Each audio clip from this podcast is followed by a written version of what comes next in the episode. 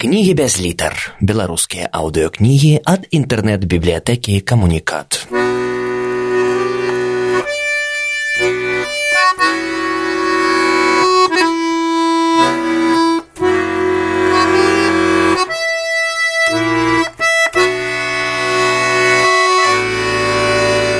Усеволод Стебурака, Анатоль Стебурака. Стебурака ў лёс. Гісторыя роду.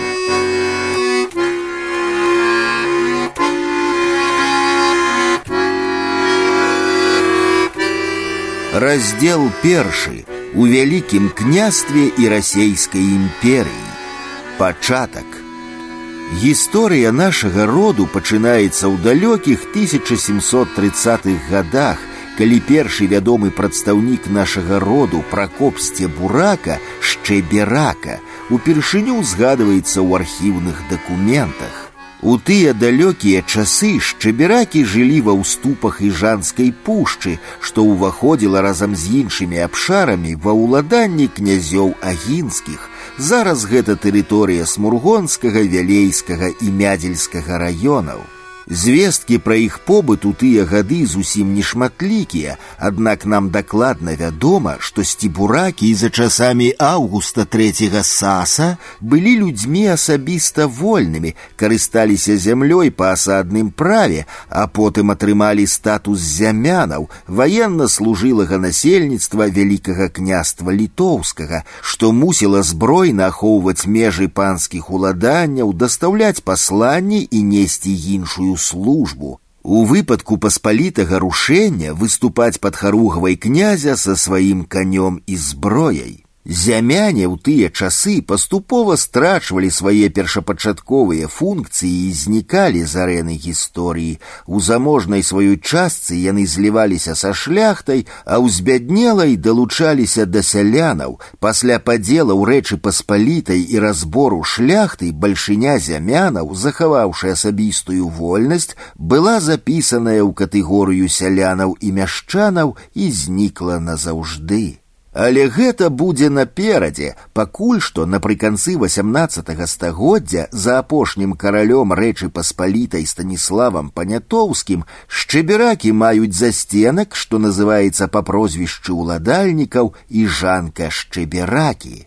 У пазнейшыя часы род шчыберакаў, падзяляючы лёс усяго краю, перанёс ліхалецце падзелаў рэчы паспалітай і вайну 1812 года, збяднеў і страціў многіх сямейнікаў, але ўпарта чапляючыся за жыццё, даваў чарговыя парасткі.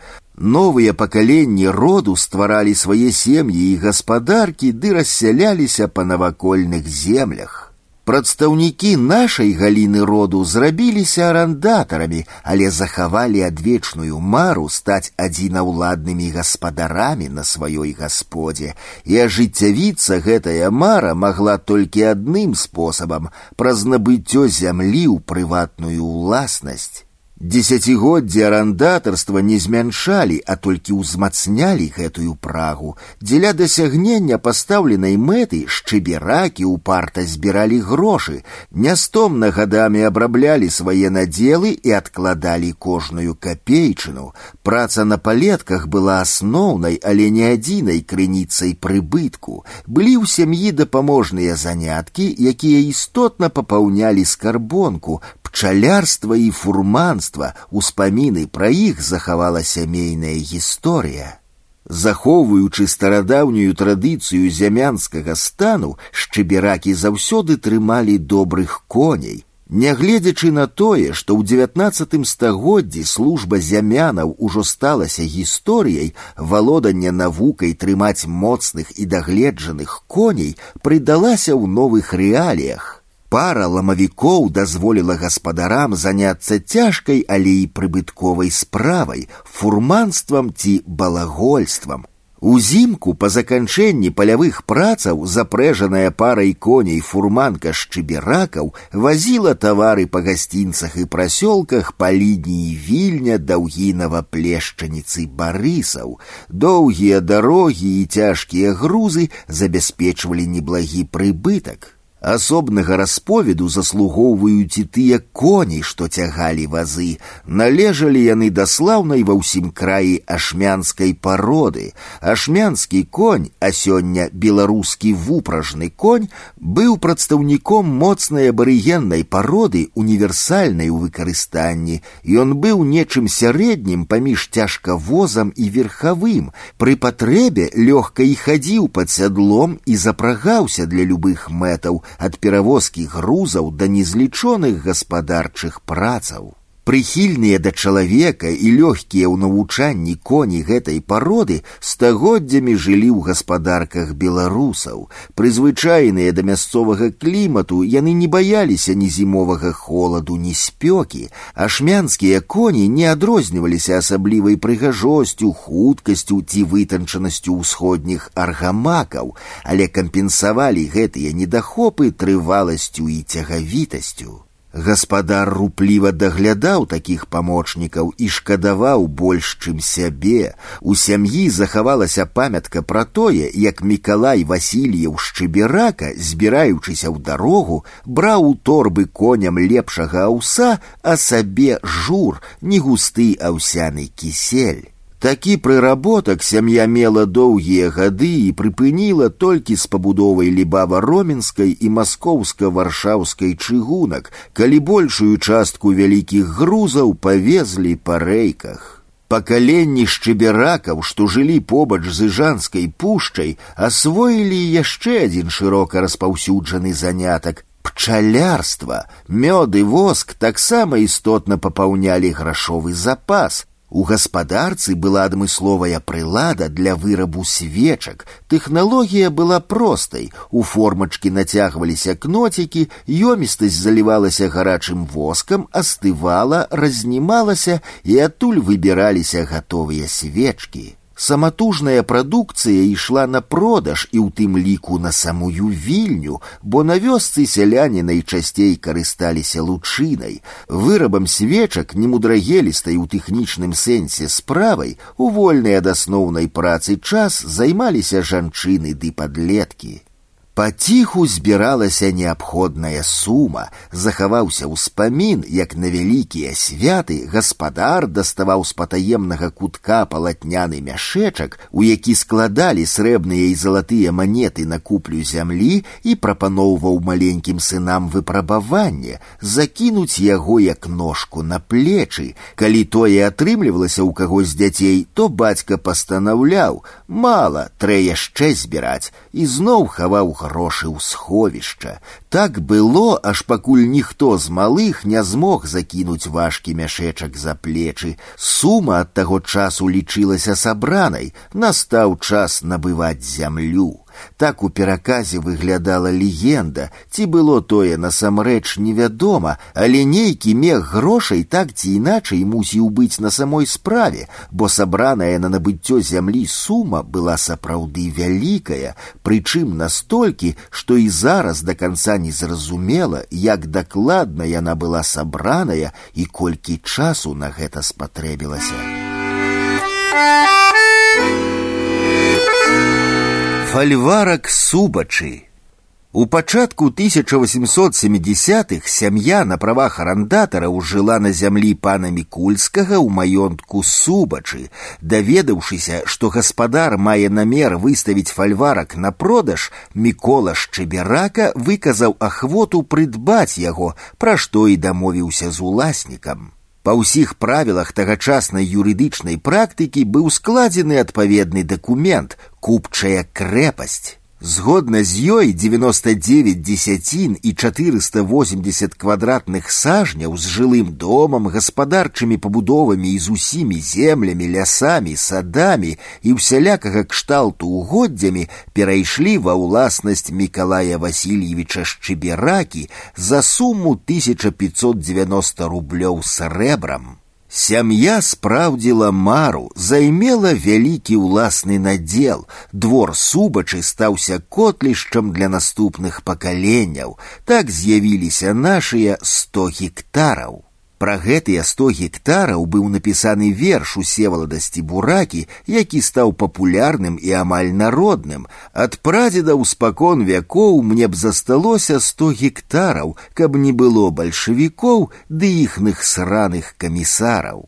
Дарэчы, прыведзеная вышэй дакладная цытата з купчай з'явілася ў тэксце не праз у партыі архіўныя росшукі, а праз тое, што сам арыгінал той крэпасці і зараз захоўваецца ў нашай сям'і. Ад самага моманту свайго з'яўлення на свет у 1875 годзе з-пад пяра крапасных справаў пісара Яновіча і да сёння ён перадаваўся па спадчыне, Спачатку як неабходная ў юрыдычным сэнсе папера, пазней як найважнейшая рэліквія, што была галоўным сведчаннем пра гэтак цяжка прыдбаную, а потым гвалтоўна забраную маёмасць роду. Наш субацкі фальварак па памеры каля ста гектараў быў роўны легендарнай зямельнай адзінцы часоў вялікага княства, з якога шляхта і зямяне павінныя былі выстаўляць у войска аднаго ўзброенага вершніка і якая насіла адпаведную назву конь. Гэтая адзінка, роўная пяці валокам 107 гектараў, доўгі час захоўвалася ў магнацкіх латыфундыях і давалася служыламу саслоўю менавіта такім кавалкам, застаючыся непадзельнай. Сімвалічна, што ў другой палове 19 стагоддзя, нават стаўшы сялянамі, былыя зямяне шчыберакі набылі сабе ва ўладанне менавіта каня, нібы вяртаючы належнае свайму страчанаму стану. Так у сярэдзіне 1870-х шчыберакі сталі паўнапраўнымі гаспадарамі субацкага фальварка, месца, якое дало жыццё некалькім пакаленням нашай фаміліі. Варта сказаць колькі словаў пра назву субачы. Зараз гэта маленечкая вёска ў вялейскім раёне. Паходжанне яе вынікае з самога размяшчэння паселішча, трохі ў баку ад наезджанага шляху, побач з мястэчкамі крывічы і княгінін. Субач значыць узбоч, побач на ўзбоч. Тапонім субачы не ўнікальны і досыць пашыраны. Існуе вялікая вёска субачы каля ваўкавыска ў баку ад шляху індура ваўкавыск. Ёсць невялікае паселішча субачы каля лынтупаў ля дарогі лынтупы паставы. Яшчэ адныя субачы стаяць каля бальшака дзісна празарокі, а таксама на ўсходзе каля смалянаў пры дарозе лепель орша. У суседняй літоўскай рэспубліцы такую назву носіць невялікі гарадок, а ў колішняй сталіцы краю вільні існавала вуліца і гарадская брама з назвай субач. Ворная зямля была ўрадлівай, размешчаная ў зацішнай лагчыне між пагоркамі, яна была прыдатнай для вырошчвання розных культураў. Сенажаці на берагах ракі сэрвач забяспечвалі добрым сенам вялікі статак свойскай жывёлы і птушкі. А ў перспектыве, згодна з тагачаснымі законамі, калі валодаеш зямлёй на абодвух берагах ракі, давалі гаспадару магчымасць будаваць на рацэ запруду і вадзяны млын. Асобна ад нашага маёнтка ва ўрочышчы кудра каля вёсак хуртаі і лёткі стаяла пяць дзесяцінаў гатовага для выкарыстання спелага лесу. У тым лесе ляжаў вялікі камень з высечанымі на ім прыступкамі і ямкай для вады. Відаць, гэта быў адзін з тых валуноў, да якіх у паганскія часы людзі прыносілі свае ахвяры. Першы гаспадар субачаў вольны хлебапашац Мікалай Васильевич Шчыберака пакінуў фальварак у спадчыну двум сынам Данілу і Канстанціну. Менавіта на час супольнага гаспадарання братоў прыпадае росквіт гаспадаркі.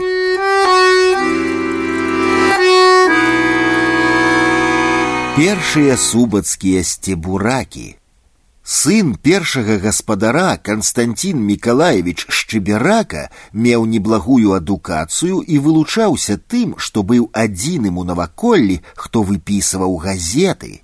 Жонкой Константина была Ксения Михайловна. Константин и Ксения мели двух сыноў, Герасима и Миколу. Абодва сыны вучыліся ў вялейскім гарадскім вучылішчы, а Герасим, які меў добрыя здольнасці, паступіў нават у гімназію.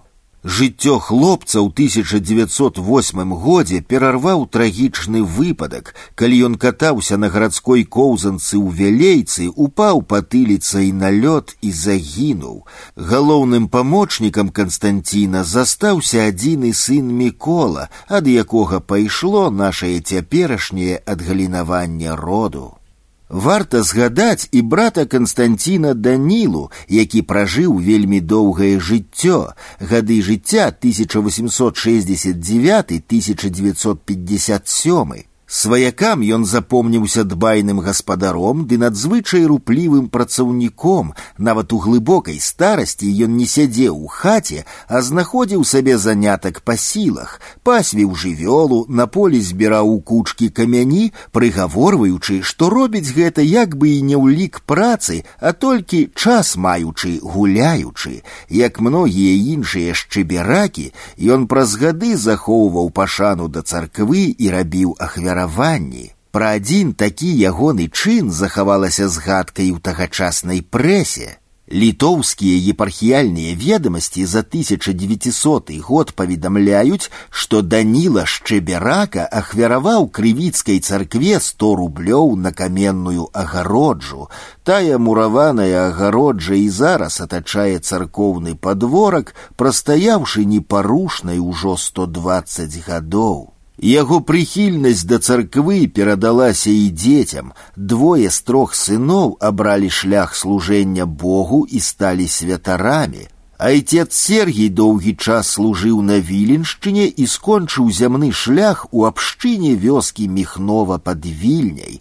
Другі сын айцец Александр быў расстраляны бальшавікамі ў рэвалюцыйным Петраградзе, толькі трэці не звязаў лёс з царквой і застаўся на гаспадарцы. Апроч сыноў Герасіма і Міколы, Канстанцін з жонкай Ксеніяй мелі дзевяць дачок. Як часта бывала ў тыя часы, некаторыя з іх памерлі ў раннім маленстве ад дзіцячых інфекцыйных хваробаў. Стэфаніда, Уляна, Вольга, Тацяна, Ксенія. Да сталага веку дажылі Ганна, Лізавета, Алена і Хрысціна. Прыгожыя дзяўчаты з неабыякім пасагам былі зайздроснымі выданніцамі, і для іх знаходзіліся добрыя партыі. Яны ішлі замуж за хлопцаў таксама з заможных сем'яў у недалёкія ваколіцы. Лёс іх сем'яў склаўся па-рознаму, але ў бальшыні выпадкаў досыць трагічна. Усе яны зазналі і савецкія рэпрэсіі і цяжар абедзвюх сусветных войнаў.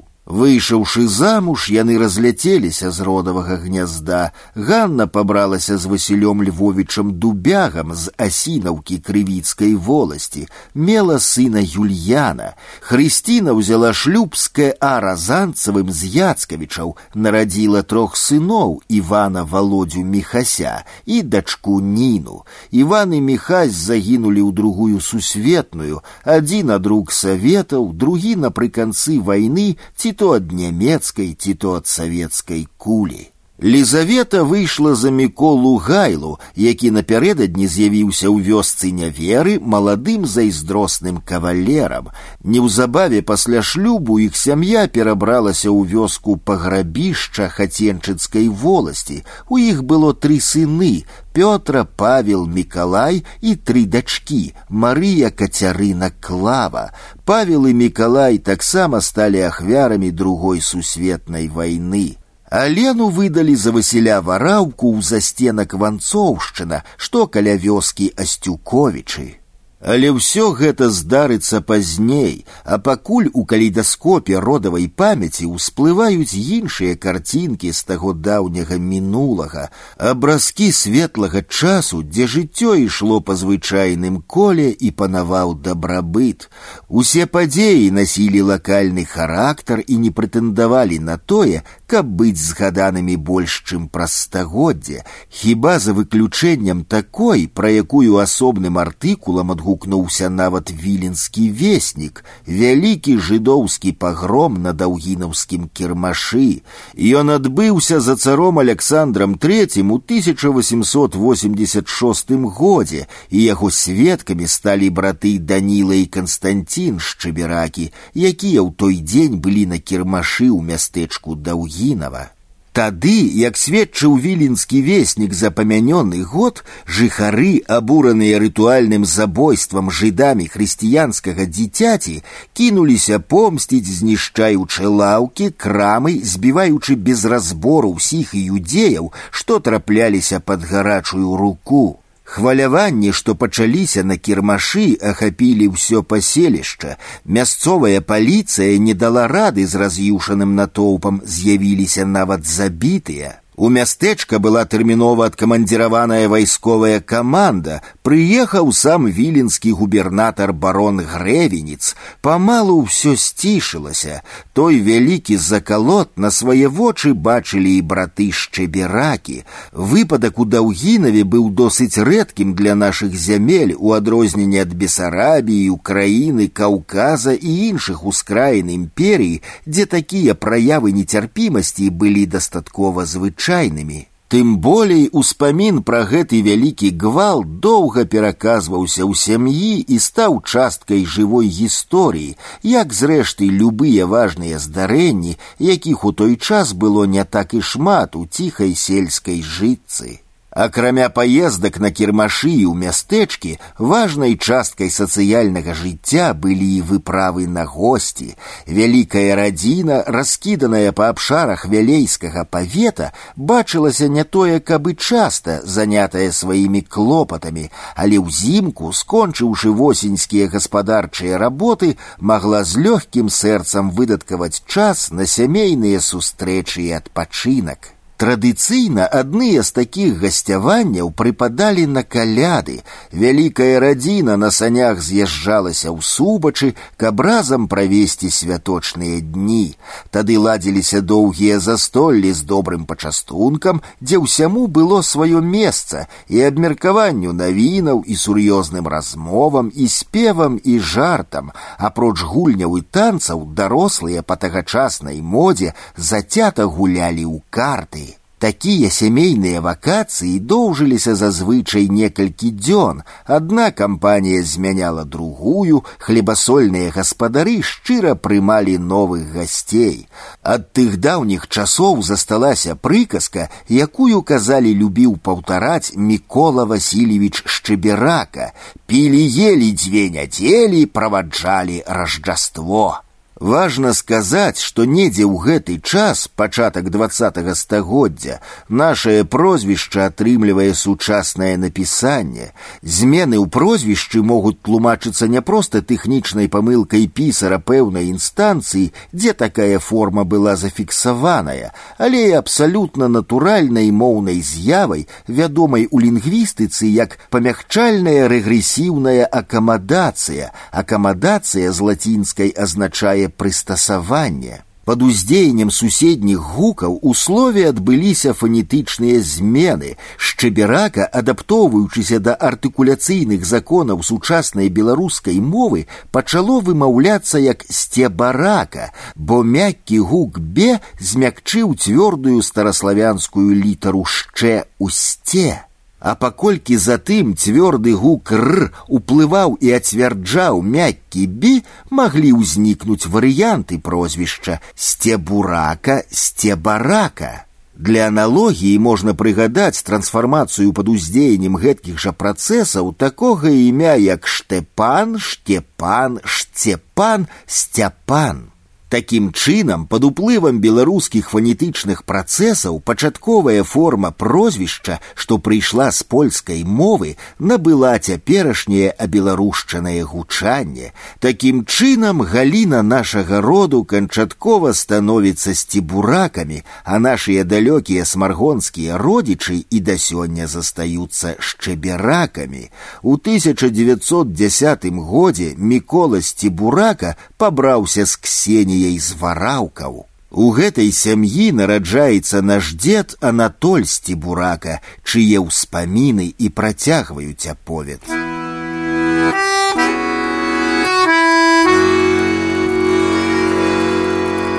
Успаміны дзяцінства, у якіх мае тата і матуля прысутнічаюць паўсюдна і неад'емна, як гэта не дзіўна, не падказваюць мне нічога звышасаблівага ці незвычайнага пра іх. Бацькі былі шмат у чым тыповымі прадстаўнікамі свайго пакалення, людзьмі старых парадкаў, дысцыплінаваныя працай і выхаваныя традыцыяй. Бацька Мікола Сцібурака нарадзіўся ў 1879 годзе, усё жыццё займаўся нашай вялікай гаспадаркай, як і ўсе мужчыны роду быў нястомным работнікам. Меў адукацыю і быў чалавекам пісьменным, але здаецца досыць прыземленым. У побыце размаўляў па-беларуску і атаясамліваў сябе толькі з мясцовай культурай ды тутэйшым народам.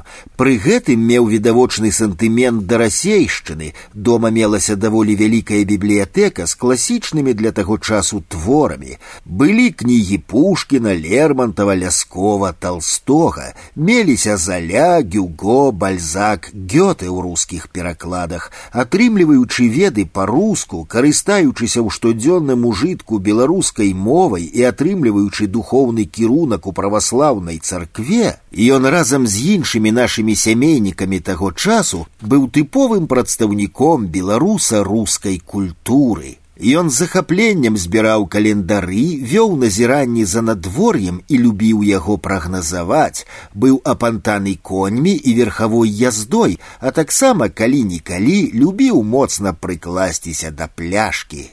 Моя маці Ксенія Ігнатаўна Вараўка нарадзілася ў 1888 годзе ў застенку ванцоўшчына каля сцюковічаў, зараз вялейскі раён скончыла гарадское вучылішча, якое давала права выкладання ў сельскай пачатковай школе. Можа, праз гэта яна асабліва сур'ёзна і прынцыпова ставілася да адукацыі сваіх дзяцей. Сама вучыла нас самых малых гадоў чытаць і лічыць, у чым дасягнула немалых поспехаў. Так брат Костя пачаў добра чытаць ужо ў пяць гадоў. Праз гэтую ягоную раннюю навуку адбылася аднойчы вось такая гісторыя Калі наш мясцовы бацюшка хадзіў па калядзе, яму нехта распавёў пра кастусёвы поспехі ў чытанні. Святар, завітаўшы да нас, вырашыў спраўдзіць чуткі, даў малому ў рукі газету і загадаў чытаць.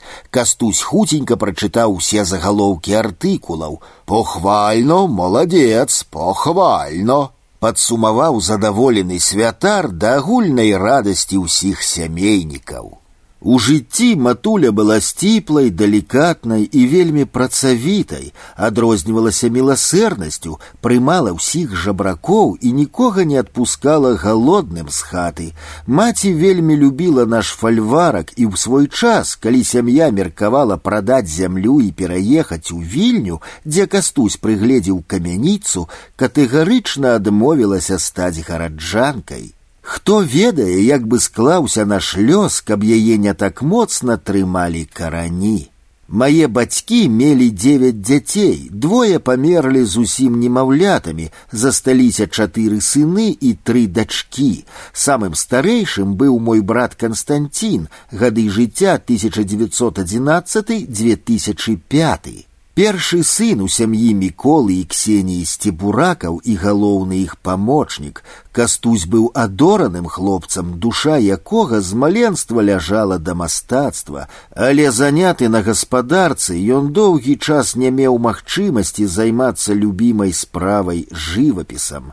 Рос ён романтычным і далікатным юнаком, але гэта не замінала яму быць галоўным завадатарам у гульнях і прыгодах. Вакол яго заўсёды віравала жыццё. Аднойчы ўзімку, катаючыся з горкі, кастусь моцна пашкодзіў нагу.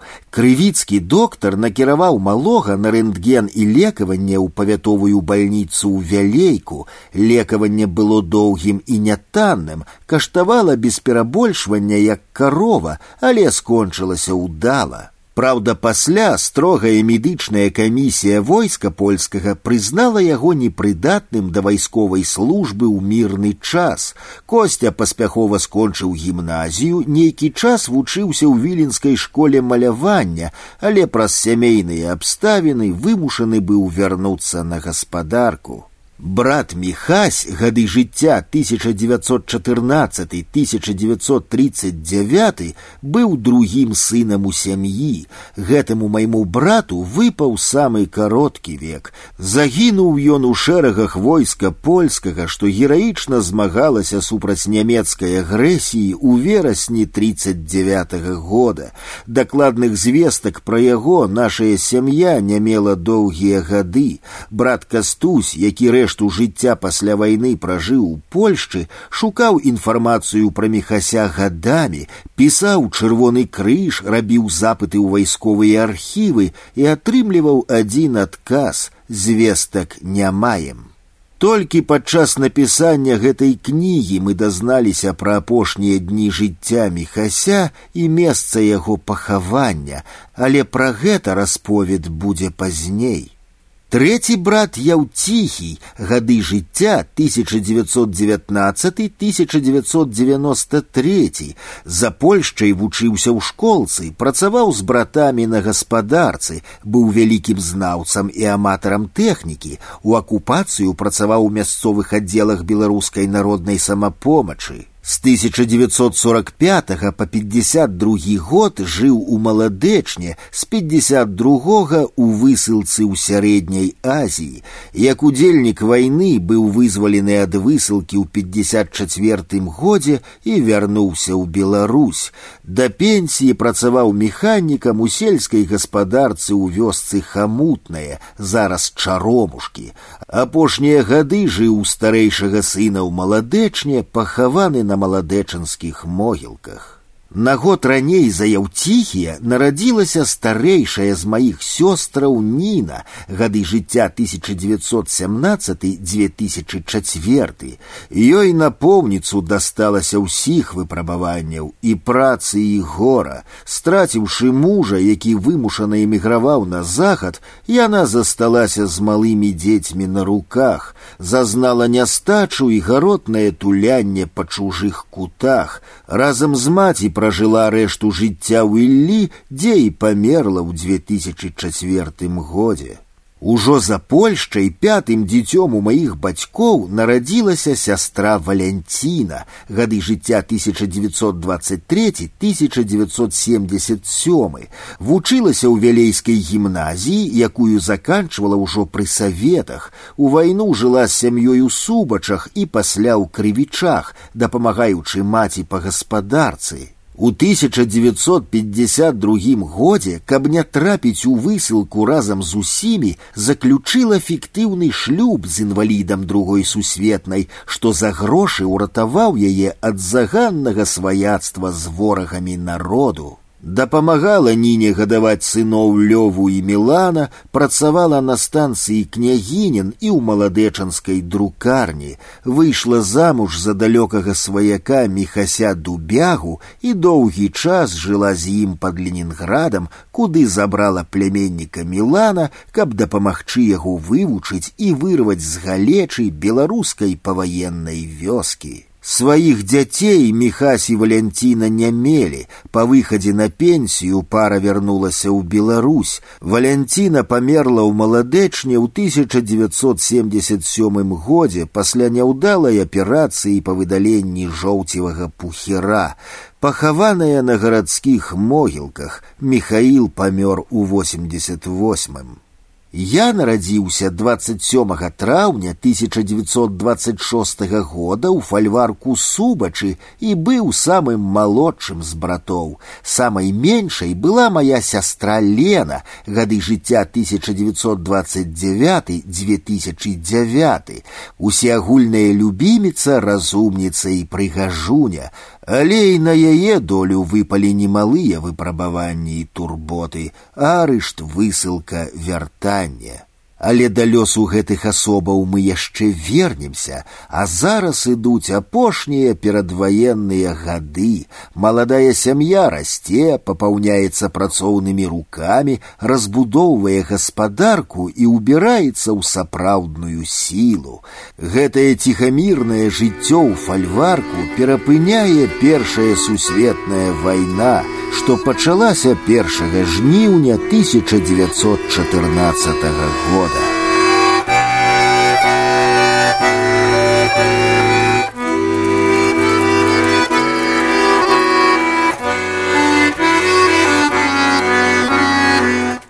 года. Раздел другі у часы першай сусветнай вайны у прыфрантавой паласе на пачатку вайны нашая мясцовасць была ў глыбокім тыле, але войскі расійскай імперыі адступалі і праз год баявыя дзеянні перамясціліся ў вялейскі павет. Тады фальварак субачы апынуўся ў прыфрантавой паласе.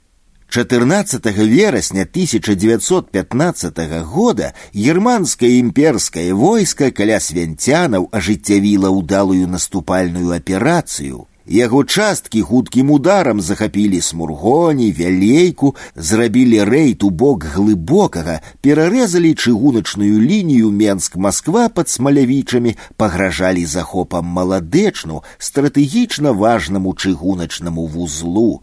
Так выглядаў славуты свянцянскі прарыў на мапах стратэгаў, а для жыхароў субачаў, якіх ні прапановы, ні прымус не схілілі да бежанства, вынікам прарыву стала дзесяцідзённае панаванне новых гаспадароў. У той кароткі час немцы не наводзілі аніякіх сваіх парадкаў, абмежаваўшыся самым надзённым і неабходным паборамі на карысць войска. У гаспадарцы адразу ж істотна паменшала фуражу да свойскай жывёлы, якую кайзераўскія жаўнеры рэквізавалі ў першую чаргу. Гэта пры тым, што апынуўшыся ў тыле царскай арміі, субачы ўжо даўно забяспечвалі патрэбы войска натуральнымі падаткамі ды прымусовымі працамі. Пасля ліквідацыі нямецкага прарыву ў крывіцкую воласць вярнуліся расейскія часткі. Фронт стабілізаваўся пад смургонямі, а ў крывічах і княгініне сталі тылавыя падраздзяленні. Нягледзячы на тое, што самі субачы пазбеглі разбурэння, а ўсе члены сям'і былі дома, гаспадар Мікола меў траўму калена і не падлягаў прызыву, а сыны былі зусім маленькімі. Гаспадарка ўсё ж зазнала ўсе ўсе складанасці ваеннага часу. Насельніцтва прыцягвалася вайсковай адміністрацыяй да пагрузачна-разгрузачных працаў на чыгуначнай станцыі, брала ўдзел у цяжкай падвойнай павіннасці, якая, пакуль на патрэбы фронту не з'явіліся вузкакалейкі, займала шмат часу і адрывала працоўныя рукі і коней ад гаспадаркі на многія дні. У княгініне з'явіўся вялікі вайсковы шпіталь. Там побач з параненымі ляжалі і пакутнікі ваенна-тэхнічнага прагрэсу. Ахвяры газавых атакаў, якія харкалі крывёй і ціха каналі ад бездапаможнасці медыцыны. Сціплыя і невялікія местачковыя могілкі хутка папоўніліся некалькімі тысячамі нябожчыкаў, з'явілася шмат брацкіх пахаванняў. У іх ляжалі і тыя, хто загінуў ад газу, і тыя, хто памёр ад ранаў, і тыя, каго дабілі тыф і дызентэрыя. Людзі з усёй імперыі леглі побач з мясцовымі ў беларускую зямлю. У тыя дні непасрэдна па нашых палетках праходзіў другі рубеж абароны расейскага войска з лініяй акопаў і бліндажамі, якія меркавалася заняць пры адступленні з асноўных пазіцыяў. На падворку ў субачах таксама з'яўляліся вайскоўцы, прыбывалі на пастой. Раскватараваных штабных афіцэраў змянялі артылерысты, а іх у сваю чаргу часткі забеспячэння. Дзякуючы такім няпрошаным гасцям жыхары хутара часам знаёміліся з тэхнічнымі навінкамі і іншымі вынаходніцтвамі. Менавіта за першай сусветнай вайной, напрыклад, вяскоўцы са здзіўленнем упершыню ўбачылі сена ў цюках, якое прывезлі для коней армейскія фуражыры. Спрасаваныя цяжкія прамавугольнікі былі ў навінку для сялянаў, якія прывыклі бачыць сена адно ў копах ды стагах. Ад гэтых цюкоў, між іншым, на нашай зямлі застаўся напамін, што і зараз буяе ў палях і гародах трава суданка. Суданка аднагадовая травяная расліна, від сорта гібрыднага паходжання з сямейства злакі ці мятлікавая, каштоўная кармавая і сенакосная расліна. Раней невядомая на беларускіх палетках яна трапіла ў часы першай сусветнай да нас з поўдня рассіі, дзе толькі пачала культывавацца ў пачатку два стагоддзя. Таксама ўпершыню падчас той вайны беларускія сяляне масава пабачылі людзей на роварах, Былі гэтыя дзіўныя жалезныя машыны і ў нямецкай роварнай пяхоты і ў рускіх самакатчыкаў. Пакуль маладыя праяўлялі непрыхаваную цікавасць да тэхнікі, старыя людзі хрысціліся і войкалі, упэўнена сцвярджаючы, што чалавеку, каб ездзіць патрэбныя чатыры колы, а на двух здольныя ўтрымацца хіба чэрці. Нашая лазня Яшчэ адзін, праўда, менш рамантычны ўспамін пра першую сусветную, звязаны са з'яўленнем у нашым двары натоўпу знясіленых жаўнераў, што здымаліся з фронту і адводзіліся ў тыл. Стомленыя і брудныя яны да ўсяго моцна пакутавалі ад вошай, у адзенні і на целе корпаліся незлічоныя чароды паразітаў, пакідаючы крывавыя барозны на расчасанай да жывога мяса скуры. Аддзел, што праходзіў побач з нашай хатай, адчуў пах дыму, што ішоў ад толькі прапаленай лазні і збочыў да нашай гасподы. Спачуваючы гаротнаму стану жаўнераў, гаспадар выгнаў з лазні жанчынаў, якія якраз пайшлі туды ў сваю чаргу і пусціў мыцца акопных сядзельцаў. Вайсковае адзенне з крывасмокамі прапяклі на жары, вайсковыя адмыліся і атрад рушыў далей.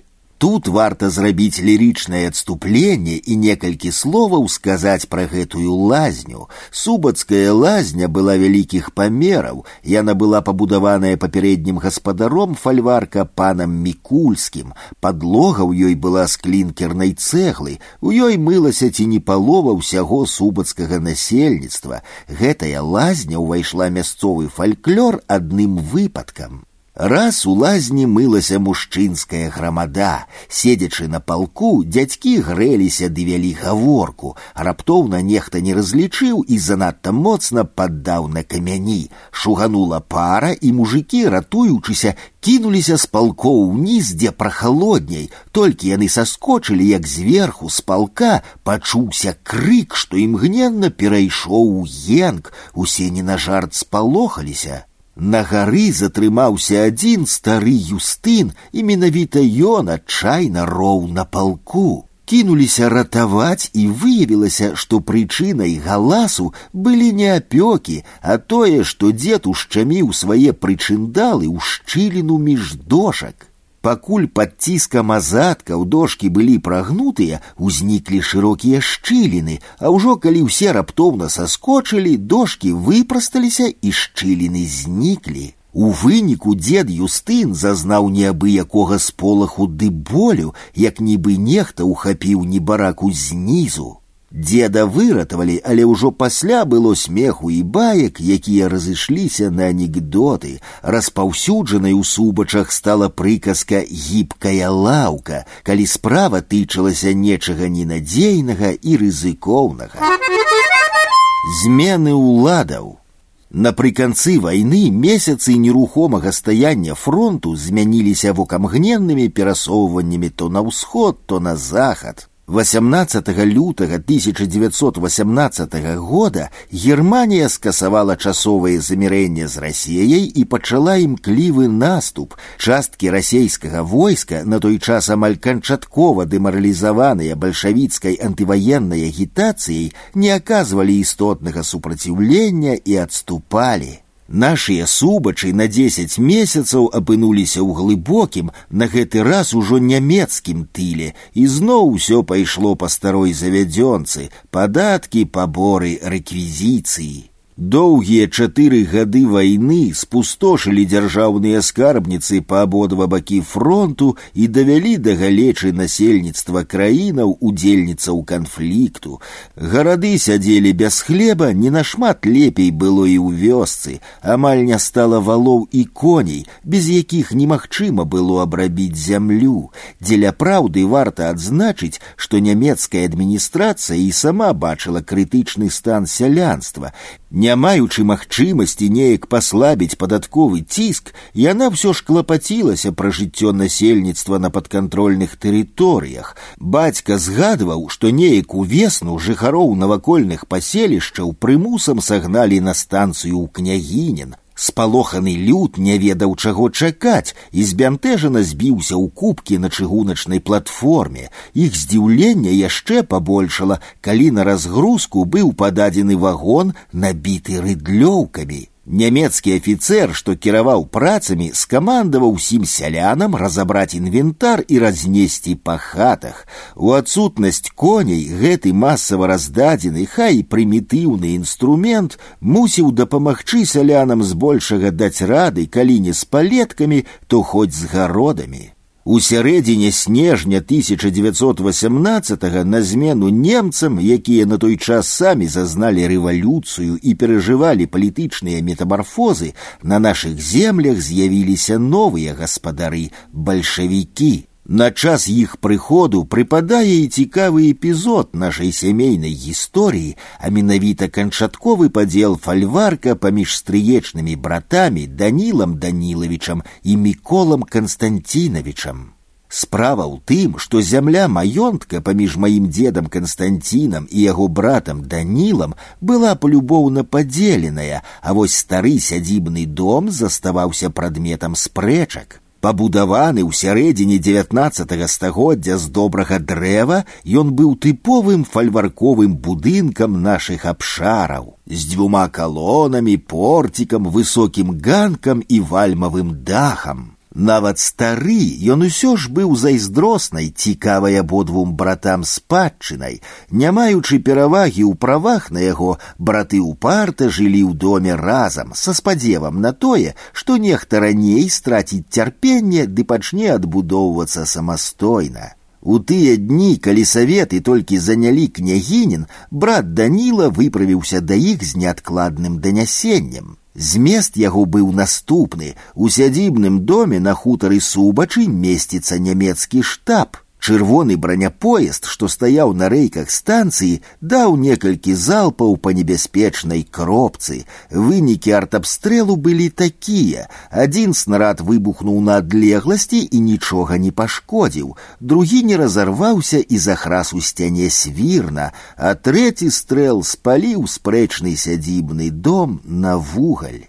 Ці быў той цягнік, ці снарад прыляцеў ад іншай гарматы, зараз дакладна сказаць немагчыма, як немагчыма дазнацца, ці напраўду была тая дамова з бальшавікамі, але неаспрэчны факт толькі ў адным стары дом сапраўды пацярпеў ад выбуху ў часы ваеннага ліхалецця, а браты канчаткова разышліся жыць у асобныя дамы. А той другі снарад, што не выбухнуў, пасля выразалі з кавалкам сцяны свірна, расклалі вогнішча ў траншеі і падарвалі яго там.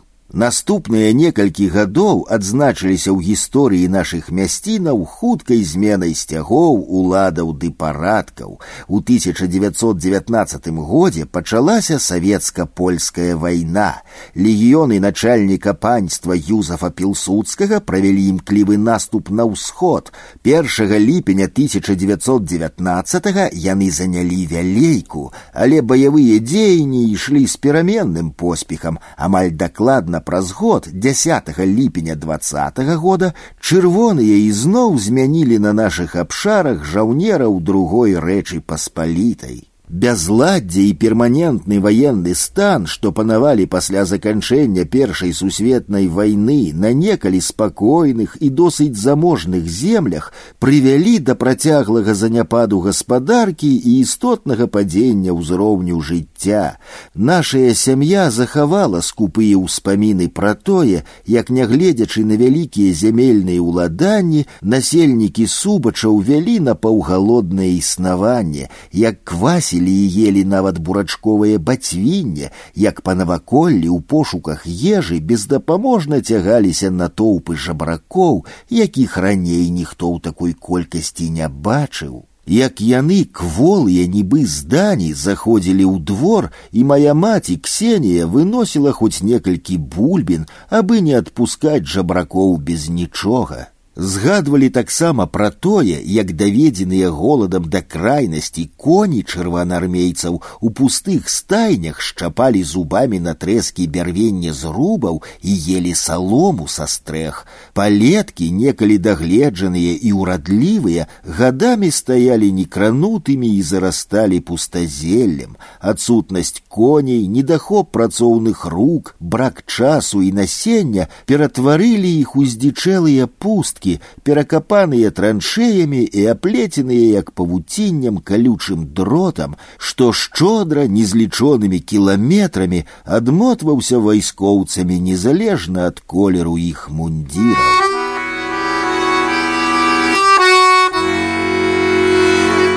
Да мірнага жыцця у кастрычніку 1920 вярнуліся палякі. Рыжская дамова 21 года замацавала іх гаспадарамі на нашых землях на доўгія 18 гадоў. Жыццё пачало вяртацца ў мірнае рэчышча. Недзе ў гэты час майму бацьку ўдалося набыць у вайсковай частцы, што стаяла ў крывічах, сляпога на адно вока артылерійскага коня. Выбракаваны ветэрынарам моцны яшчэ конь абышоўся нам у дзесяць царскіх залатых. Гэта была вялікая двайная ўдача. З аднаго боку не кожны дзень войска прадавала такіх добрых жывёлінаў, а з другога мала хто мог пахваліцца захаванымі чырвонцамі. Менавіта з гэтым памочнікам сям'я нанова пачала адраджаць занядбаны фальварак. Конь, а дакладней кабылка белай масці, выявілася цудоўнай памочніцай ва ўсіх сялянскіх занятках. Атрымаўшы кантузію на фронте, яна палохалася рэзкіх гукаў, а ў астатнім была безадмоўнай працаўніцай. У пазнейшыя гады дзясятак жарэбчыкаў ад гэтай кабылы папоўнілі нашую стайню. У гэты ж час, купіўшы тры сялянскія зрубы, мы збудавалі сабе новую вялікую хату. За руплівай працай хутка ажывала гаспадарка і ўладкоўваўся побыт. Часы ваеннага ліхалецця мінулі, і субачы разам з усім краем уваходзілі ў новае дзесяцігоддзе імклівага развіцця і адбудовы. Напамінамі пра перажытыя цяжкія ваенныя гады засталіся ў нашай сям'і афіцэрскі бінокль і артылерійская лагарыфмічная лінейка, забытыя пры паспешным ад'ездзе кімсьці з пастаяльцаў у пагонах. З 1921 года жыццё беларусаў, раптоўна падзеленых мяжой, пайшло ў розных кірунках. Бадай ніколі раней у гісторыі цывілізацыйны падзел не быў такім рэзкім і такім трагічным.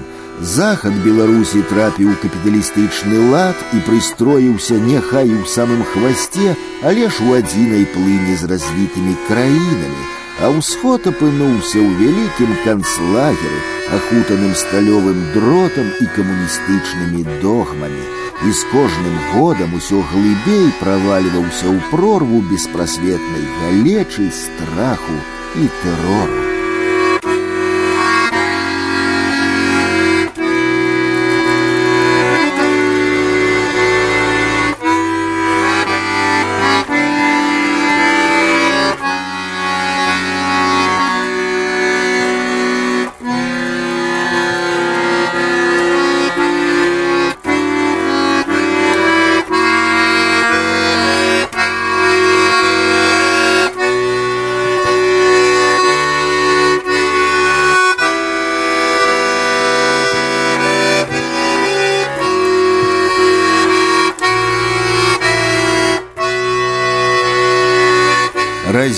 Раздел третий.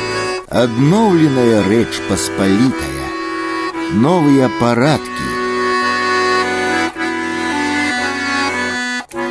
Пасля заключэння рыжскага міру наўпрост па нашых мясцінах прайшла мяжа, што дзяліла Беларусь. Сцебуракі сталі грамадзянамі рэчы паспалітай.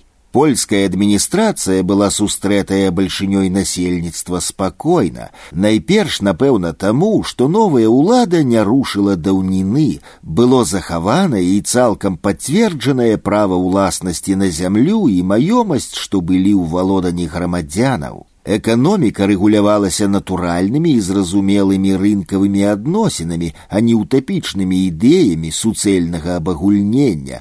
Польшча, вырваўшыся з абдымкаў трох імперый, усімі сіламі імкнулася цывілізавацца. Вялікая ўвага надавалася мадэрнізацыі і аздараўленню архаічнай сялянскай прасторы. Уводзіліся новыя метады гаспадарання, разбітыя вуліцы і дарогі ператвараліся ў брукаванкі, нават знешні выгляд вясковых падворкаў і той зазнаў змены. Расла культура быту, няхайны выгляд гаспадаркі не проста не вітаўся, але адразу ж станавіўся аб'ектам грашовых спагнанняў. Некалькі Некалькі каліваў асоту, своечасова неліквідаваныя нядбайным гаспадаром у гародчыку ля хаты ацэньваліся штрафам у пять злотых. Для параўнання два злотых плацілі жняі за поўны дзень працы. На вясковых падворках абавязкова трэба было пабудаваць прыбіральню. Надзвычайная ўвага таксама надавалася сферы публічных паводзінаў знешняму выгляду, этыкету і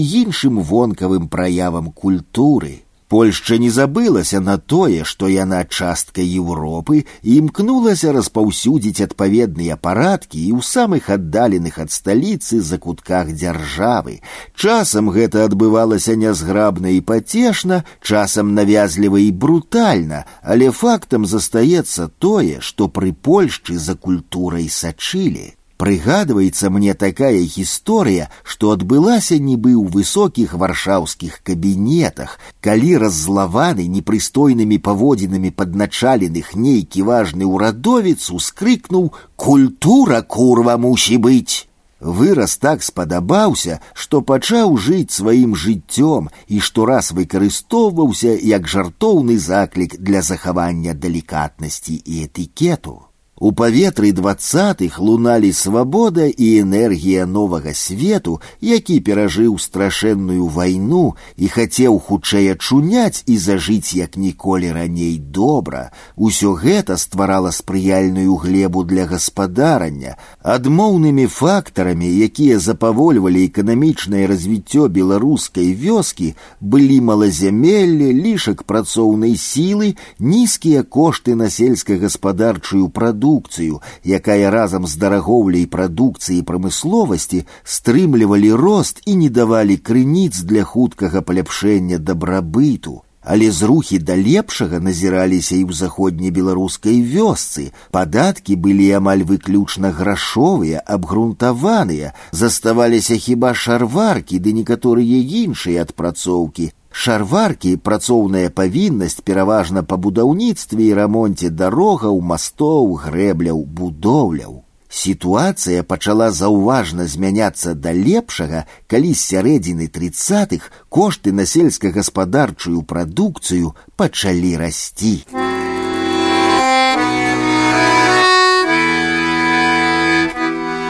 Фальварак і гаспадарка у пачатку 1920х наш фальварак субачы складаўся з наступных частак. Найперш гэта 50 гектараў ворнай зямлі з сядзібным домам, гаспадарчымі пабудовамі і садам. Асобна ў некалькіх кіламетрах каля вёскі хуртаі знаходзілася ўрочышча кудра з пяццю гектарамі добрага будаўнічага лесу, а каля вёскі гуркі на абодвух берагах ракі сэрвач была яшчэ і сенажаць гектар і паўгектара адпаведна, ды каля капліцы ў вёсцы клесіна было яшчэ паўтара гектары сенажаці. У час зямельнай рэформы сярэдзіны двадцатых парцэляцыя, камасацыя, ліквідацыя сервітутаў. Наш фальварак пацвердзіў свой статус, замацаваў межы і нават крыху павялічыўся. Вялікая гаспадарка вымагала штодзённай працы ўсіх членаў сям'і, не толькі дарослыя штодня шчыравалі на палетках, але таксама старым і малым знаходзіліся заняткі па сілах. За 90 гадоў жыцця я ніколі так шмат не працаваў, як тады падлеткам на сваёй гаспадарцы.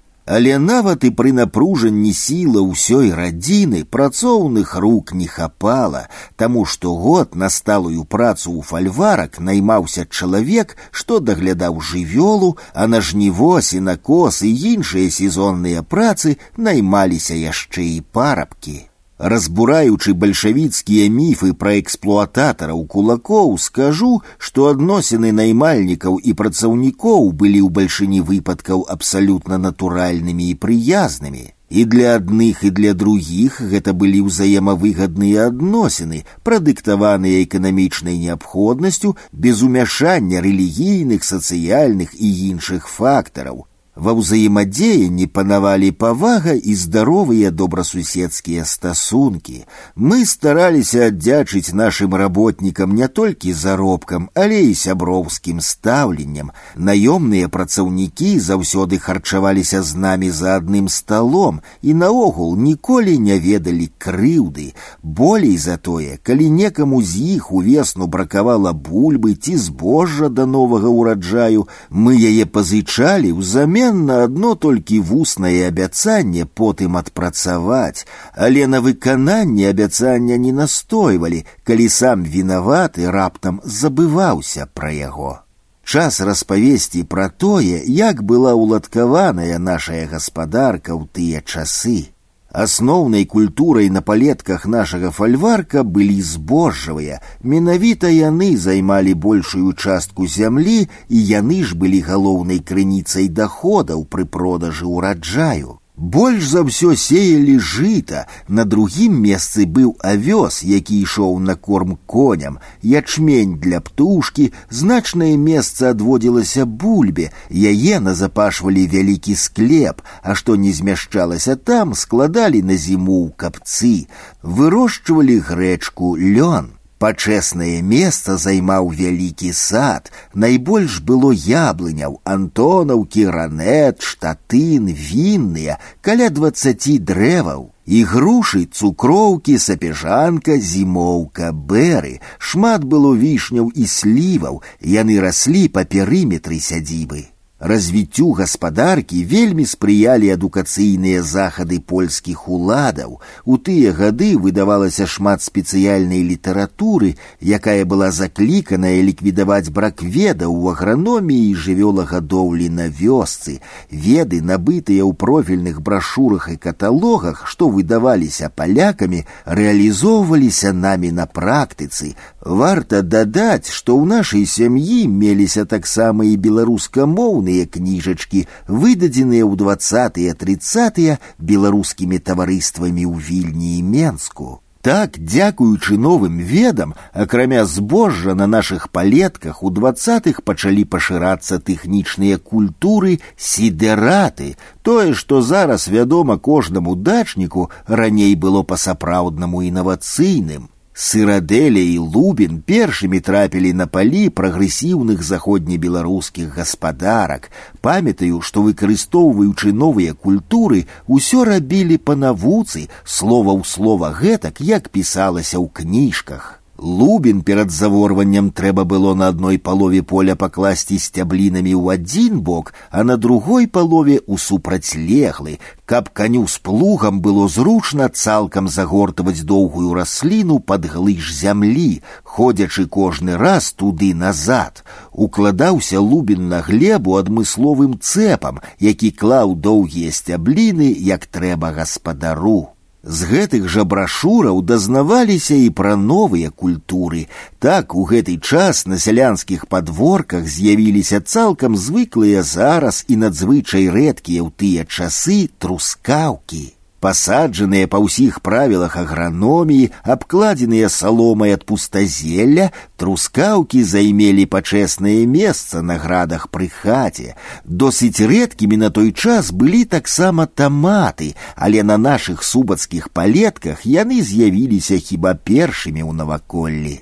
Цікавай культурай у гаспадарцы быў тытунь, што вырошчваўся на свае патрэбы. Фабрычныя цыгареты не былі рэдкасцю, але дорага каштавалі і не мелі шырокага ўжытку ў сельскай мясцовасці. Таму польскія законы дазвалялі вырошчваць тытун у патрэбнай колькасці, але толькі з насення набытага ў дзяржаўных крамах. Адмысловыя інспектары сачылі, каб завязь з насеннем на кустах тытуню была своечасова ліквідаваная і не пайшла на самапальнае насенне ў будучым. Гаворачы пра тытунь, варта сказаць колькі словаў і пра алкагольнае пытанне таго часу. Адразу ж мушу адзначыць, што польская дзяржава не заахвочвала п'янства, як гэта рабіла царская адміністрацыя, што праз казённыя шынкі ўлівала рэкі гарэлкі ў насельніцтва, пазбаўляючы апошняй заробленай капейкі. Выраб самагонкі бімбару караўся штрафам і турэмным зняволеннем, а жандовая гарэлка ў карчме каштавала немалых грошай. Добра памятаю, як суадносіліся кошты на гарэлку з цаной збожжа. Так паўлітроўка вудка особова моцы 45 каштавала два злотых, столькі каштаваў і пуд жыта. Таму п'янства не было пашыранай з'явай і не мела вялікіх маштабаў у беларускай вёсцы таго часу. Нягледзячы на забароны, мы ў субачах у невялікіх аб'ёмах часам гналі самагонку на свае патрэбы. У якасці апарата быў прыстасаваны запарнік, такі, у якім гатавалі ежу жывёле, а для ахалоджвання самавар. Пілі толькі дарослыя людзі і збольшага на святы. Моладзь у гэта была абсалютна няўцягнутая. Калі хто піў сярод маладых дзецюкоў, дзяўчаты з такімі не гулялі і не ішлі замуж, а вось ужо пры саветах народ моцна распіўся. У гаспадарцы паступова з'яўляліся новыя прылады і ўдасканальваліся ўжо наяўныя. Добра памятаю наш працоўны інвентар, розныя плугі, сеялку, сенакасілку, малатарню. Плугі былі і адналямешныя і двухлямешныя. Найчасцей карысталіся ўдасканаленым адналямешным плугам, у якога шырэйшы адвал і ў які ўпрагалі пару коней. Была таксама і новая па тых часах конная сеялка, але ў нас адначасова з яе выкарыстаннем захоўваўся і спрадвечны спосаб засявання ўручную з сявенькі. Была ў гаспадарцы і малатарня, што прыводзілася ў рух чатырма коньмі. Пасля абмалоту зерне арфавалі. Арфа ўяўляла з сябе вялікую скрыню з некалькімі сітамі і вентылятарам. Яна патрабавала мускульнай сілы чалавека, сіты рухаліся, вентылятар гнаў паветра, зерне ачышчалася. Пасля чысткі ўсё, што аддзялілася ад чыстага зерня, аддавалася птушкам. Гэта называлася ў нас курынае зелле.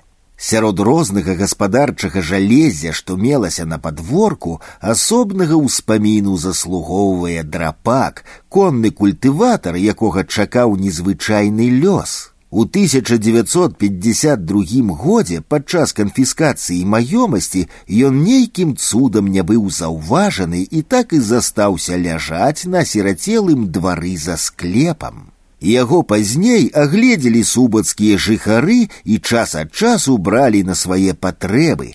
Цікава, што зрабіўшы працу, кожны вяртаў яго на тое ж самае месца, на затравелы схіл склепа, дзе ён і быў адшуканы. Так ішлі дзесяцігоддзі, калі яго агледзелі ў 2020 ён ляжаў на тым самым месцы. У абязлюдзелых субачах ужо не было каму ім карыстацца. Жалезе кранула ржа, але сама канструкцыя была гэткай жа моцнай, як і 80 гадоў таму. Мы забралі яго на лецішча, і цяпер ветэран стаіць на пачэсным месцы.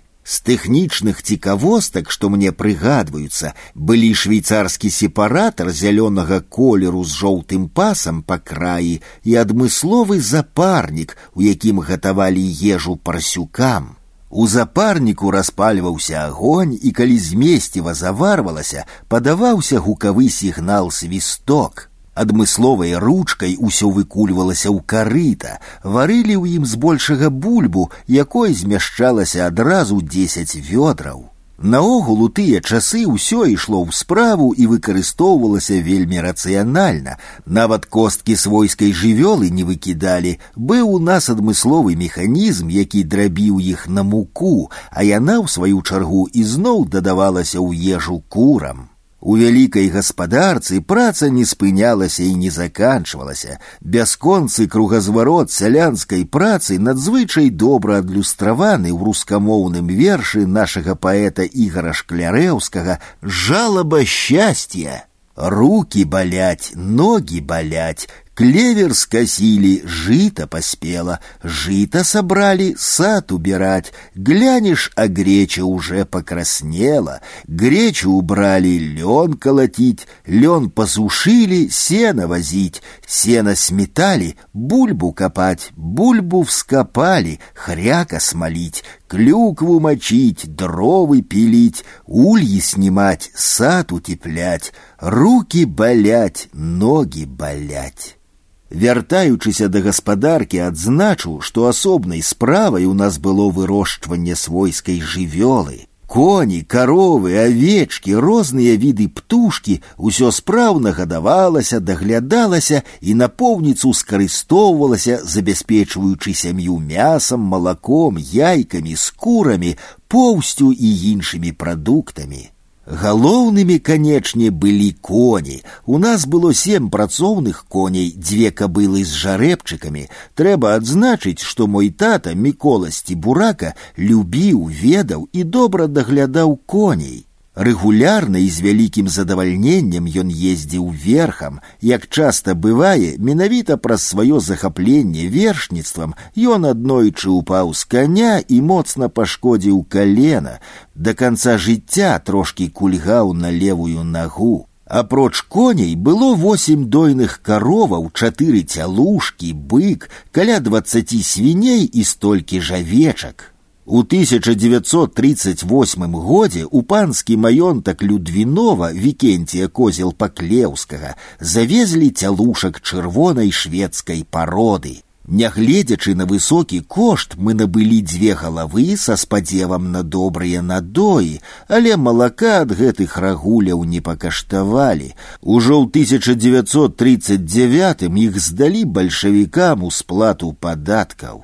Частка ўраджаю ішла на патрэбы сям'і, частка заставалася для харчавання хатняй жывёле, а пэўны аб'ём ствараў непарушны запас. Не ведаю, ці існавала наконт гэтага цвёрдае правіла ва ўсіх, ці мелася толькі ў нас, але ў нас яно непахісна выконвалася ад часоў гаспадарання прадзеда міколы Канстанціновича. Гэты запас зерня гарантаваў стоадсоткавую сяўбу на наступны год нават пры самым слабым сёлетнім ураджаі.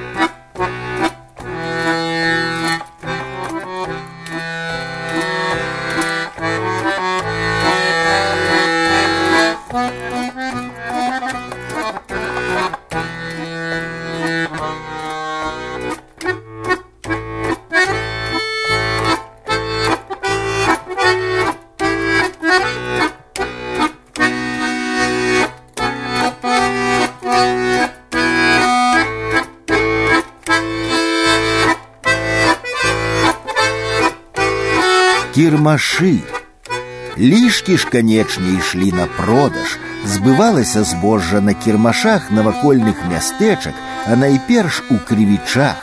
Вядома, што сяляне не маглі надоўга адрывацца ад гаспадарак і самастойна займацца гандлем у далечыні ад дома.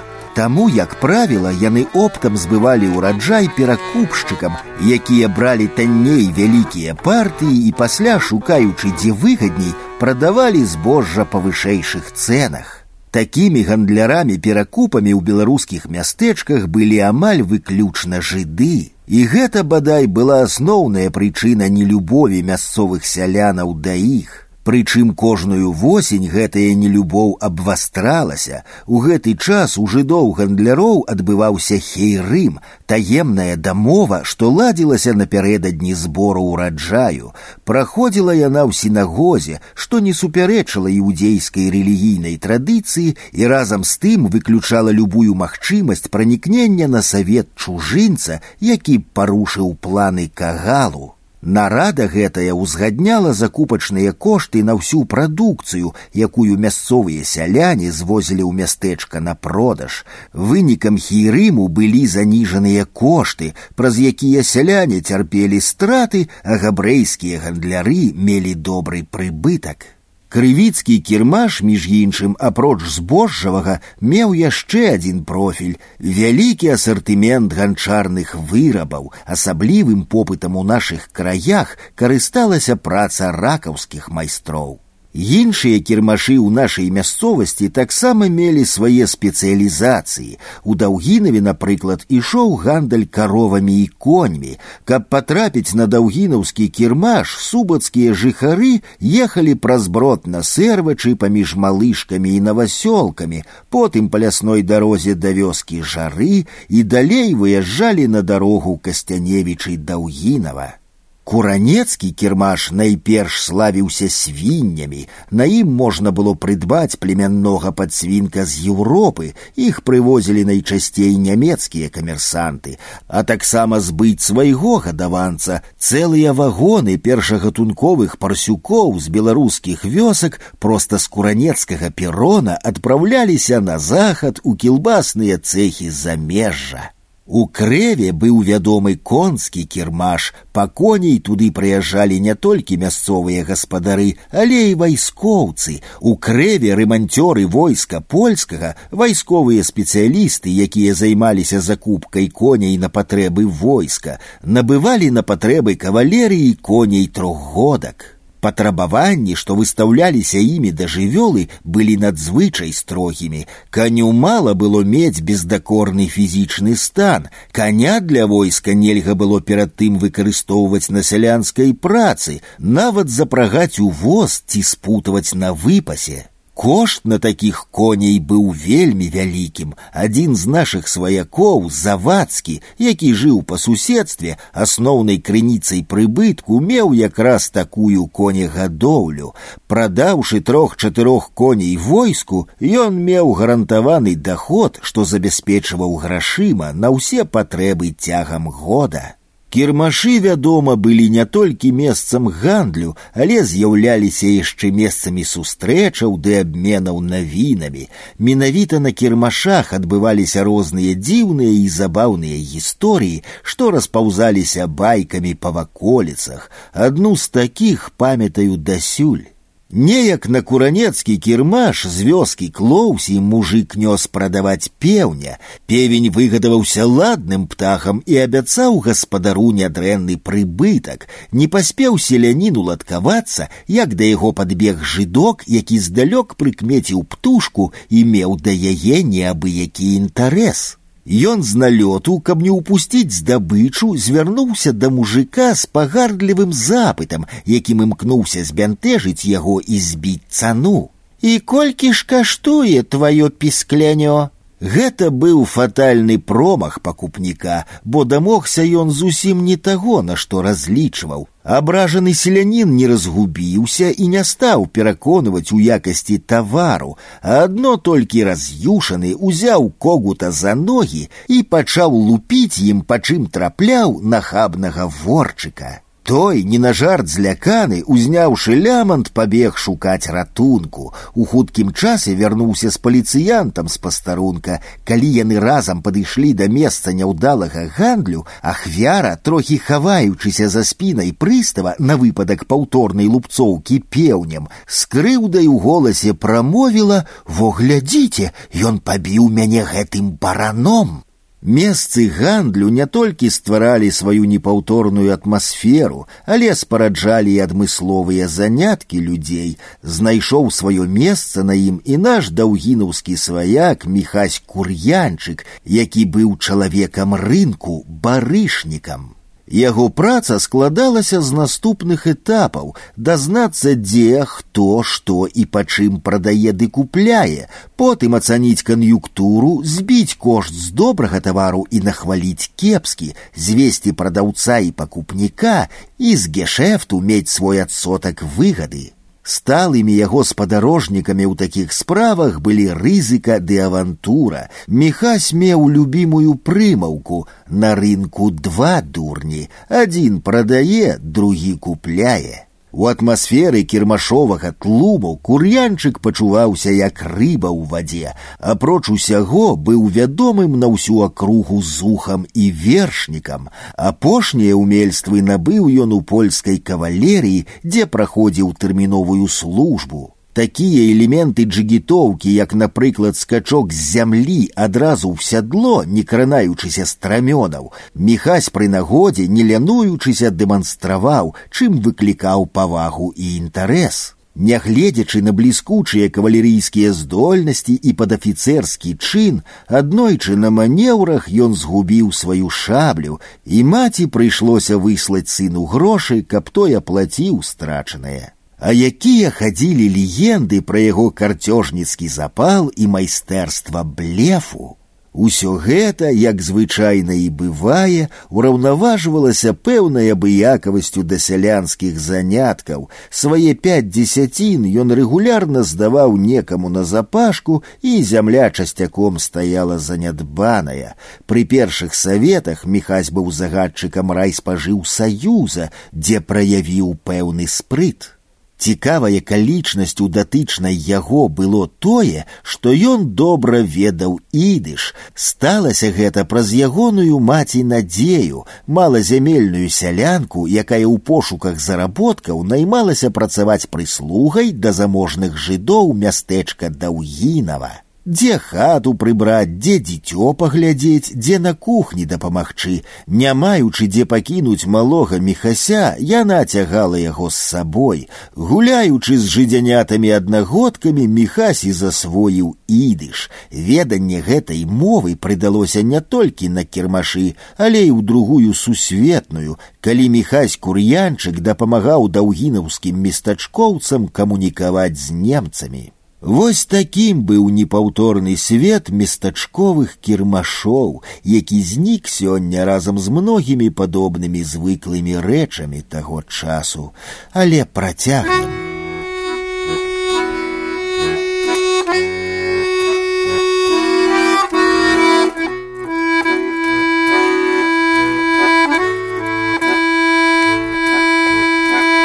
Рамеснікі з нашага застенка мы выпраўляліся не толькі на гандаль, але таксама наведвалі і рамеснікаў, якім пакідалі замовы на выраб адмысловых тавараў. Напрыклад, у навасёлкі мы ездзілі да татараў гарбароў. Некалькі сем'яў татараў, што там жылі, займаліся традыцыйным промыслам, апрацоўвалі скуры і шылі з іх вопратку і абутак. Ім мы завозілі авечыя і каровіны скуры. Апроч добрых кажухоў ад татарскіх гарбароў з навасёлак у субачы вярталіся дыхтоўныя хромавыя боты высокай якасці і добрага фасону. На хромавыя боты ішлі цялячыя скуры, татары былі непераўзыдзенымі адмыслоўцамі.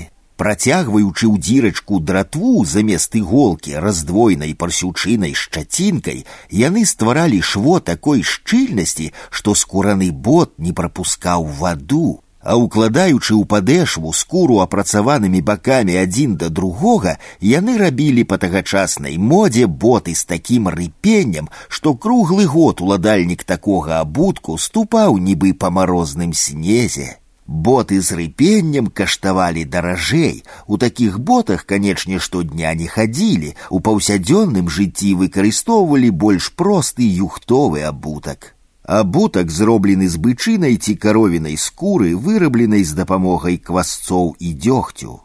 Працягваючы размову пра адзенне, адзначу, што яно было ў значнай частцы самаробным, шарачковыя нагавіцы, кужэльная сарочка, саматканыя світкі, але і крамныя тканіны ўваходзілі ва ўжытак, адзеннем хатняга вырабу карысталіся штодня, але на святы ды паездкі мелі куплёнае.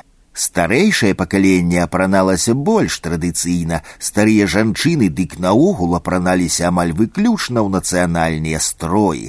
Маладыя кабеты наадварот адсочвалі тагачасную моду. Усе мужчыны нашай сям'і мелі выходныя строі тройкі з якаснай лодзінскай ці нават ангельскай тканіны, пашытыя на замову ў крывічах, вялейцы ці вільні. На галаве былі кепкі, у фацэтаў капялюш, пальчаткі і ляска. Гэтак выглядалі нашая зямля, наваколлі і мы, жыхары субачаў. Цяпер час завітаць да нас у двор.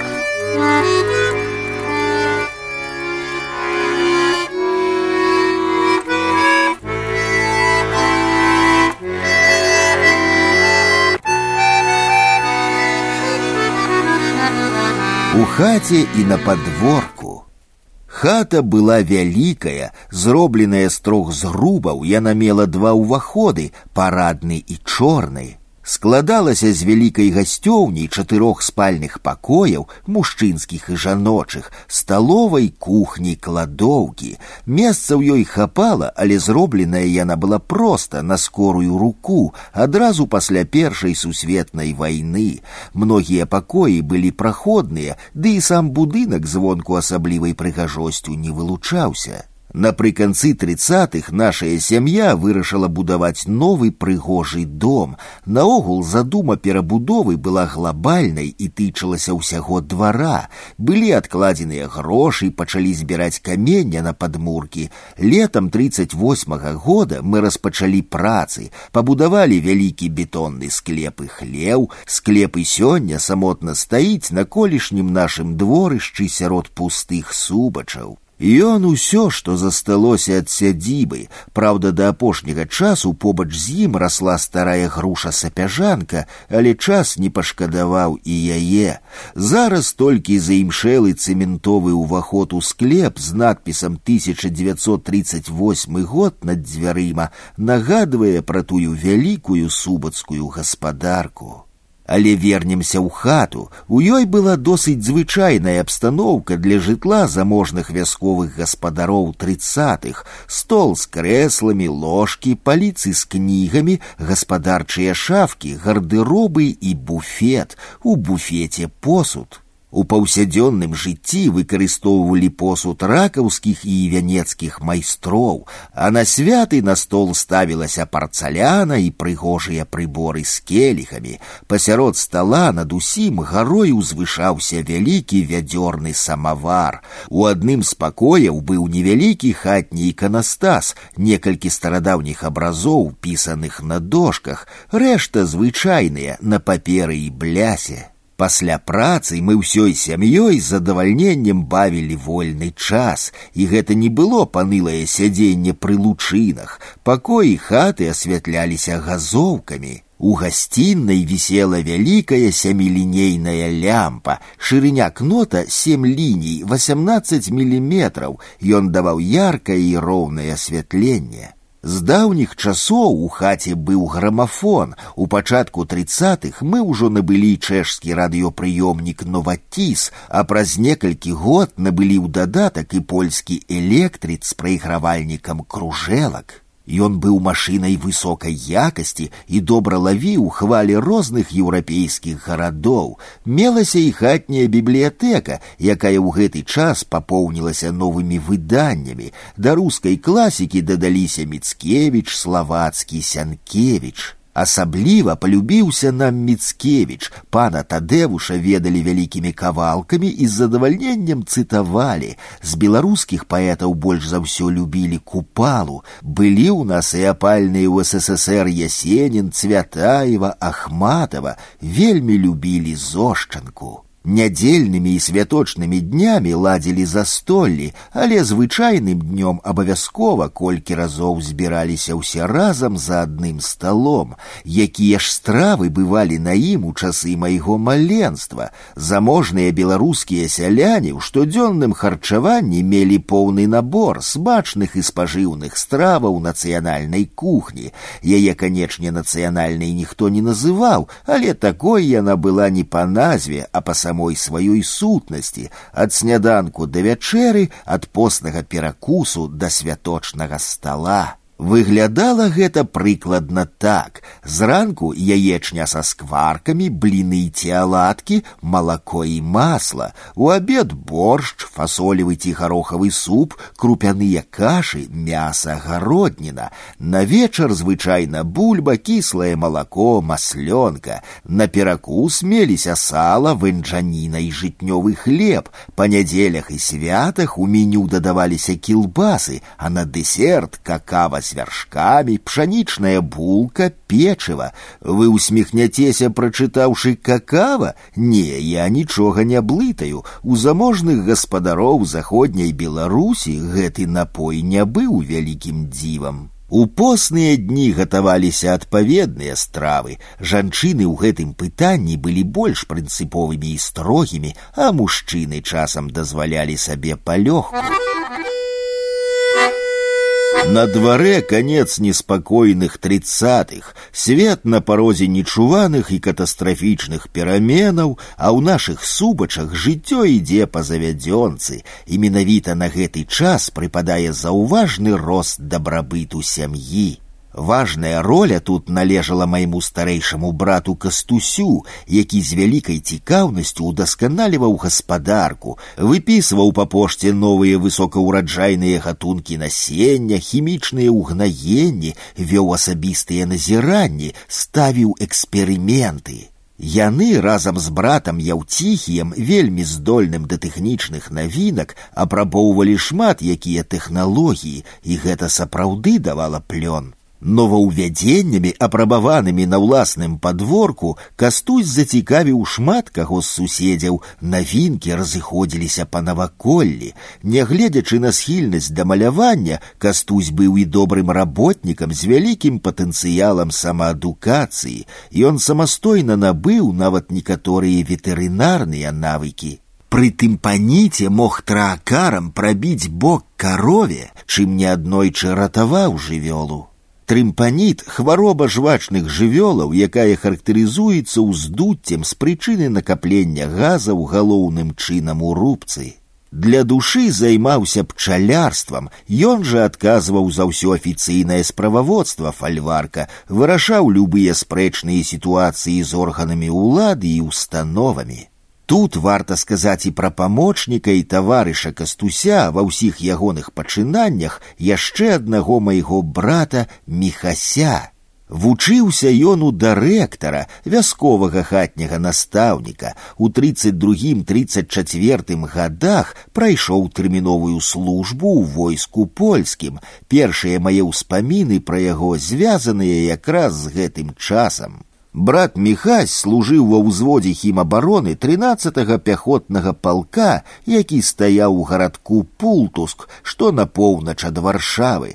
Мы рэгулярна атрымлівалі ад яго лісты, з якіх дазнаваліся, што апроч службы ён вывучае польскую мову, ходзіць да царквы, займаецца спортам. Разам з лістамі ішлі фотаздымкі. На іх ён у вайсковым мундзіры накіцілі дзяржаўная спартовая эмблема шлема і знак тринадцатого полка пяхоты. Потым нечакана ён з'яўляецца ў адпачынак пры поўным парадзе з багнетам штыхом на поясе. Я, малы хлапчук, быў вельмі ўражаны. Брат сапраўдны жаўнер, як з карцінкі. Пасля пабыўкі міхась ізноў вярнуўся ў шэрагі войска польскага. Служба на той час працягвалася два гады. Потым дэмабілізаваўся і прыехаў да хаты. Праз пяць гадоў ён прызываўся яшчэ раз. У 1937 годзе быў у войску на зборах. Па вяртанні ўзяў на сябе гаспадарчыя клопаты, фальварку патрэбныя былі працоўныя рукі. Бацька ўвек пераваліў за паўсотні і міхась вельмі шмат працаваў. Па характары брат быў чалавекам далікатным, нават мяккім, любіў цяслярства, яго ўмельства ў гэтай справе сягала значна далей узроўню неабходнага гаспадарцы. Неяк раз ён зрабіў сапраўдную гітару, якую прэзентаваў прадаваў брату яўціхію інструмент атрымаўся ўдалым і ў 39 годзе міша вырабіў усе дэталі для скрыпкі якую меўся сабраць вайна на жаль не дала яму скончыць тую работу Третьим незаменным працаўніком у нашым маёнтку быў памянёны брат Яўціхій. Першы наш сямейны ўспамін пра Яўціхія трагікамічны. Праз тыдзень ягонага навучання ў першым класе настаўніца выклікала бацькоў у школу. Тату пабаяліся нават сказаць, таму пайшла маці. Спалоханы яўціхі, не ведаючы, у чым вінаваты, збег з хаты і чакаў заканчэння суда на аселіцы. Настаўніца цярэшкаўскай пачатковай школы сказала разгубленай маці, што хлопчыка трэба пераводзіць у трэці клас, бо ў першым і другім яму няма чаго рабіць. Так і вырашылі, дарэчы, і іспыты за восьмы дзясяты класы савецкай школы ён здаў экстэрнам. Шмат і з задавальненнем чытаў, старонку мастацкай кнігі умеў хутка прабегчы па дыяганалі, невялікую кнігу адужваў за адзін вечар. Многія ставіліся недаверліва да такіх здольнасцей, спрабавалі праверыць змест прачытанага і здзіўляліся, калі хлопец падрабязна пераказваў падзеі са старонак кнігі. У яўціге з малалецтва была заўважная схільнасць да тэхнікі. У 12 гадоў ён сам сабраў дэтэктарны прыёмнік. Пазней нават вырабляў дэтэктарныя прыёмнікі па замове на продаж, вельмі любіў спорт і музыку, самастойна асвоіў гітару, якую зрабіў для яго брат Міхась пасля заканчэння крывіцкай сярэдняй школкі застаўся на гаспадарцы, чакаючы прызыву ў войска польскае, збудаваў на рачулцы накве па сваім праекце маленькую гідраэлектрастанцыю, ад якой зараджалі батарэі радыёпрыёмнікаў і акумулятары матацыклаў. Прынцып яе дзеяння быў наступны. Плынь ракі круціла кола, ад яго ішоў вал да генератара. Да генератара былі далучаныя акумулятар і вальтметр. У той час акумулятары былі шклянымі ў драўлянай скрынцы з ручкай. Вызначыць поўную зарадку можна было і без дапамогі вальтметра. Калі электраліт закіпаў, здымай, акумулятар цалкам зарадзіўся. Асабліва лёгка яўціхій вывучаў спецыяльную тэхнічную літаратуру і мог адрамантаваць што заўгодна. У маладосці вельмі захапіўся матацыкламі і марыў набыць сабе такую машыну. Памятаю, выбраў адзін матацыкл у каталозе фірмы Харлей. Грошай гэта, канечне, каштавала немалых, і бацька ўжо вылучыў пару коней трохгодкаў на продаж, каб на атрыманыя сродкі сын мог набыць упадабаны матацыкл, але прыход бальшавікоў у 39 не даў спраўдзіцца братавай мары.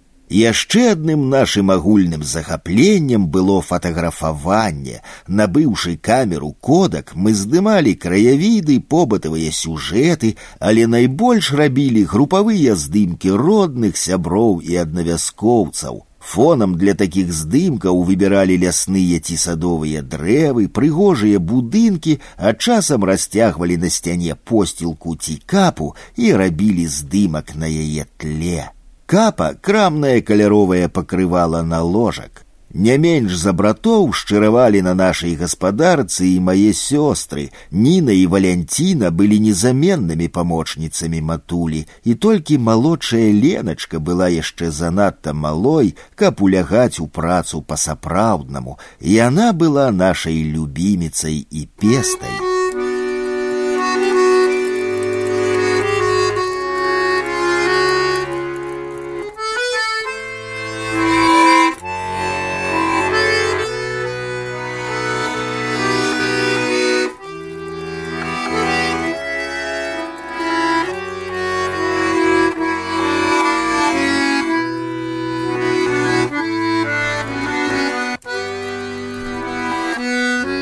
беларускай справе. Як вядома, нягледзячы на нацыянальны ўціск польскіх уладаў у адносінах да беларусаў, нашыя землі ў двадцатых тридцатых годах двадцатого стагоддзя жылі насычаным грамадска-палітычным жыццём. Нашая сям'я не была выключэннем, актыўным удзельнікам беларускага грамадскага жыцця ў заходнебеларускай вёсцы быў кастусці бурака. Сведчанні пра яго ўдзел захаваліся на старонках многіх тагачасных беларускіх выданняў. Ужо ў 1926 годзе 15гадовы кастусь фігуруе як ахвярадаўца газеты беларуская справа, друкаванага органа беларускай сялянска-работніцкай грамады. Выглядае, што да беларушчыны хінулася і ўсё сямейства, бо сродкі, ахвяраваныя кастусём, найхутчэй былі выдадзеныя яму бацькамі. Пазней кастусь далучыўся да таварыства беларускай асветы ТБА. Сярод заснавальнікаў і кіраўнікоў ТБА былі Антон Луцкевич і Радаслаў Астроўскі.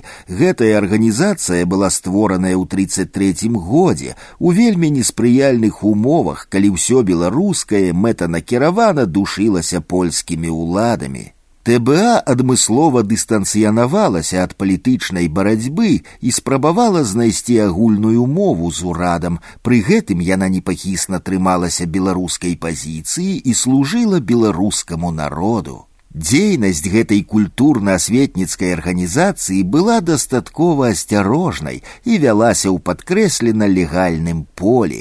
Заняўшы такія пазіцыі, арганізацыя ў першыя гады мела нават пэўнае спрыянне з боку польскіх уладаў. Выдавала газету родны край і разгарнула асветніцкую дзейнасць, што праўда пераважна на віленшчыне. У лістападзе 1932 года ў газеце беларускі звон органе цэнтральнага саюзу культурных і гаспадарчых арганізацый пачалі пісаць пра ініцыятыву кніжку для вёскі. Арганізацыя бібліятэкаў чытальняў гэта цяпер наша баявая задача дайце вёсцы святла дайце вёсцы кніжку Тады рэдакцыя звярнулася да сваіх чытачоў, сярод якіх быў кастусці бурака, далучацца да ініцыятывы і заяўляць пра жаданне закласці ў сябе ў вёсцы такую беларускую бібліятэчку. Кастусь стаў адным з першых прыхільнікаў гэтага асветніцкага чыну ТБА. У студзені 1933 года таварыства прыступіла да арганізацыі першай серыі бібліятэчак чытальняў на правінцыі. Кастусь далучыўся да прапанаванага чыну. У красавіку 33 ў родным краі шчыра дзякуюць сцібураку ў крывічох за гатоўнасць паслужыць поруч з намі справе роднай асветы і культуры і высылаюць яму статут ТБА і інструкцыі. А ў траўні сакратарыят ТБА паведаміў пра высылку кніжных камплектаў на адрасы ўжо зацверджаных уладамі асобаў, сярод якіх было імя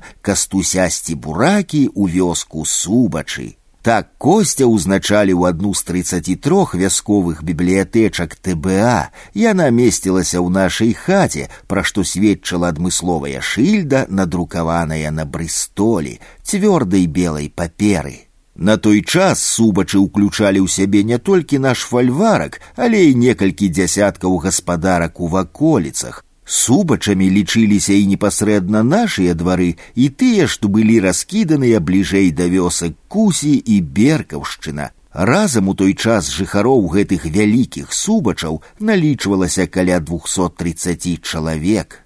Косціва актыўнасць не абмяжоўвалася гэтай працай, спрабаваў ён сябе як карэспандэнт. Ён ліставаўся з рэдакцыямі газет родны край, беларускі звон, на старонках выданняў з'яўляліся ягоныя допісы, тыповыя замалёўкі з жыцця правінцыі.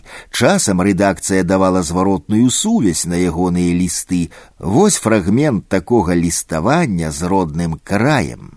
Вёска крывічы сябра стабурак. Вы пішаце наступна: Я адзін вясковы жыхар, сын мільённага народу, як выражаюцца некаторыя беларускія поэты. Змалку прыгорнуты дзікай прыродай, а натурай адкінуты далёка ад людзей, звяртаюся да вас.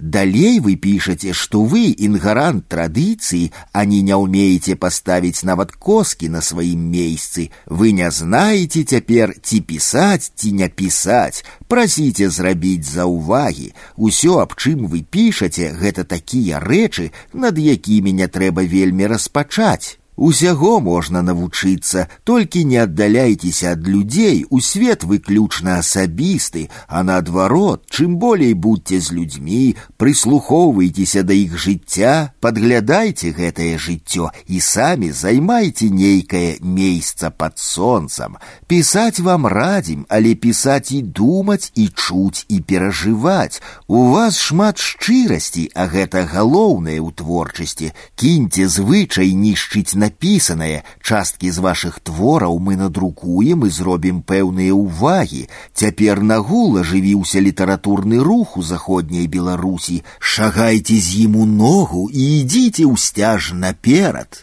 наперадзе агні Невядома, як часта пісаў кастусь і колькі яго допісаў было надрукавана, бо тагачаснай завядзёнцы часцей за ўсё допісы хаваліся пад псеўданімамі. Важна тое, што кастусь быў адным з актыўных прыхільнікаў беларускай справы і працягваючы традыцыю нашаніўскіх карэспандэнтаў, дасылаў звесткі пра жыццё беларускай глыбінкі ў рэдакцыю беларускіх газетаў. Калі прыйшлі саветы ў верасні 30 девятага кастусь спаліў свой вялікі нататнік з вершамі нарысамі і апавяданнямі Важна адзначыць, што ліставанне брата менавіта з рэдакцыямі роднага краю і беларускага звону было вынікам адпаведнай палітычнай платформы. Справа ў тым, што кастусь выпісваў і многія іншыя газеты, як, напрыклад, беларускую газету, але ён не падзяляў яе леварадыкальных поглядаў, займаючы ўзважаныя нацыянальна-дэмакратычныя пазіцыі.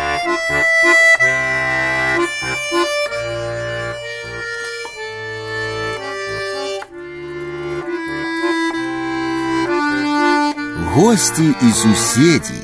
Хоць жылі мы ў фальварку невялічкай грамадой, але нашыя дзверы былі заўсёды адчыненыя, а паколькі кастусь да ўсяго быў нашым сувязным з далёкімі і блізкімі ваколіцамі ды галоўным пастаўніком навінаў, праз яго да нас час ад часу траплялі цікавыя асобы.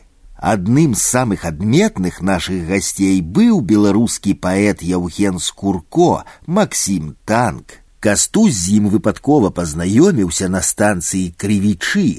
У іх на пэўны час склаліся прыязныя прыяцельскія стасункі, і будучы беларускі класік неяк нават гасцяваў у нашых субачах.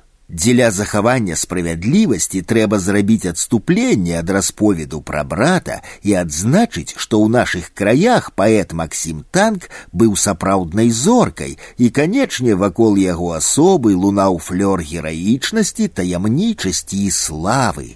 Нічога дзіўнага, што ўсе мясцовыя людзі, хто хоць у паўвуха чуў пра танка ці некалі мелькам бачыў, усе лічылі неабходным неяк падкрэсліць сваё знаёмства з класікам. Як паслухаць, дык усе паляўнічыя навакольных бароў хоць раз дыбывалі з ім на паляванні, а рыбакі нарачанскага краю ўсе як адзін вазілі славутага земляка на чоўне. Да некага ён прыходзіў у хату на танцы, а недзе спыняўся на начлег, той сёй абавязкова меў у сваячках маладзіцу, да якой пісьменнік далікатна заляцаўся, і яшчэ болей было тых, хто браў з ім чарку ў бяседзе.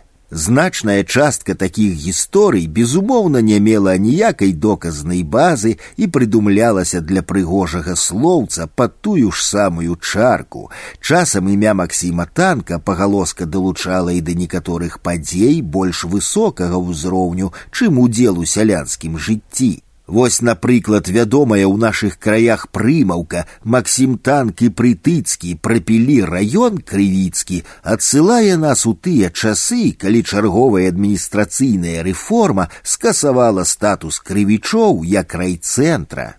Што праўда, танк насамрэч падтрымліваў сяброўскія адносіны з прытыцкім, які быў тады першым сакратаром маладэчанскага абкаму, але як паўплывалі іх пасядзелкі на тыя змены невядома. Сярод баек пра паважанага земляка ўспамінаецца яшчэ і такая. Яўген Скурко ў старэчым веку часта пачаў звяртацца да дактароў. Аднойчы на прыёме ў доктара Аскальдовіча ў бараўлянскім шпіталі танк паскардзіўся. Вялікі ціск доктар маю, на што пачуў адказ на тое ж вы і танк. Побач з намі жылі і працавалі нашыя субацкія суседзі. У блізкім суседстве жылі некалькі сем'яў. Непасрэдна з намі межавалі моцныя гаспадаркі будзькаў і завадскіх. Таксама жылі сяліцкія, малазямельныя, усяго сем гектараў, але добрыя і працавітыя людзі. Сусед Антось Будька добра даглядаў зямлю, якой было ў яго каля дваццаці гектараў. З жонкай кацярынай яны мелі шэсць дзяцей, трох сыноў Івана Міколу і володю і тры дачкі. Володя быў, як мне памятаецца, добрым шаўцом. Між іншым будькі былі вельмі не супраць парадніцца з намі, хацелі, каб іхнюю соню ўзяў жонкі наш кастусь, але неяк не склалася, абраны ў жаніхі дзяцюк, здаецца, не меў інтарэсу да дзяўчыны. Суседзі не на жарт пакрыўдзіліся, помсцячы за такую няўвагу, Іван будька спаліў нашую пуню. Зроблена тое было таемна і, можа, ніколі бы не адкрылася, каб пра гэта ён сам не прызнаўся яўціхію перад смерцю.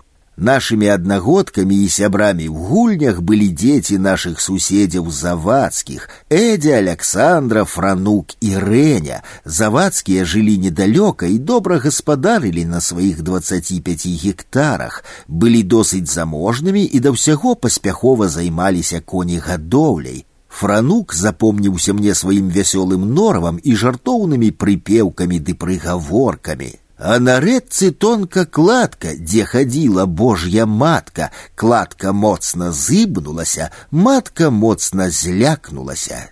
Яшчэ адныя нашыя суседзі радзевічы мелі зусім няшмат зямлі, таму вымушаныя былі займацца адыходнымі промысламі. У пошуках працы адзін з радзевічаў трапіў піцер, дзе даслужыўся да пасады майстра на вядомым пуцілаўскім заводзе. Яго запомнілі ў наваколлі па прыездах на радзіму паспяховым гарадскім фацэтам у паліто з каракулевым каўняром і, як казалі, пад гадзіннікам з залатым ланцужком. Разам з гарадской модай ён прывозіў беларускую вёску чужыя звычкі і песні. Адну такую прыпеўку ён часцяком паўтараў на застоллях. Ванька з піцера прыехаў гармонь новую прывёз. Побач з намі жылі таксама левандоўскія. Адзін з мужчынаў іх сям'і быў солтысам навакольных вёсак падчас другой сусветнай і быў застрэлены партызанамі. Адносіны з суседзямі былі збольшага прыязнымі, а з аднымі з іх сям'ёй шорцаў шчыра сяброўскімі. Артём шорац меў невялікую гаспадарку, якую, як пасталелі сыны, перадаў у іх руки, а сам падаўся да нас у парабкі і адрабіў пры ўзаемнай згодзе і выгадзе ажно сем гадоў. У шорцаў была знаная на ўсю ваколіцу пасека, заведзеная ў самым пачатку двадцатого стагоддзя. Іх пчолы перажылі ўсе напасці, нават бязлітасныя партызанскія рэквізіцыі падчас вайны, калі партызаны па-дзікунску залівалі кіпнем вуллі, каб забраць мёд. Шорцы перахоўвалі пчолаў па суседскіх гарышчах, ішлі на ўсялякія хітрыкі, але захавалі вуллі іх насельнікаў. Ужо больш за сто гадоў іх пасека і старая хата стаяць нязрушанымі каля вёскі субачы на адным і тым жа месцы.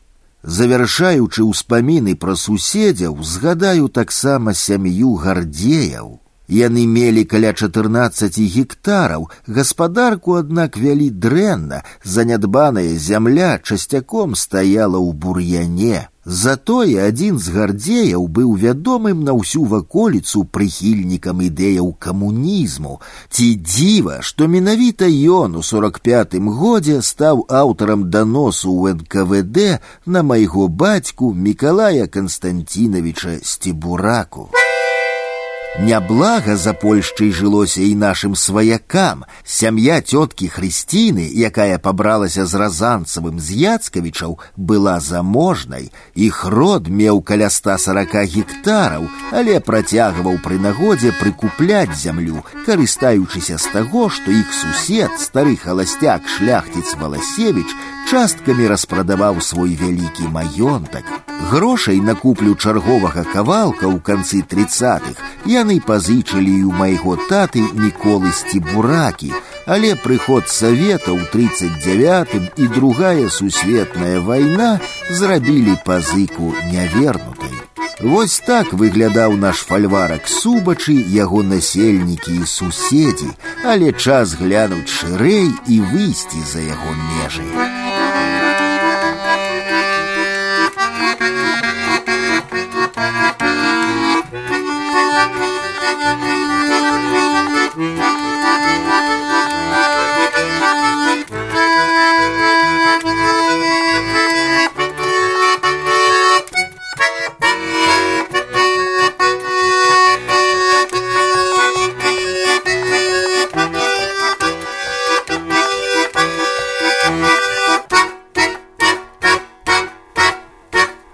мястэчка. Сэрцам наваколля было мястэчка крывічы. Гэта быў сусвет у мініяцюры, дзе існавалі традыцыі, звычаі, мовы і рэлігіі ўсіх жыхароў краю. У адміністрацыйным плане нашае мястэчка з'яўлялася цэнтрам крывіцкай гміны, дзе месціліся ўсе афіцыйныя інстытуцыі, гмінная ўправа, пастарунак, школа, аптэка, пошта, шпіталь, дом людовы, дом культуры мястэчка. З дома культуры і пачнём. Гэта быў сапраўдны цэнтр жыцця. У ім былі сцэна і кінаўстаноўка, якая круціла польскія і замежныя стужкі, дзейнічаў аркестр у складзе скрыпкі, цымбалаў, бубна і баяна. Ладзіліся танцы, вядомым баяністам быў суднік, музыка знакаміты на ўсю ваколіцу. Дарэчы, гэты баяніст і яго брат пасля пры саветах былі галоўнымі спецыялістамі на маладэчанскай гармонікавай фабрыцы. Інструменты, да якіх яны прыклалі руку, адрозніваліся высокай якасцю і цаніліся нават па-за межамі БССР. Побач з домам людовым стаяў цір з малакалібернымі вінтоўкамі. Гэтае месца асабліва карысталася поспехам у мужчынскага насельніцтва гміны, стралялі з задавальненнем усе. Апроч таго, у крывічах, канечне, жмеліся корчмы, крамы майстэрні, у тым ліку майстэрня па рамонце і пракаце ровараў, а рамантаваць было што, нельга ў размове пра тагачаснае жыццё не згадаць хоць слоўцам гэтую двухколавую машыну, любімую нашую забаўку і незаменны транспарт, ровар. У тридцатыя гады гэтая машына была наколькі папулярнай, настолькі і прэстыжнай тэхнікай, набыць яе мог дазволіць сабе далёка не кожны, а мець некалькі ровараў на сям'ю было прыкметай немалога дастатку. Кошты вагаліся ад 180 до 450 злотых. Спачатку ровары ў Польшчы былі імпартныя, потым з'явіўся львоўскі і варшаўскі велазаводы, прадукцыя якіх карысталася добрым попытам. Напрыклад, сталічная фірма ПВУ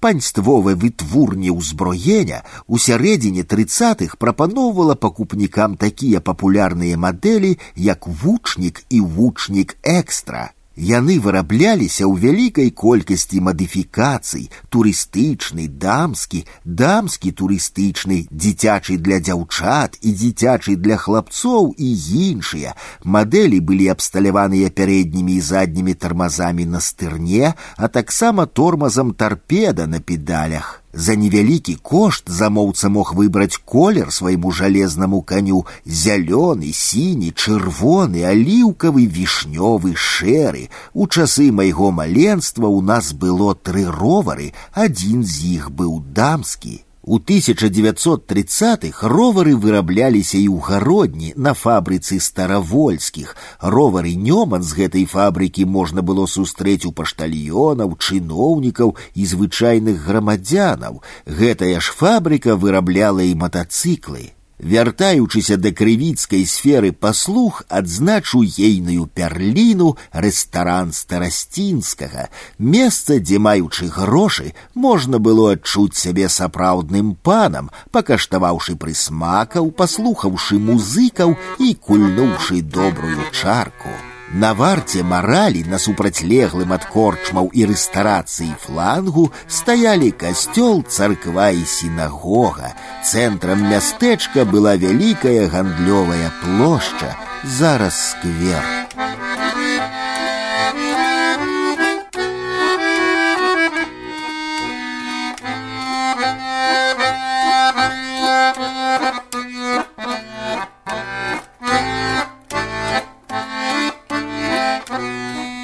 літвакі.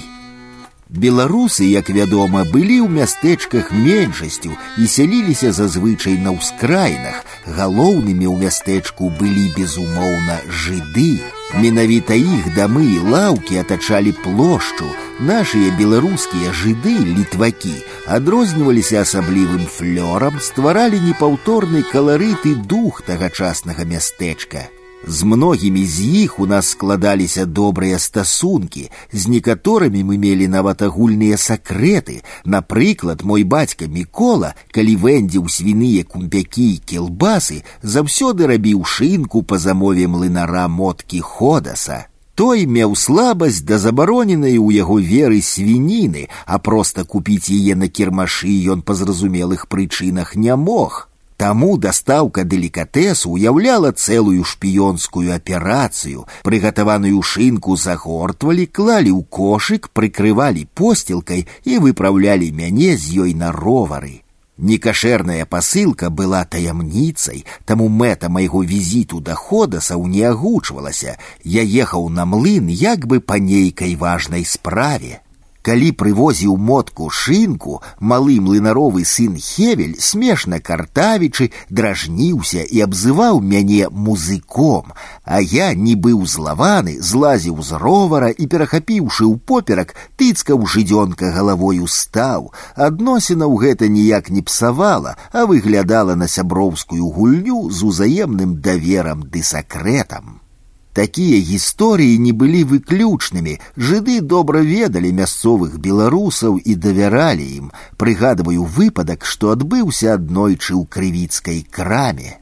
Крама сары рэзнічыхі была лепшай у мястэчку. Набыць там можна было ўсё ад цукерак да добрай ангельскай сукні. Акрамя таго, сара мела адметны гандлярскі талент. Неяк, ідучы да хаты са школы, да яе завітаў малы сын аднаго заможнага селяніна. Разглядаючы цікавосткі, школьнік надта ўпадабаў новы ранец, што вісеў на гачку ў крамцы. Увішная гандлярка тут жа ласкава прапанавала хлопчыку замяніць ягоны просты палатняны хатуль на новы скураны заплечнік з бліскучымі спражкамі.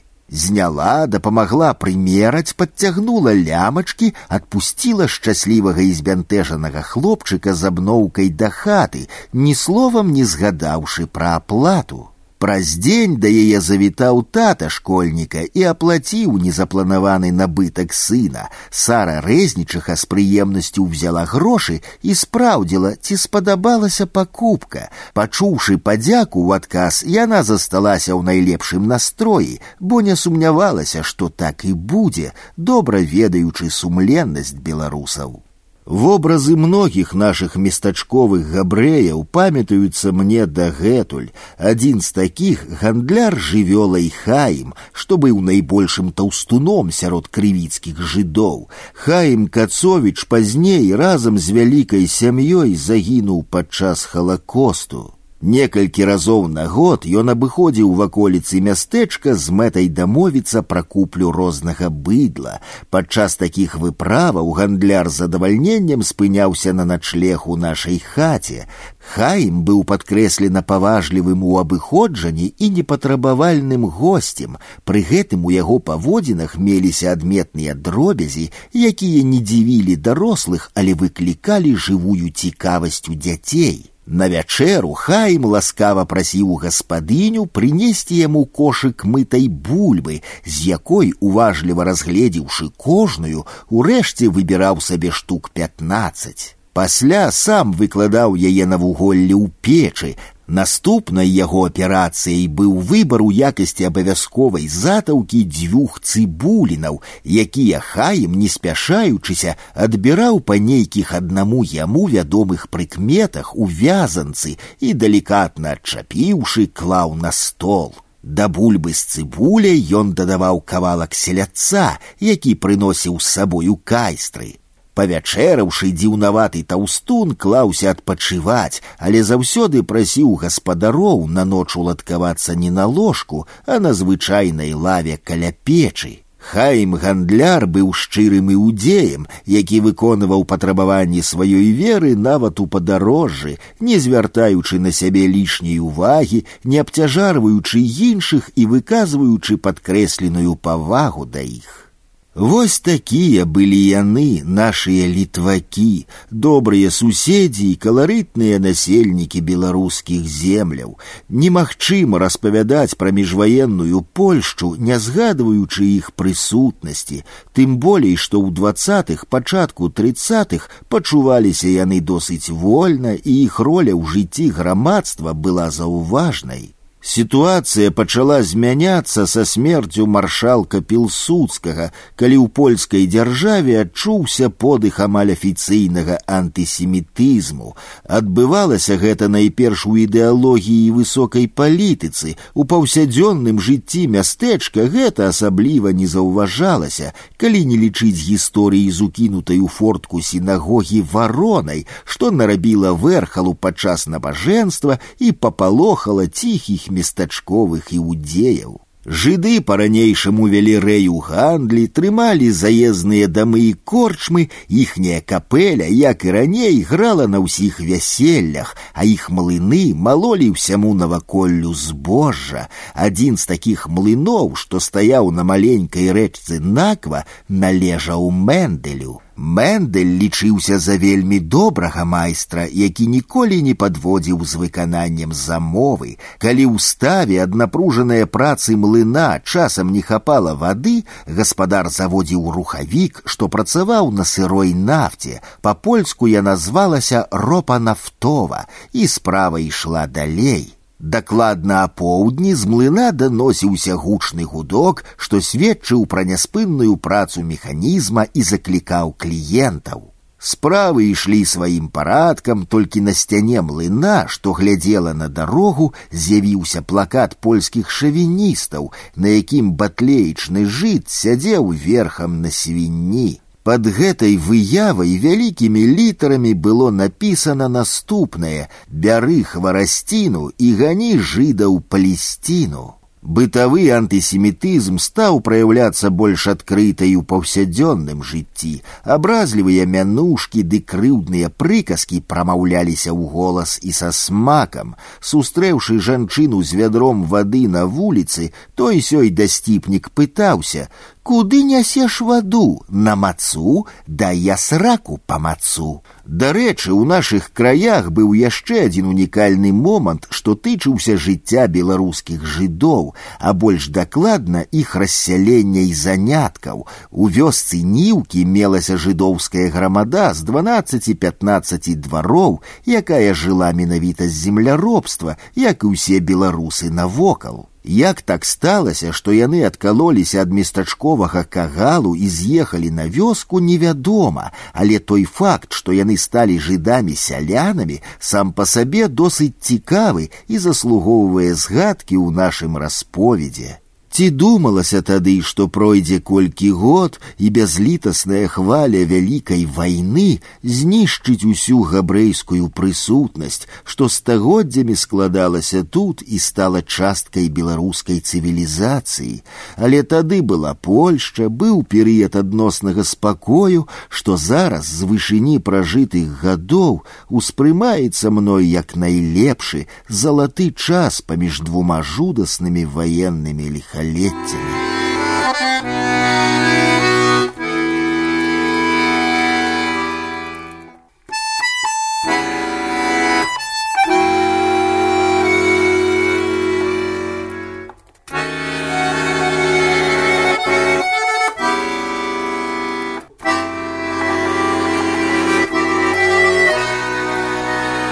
мясцовыя ўлады Апісваючы жыццё тагачаснага грамадства, колькі словаў хачу сказаць пра тое, кім і як яно кіравалася. Польская адміністрацыя таго часу хоць і не была дэмакратычнай, але не была яна і настолькі таталітарнай, каб умешвацца ва ўсе бакі жыцця. Яе ўдзел быў заўважны простым людзям найперш у справе падтрымання грамадскага парадку і кантролю ў сферы падаткаабкладання. У нашых субачах яе прысутнасць праяўлялася некалькі разоў на год з візітамі паштара, які прыносіў лісты з адміністрацыі гміны. Звычайна яны былі двух відаў. Першыя нагадвалі пра своечасовую сплату падаткаў, другія прасілі дапамогі на дабрачынную латарэю. Першыя патрабавальныя пачыналіся з варотам гаспадару сцебураку ў калонію субачы, а другія лагодныя, куды больш паважна, панам сцебуракам у фальварак субачы.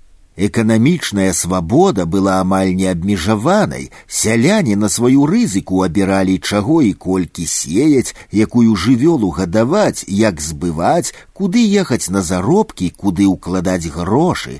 Усё гэта было выключна асабістай справай кожнага. А вось нагляд за настроямі ў грамадстве быў даволі пільны. Блізкасць савецка-польскай мяжы прымушала быць уважлівымі да элемента, што сімпатызаваў камуністам. У апошнім між іншым недахопу не было. Што і працавала спраўна ў БССР, дык гэта прапаганда. Заходнебеларускія сяляне былі праз аднаго ўпэўненыя, што нідзе так добра не жывецца, як на ўсходзе. Прыгожая хлусня моцна засядала ў галовах не толькі бедных сялянаў, многія заможныя гаспадары за чыстую манету прымалі інфармацыю з савецкага боку. Мой бацька быў у ліку такіх даверлівых беларусаў. Маючы радыё, ён рэгулярна слухаў перадачы з БССР і, як пяецца ў песні, чакаў з надзеяй на рускія танкі. Здаралася, што парабіўшы справы ў мястэчку, ён пасля наведвання карчмы зацягваў шырака страна моя родная ці нешта падобнае, і часам затое нават трапляў пастарунак. Пантофлівая пошта хутка даносіла вестку да фальварка, адкуль з грашыма на выкуп рэвалюцыянера выпраўляўся мой старэйшы брат Костя. Штраф за парушэнне грамадскага парадку складаў 20 злотых. Усе ўдзельнікі канфлікту разумелі, што далей спеваў справа развіцця не займее, таму да суда не даходзіла, а парушальніка парадку выпускалі на ўсе чатыры бакі.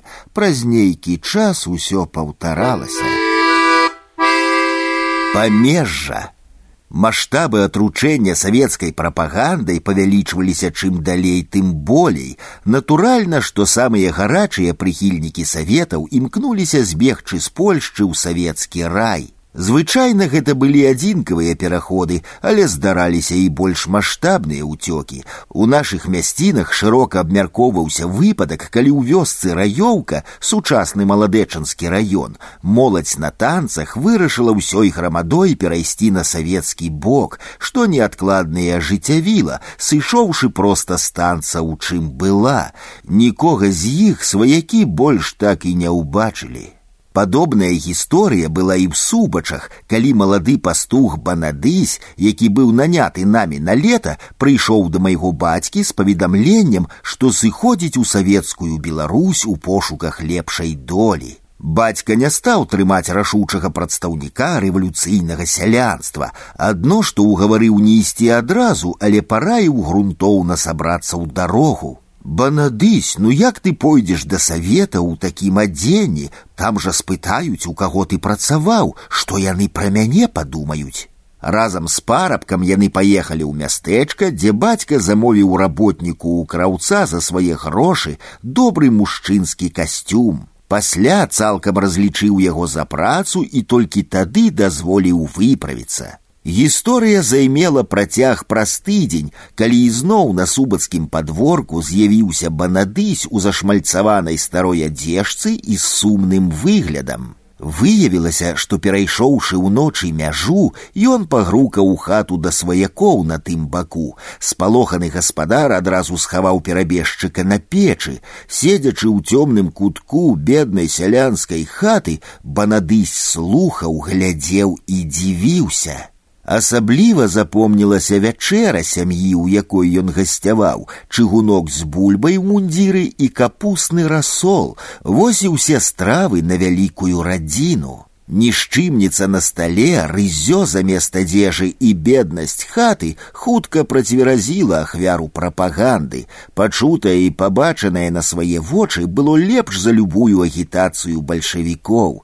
Пакінуўшы гаспадару свой касцюм у падзяку за збаўленне ад ачмурэння, банадысь тым жа шляхам вярнуўся ў панскую Польшчу пад прыгнёт капіталістаў. На савецкі бок хацелася і некаторым іншым жыхарам субачаў з нашым суседам міколам будькам адбыўся вось такі кур'ёзны выпадак. Сабраўшыся на ўсход, ён узяў з сабой залатую царскую манету ў 5 рублёў і рушыў праз мяжу. Пры пераходзе мікола трапіўся савецкаму памежніку і попрасіўся ў БССР, даўшы хабар той самай манетай. Памежнік пяцірублёўку ўзяў, але рашуча развярнуў парушальніка назад у Польшчу. Канечне, у іх там сапраўды рай, хто ж у рай пусціць за адну залатую пяцірублёўку. Вось ён мяне і выпер назад. Што праўда, былі і выпадкі пераходаў з савецкага боку.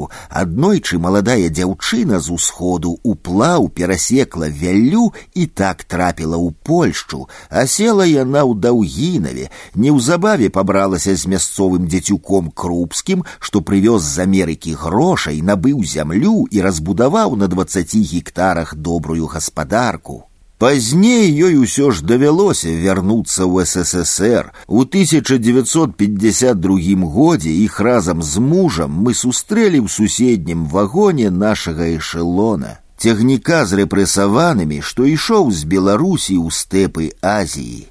Яшчэ больш цікавая гісторыя адбылася і з нашым сваяком Юльянам Дубягам, сынам цёткі Ганны і Васіля Львовіча Дубягі засінаўкі крывіцкай воласці. Яшчэ да рэвалюцыі Юльян адвучыўся на радзіме і ў пошуках долі паехаў сталіцу. Скончыўшы ў піцеры горны інстытут і ажаніўшыся з карэннай пецярбуржанкай ольгай, у рэвалюцыйныя часы ён імкліва падняўся да высокіх чыноў у народным камісарыяце шляхоў зносінаў. Адразу пасля рыжскага міру ён разышоўся з бальшавікамі ў поглядах і палічыў за лепшае ратавацца ўцёкамі.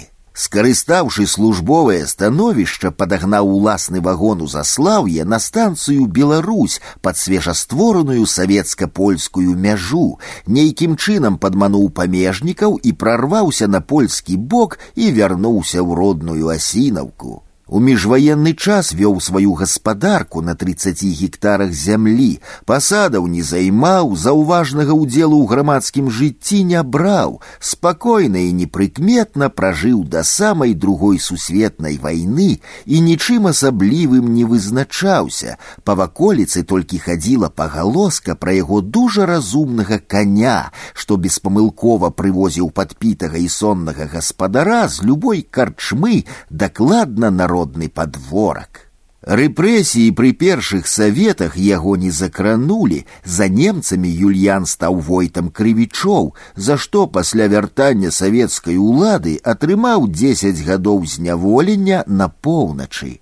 Вярнуўся ў 1954 годзе і дажываў свой век пад крывічамі. Яшчэ адным вядомым у нас перабежчыкам ад саветаў быў праваслаўны святар, які, уратаваўшыся ад чырвоных, застаўся служыць у княгініне. Добра памятаю, што на ягоныя нядзельныя казані прыходзілі нават людзі з іншых прыходаў. Настолькі моцныя і страшныя рэчы ён распавядаў пра тэрор НКВД, галадамор, калгасы, пра падманы хлусню, што панавалі ў ССР. Многія, чуючы ягоныя словы, плакалі, але многія, на жаль, працягвалі верыць у бальшавіцкае шуканства, што бесперапынна лілося ў вушы з савецкага радыё.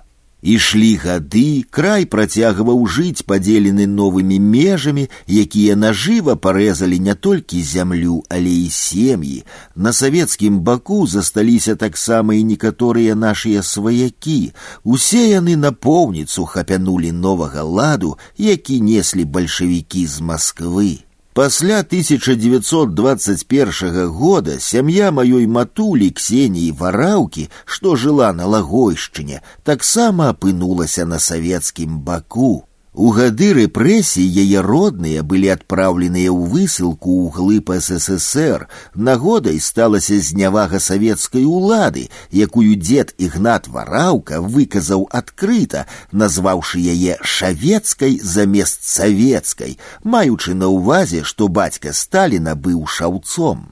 Сам Ігнат хутка памёр на чужыне, а сыны прыстасаваліся і засталіся. Маці толькі аднойчы бачылася з адным са сваіх братоў Іванам пасля другой сусветнай у 1949, калі той быў у Беларусі праездам. Homo советикус Сярод нашых сваякоў, якія трапілі ў БССР, быў і дзядзька Енік па мянушцы шарошка. У ім нібы ўвасобіўся зборны вобраз савецкага беларуса, які зазнаў на сабе ціск ідэалагічнай машыны краіны саветаў ды цяжар неспрыяльных варункаў. Ён быў вельмі душэўным, працавітым, добрым і чуллівым чалавекам, які, аднак сфармаваўся як хомо саветікус. Увесь час ён хацеў вучыцца, але заміналі абставіны.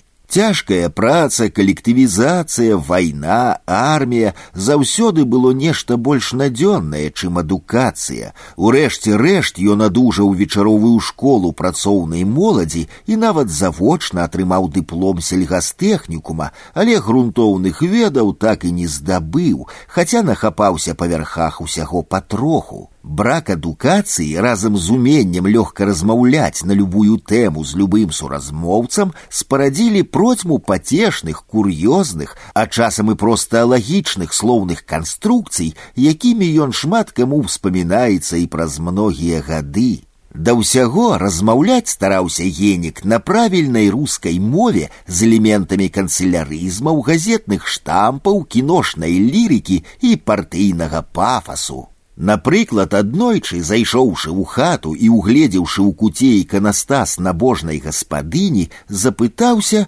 какие тут у вас главныя богі. Калі размаўляў з унукамі студэнтамі, хочучы падкрэсліць важнасць войска як школы жыцця, адзначыў: лекции это не то, а в армии идет притирание товарищей к себе. И додавал, образование это не планка высоты. Дакараючы іх закпіны на свой адрас сказаў: «Эх ты, не захацел прадолжыць заслуг деда дальше. Калі распавядаў розныя гісторыі з жыцця, а рабіў ён гэта з вялікім імпэтам, то такія прамовы расквечваліся выразамі кшталту Судьба его была одинокая, дочь одной матери, зять покойников, жена подпевала, на этом фоне он влюбился в другую, кабана смолили тайно. Дарэчы, апошні выраз нам заходнікам быў абсалютна незразумелы, пакуль мы не даведаліся, што сялянам у трыцатыя гады ў ССР смаліць кабаноў афіцыйна забаранялася. Трэба было лупіць скуру і здаваць яе дзяржаве. На вытворчасць хрому ў краіне саветаў ішла нават свінячая скура. Нас прыводзіла ў жах, што і попел з печы калгаснікі павінныя былі здаваць у калгас.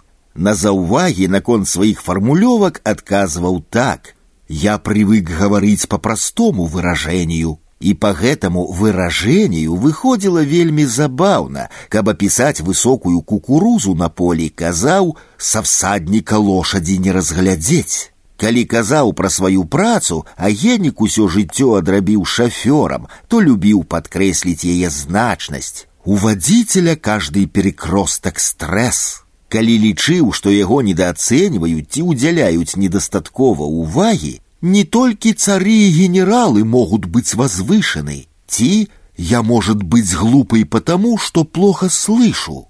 По просьбе господыни сходил на город и вернулся. я прынес карневыя сістэмы хрена.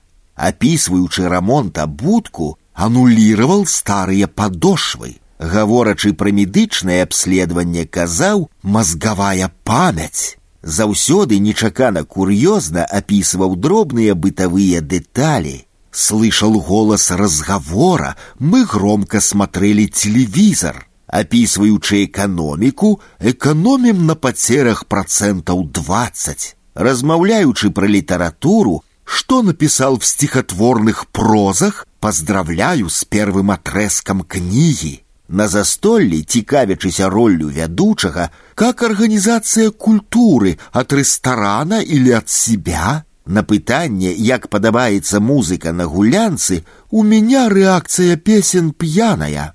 По вяртанні з оценивал кухню. В меню прогрессировала курица.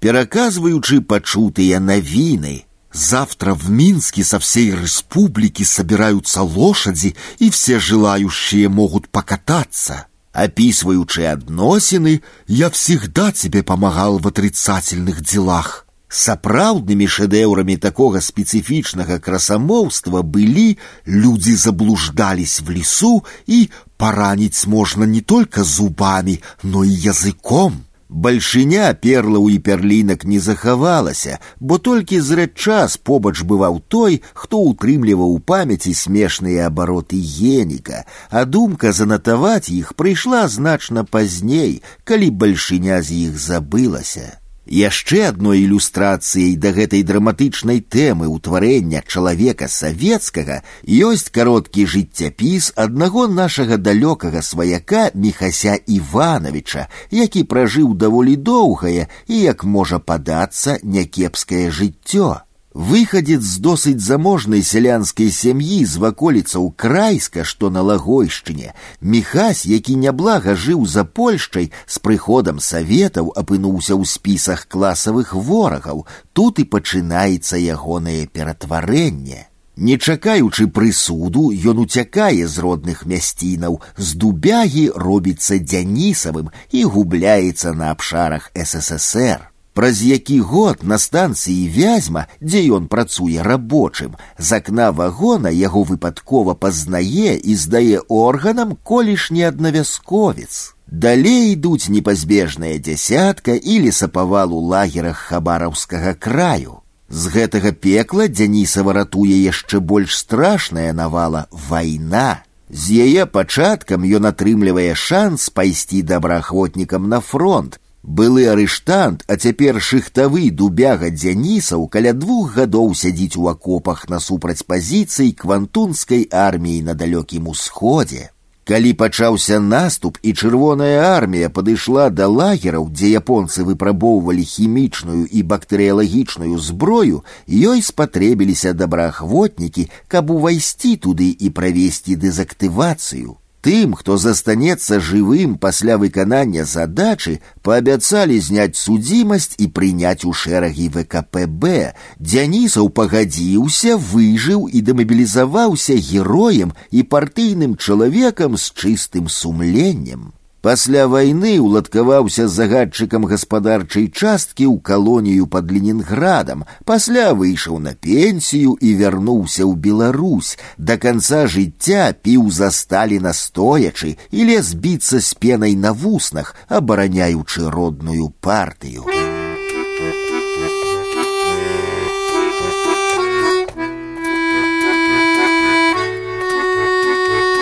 На заробкі Уцёкі ў савецкі рай былі толькі адным з варыянтаў здабыцця лепшай будучыні. Больш разумныя шукалі паратунку ад безграшоўя на заробках у іншых дзяржавах. Улады гэта не толькі не забаранялі, але і наадварот заахвочвалі. Найбольш папулярнымі кірункамі былі суседнія краіны Балтыі, заходняя Еўропа, а таксама за акіян у далёкую Амерыку. З такімі вандроўнікамі часам здараліся выключныя па сваёй унікальнасці гісторыі. Ваяж за акіяны зараз выглядае неабыякой прыгодай, а на той час гэта былі без перабольшвання выправы нібы на іншую планету. Жыхар крывічоў па прозвішчы высоцкі паехаў з іша на заработкі. Просты хлопец, які перад тым не выязджаў нікуды далей павятовага горада, самастойна дабраўся да порта мемеля, на параходзе адолеў даўжэзны шлях праз акіян, праседзеў у каранціне на выспе Эліс ля статуі свабоды і быў разам з натоўпам такіх жа мігрантаў выпхнуты на Манхэттен. Ён апынуўся ў хвалях людскога мора, над ім высіліся хмарачосы, раўлі рухавікі самаходаў, стаяў бензінавы смурод, грукаталі трамваі, гаманіў людскі натоўп. Адурэлы ад усяго, што нечакана звалілася на яго, ён да немагчымасці збянтэжыўся, не ведаючы, што рабіць і куды ісці ў гэтым новым для яго свеце, дзе ён не ведае ні мовы, ні аднае жывое душы. За хвілю да таго, як ён страціў бы прытомнасць, аднекуль зверху гукнулі: высоцкі, высоцкі, Небарака задер галаву да голасу з нябёсаў. Выявілася, што з чацвёртага паверха дома яго выпадкова ўгледзеў зямляк, крывіцкі гандляр борух, што перабраўся сюды раней і ўжо няблага асвоіўся. Калі б такі эпізод паказалі ў мастацкай стужцы, кожны б падумаў, што сцэнарыст моцна перабольшыў, такога ў жыцці не можа быць, але ў сапраўдным жыцці бывае і не такое. У выніку высоцкі не толькі не прапаў, а з дапамогай земляка добра ўладкаваўся на абутковай фабрыцы, дзе адрабіў тры гады і вярнуўся дадому з грашыма.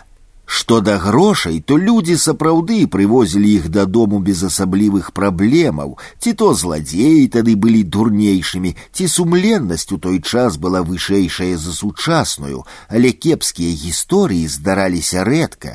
А парою наогул адбываліся такія, што ўмацоўвалі веру ў чалавецтва. Эдуард Мацюшонак, беларускі мастак, чыя сям'я паходзіць з глыботчыны, згадваў такую гісторыю.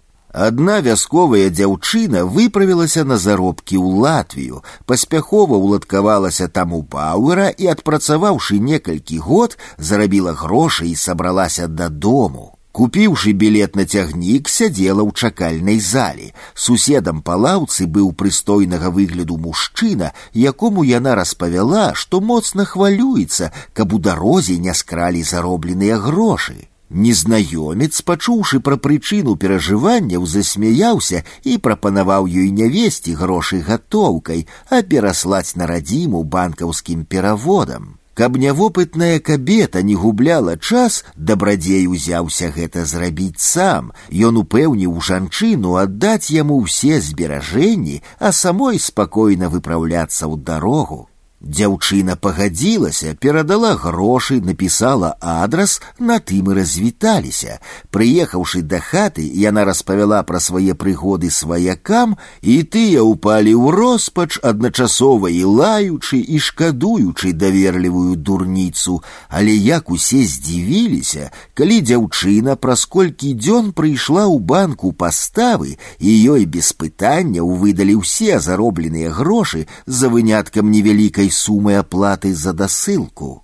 Гаворачы пра ад'езды на заробкі, хачу падкрэсліць, што галоўнае адрозненне тагачаснай працоўнай эміграцыі з Беларусі ад сённяшняй у тым, што амаль усе, хто выязджаў, ставілі першаснай задачай не ўладкаванне там на сталы побыт, а вяртанне з грашыма дадому. Мэтай было збіранне грошай на куплю зямлі ці адкрыццё сваёй справы на радзіме. Выязджалі збольшага маладыя людзі, якія не планавалі заставацца за мяжой на доўгі час. Па вяртанні яны стваралі сем'і на радзіме і ўкладалі заробленыя грошы ў тутэйшыя справы. Менавіта сродкі, заробленыя ў далечыні ад дому, для многіх беларусаў міжваеннага часу ў заходняй Беларусі сталі асновай дабрабыту і моцнай самастойнай гаспадаркі.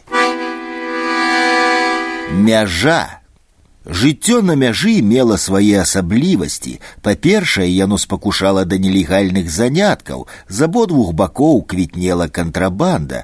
Праўда, у адрозненне ад ракаўскага кірунку у нашай мясцовасці кантрабандыстаў асабліва не было. Не мелася істотнага рынку збыту праз адсутнасць вялікага горада побач. Але пераходы мяжы з мэтай перапраўкі тавараў, канечне, здараліся. Па-другое, мяжу ў абодва бакі перасякалі шпегі і агенты. Не сакрэт, што з савецкага боку на рэгулярнай аснове ішлі дыверсанты. Агенты, што мелі адмысловую падрыхтоўку, пранікалі ў памежныя раёны і ладзілі акцыі запалохвання, забівалі, рабавалі, учынялі падпалы. Такія выпадкі, асабліва ў двадцатых, былі досыць распаўсюджанай з'явай. З імі змагаліся памежнікі і спецыяльна створаны корпус аховы памежжа, кап аддзелы якога месціліся ўздоўж усёй мяжы.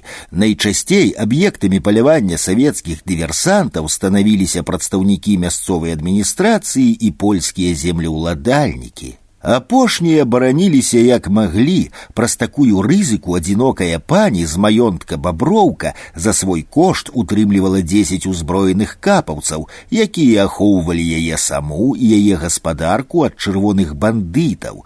У нас у субачах таксама мелася зброя для самаабароны, два рэвальверы і бельгійская паляўнічая дубальтоўка. Паступова сітуацыя на памежжы стабілізавалася і насельніцтва стала жыць у адносным спакоі, а кап пачаў выконваць не толькі ахоўныя функцыі. У заходняй Беларусі месцы кватаравання капаўцаў сталі апірышчам новых цывілізацыйных павеваў, культуры побыту і культуры, а таксама асяродкамі распаўсюджвання польскасці. Вакол кашараў аховы памежжа ядналіся розныя гурткі, таварыствы, скаўцкія суполкі. Памятаю, што да капаўцаў раз-пораз ладзілі экскурсіі з нашай школы. Да кашараў мы даязджалі на роварах. Там у вайсковай сталоўцы абедалі, аглядалі рыштунак і саму частку і пасля першу ладзілі паход да мяжы. Польскія вайскоўцы дазвалялі нам малым падыходзіць да самога калючага дроту, што аддзяляў нейтральную паласу. Дасюль памятаю, як уражаны такой блізкасцю да забароненага, я неяк паддаўся імгненнаму памкненню, уклаўся на жывот і, працягнуўшы руку, сарваў кветачку на тым баку. З савецкага боку да мяжы культ паходаў не рабілі. Больш затое нават калгасныя сяляне, што мусілі апрацоўваць зямлю ў непасрэднай блізкасці да рубяжа краіны саветаў, рабілі гэта пад наглядам вайскоўцаў і вялікімі групамі, паасобку працаваць забаранялася. Цікава, што для такіх працаў на відавоку ў буржуазнай Польшчы калгаснікам выдаваліся аднолькавыя робы, каб магчымы назіральнік не ўразіўся жабрацкім выглядам лахманоў і лапцей, у якіх жыхары БССР будавалі светлую будучыню. Хто і ставіўся да мяжы абсалютна без піетэту, дык гэта самі памежнікі з абодвух бакоў, якія штодня выпраўляліся на яе ахову, ходзячы адзін ад аднаго на адлегласці часам у дзясятак другі метраў, яны бачыліся, маглі перамовіцца і нават абмяняцца нейкай драбніцай. Рабілі гэта не парушаючы тэрыторыі, проста перакінуўшы рэч праз рачулку ці нейтральную паласу. З савецкага боку ляцелі катушкі нітак ці запалкі, а з польскага брыкецікі тытуню. Аднойчы на мяжы ля вёскі пагост здарыўся выпадак, калі сялянскі конь з выпасу неяк перайшоў вузкую там вяллю і неўпрыкмет перабраўся на савецкі бок. Гаспадар, што прыйшоў забіраць жывёлу, агледзеў страту, але пабаяўся ісці за парушальнікам, тым больш, што на іншым беразе якраз з'явіўся савецкі памежнік. Селянін пачаў прасіць вайскоўца вярнуць карміцельца, і той пасля хвіліннага вагання, агледзеўшыся па баках, падвёў каня да берага і моцным ударам дубца дэпартаваў злодзея народны лужок. Так гаспадар не страціў памочніка, конь не трапіў у калгас, а жаўнер не ўзяў граху на душу за ўсё гэта. І ўсе з лёгкім сэрцам пайшлі сваёй дарогай. Вось такія дзівосы час ад часу адбываліся на мяжы, што існавала пасярод Беларусі доўгія 18 гадоў. Што да паліцыі, то ў беларускай вёсцы бачылі яе зрэдку. У субачы на маёй памяці паліцыянт заяўляўся толькі некалькі разоў. Аднойчы было гэта пры вось якіх абставінах. Разбудоўваючыся, мы пачалі рабіць вялікі бетонны склеп. Дзеля выканання будаўнічых працаў быў запрошаны адмысловец, муляр на прозвішча Камінскі. Майстар меў цікавы лёс. Цягам васьмі гадоў ён працаваў каменячосам на кар'еры недзе ў Францыі і набыў там не толькі высокую кваліфікацыю, мог хутка раскалоць любы валун, але і набраўся ад тамтэйшых раб работнікаў рэвалюцыйных ідэяў набраўся так, што вярнуўшыся на радзіму, адразу трапіў пад афіцыйны нагляд паліцыі. Гэта значыла, што ён мусіў паведамляць пра свае перамяшчэнні і быў пад адкрытым наглядам з боку ахоўнікаў парадку. Дык вось падчас працы камінскага ў субачах паліцыянт-куратар некалькі разоў завітваў да нас, каб апытаць пра тое, што робіць і галоўнае, што кажа французскі марксіст, дазнаўшыся, што аніякай падрыўной дзейнасці той не вядзе, паліцыянт вяртаўся ў мястэчка. Веравызнанне Яшчэ адным важным фактарам, што ўплываў на жыццё ўсходніх крэсаў была рэлігія, нягледзячы на тое, што афіцыйна ўлады Польшчы дэкларавалі талерантнасць, на практыцы перавага аддавалася прадстаўнікам каталіцкага веравызнання. Заўважна гэта было ў штодзённым жыцці, калі ты каталік, то і пасада знаходзілася лягчэй і па службовай лесвіцы лацвей прасоўвацца і судовыя спрэчкі часцей на тваю карысць вырашаліся. Нашая сваячка праскоўя сцібурака, скончыўшы курсы тэлефаністак, дужа прэстыжная ў свой час праца, так і не атрымала адпаведнай пасады на маладэчанскай тэлефоннай станцыі, бо яе канкурэнткай была дзяўчына каталічка. Пераходы ў каталіцтва безумоўна заахвочваліся. Мой бацька Мікола некалькі разоў выклікаўся крывіцкім ксяндзом на гутарку, з местам якой, паміж іншым, заўсёды было настойлівае запрашэнне ў касцёльную грамаду. Ксёнц апеляваў да таго, што сям'я заможная і паважная, абяцаў сібаковую падтрымку і адступаўся толькі тады, калі бацька ў чарговы раз далікатна адкупляўся, даючы 50 злотых на развіццё парафіі і сыходзіў да чарговай прафілактычнай гутаркі. Таксама тата распавядаў, што аднойчы ксёнц аргументаваў сваё запрашэнне і тым, што нібы бачыў у нейкіх старадаўніх касцельных запісах, што сцібуракі былі раней каталікамі. У нашай сям'і ўспамінаў пра прыналежнасць да касцёлу не было, ды і вядомыя метрыкі прадстаўнікоў нашага роду гэтага не пацвярджаюць, хаця вілейскі краязнавец доктар Сергей Грынцевич годзе ў 2006 выпадкова сустрэў, працуючы ў архівах ксяндза з прозвішчам сцібурака, які служыў у лебедзеўскім касцёле пад маладэчнам, служыў ён там недзе ў канцы 19 пачатку 20 стагоддзя, улічваючы, што ніхто з нашых субацкіх сцібуракаў у сваяцтве з ім не быў, то магчыма і была нейкая іншая лінія роду, але адгалінаваная так даўно, што яе прадстаўнік нам быў ужо простым аднафамільцам. Подводзячы рысу пад канфесійным пытаннем, мушу дадаць яшчэ адно. Менавіта двадцатыя тридцатыя гады сталіся тым часам, калі ў абуджаную, але не да канца сфармаваную нацыянальную свядомасць беларусаў пранікла катэгарычная фармулёўка шавіністычнай польскай прапаганды. Каталік значыць паляк. А ўсё, што не было на гэтых землях польскім, аўтаматычна станавілася рускім. Для беларускасці месца не было. Адну траціну насельніцтва Польшчы складалі нацыянальныя меншасці, у дачыненні да якіх праводзілася дзяржаўная палітыка асіміляцыі. Канешне, руская царква і польскі касцёл стагоддзямі цягнулі беларусаў у розныя бакі, але менавіта гады, праведзеныя беларусамі ў адноўленай Польшчы, канчаткова замацавалі падзел на рускіх і польскіх у масавай свядомасці. У нас з'явіліся рускія і польскія вялікдзені раство, вяселлі і нават могілкі з адпаведнымі рускімі і польскімі крыжамі. Народ, які не меў сваёй дзяржавы не мог і ў храме прэтэндаваць на самастойнасць, вымушаны быў далучацца да некага са старэйшых братоў. Польскасць.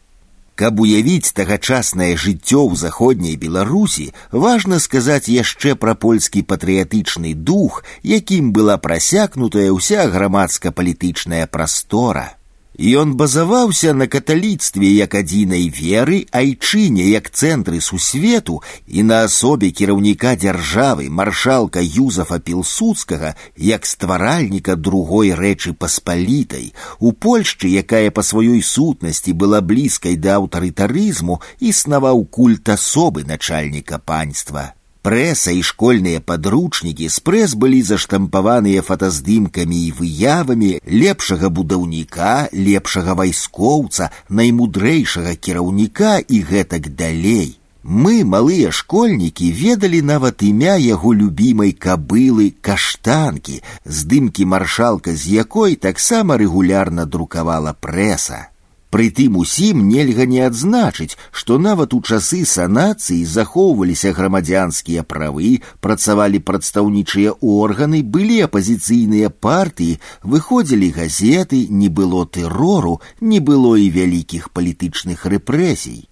Пілсудскі казаў, Польшча маладая і бедная, яна павінная пазбягаць рызыкоўных эксперыментаў. Так, ён меў абсалютную ўладу, але кіраваў без бізуна і не перашкаджаў дзеянню законаў эканомікі.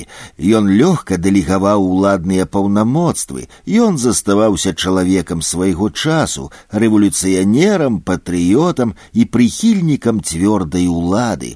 Гэта не магло не спарадзіць легендарызацыі яго асобы. Асабліва культ праявіўся ў апошнія гады яго жыцця і пасля смерці. Мы, малыя школьнікі, чулі пра дзядыка рэгулярна і ўбіралі павагу да яго разам з духам сапраўднай польскасці. Квінтэсэнцыяй яго ў школьнай праграме быў легендарны вершык, вядомы кожнаму дзіцяці, што пачынаўся словамі «Кто ты естыш, поляк малы».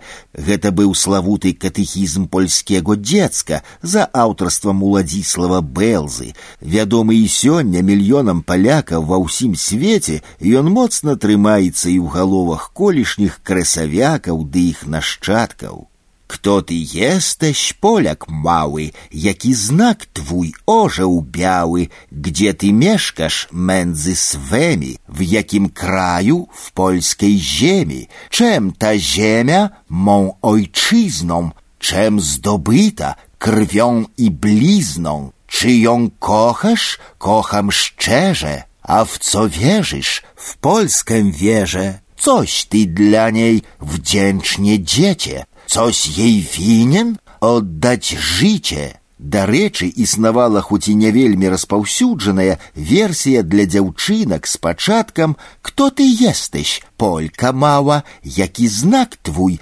лілля бяла».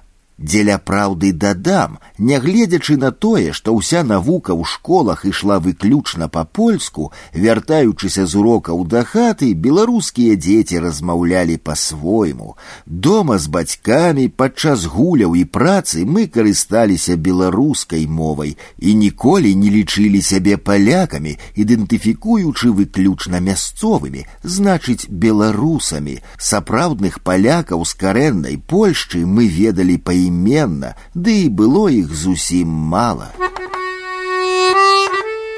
Школа. Як вядома, польскія ўлады на пачатку дазволіўшы беларускія школы да канца тридцатых зачынілі фактычна іх усе. Гэта не значыць, што беларусы засталіся без адукацыі, проста атрымліваць яе вымушаныя былі выключна па-польску. У нашай мясцовасці ў пачатку двадцатых таксама рабіліся спробы дамагчыся адукацыі па-беларуску.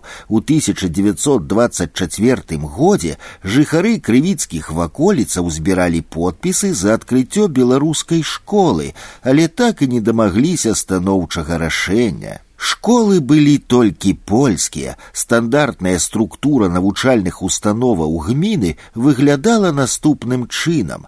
Пачатковая школка для невялікіх паселішчаў. У нас такая была ў вёсцы цярэшкі. Агульная ці сярэдняя школа, школа повшехна, найбольш распаўсюджаная ў сельскай мясцовасці і поўная сямікласная існавала толькі ў крывічах, мелася таксама гімназія ў вялейцы. Са школьніцтвам на крэсах была наогул цікавая гісторыя. Пілсудскі даў каманду пабудаваць сто школаў на крэсах усходніх, і іх неўзабаве пабудавалі.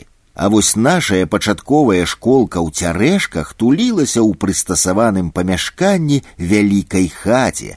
Мы вучні разам з настаўнікам наважыліся напісаць ліст маршалку, у якім папрасілі пабудаваць і для нас сапраўдную школу. У лісце пісалі, што ў вёсцы ёсць вялікі пляц, на якім збіраюць статак кароваў, каб гнаць на пашу, і што ён добра пасуе для нашай школы адбыўся сапраўдны цуд праз некаторы час прыйшоў дазволы сродкі на будаўніцтва 101 пазапланавай школы на крэсах усходніх а менавіта школы ў вёсцы цярэшкі пачатковую школку павінныя былі скончыць усе дзеці без выключэння бацькі якія не адпраўлялі дзяцей вучыцца караліся штрафам Усе мае браты і сёстры атрымалі адукацыю. Спачатку гэта было хатняе навучанне. Мішу косцю яўціхія і ніну вучыў дырэктар, ветэран-інвалід першай сусветнай па прозвішчы Захарэвіч. С пашкоджанымі рукой і нагой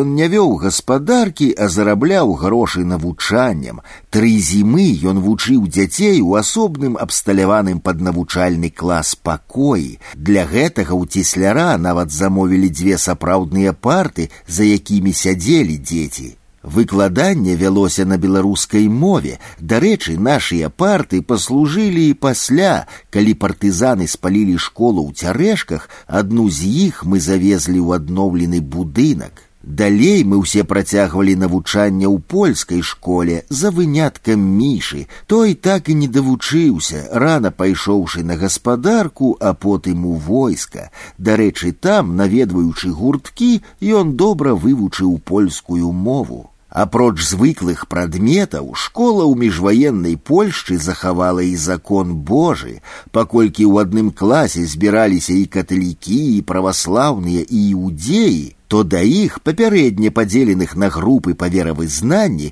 прыходзілі адпаведна ксёнз праваслаўны бацюшка і рабін. Заняткі пачыналіся з малітвы, абавязкова трэ было хадзіць да споведзі і прычашчацца. Вялікая ўвага надавалася таксама фізкультуры і урокам працоўнага навучання. Таксама добра мне запомніліся вандроўкі па наваколлі, ушанаванні месцаў пахавання герояў паўстання 1863 года і легіянераў пілсудскага.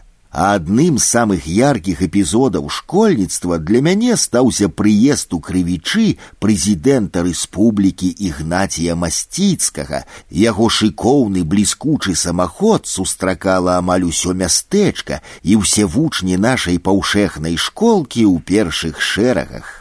Са школьнай пары ў мяне захавалася шмат цёплых успамінаў. Памятаю, напрыклад, як на вялікім перапынку ў крывіцкую школу заходзіў жыт з ядкай свежых смачных перашкоў, да якога адразу збягаліся вучні. Тавар пекара кайзера ведалі па мястэчку, і шкаляры з вялікай ахвотай куплялі цёплыя духмяныя перашкі. Каштавалі яны пяць грошаў, але не ўсе мелі магчымасць штодзень купляць такі ласунак. Некаторыя спрытныя хлапцы, каб не адмаўляць сабе ў асалодзе, да ўмеліся абменьваць тавар пекара на курынае яйка, якое ранкам у потай ад маці забіралі з-пад курыцы. За недахопам гатоўкі ў малечы гаспадарлівы кайзер згаджаўся на такі натуральны абмен, тым больш што яйкі пасля адразу ішлі на прыгатаванне наступнай партыі перашкоў, якія ізноў гэтак жа хутка раскупляліся.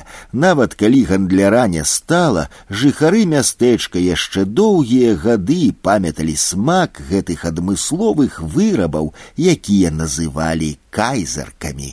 Адвучыўшыся ў пачатковай цярэшкаўскай школцы, дзе навучаліся толькі дзеці беларускіх сялянаў, я перайшоў у местачковую сямігодку, дзе да свайго вялікага здзіўлення пабачыў за партамі па суседстве сваіх габрэйскіх аднагодак. Здзіўленне хутка мінула і яму на змену прыйшлі прыязныя стасункі з адным такім крывіцкім жытком готлібам касовічам я добра пасябраваў. Заможнасць нашай сям'і хоць і дазваляла ўсім дзецям атрымліваць адукацыю, але не вызваляла цалкам ад неабходнасці дапамагаць па гаспадарцы. У часы гарачай працы на палетках усе далучаліся да справы і аніякія іншыя заняткі ў разлік не браліся. Пра адну такую прымусовую выправу я ўспамінаю дасюль. Неяк улетку я разом со сваімі старэйшымі братамі кастусём, мехасём і яўціхіем быў адпраўлены бацькам на сенажаць зграбаць сена.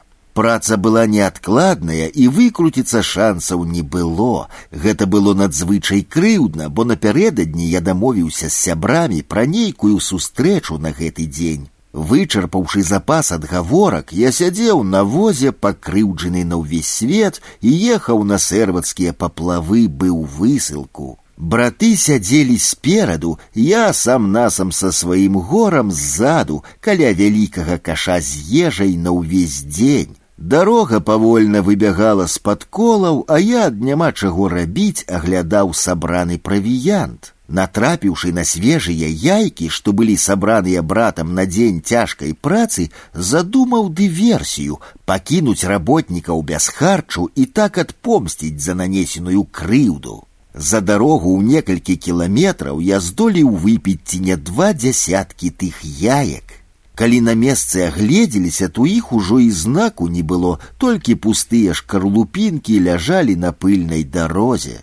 Эпізод так і застаўся вясёлай сямейнай байкай, бо праца ў гэта ніяк не адмяніла, а малады арганізм ніяк асабліва не адрэагаваў на такую дыету.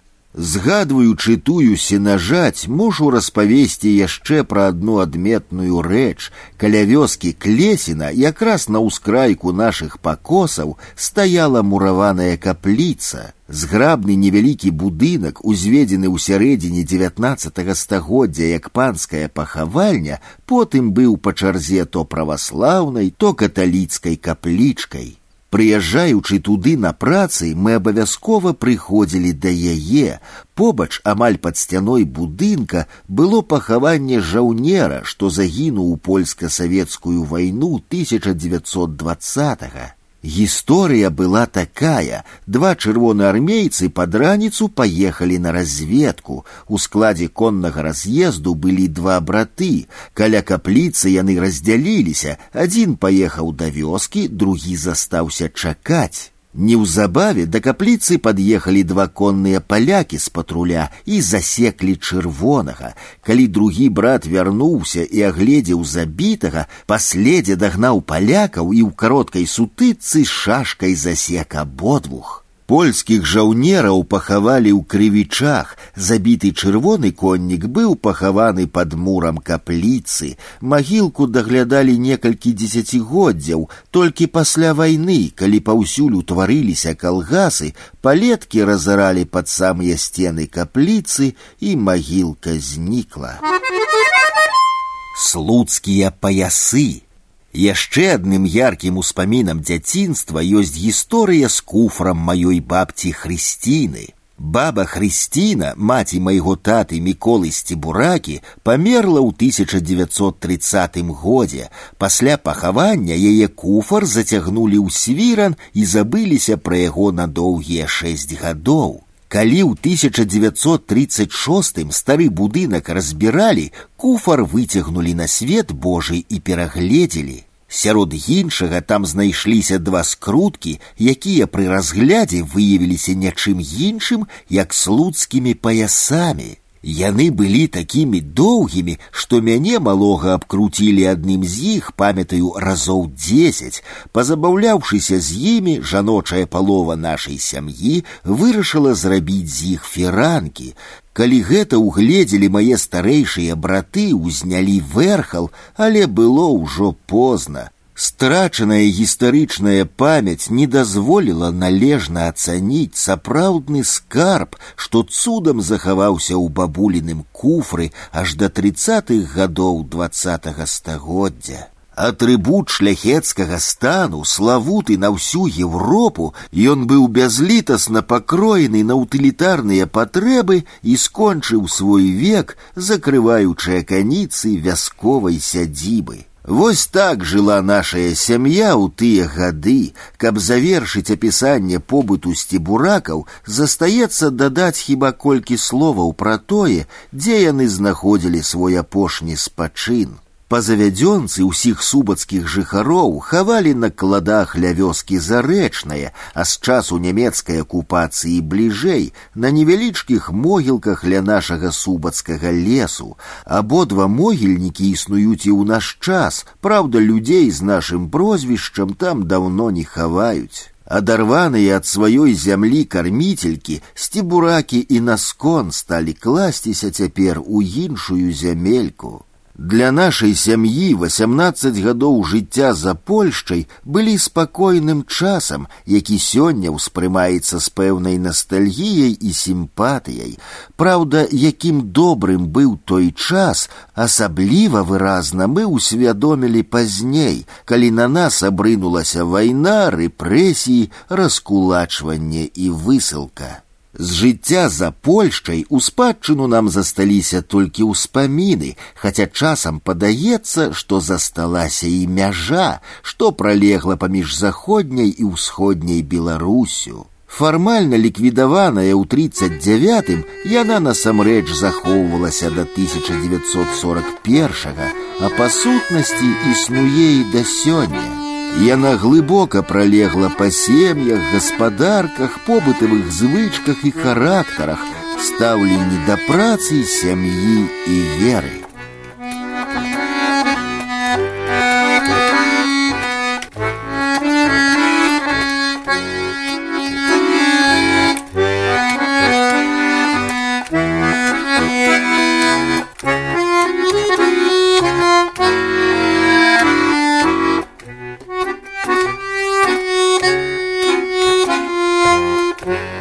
Раздел четвертый. Пачатак другой сусветнай и першыя советы 1939-1941. Вераснёўскія смяротнікі. Скончылася апошняе спакойнае лето, лето 1939. Падзеі наступных месяцаў разбурылі звыклы свет і змянілі лёсы мільёнаў. Сярэдзіна жніўня, гарачы жнівеньскі поўдзень, сям'я малоціць салодкі лубін, працу перарывае солтыс Антон Будька з вёскі лазавыя, які прывёз позву на мабілізацыю брату Михасю. На зборы дзве гадзіны маці і сёстры ў слязах збіраюць мехася. Ён выходзіць у касцюме з гальштукам і з усмешкай кажа, так апрануўся, каб не было сорамна пасля вяртацца дадому ў сялянскай вопрацы, як тады ў тридцать четвертым годзе. Справа ў тым, што на адпачынак у войску польскім пускалі ў вайсковым строі, а дэмабілізоўвалі ў цывільнай адзежы, у якой прыйшоў новабраніцу войска. У нашай мясцовасці быў выпадак, калі хлопец з беднай сям'і, прызваўшыся на службу, адаслаў сваю адзежу назад у вёску, бо малодшым братам не было чаго насіць.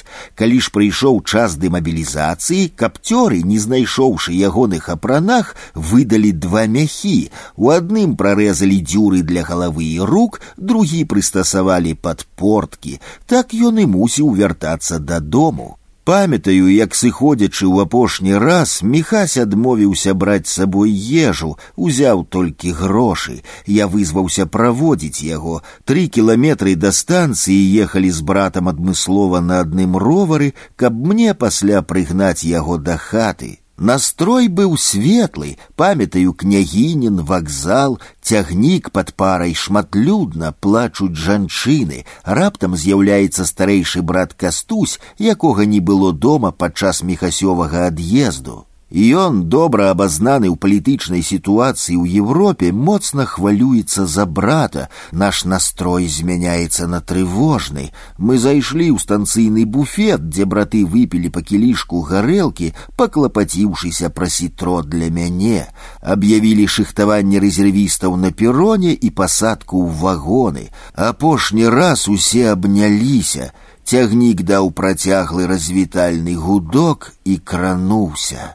Болей мы з мішам ніколі не пабачыліся. Адзіны ліст мы атрымалі ад міхася з вайсковага гарадка гелянова, што пад маладэчнам, дзе стаяў 86 пяхотны полк.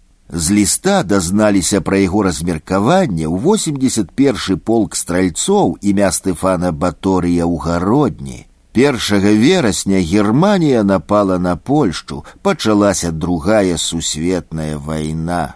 Больш ад мехася не было ніякіх звестак. Пасля баёў 39 -го года ў нашыя навакольныя вёскі сталі вяртацца жаўнеры з войска польскага. Кастусь абышоў шмат каго з іх, каб дазнацца пра лёс брата. Дакладна ніхто нічога не мог сказаць, і толькі адзін чалавек з крывічоў на прозвішча клёнтак распавёў, што апошні раз бачыў мехася ў пачатку верасня 39 перад пачаткам бою пад пётркавым, што на поўдзень ад варшавы. Мы спадзяваліся на лепшае і працягвалі чакаць. Калі скончылася вайна, пачалі пісаць у архівы міжнародны чырвоны крыж, але адказ атрымлівалі заўсёды адзін. Звестак не маем. Пазней самастойна сталі вывучаць баявы шлях 81 палка, каб знайсці якую зачэпку безвынікова. Чакалі мехася, спадзяючыся на цуд, ішлі гады. І вось у чэрвені 2020 года ў рэгіянальнай газеце раптам з'яўляецца артыкул францішка жылкі вераснёвыя смертнікі, у якім распавядаецца пра шлях 86 палка войска польскага ў 1939 годзе. Гісторыяй палка аўтар артыкула зацікавіўся, шукаючы свайго зніклага без звестак дзядзьку. У артыкуле ў спісе загінулых жаўнераў гэтай часткі пад пётркавым трыбунальскім мы ўбачылі імя мехасясці буракі. Уся гісторыя нарэшце складаецца і становіцца зразумелым, чаму мы згубілі сляды мішы. Атрымалася, што ён так і не патрапіў у 81 полк, пра які пісаў нам у апошнім лісце, а застаўся ў 86, з якім і быў адпраўлены на фронт. 28 жніўня ягоны полк з гелянова чыгункай быў перакінуты ў карэнную польшчу на абарону варшавы і он стаў часткай арміі прусы, што трымала лінію абароны на сутыку арміі лодзь і кракаў. Галоўнай задачай прусаў было прадухіленне прарыву немцаў да сталіцы. Да 4 верасня 39 -го года полк, прайшоўшы маршам, стаў паміж воўбарам і пётркавым трыбунальскім ды пачаў будаваць лінію абароны. Месца пачатковай дыслакацыі было адкрытае, таму пасля першых абстрэлаў і налётаў палку загадалі пакінуць пазіцыі і пачаць будаваць новую лінію абароны бліжэй да Пётркава ў мясцовасці зручнейшай для стрымлівання ворага. Жаўнеры не паспелі як след акапацца на новым месцы, як ужо 5 верасня на 86 полк абрынуліся войскі вермахта пры падтрымцы танкаў і авіяцыі. Нават у такой сітуацыі першую атаку полк адбіў, знішчыўшы некалькі дзясяткаў танкаў. Другой атакай немцы ўсё ж прарвалі абарону, і полк пачаў адступаць. Польскія жаўнеры адыходзілі з баямі, але ж немцы неўзабаве занялі пётркаў. Пасля абароны горада ад палка засталося каля дзвюхсот жаўнераў і некалькі афіцэраў. Міхасці бурака загінуў падчас другой атакі немцаў 5 верасня 39 -го года. Сваю смерць жаўнер сустрэў у жытнёвым полі ў некалькіх дзясятках метраў ад дарогі воўбуры пётркаў. Ён быў апазнаны па вайсковым медальёне і пахаваны на тым самым месцы, дзе і загінуў. Так спачатку пахавалі ўсіх забітых у тым баі, на тых месцах, дзе іх напаткала смерць. Дарэчы, згодна з картай першапачатковых пахаванняў жаўнераў і дзядзька спадара жылкі быў забіты ў двух дзясятках метраў ад міхася.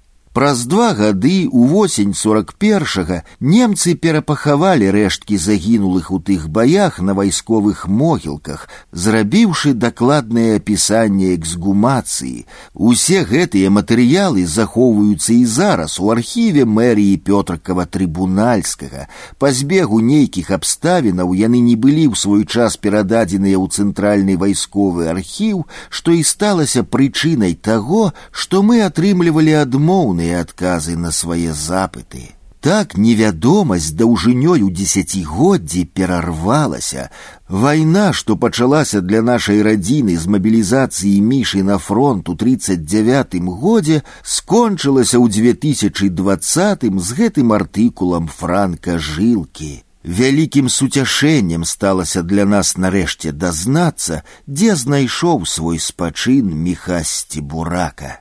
На момант атрымання гэтых звестак улетку 2020 года з усёй нашай вялікай сям'і сцебуракаў, якая праводзіла мехася на фронт, застаўся толькі я адзін, Анатоль сцебурака, той самы хлапчук, што стаяў на пероне вакзала ў княгініне, махаў на развітанне і потым гнаў ровар дадому. Вестка пра лёс брата дайшла да мяне праз 81 год. Мы вельмі ўдзячныя шаноўнаму спадару жылку, які шукаючы свайго дзядзьку дапамог і нам дазнацца пра лёс без звестак зніклага сваяка.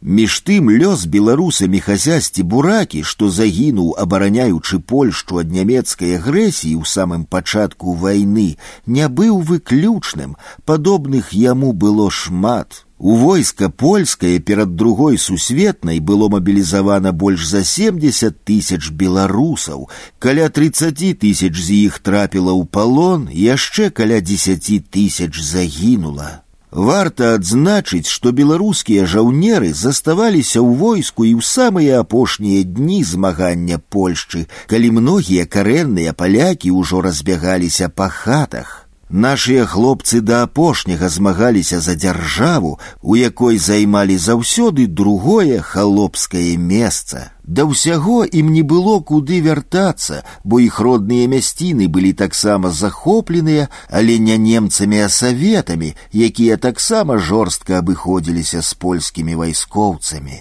У сваіх успамінах Янка Брыль, сам удзельнік тых падзей, згадвае эпізод пры абароне Гдыні, калі польскі маёр, падымаючы ў чарговы раз рэшткі свайго батальёна, што меў у асабовым складзе палову беларусаў, камандаваў крэсавяцы за мной і рушыў, не азіраючыся наперад, упэўнены, за яго спінай пад нямецкія кулі падымаюцца беларускія хлопцы, верные дадзенай прысязе.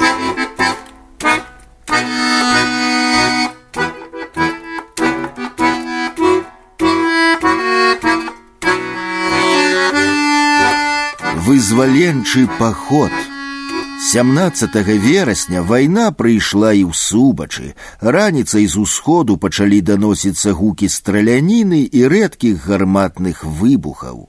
Чырвоная армія пачала свой вызвольны паход на захад. Малалікія гарнізоны корпусу аховы памежжа і вайсковыя часткі, што дыслацыраваліся на ўсходзе, аказалі пэўны супраціў, але былі змятыя стакроць мацнейшымі сіламі саветаў. Па дарогах пацягнулася вайсковая тэхніка, кавалерыя і доўгія шэрыя калоны пяхоты. Насельніцтва вітала вызваліцеляў кветкамі ды хлебам соллю, панавалі пазітыўныя, а часам і выразна святочныя настроі. Госці з усходу на святкаванні часу не гублялі. З першых дзён новая ўлада пачала ствараць сваю структуру кіравання. У яе шэрагі трапілі збольшага прадстаўнікі мясцовай беднаты ды прысланыя з ССР актывісты, Сімвалічнай ілюстрацыяй падзей тых дзён стала сустрэча прадстаўнікоў новай улады з жыхарамі на станцыі княгінін. Добра памятаю той вераснёўскі дзень, калі бацька пацягнуў всю нашую сям'ю сустракаць бальшавікоў на станцыю. На пероне каля будынка княгінінскага вакзала была ўсталяваная трыумфальная арка, упрыгожаная гірляндамі з дзеразы і кветкамі. Усе ад малых да старых адзеліся ў найлепшае дэмісезонныя палітоны, строі, капелюшы і выйшлі з вітальнымі транспарантамі на сустра насустрач. Не шкадаваў інструментаў невялікі аркестр, на перон з грукатам і свістам прыбыў паравоз. З вагона высыпала кубка таварышаў у скуранках і гімнасцёрках, спыніліся, пачалі аглядацца. Узнікла паўза, некаторыя госці так і засталіся на прыступках, трымаючыся за парэнчы, іншыя, хто паспеў спусціцца, ледзь не сабраліся лезці назад. Сярод прыезжых пачуліся ўстрывожаныя галасы. Куды мы трапілі, дзе мітынг вызваленых беларускіх сялян сабраліся ж адныя буржуі. Упаўнаважаны арганізатар сустрэчы ледзь даў рады патлумачыць, што гэты натоўп ёсць тыя трудзяшчыеся, што прагнулі вызваліцца ад панскага ярма. Першыя тыдні на вызваленых землях усё за выняткам польскіх дзяржаўных установаў працавала ў ранейшым рэжыме. У крамах без абмежаванняў прадаваўся тавар, корчмы і кавярні паілі і кармілі гасцей, як і раней. Курс рубля быў прыраўняны да злотага, абодва яны былі ва ўжытку адначасова. Да 17 верасня за адзін злоты давалі чатыры рублі. З прыходам саветаў курс штучна выраўнялі на адзін да аднаго. Злоты, дарэчы, быў у абарачэнні да студзеня 1940 года, калі яго цалкам замяніў рубель. Агледзеўшы нябачаны ў ССР асартымент, савецкія вайскоўцы і новыя кіраўнікі цывільнай адміністрацыі кінуліся па крамах, скупляючы ўсё, што можна. Гандлярам такі спрыт падабаўся, але і яны часам дзівіліся, не могучы ўцяміць, навошта скупляць самы просты тавар у неверагодных колькасцях. Крамнік, у якога адзін афіцэр чырвонай арміі скупіў усе гузікі, здзіўляўся ў голас. Ну, купіў ты ў мяне дзесяць гузікаў добра, але навошта сто гузікаў чалавеку. Дзіўнымі былі не толькі паводзіны прыхадняў, але і сам іх выгляд. Савецкія вайскоўцы сапраўды выглядалі дрэнна. Найперш кідалася ў вочы кепскае абмундзіраванне. Доўгія шынялі, абмоткі на нагах, будзёнаўкі на галовах, са слабым рыштункам, худыя, вашывыя, з пахмурнымі тварамі,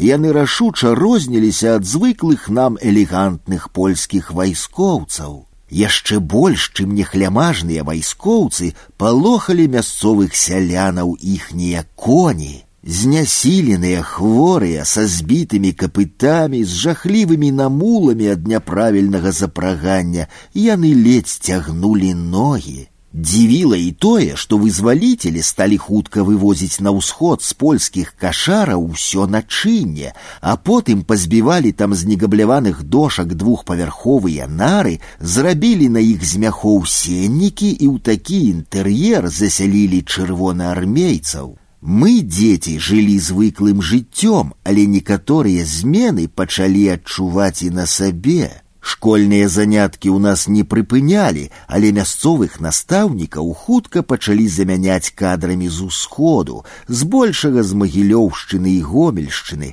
Іх манеры, паводзіны, знешні выгляд былі для нас нязвыклымі.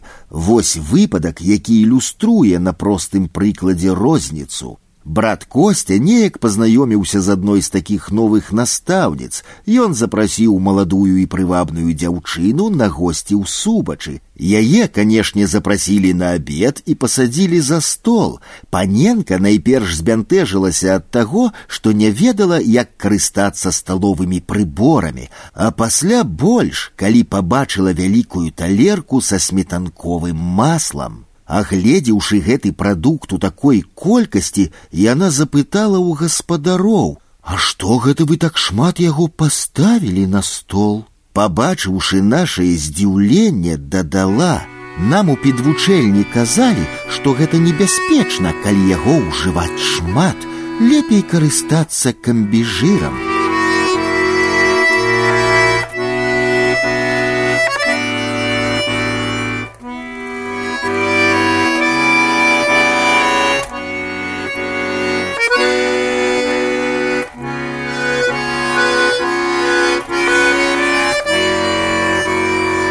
пан Эйманд. У гэты час адбылася яшчэ адна цікавая гісторыя, звязаная са школай, а дакладней з яе кіраўніком панам Эймантам. Заўсёды апрануты па мілітарнай модзе ў фрэнч, галіфе і бліскучыя хромавыя боты, падцягнуты і бадзёры, былы легіянер пілсудскага выкладаў у школе фізвыхавання і вайсковую падрыхтоўку і быў фігурай паважанай ды адметнай. Уладыслаў Эйманд быў этнічным палякам, нарадзіўся пад піцерам і падлеткам запісаўся ў легіёны пілсудскага. Пасля вайны заняў пасаду ў адукацыі. На дырэктарскай працы ён быў на сваім месцы, роўна ставіўся да ўсіх дзяцей незалежна ад нацыянальнасці і веравызнання. Калі ўваходзіў у клас і дзеці шумелі, ён спакойна садзіўся на крэсла і пачынаў задуменна круціць на пальцы ключы. Клас паціху змаўкаў і ён пачынаў занятак.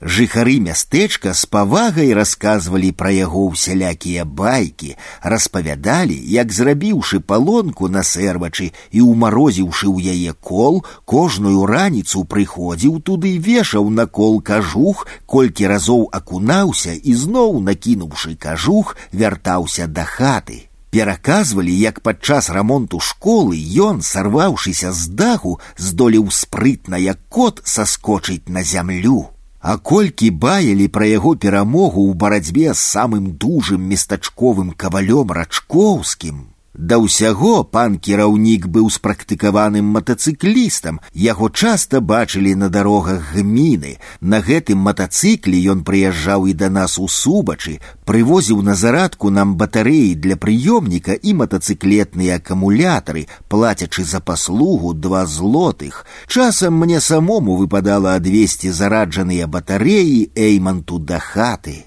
Апошні раз я прыехаў да яго ў лістападзе 39 -го года і стаў сведкам ягонага арышту.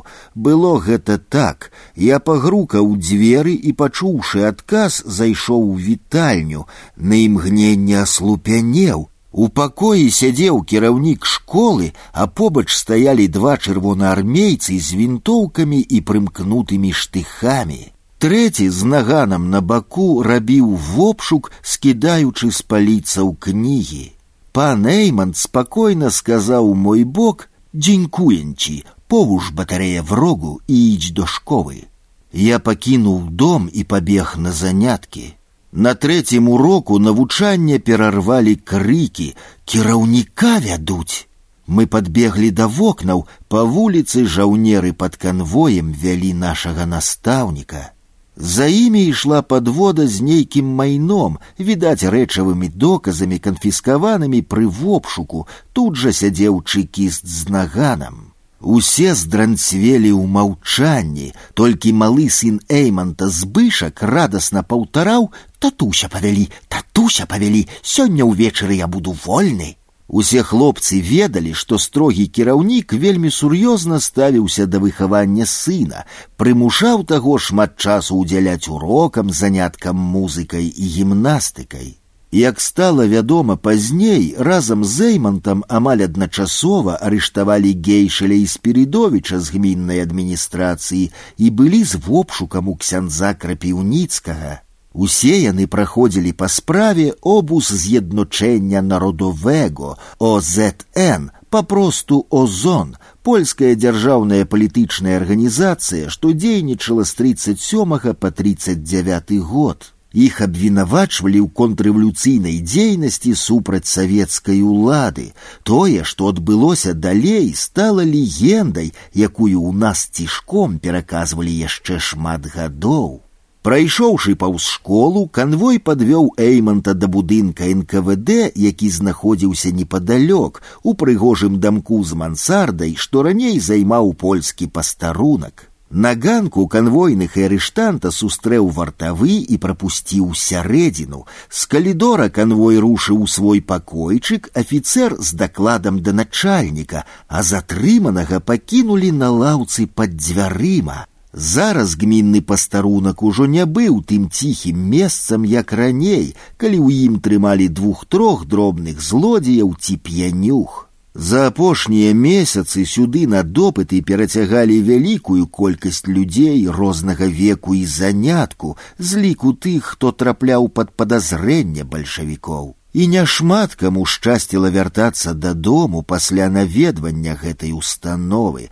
Усё часцей небаракаў адвозіў на станцыю чорны воран.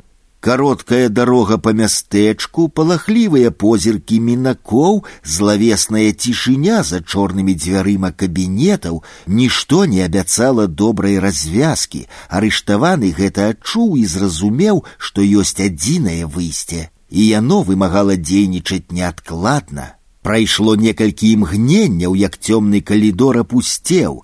Панэйман трэска скінуў з плячэй кажух, падняўся, з практыкаваным рухам паправіў фрэнч і цвёрдай хадой рушыў, не азіраючыся па калідоры да выхаду. Крокі гулкім рэхам разносіліся па памяшканні пастарунка і паміралі ў цёмных кутах.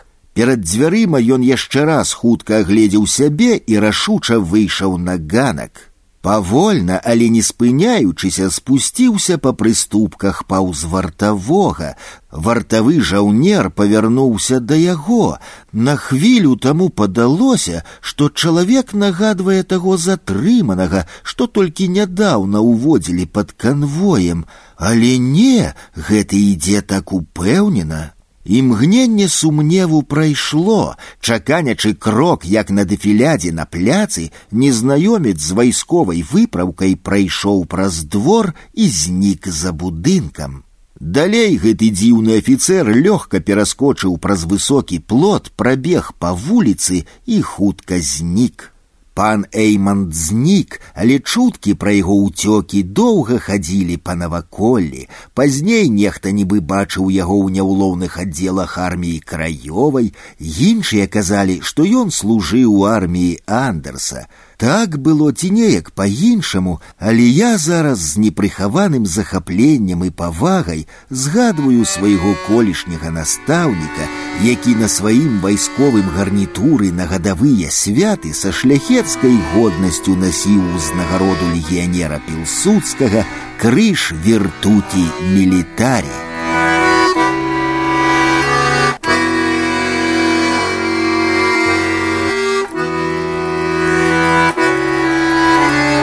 мілітарі. братэрскай сям'і савецкіх народаў. Тым часам змены ва ўсіх сферах жыцця рабіліся ўсё больш відавочнымі. Досыць хутка жыдоўскія крамкі напалову распрадалі свой тавар, напалову прыхавалі, памалу пачынаючы прадчуваць нядобрае. Зразумелі, што злоты выходзіць з абарачэння і сталі больш патрабаваць савецкія рублі. У гэты час па крывічах пайшла пагалоска пра з'яўленне першай у мястэчку савецкай кааператыўнай крамы. У дзень адкрыцця ляганка новай гандлёвай кропкі сабраўся натоўп. Калі дзверы адчыніліся і натоўп трапіў у сярэдзіну, яго вачам адкрыліся доўгія пустыя паліцы, на якіх з усяго асартыменту стаялі хлеб, махорка, піраміды запалак, мяхі солі, ды горкі сумнеўнага на выгляд гаспадарчага мыла, аднолькава непрыемнага як колерам гэтак і пахам. На тварах пакупнікоў з'явілася расчараванне і здзіўленне. Людзі даўно былі знаёмыя з пахнючым туалетным мылам розных колераў, і брудныя кубікі на паліцах іх відавочна не скарылі. Адзіным таварам, які выклікаў інтарэс, сталіся галёшы, але яны не маглі выправіць уражання ад новай крамы, бо былі прадстаўленыя, на жаль, адной толькі парай. Праўда, гэтыя галёшы захацелі купіць усе, пачаліся спрэчкі і сваркі прэтэндэнтаў на іх куплю. Лямант перарваў крамнік, што выгнаў усіх на ганак, выйшаў следам і, развярнуўшыся да натоўпу спінай, шпурнуў абодва галёшы ў розныя бакі са словамі: « Разбірайцеся цяпер самі, ды схаваўся ў краме. У апошнія дні кастрычніка прайшлі выбары ў народны сход заходняй Беларусі. Запомнілася тое, што новым уладам патрабавалася стопрацэнтная яўка і аднагалосная падтрымка кандыдатаў. А здзівіла іншае тым, хто прагаласаваў у імправізаваным буфеце выбарчага участка давалі палышцы цукру. Масавымі сталі арышты. Першымі пад увагу саветаў трапілі абшарнікі, паліцыянты, члены адміністрацыі, чальцы польскіх палітычных арганізацый. За імі ў пачатку саракавых асаднікі і леснікі. Дарэчы, прычыны арышту леснікоў, як правіла, нідзе ўцямна не тлумачацца, хаця сам факт часта фігуруе ў літаратуры. А між тым арыштоўвалі іх не толькі таму, што яны добра ведалі лес і былі ўзброеныя, але і таму, што польскія леснікі праходзілі спецыяльныя ваенныя курсы дыверсійнай скіраванасці. Вывучалі асновы арыентавання, маскіроўкі, падрыўной справы і былі патэнцыйна небяспечнымі для савецкай улады. Таксама рэпрэсіі закранулі асаднікаў, іх сем'і вывозіліся з асаблівым цынізмам. Злая прыдумка органаў заключалася ў тым, што іх не забіралі з хатаў, а прымушалі саміх прыязджаць на станцыі з рэчамі на сваіх жа падводах. Ім нават не тлумачылі, куды дакладна яны адправяцца, пакідаючы надзею, што мо пераселіць некуды недалёка. Спадзяючыся на лепшае, людзі не ўцякалі, не хавалі скарб, а збіралі самае каштоўнае і рушылі ў вызначанае месца. А вось са станцыі яны траплялі наўпросту высылку. Па прыездзе агаломшаных людзей грузілі ў эшалон, а вазы, коні і частку маёмасці тут жа канфіскоўвалі. У нашай сям'і ніхто не браў удзелу ў польскіх арганізацыях за выняткам хіба скаўтаў харцэжаў, куды дзяцей заахвочвалі ў школе. Ад першай хвалі рэпрэсій гэта абараніла, але не ўсім нашым сваякам пашанцавала гэтак жа ў тыя дні. Трагічна склаўся лёс сына цёткі Хрысціны, майго стрыечнага брата Івана Разанцава. Ён сустрэў другую сусветную ў шэрагах войска польскага, удзельнічаў у абарончых баях 39 -го года і трапіў палон да немцаў, паспяхова ўцёк і даў рады вярнуцца на радзіму. Па вяртанні ў родныя мясціны быў арыштаваны НКВД і закатаваны ў вялейскай турме ў 1940. -ым. Палітычныя рэпрэсіі дапаўняліся вялікім эканамічным уціскам, гаспадаркі абкладалі новымі натуральнымі і грашовымі паборамі. Да нас у субачы заявіўся агент бальшавікоў з мясцовымі актывістамі. Яны абмералі зямлю і правялі рэвізію ўсёй гаспадаркі. На карысць дзяржавы абрэзалі ажно 38 гектараў, пакінуўшы сям'і толькі 12. Непад'ёмнымі падаткамі абкладалася скаціна і іншая маёмасць. Нашая сям'я была вымушаная за бясцэнак распрадаць большую частку ўсяго майна, каб вызваліцца ад падатковага цяжару. У гаспадарцы засталіся два кані, карова і некалькі парсюкоў. Фінагент шчатыронак, які прыходзіў на наш кулацкі хутар субачы налічваць чарговую порцыю падаткаў, быў відаць па-свойму спагадлівым і сумленным чалавекам, бо цішком раіў нам распрадаваць усё і ўцякаць чым далей, папярэджваючы, што новая ўлада такі кантынгент у спакоі не пакіне і аднымі падаткамі ад яе хутка будзе не адкупіцца.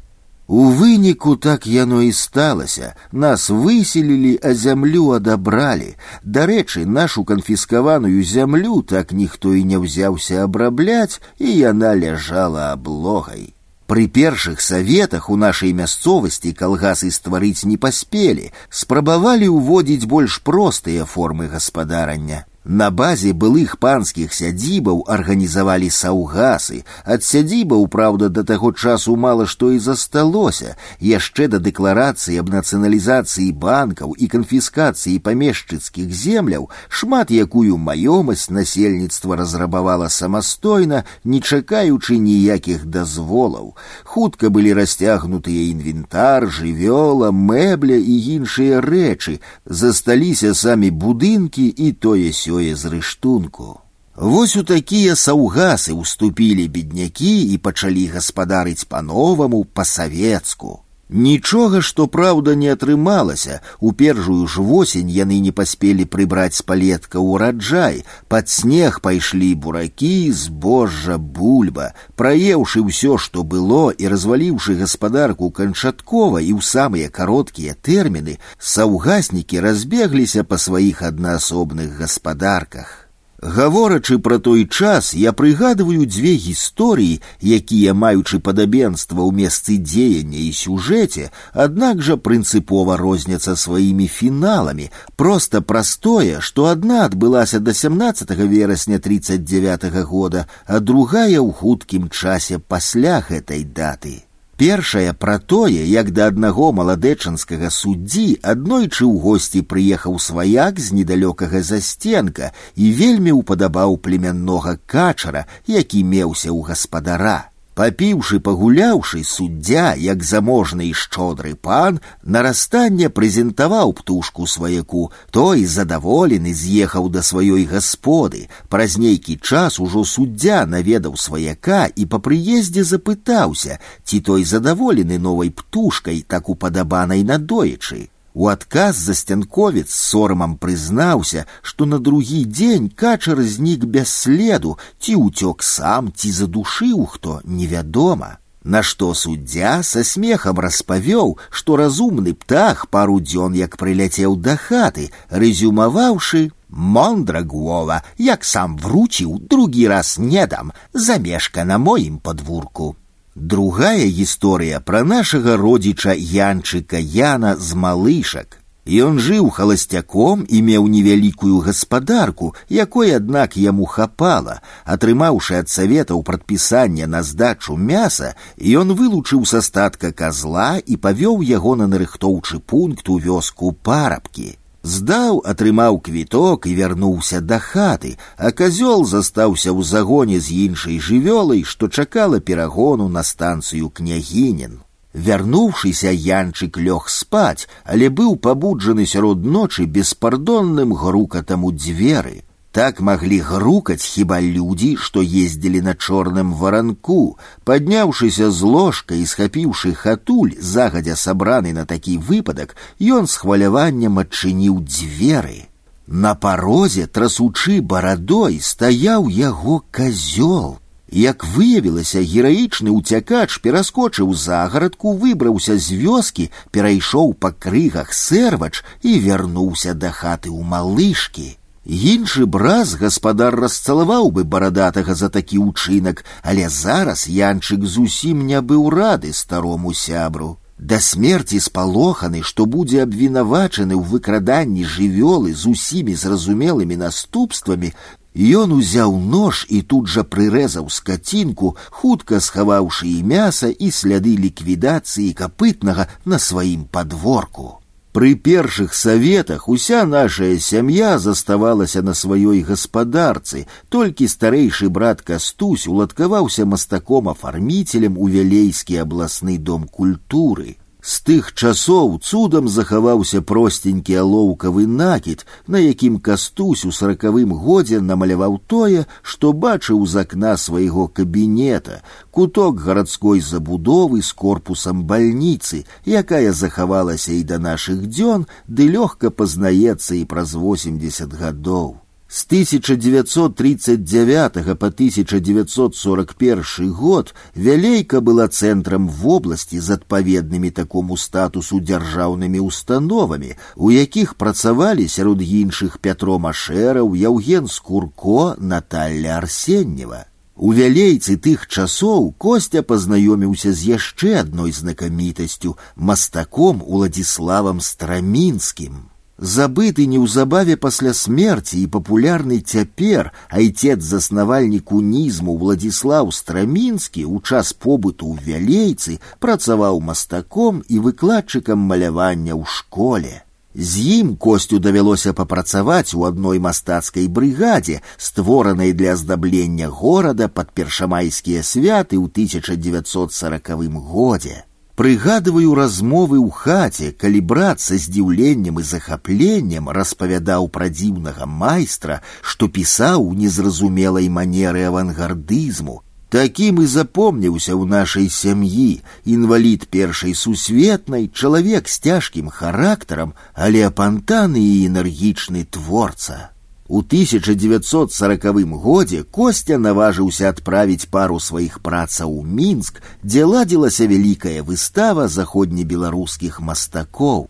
Яму прыйшоў адказ, што творы не падыходзяць па тэматыцы з прапановай прыехаць забраць іх. Відавочна, букалічныя сюжэты, створаныя пад уплывам польскай рамантычнай школы, не маглі выстаўляцца побач з узорамі сацрэалізму. Кастусь паперажываў, але не паехаў па тыя карціны. Назад яны так і не вярнуліся. У нас цудам захавалася некалькі акварэльных замалёвак і невялікіх карцінаў, пісаных алеем на палатне і кардоне пейзажаў.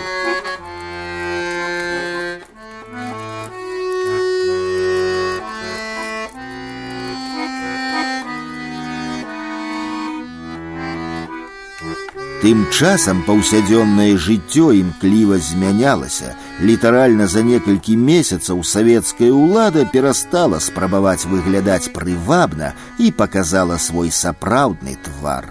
Арышты, пазасудовыя пакаранні, канфіскацыя зямель і маёмасці, несувымерныя з даходам падаткі. Вязніцы перапоўніліся арыштантамі, супраць якіх выкарыстоўваўся жорсткі фізічны гвалт пачалася высылка шкоднага элементу ў аддаленыя мясціны ССР. Сталі штампавацца вялікія тэрміны зняволення і смяротныя прысуды. Тым часам жыццё рабілася горшым, рэзка ўпаў узровень жыцця ўсіх без выключэння слаёў насельніцтва. Як сумна жартавалі ў заходняй Беларусі таго часу, саветы прыйшлі і вызвалілі нас ад сала, кілбасы і масла. Ад сябе дадам, што і ад кажухоў, бо ад таго часу народ стаў хадзіць усё болей у ватоўках. Чаканні не апраўдаліся, новая ўлада горка расчаравала людзей, але хутка ўсё ізноў кардынальна змянілася. Вялікая вайна, што грукатала ў Еўропе з 39 -го года, летам 41 прыйшла на нашую зямлю.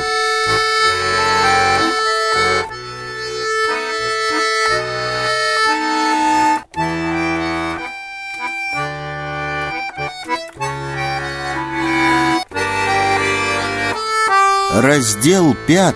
Нямецкая акупацыя. 1941.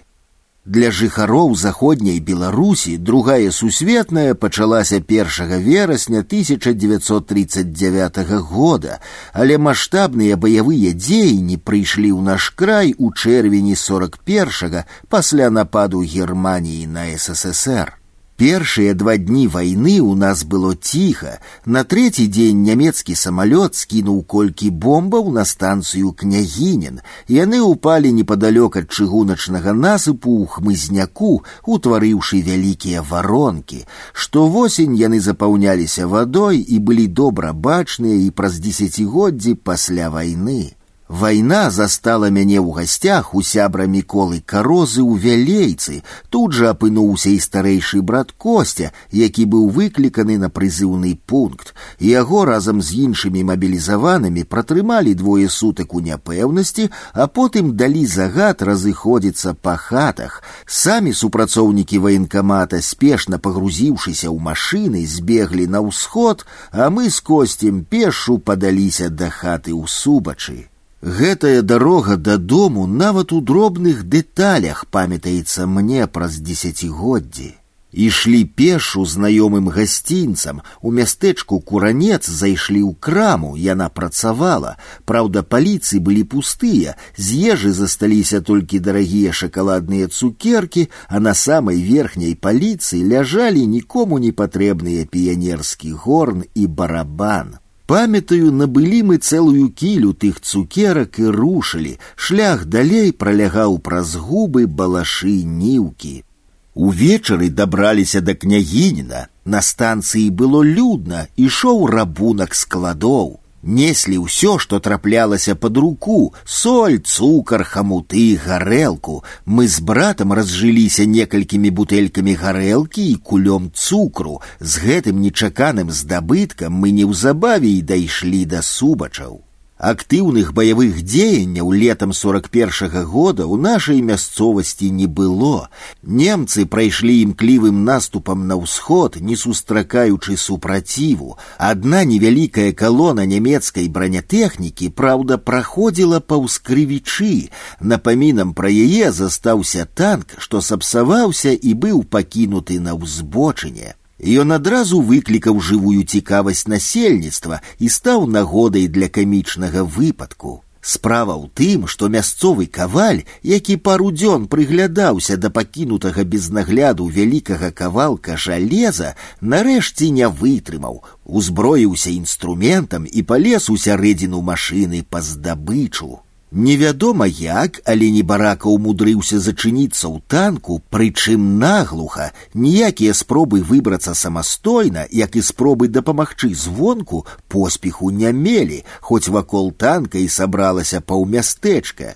Праседзіўшы дзень, бядак попрасіў паесці ды папіць, піў праз трубачку, а ежу тонкія блінцы атрымліваў праз адтуліну для агляду. Толькі праз суткі ў крывічы прыехала рамонтная брыгада, што і вызваліла каваля з пасткі.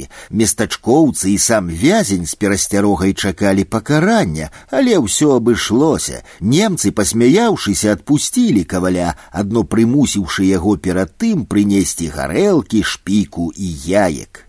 У саміх субачах першыя немцы з'явіліся на трэцім тыдні вайны. Гэта былі пяцёра салдатаў, пакінуўшы свае карабіны каля парога, яны ўвайшлі ў хату і на ламанай польскай мове попрасілі паесці. Маці выставіла масла, яйкі, сала, хлеб.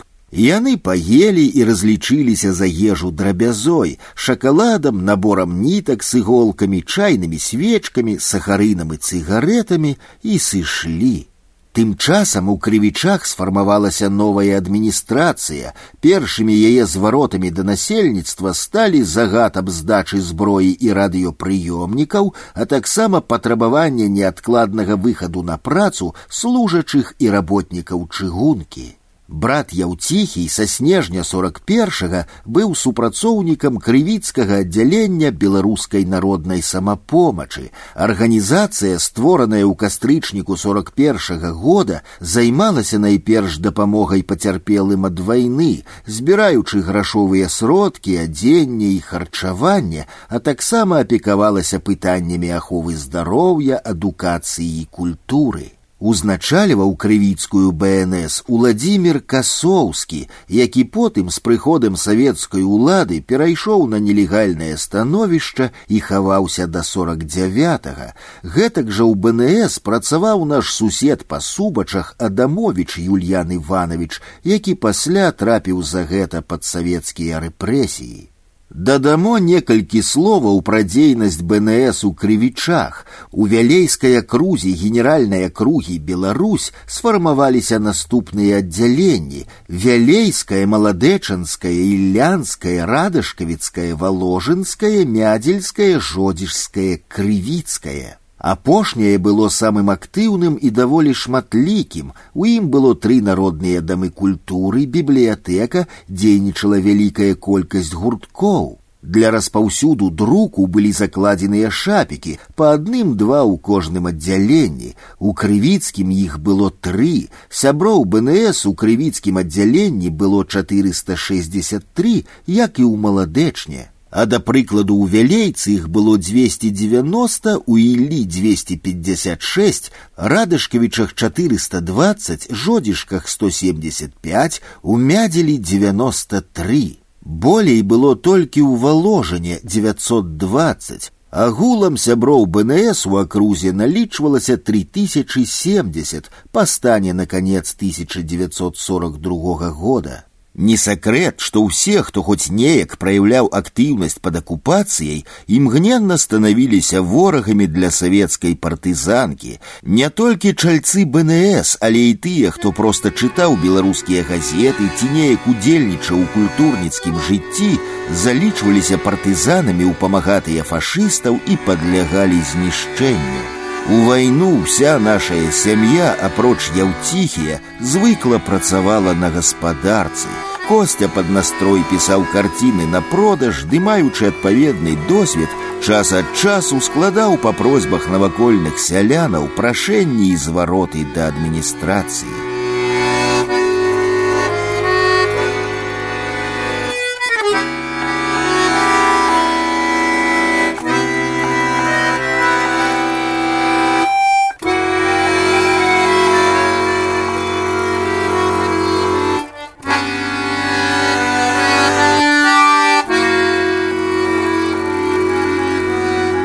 Халакост. З усталяваннем нямецкай улады пачаў дзейнічаць сумна вядомы план вынішчэння расава непаўнавартасных асобаў. Па мястэчках пачыналіся аблавы на габрэяў, ствараліся гета. Мясцовае беларускае насельніцтва ў бальшыні сваёй ставілася да габрэяў са спачуваннем і нярэдка дапамагала ім ратавацца ад смерці, пры гэтым рызыкуючы жыццём, не стала выключэннем і нашая сям'я. Неяк уночы напрыканцы жніўня 41 -го года яўціхій прывёў з крывічоў да нас габрэйскую сям'ю.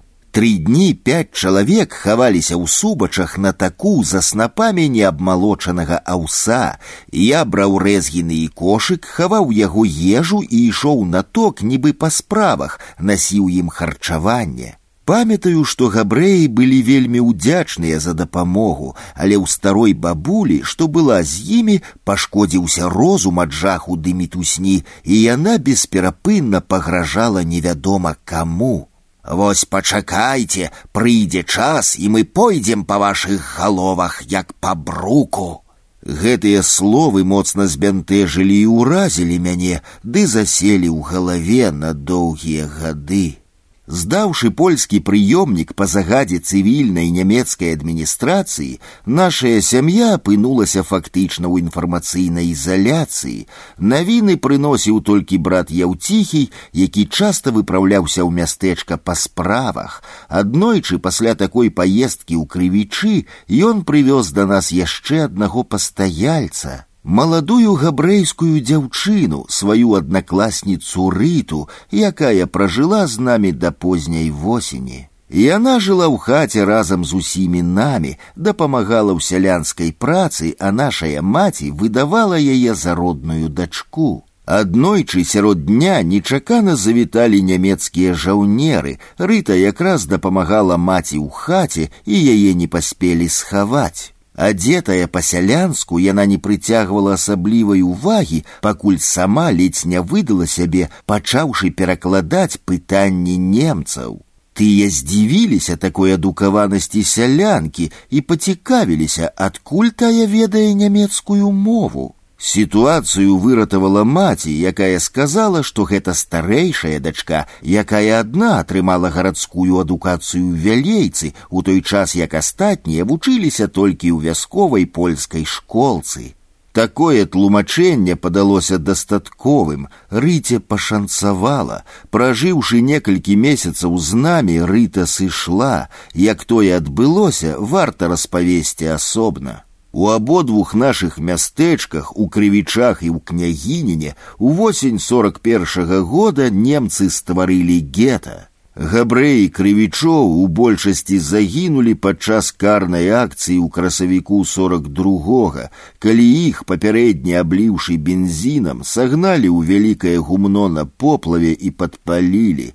Мала каму пашчасціла выратавацца, вязням княгінінскага гета пашанцавала больш, і яны выкарыстоўваліся на пагрузцы лесу ды іншых цяжкіх работах на станцыі і былі патрэбныя немцам у якасці працоўных працоўнай сілы. У княгінінскім гета былі габрэі з розных месцаў, прычым не толькі з Беларусі, таксама не з мясцовых быў габрэй, што пры каменданце гета быў за перакладчыка.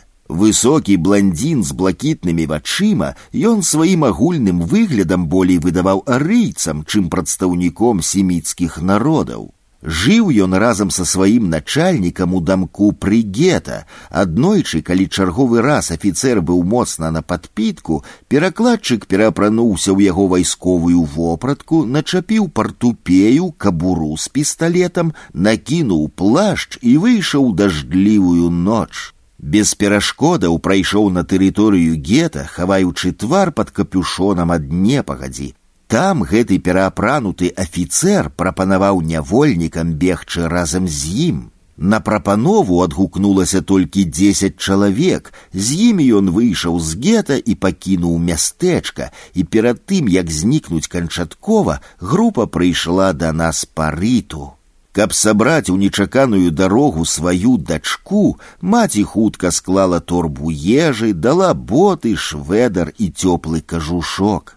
Уцекачы пайшлі за сэрвач праз брод каля вёскі малышкі, больш мы рыту не бачылі. Пасля вайны ў крывічы вярнуліся толькі дзве рыціны сястры, ад іх мы і дазналіся, што рыта загінула падчас блакады партызанскай зоны, Нейкі час мы памятаю падтрымлівалі з імі стасункі. Нашая сям'я дапамагала ім па магчымасці харчамі, хаця тым часам і сама ўжо цярпела нястачу. А калі чырвонае войска рэквізавала адзіную нашую кабылу на патрэбы фронту, рыціна сястра Люба, якая працавала ў адной з дзяржаўных установаў мястэчка, пайшла да адказнага начальніка і здолела дамовіцца, каб жывёлу вярнулі. У весну сорок пятага, каб аддзячыць, мы ўзаралі любі гарод і засадзілі яго сваёй бульбай. Недзе праз год сёстры выехалі ў палесціну будаваць сваю дзяржаву. Са з'яўленнем партызанаў рэшта ацалелых габрэяў пачала ратавацца ў лясах. Частым гостем на нашым хутары падчас нямецкай акупацыі быў і млынар мотка ходас. Да вайны ён разам з сям'ёй і старой матуляй жыў у хаце пры млыне ля хутара гуркі. Пасля знішчэння карнікамі габрэя ў мястэчку мотка вырашыў не чакаць сваёй чаргі і ратавацца. За вялікім касцяневіцкім балотам млынар змайстраваў зямлянку, у якую за адну ноч перацягнуў самае неабходнае з рэчаў і перавёз сям'ю дачок міру і басю, сына хевеля, жонку і старую маці. Час ад часу ходас прыходзіў у потай на хутар па ежу. Для яго адмыслова сушылі сухары, давалі гарох, крупы, бульбу. Апроч субача ў пошуках ежы мотка наведаваў і іншыя навакольныя паселішчы. Пазней у лесе ён зрабіў яшчэ адну больш надзейную схованку, куды і перабраўся неўзабаве, пабачыўшы неяк на пяску паблізу сваёй зямлянкі сляды незнаёмага абутку. Лес ратаваў ходаса да позняй восені сорок другога года, а пасля ён перайшоў на віцебшчыну ў бягомельскую партызанскую зону. У адным з атрадаў ходас узначалі ў партызанскую выведку. Вайну вся ягоная сям'я перажыла без стратаў, калі стратай не лічыць тое, што пасля вайны самотка стаў михаілам, бася ператварылася ў соню, хевель у мікалая. Недзе ў сямідзясятые мне давялося аднойчы сустрэцца з дзецьмі ходаса. Дзве дачкі сталі выкладчыцамі нямецкай мовы і пражылі рэшту жыцця савецкімі настаўніцамі. Сярод габрэяў былі і тыя, хто вырашыў не чакаць бяды і не хавацца па лясах, а самастойна выбірацца з небяспечнай зоны. Такім быў і Йосель рызнік. Першыя саветы ў 39 зрабілі Йоселя афіцыйнай службовай асобай, служачым местачковай нарыхтоўчай канторы. Яму былі выдзеленыя вазок і конь, цягаючыся па наваколлі савецкай цыдулкай у кішэні старога лапсердака, Йосель займаўся тым жа, чым і раней, збіраў рызё з надыходам вайны ён не разгубіўся а хутка уклаўшы хатні скарб на калёсы усадзіў сям'ю і навязаўшы на дыла казу падаўся ў эвакуацыю Дзе сам, дзе чыгункай, у выніку ён апынуўся ў Алмаце. Там, у далёкай Азіі, рызнік усю вайну адпрацаваў па спецыяльнасці, а з усталяваннем міру здаў каня з васком пад распіску мясцовым уладам і вярнуўся зацалелай сям'ёй і чыстым сумленнем на радзіму, у ціхае беларускае мястэчка, дзе за праяўленую пільнасць пры захаванні сацыялістычнай маёмасці быў прызначаны старшынёй сельсавета. Праўда, на пачэснай пасадзе Ёсель прабыў усяго некалькі гадоў і неўзабаве папрасіўся на іншую працу. Калі яго знаёмыя, здзіўленыя гэтым рашэннем, пыталіся пра прычыны, што вымусілі кінуць цёплае месца, былы рызнік адказваў наступнае: Ой, вы ведаеце, гэта была такая шкодная праца, у мяне ўвесь час балела шыя, як я ішоў па мястэчку, то ўсе віталіся, і я мусіў ім ківаючы адказваць: Здрасце, здрасце.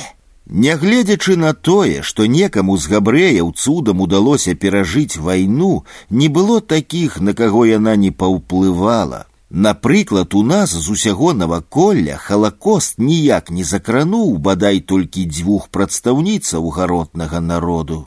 Абедзве жанчыны яшчэ да вайны пабраліся шлюбам з беларусамі і прынялі хрысціянства, і яны пражылі ўсю вайну на сваёй гаспадарцы, займаючыся часаннем воўны, і немцы іх не чапалі.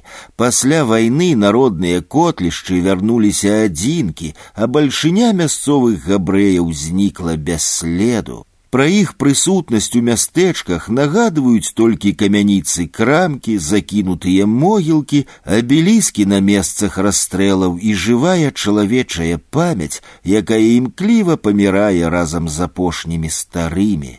Адзінае суцяшэнне, што памяць гэтая, як правіла, добрая. Вось які ўспамін, напрыклад, захаваўся ў сям'і нашага знаёмца Рыгора Пракопчыка. Бацька рыгора мікіта пракопчык жыў у апошнім дамку на вуліцы, што межавала з габрэйскім канцом мястэчка. Па жыцці ён быў чалавекам праўдзівым ды разважлівым, ставячыся да людзей так, як яны таго заслугоўвалі, не падзяляючы іх на рускіх палякаў ці габрэяў. Стасункі з суседзямі іншаверцамі не былі нейкімі адметнымі, але роўнымі і ўзаемапаважлівымі ды нічым асаблівым не праяўляліся да часу. Пачалася вайна, і над габрэямі навісла пагроза знішчэння. Да мікіты зайшоў стары паважаны габрэй, галава вялікай сям'і і распачаўшы сваю гутарку словамі: « Ты ведаеш нас, мы ведаем цябе, попрасіў суседа пагадзіцца схаваць іхнія каштоўнасці ў сябе на час нямецкай навалы. Атрымаўшы згоду, ён паставіў яшчэ адну прынцыповую умову захоўваць багацце дзесяць гадоў і аддаць яго любому з радзіны старому ці малому, хто здолее вярнуцца жывым. Калі ніхто цягам гэтага тэрміну не аб'явіцца, распараджацца самому як заўгодна, на тым і разышліся. Скончылася вайна, згодна дамове мікіта чакаў вызначаны тэрмін, але ніхто так і не з'явіўся. Не маючы больш абавязкаў, новы гаспадар скарыстаўся пакінутым майном. Габрэйскае золата дазволіла беларусу мікіту стаць на ногі і вывучыць яго чатырох сыноў, якія сталі адпаведна святаром, інжынерам, настаўнікам і доктарам. у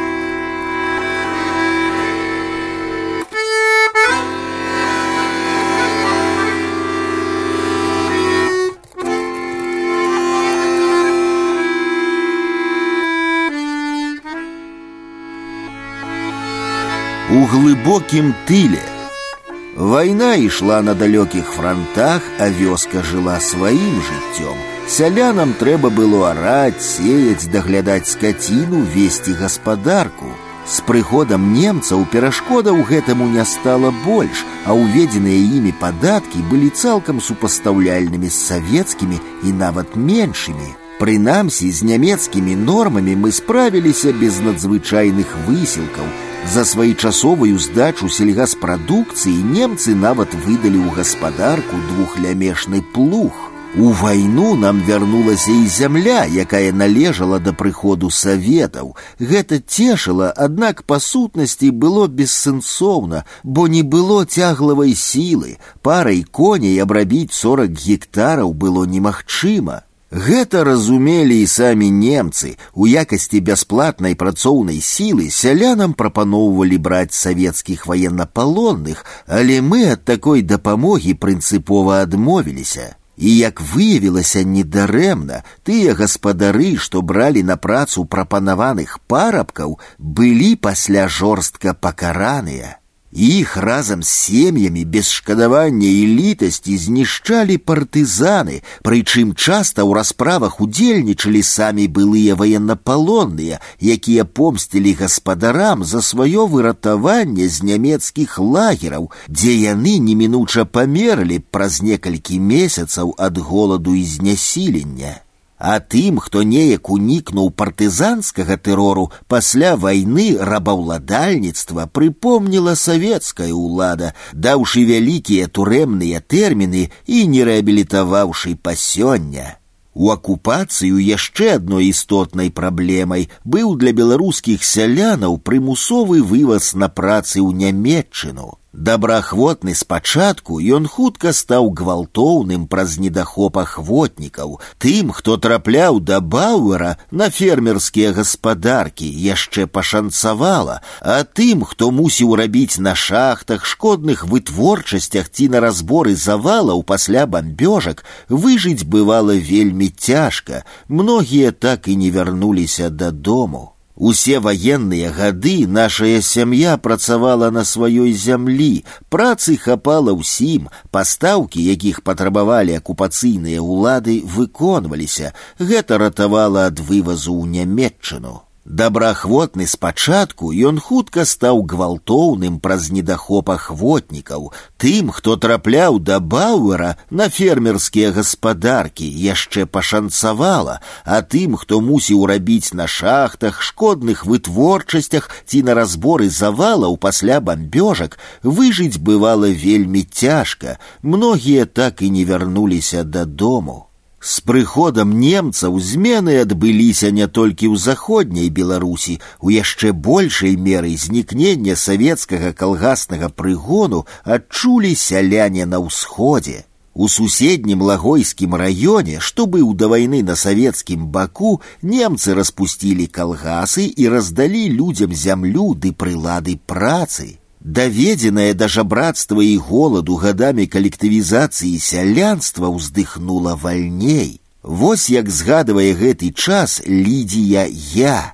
Да вайны мне было шэсць гадоў, я амаль не магла хадзіць, бо ад недаядання ў мяне пухлі ногі і балелі суставы. Бацькі працавалі ад ранку да ночы ў калгасе, а есці дома не было чаго.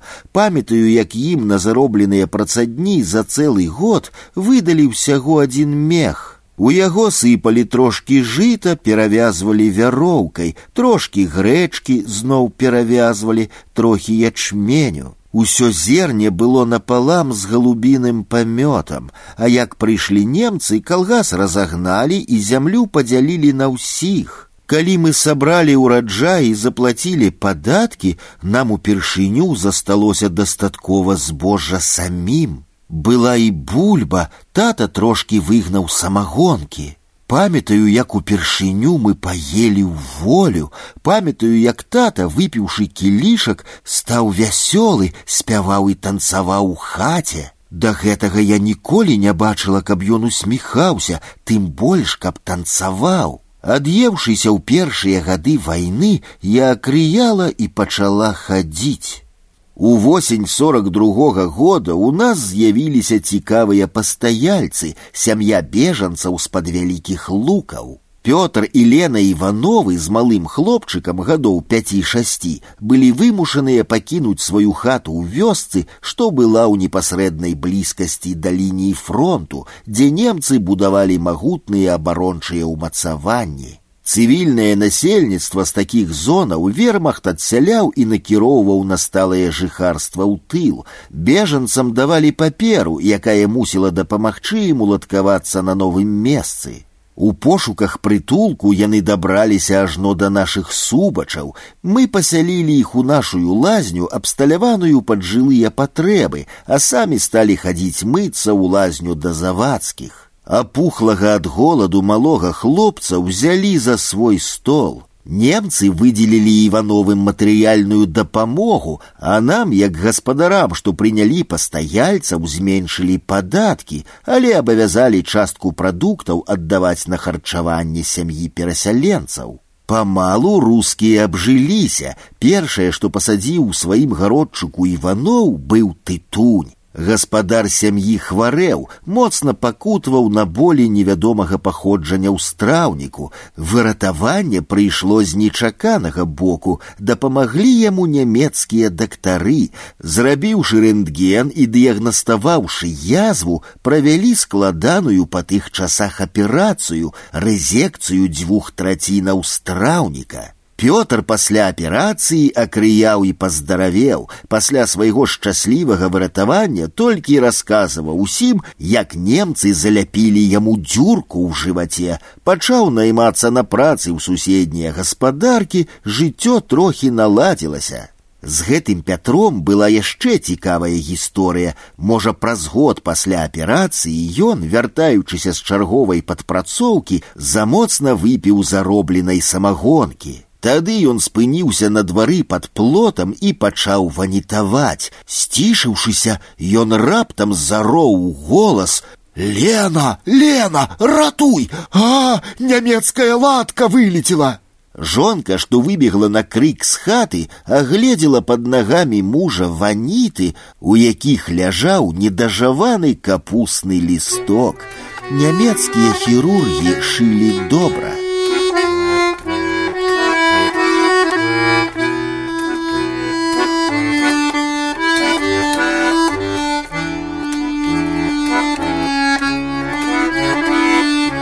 Шурка Манькоўскі. Да пачатку зімы 43 -го года ў нашай мясцовасці было спакойна, за выключэннем гісторыі на чыгунцы ў лістападзе 42 -го года. Галоўным героем яе стаў просты княгінінскі хлопец Александр Манькоўскі. Пайшоўшы па татавых слядах шурка, як клікалі яго ў мястэчку, скончыў сувалкаўскую чыгуначную вучэльню і пачаў працаваць перад другой сусветнай на станцыі стрэлачнікам. З прыходам немцаў як патрэбны спецыяліст застаўся пры сваім занятку. Нядрэнна валодаючы мовай новых гаспадароў, дваццацігадовы хлапец асвойтаўся з умовамі, прыжыўся сярод немцаў, якія на пачатку акупацыі паводзілі сябе даволі прыстойна і не давалі асаблівых падставаў для антыпатыі. Паволі ішоў час, на ўсход беглі цягнікі, вярталіся, збіралі новых салдатаў і зброю і рушылі ізноў да Масквы, імкліва праносячыся праз маленькую станцыю і зрэдку спыняючыся па тэхнічных патрэбах. Стрэлачнік шурка штодзень рабіў сваю няхітрую справу. Неўзабаве прыйшла восень сорок другога года. Рухавік вермахта ўжо скідаў абароты, ды ўсё ж з-за інерцыі, зададзенай планам маланкавай вайны, яшчэ быў здольны на перамогі. Адна з іх і прыпала на ціхі лістападаўскі дзень, дзе дакладна праявіліся германскія мужнасць і ваенны талент, шурка не ведаў, ды зрэшты вялі вялікай розніцы не было, бо глыбокі тыл жыў жыццём, якое мала змянялася ад такіх падзеяў. Асаблівасцю было хіба тое, што персанал чыгуначнай станцыі на чале з камендантам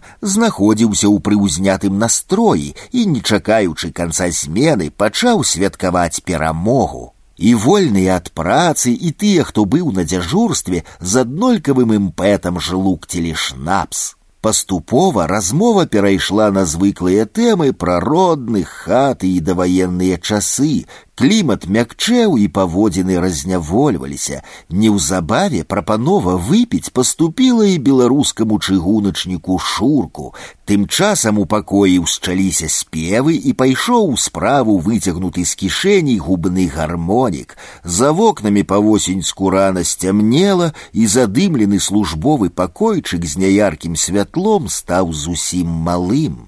Нягледзячы на гэта у ім сабралася ўся абслуга чыгункі і ўжо не разбіраючы чыноў балявала як у апошні раз на забытай богам станцыі сярод чужых лясоў падмацоўваючы сваю арыйскую годнасць мясцовым самагонам што пайшоў справу па досыць хуткім сканчэнні шнапсу не дзіўна, што зумер тэлефоннага апарата ў пакоі дзяжурнага па станцыі пачуў неадказны за яго немец, а больш цвярозы ці мо проста абраны лёсам шурка. З нейкім няўцямным, але адначасова рашучым настроем, без папярэдніх развагаў ён падняў слухаўку і рыхтык так, як гэта рабіў шмат разоў дзяжурны, адрапартаваў па-нямецку станцыя княгінін на дроце. На тым баку праз шоргат і тлум манатонна і хутка прамовілі, вялейка просіць вольны праход на полацак. Ёсць праход. Гэтак жа спраўна і абыякава адказаў выпадковы дзяжурнай. Шурка паклаў слухаўку і выйшаў з кабінета. Усё было нібы ў сне. У калідоры па-ранейшаму чуліся гукі п'янай гутаркі, якія распораз перарывалі няўдалыя запевы. Ніхто нічога не чуў. Не паспеў хлопец ачомацца, як ізноў патрабавальна цвэнькнуў тэлефон на стале ў пустым кабінеце.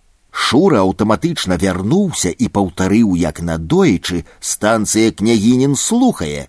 Буцлаў патрабуе праход на вялейку, пачулася здалёк. Праход дазваляем. Без ценю сумневу суха і коротка выклаў дзяжурны. Пасля няспешна выканаў яшчэ адзін абавязак, што выходзіў па-за яго кампетэнцыю, адчыніў уваходныя семафоры на адзін шлях з двух бакоў.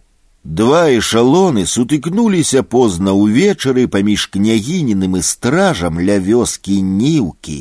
Абодва цягнікі разам з бальшынёй вагонаў зваліліся пад адхон. Непрыдатныя для рамантавання яны ляжалі там да канца вайны, і да іх працяглы час хадзілі мясцовыя кавалі па вугаль, што высыпаўся з тэндараў. Яшчэ даўжэй хадзілі чуткі пра першую буйную і дужа ўдалую акцыю партызана ў гэтых краях. Што не кажыце, а гэта быў подзвіг, як вядома, дзе ён там і ўзнагароды, быў бы герой. Героі знайшліся, першая іх частка нямецкія служачыя станцыі.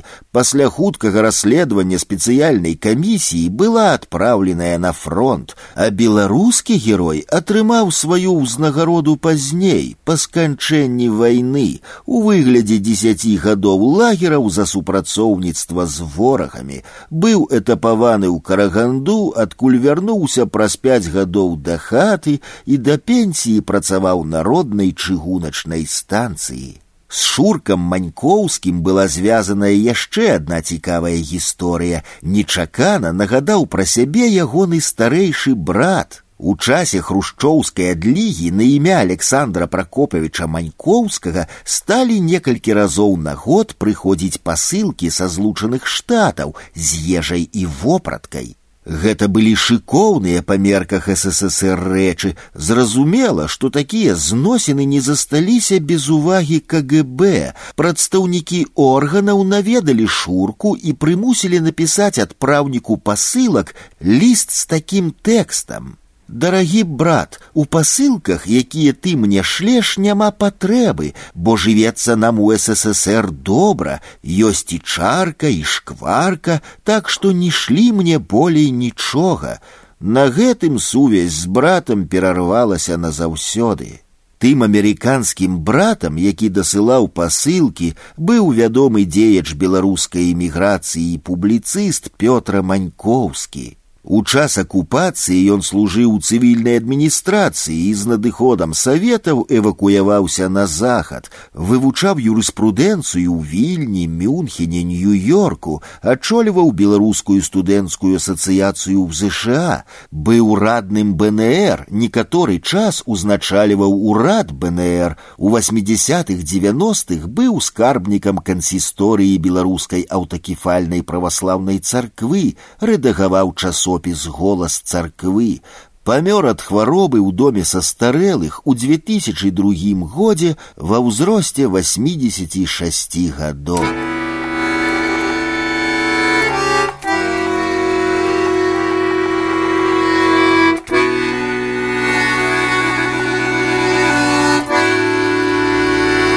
Партизаны и паліцаі Што да сапраўднай актыўнасці партызанаў, на пачатку яна ўвасаблялася найперш у малазаўважных лакальных акцыях супраць паліцыі і ў шырокім добра арганізаваным рабаўніцтве мясцовага насельніцтва.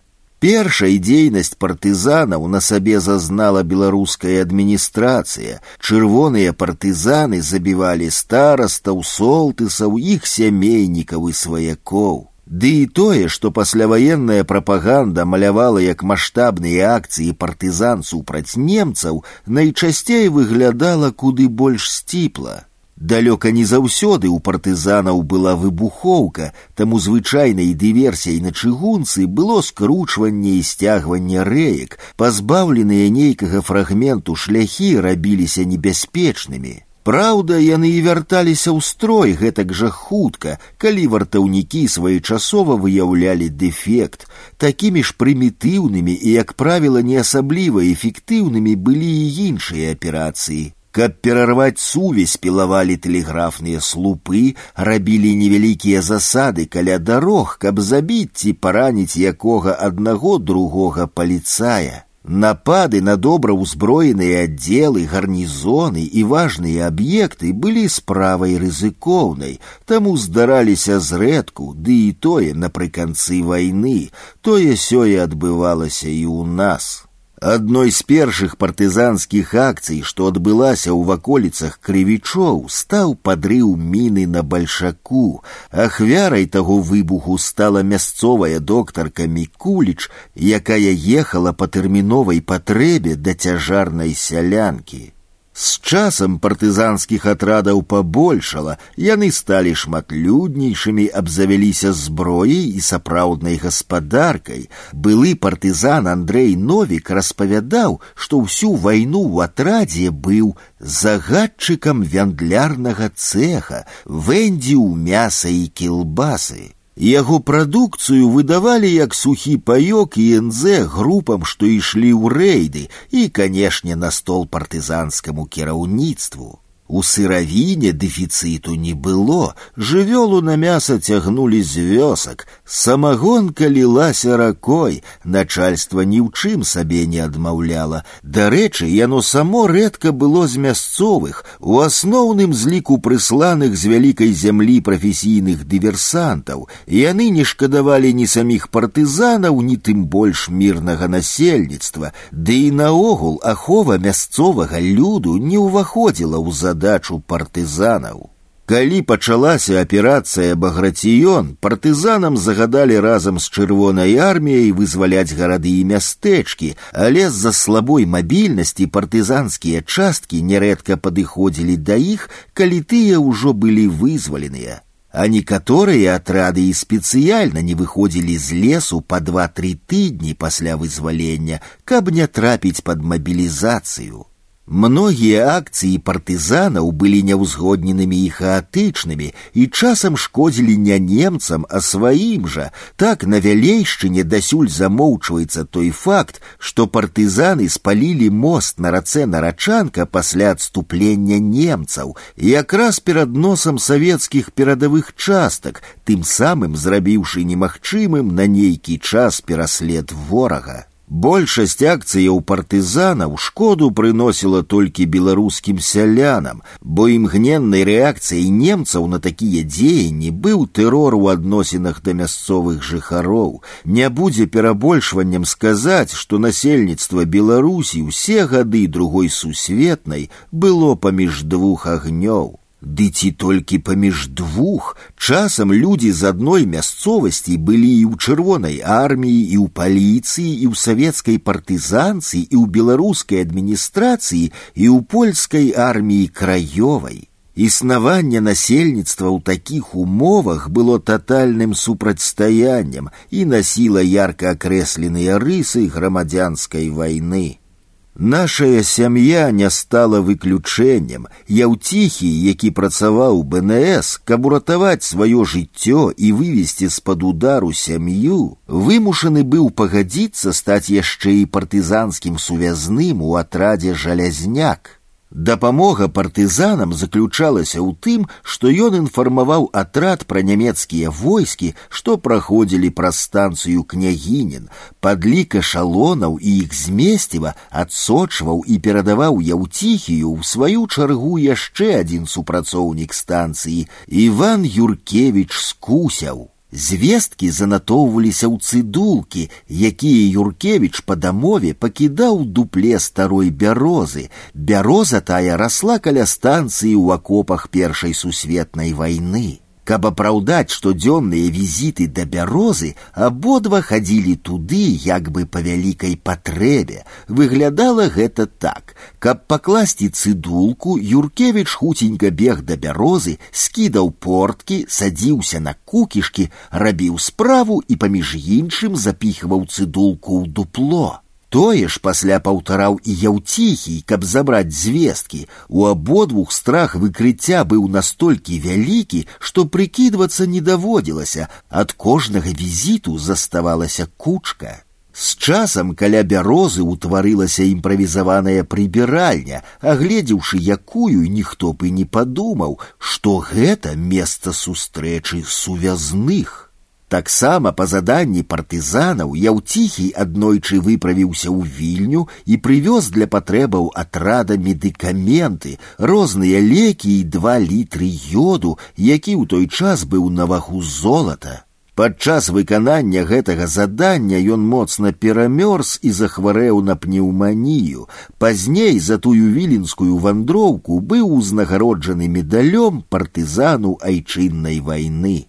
Партызанскі тэрор зазналі і нашыя сваякі. Цётка Лізавета, што выйшла за Паўла гайлу ў вёску паграбішча хаценчыцкай воласці, жыла займаючыся звычайнай сялянскай працай, але і ў сям'і цёткі не абышлося без трагедый тыповых для таго цяжкага часу. Нечакана атрымала працяг гісторыя, што распачалася яшчэ за Польшчай.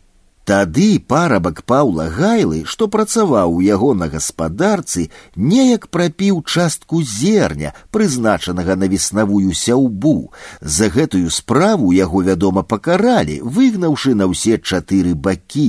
Нягеглы работнік знік, і на яго хутка забыліся. Мінула некалькі гадоў, і вось падчас нямецкай акупацыі той парабак вярнуўся чырвоным партызанам.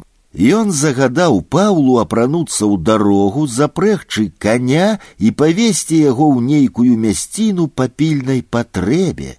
Яны выехалі з падворка, праз нейкі час за вёскай прагучаў стрэл. Усе адчулі нядобрае, але сярод ночы пабаяліся ісці глядзець, што адбылося. Толькі раніцая гледзелі за вёскай мёртвага Паўла, забітага тым адзіночным стрэлам. Ні каня з санямі, ні вопраткі пры ім не было. Сын Лізаветы Мікола, выпускнік віленскага камерцыйнага вучылішча, падчас вайны служыў у ілянскай цывільнай адміністрацыі. Як наш яўціхі ён быў звязаны з мясцовым партызанскім атрадам і выконваў заданні па іх даручэнні. З'яўляючыся сваім чалавекам для лясных мсціўцаў, ён пачуваўся ў адноснай бяспецы, аж пакуль у навакольных лясах не з'явіўся яшчэ адзін атрад, Праўда, партызанамі гэтыя людзі не з'яўляліся. Гэта была звычайная кодла крымінальнікаў са зброяй, якая тэрарызавала ваколіцы. Аднойчы мікола гайла упэўнены, што і гэты партызанскі атрад ведае яго як сувязнога, смела выправіўся за бозам па дарозе, дзе чакала іхная засада. Зразумела, што бандыты нічога не ведалі пра дамовы сувязнога з партызанамі. З прыдарожных кустоў грымнулі стрэлы. Мікола гайла загінуў у выніку кароткай перастрэлкі.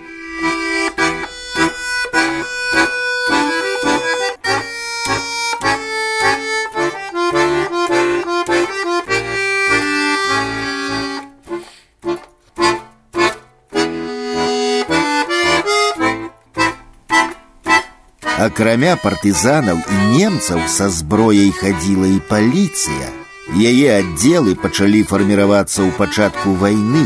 Першым часам набіралі добраахвотнікаў, пасля прымусова мабілізавалі, так здаралася, што палова адной вёскі ішла ў паліцыю, а другая ў партызаны. Потым на пачатку паліцаі палілі тую палову вёскі, дзе былі партызанскія хаты, пасля партызаны палілі іншы канец паліцэйскі. Так, напрыклад, згарэла мястэчка вязань на вялейшчыне. Некаторыя паспявалі за вайну паслужыць і ў адных і ў другіх гаспадароў, мяняючы форму па меры жыццёвай неабходнасці. З заканчэннем вайны звядзення рахункаў працягнулася. Тым нямецкім памагатым, якім пашчасціла перажыць вайну, савецкі ўрад даў немалыя тэрміны за калабарацыю, але нават пры гэтым невядома, каму пашанцавала больш, бо і партызанаў не пакінулі ў спакоі. Вызваляючы заходнія вобласці Беларусі, савецкае камандаванне фактычна ўзяло курс на знішчэнне ўсіх мужчынаў прызыўнога ўзросту, што пабылі пад акупацыяй. Даверу не было ані паліцаям, ані партызанам. Усе, хто перажыў немцаў, заплямілі сябе і былі пад падазрэннем. Таму адзіным варыянтам даказаць адданасць радзіме была служба ў шэрагах чырвонай арміі. Усе свежа прызваныя, часам зусім без баявога вопыту байцы тут жа накіроўваліся на перадавую. Сталін па трупах ішоў на Берлін, каб папярэдзіць саюзнікаў. Адзін былы паліцай распавядаў, што пайшоў вайной у паліцыю і не прагадаў, як вайна скончылася, атрымаў 10 гадоў лагераў, адбыў і прыехаў дадому, а ў вёсцы нікога з аднагодак, што былі ў партызанах у жывых не застаў. Вайной яны спакойна адседзеліся ў лесе, а па вызваленні іх тут жа мабілізавалі ў чырвоную армію і адправілі пад Кёнігсберг адтуль ніхто з іх не вярнуўся. Партызаны займаліся яшчэ і адкрытым рабаўніцтвам. Абсалютна ўсё, што было патрэбна для жыцця ў лесе, атрады бандытаў куставікоў, як завочы называлі сяляне партызанаў, забіралі ў сялянаў. Свойская жывёлы і коні, інструменты, адзенне, харчы і любыя каштоўнасці ўсё ўваходзіла ў сферу інтарэсаў партызанаў, адмовіць падпісаць сабе і сям'і смяротны прысуд. У сваіх рэквізіцыях яны перасягалі немцаў, напрыклад, у вёсцы качанкі сучасны вялейскі раён.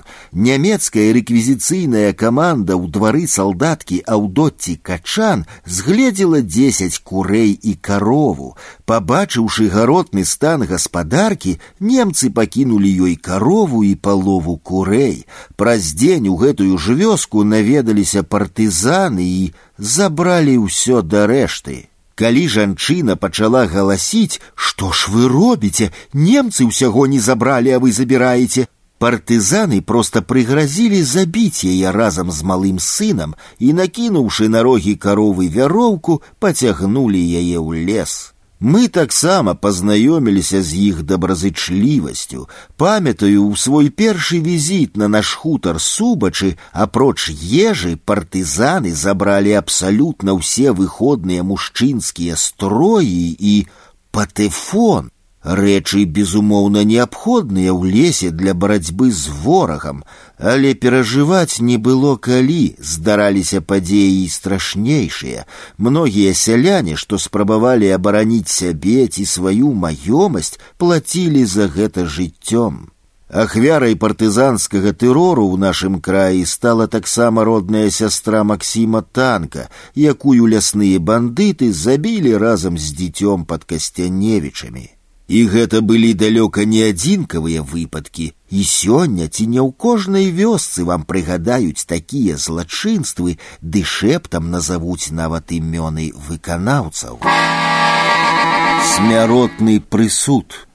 З зімы 44 па загадзе НКВД і цэнтральнага штаба беларускага партызанскага руху пачаліся акцыі па ліквідацыі беларускіх актывістаў і удзельнікаў нацыянальнага руху на акупаваных тэрыторыях. Аперацыі насілі карны характар і недвухсэнсоўна тлумачылі стаўленне савецкай улады да любых праяваў самастойнасці, якая спрабавала пускаць парасткі на акупаваных тэрыторыях ССР. Савецкія партызаны палілі беларускія школы, знішчалі ўстановы, забівалі настаўнікаў, удзельнікаў беларускіх арганізацый і іншае. У гэты час быў беспадстаўна і жорстка забіты настаўнік суседняй вёскі цярэшкі Дударэвіч Константин Антонович. Народныя мсціўцы расстралялі яго проста на ганку беларускай школы, якую ён спрабаваў абараніць ад падпалу.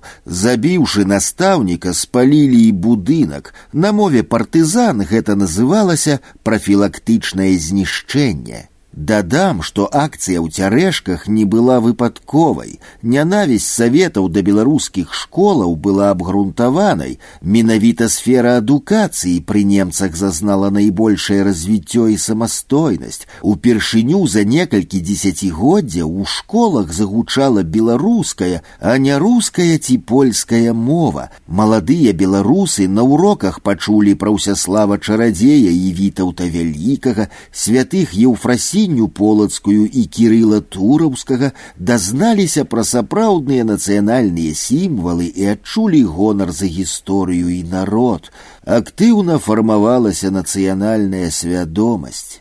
Памятаю, што ў нас навакольныя школы пачалі працаваць з кастрычніка 41 года. Спачатку вучыліся па савецкіх падручніках, а потым у дапамогу настаўнікам матэрыялы пачалі друкаваць у газетах. Хутка з'явіліся і дапаможныя брашуры па-беларуску, у тым ліку для пераходу на лацінку рускай мовы не выкладалі наогул, прадметы вывучаліся толькі па-беларуску. Уся марксістска-ленінская лухта з навучання была выкінутая, але і нямецкая ідэалогія асабліва не пранікала б навучальны працэс, абмяжоўваючыся партрэтам фюрара ў нейкім кабінеце. Наогул знікненне савецкай ідэалогіі ў галіне культуры і адукацыі нават на гэтыя кароткія гады стала сапраўдным выратаваннем беларускай нацыі. Стаўшы плацдармам для барацьбы дзвюх таталітарных сістэмаў, Беларусь насуперак усяму, нават сцякаючы крывёй, здолела схапіць глыток свежага паветра. Гэты ўздых адчуваецца і дасюль. Менавіта беларусізацыя ваеннага часу стала мастком, па якім беларускасць двадцатых пераскокнула ў адраджэнне девяностых. Тым часам над субачамі таксама навісла бяда. Партызаны занеслі нашую сям'ю ў спісы на прафілактычнае знішчэнне праз працу яўціхія ў БНС. Але мотка Ходас і яго сябра Левін, што былі ўжо ў мясцовых партызанах, даведаўшыся пра карную аперацыю, прыйшлі да нас у хату і, дачакаўшыся расстрэльнай каманды, здолелі іх пераканаць адкласці выкананне задуманага. Болей не рызыкуючы блізкім суседствам з партызанамі, мы перабраліся жыць у мястэчка крывічы. Ацалець пры вынясенні такога прысуду было сапраўдным цудам. Нашыя габрэі зрабілі нам шматкроць больш, чым унясенне ў спіс праведнікаў свету, і яны аддзячылі нам за дапамогу напоўніцу, выратаваўшы нашыя жыцці, як некалькімі гадамі раней зрабілі мы для іх. Неўзабаве прыйшла вясна 1944, завяршаліся апошнія месяцы нямецкай акупацыі. У гэты час адбылася яшчэ адна сустрэча, якая запомнілася мне на доўгія гады.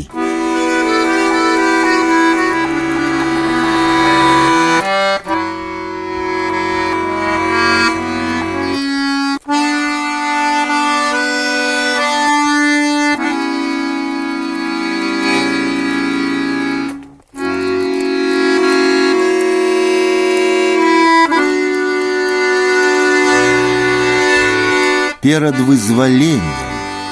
Аднойчы, калі я вяртаўся дадому з крывічоў, на перарэз майму васку з будынка чыгуначнай станцыі вылецеў маладзенькі нямецкі афіцэр. Я прыпыніўся і агледзеў яго. Гэта быў учарашні падлетак. Худы і вуглаваты ён аглядаўся па баках, нібы ў пошуках дапамогі.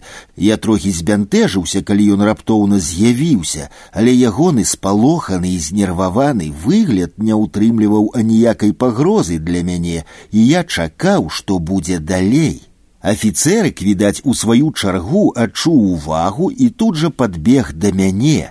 С пятага на дзясятае ён здолеў патлумачыць сваю праблему. Выявілася, што яму лейтенанту далі першы адпачынак і дома яго вельмі чакала мама, а цягнік, на якім ён меўся ехаць дадому, на праклятым прыпынку крывічы не спыняўся. Вайсковец быў у роспачы да станцыі княгінен, дзе можна было падсесці на патрэбны цягнік, было ажно пять кіламетраў, але часу заставалася ўсяго двадцать хвілін, і адолець такую адлегласць пешу не ўяўлялася магчымым. Я зразумеў, што яму была патрэбная дапамога, і я быў адзіным, хто хутка мог яму дапамагчы. Тым часам лейтенант змоўк, ён ні пра што не прасіў і не загадваў, толькі выклаўшы сваю бяду, стаяў ля майго васка, трымаючы ў руках свой невялічкі фібравы чамадан, у якім быў увесь ягоны скарб. Павісла цішыня, і ў гэты момант нешта ўва мне адгукнулася на ягонае няшчасце, і я знакам паказаў закідваць рэчы і сядаць. Не шкадуючы коня, мы ляцелі па раскіслай веснавой дарозе, пераадольвалі велізарныя лужыны і ныралі ў глыбокія каляіны. Памятаю, як на нейкім маленькім мастку ўжо недалёка ад княгініна колы саскочылі з дошак і мы ледзь не перакуліліся. Ад моцнага штуршка чамаданчык вайскоўца паляцеў на зямлю і раскрыўся. З яго вылецеў стосік акуратна складзенай бялізны, нейкая драбяза і, выкруціўшыся з газеціны, на зямлю выпала курыца, салдацкі гасцінец для маці. Саскочыўшы на зямлю, мы апынуліся па калена ў халоднай лужыне, перапэцкаліся, але далі рады паставіць калёсы на цвёрдае месца. Засопшыся і змакрэўшы ўшчэнт, мы дабраліся да станцыі якраз тады, калі там ужо стаяў цягнік. Лейтенант паспеў ускочыць на прыступку і раптам абярнуўся і нахіліўся, каб абняць. Нашыя народы ваявалі, але мы ў той момант не былі ворагамі.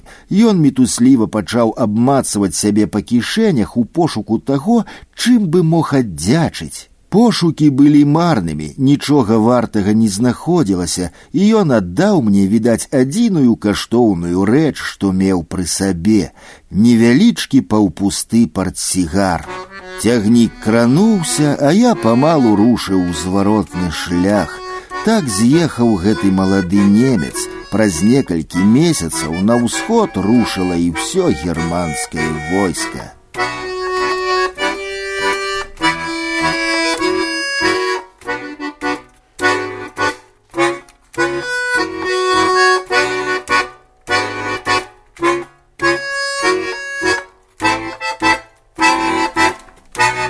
Адступленне вермахта было гэткім жа імклівым, як і прыход у сорок першым годзе.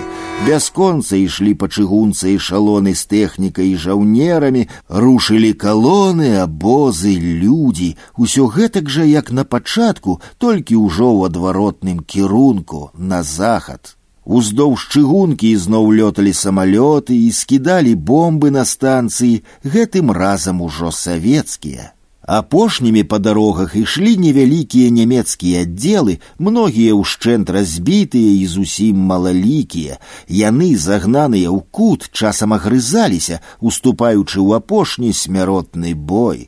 Так недалёка ад субачаў патрапанае аддзяленне засела ў склепе адной хаты, захапіўшы ў закладнікі гаспадара. Савецкія жаўнеры штурмам узялі апошні прытулак немцаў, пасля перастрэлкі закідаўшы гранат гранатамі ў крыццё. Гаспадар страціў нагу, загінулі ўсе немцы і адзін савецкі афіцэр. У саміх субачах на таку Аўгустына Радзевіча схавалася ажно двадцать салдатаў, Яны сядзелі тры дні, а потым попрасілі гаспадара выдаць іх месцазнаходжанне, але ні ў якім разе не партызанам, ведаючы, чым скончыцца такая капітуляцыя, а рэгулярным часткам чырвонай арміі. Радзевіч выканаў просьбу і немцы здаліся.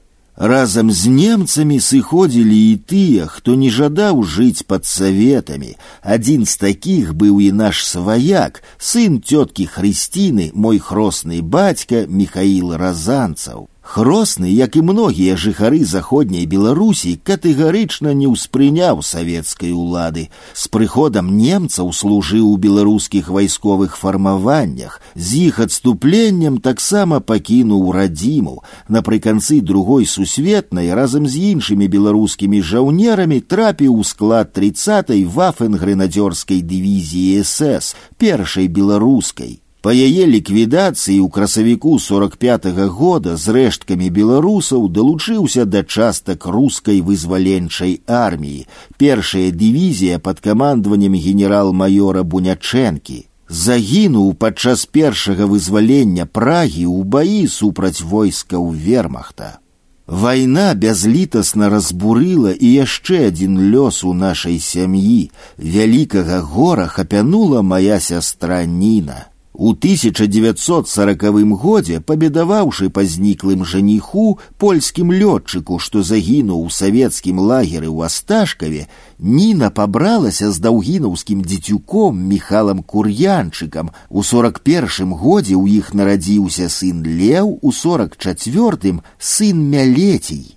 Калі пачалі фарміравацца аддзелы беларускай краёвай абароны, Міхась кур'янчык атрымаў позву з'явіцца ў 39 батальён у Даўгінава на пасаду шэфа роты. У позве пазначалася з сабой узяць харчоў на чатыры дні вопраткі і прылад да ежы. У выпадку няяўкі будуць прыняты найвастрэйшыя меры паводле ваеннага часу. Міхась прыбыў на месца збору. Пасля кароткага шкалення батальён быў накіраваны пад Менск на абарончыя будаўнічыя працы. Потым быў імклівы адыход на захад, амерыканская зона акупацыі і праз нейкі час эміграцыя ў Аўстралію.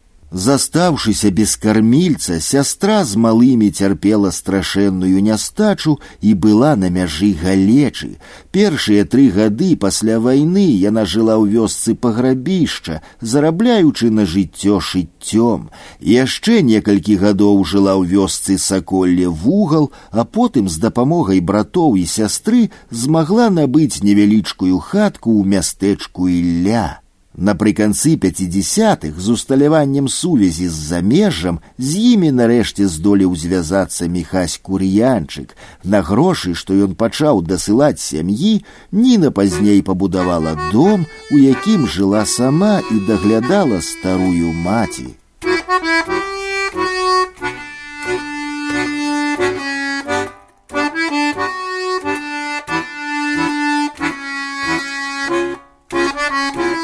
ліпені 1944 года вермахт адступіў з тэрыторыі Беларусі. У шматпакутнага краю ў чарговы раз мяняліся гаспадары. Чырвоная армія брала гарады, а ўладу ў іх бралі партызаны. Яны, выбраўшыся з зямлянак, заселі ва ўсіх кабінетах, ад сталічных і абкамаўскіх да найменш значных пасадаў у мястэчках ды калгасах. Прыйшлі другія саветы, гэтым разам ужо надоўга.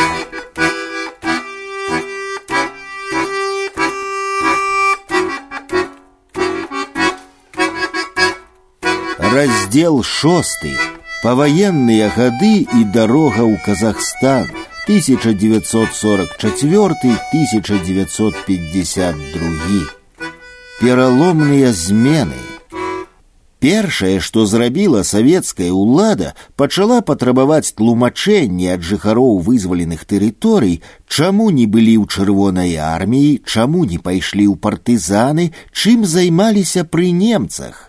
Па сутнасці кожнаму, хто жыў гэтыя гады пад нямецкай акупацыяй, трэба было апраўдвацца, чаму ён не знайшоў магчымасці загінуць за бальшавікоў. Шмат каму гэта не ўдалося. Усе, хто хоць неяк быў звязаны супрацай з любымі органамі акупацыйнай адміністрацыі, траплялі ў лік здраднікаў і калабарантаў. Мерай пакарання былі заўсёды рэпрэсіі ад лагераў і высылак да рас расстрэлаў. Тысячы беларусаў трапілі ў жорны НКВД МГБ па новых справах. Лёсавызначальныя і трагічныя падзеі адбыліся ў гэты перыяд і ў нашай сям'і. У жніўні 1944 года смерш арыштаваў майго брата Яўціхія за працу ў БНС. Ён апынуўся ў гарадзенскай вязніцы, сем месяцаў ішло следства. Яўціхій даводзіў, што працаваў БНС з ведама партызанаў і даваў ім каштоўныя звесткі, лічыўся іх сувязным і нават быў прадстаўлены да ўзнагароды. У пацверджанне сваіх словаў прасіў сведкі некалькіх чалавек. Тыя людзі былі выкліканыя ў гародню на допыт, але іх вусныя сведчанні не прынялі да ведама. Тады адзін з былых партызанаў заявіў, што пакажа месца ў лесе, дзе падчас прарыву закружэння была закапаная жалезная скрыня з партызанскім архівам. На месца была адпраўленая следчая група, якая сапраўды знайшла тайнік, а ў ім і згадкі пра яўціхія. Брат выйшаў на волю, але захварэў зняволенне на сухоты. Гісторыя з яўціхіем сталася толькі пачаткам трагічных зменаў. У гэты час члены нашай сям'і не па сваёй волі пачынаюць адрывацца адзін ад аднаго. Многія з нас так болей ніколі і не пабачацца.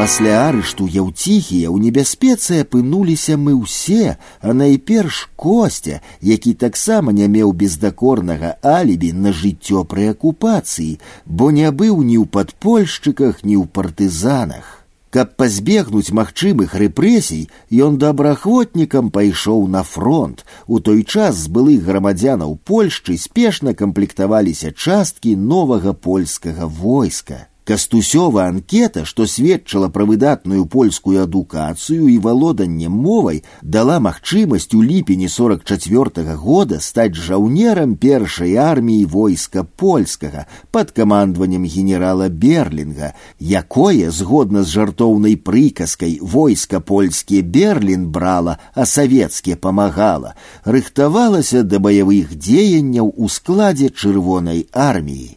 Трапіўшы ў польскую армію і назваўшыся афіцыйна палякам, а іншых варыянтаў і не было, косця знік з поля зроку савецкіх карных органаў. Яшчэ раз пашанцавала косцю ўжо ў самой арміі пры вызначэнні ваеннай спецыяльнасці. Наборам і размеркаваннем новабранцаў кіраваў палкоўнік піманаў, былы царскі афіцэр. Ён быў рускім, але прызначаны выконваць абавязкі паляка праз веданне мовы.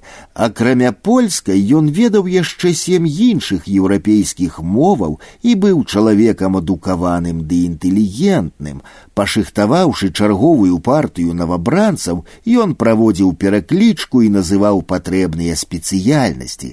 У розныя часткі патрабаваліся кавалі, цесляры, пекары, кухары, краўцы, шаўцы, рымары. З шэрагаў выходзілі і выходзілі людзі, народу станавілася ўсё менш, выйшлі ўжо і чыгуначнікі, слесары, токары, музыкі. Потым былі названыя сяляне, іх была асноўная маса і траплялі яны адразу ў пяхоту, а значыць на перадавую. Па сканчэнні пераклічкі косця заставаўся апошнім, хто не адгукнуўся ні на якую прафесію. Калі азадачаны афіцэр спытаўся пра спецыяльнасць, косця адказаў мастак. Афіцэр піманаў пакінуў такога кадра пры сабе, прызначыўшы на пасаду штабнога пісара. Так пісар і мастак Константин Сцебурака і служыў да канца вайны.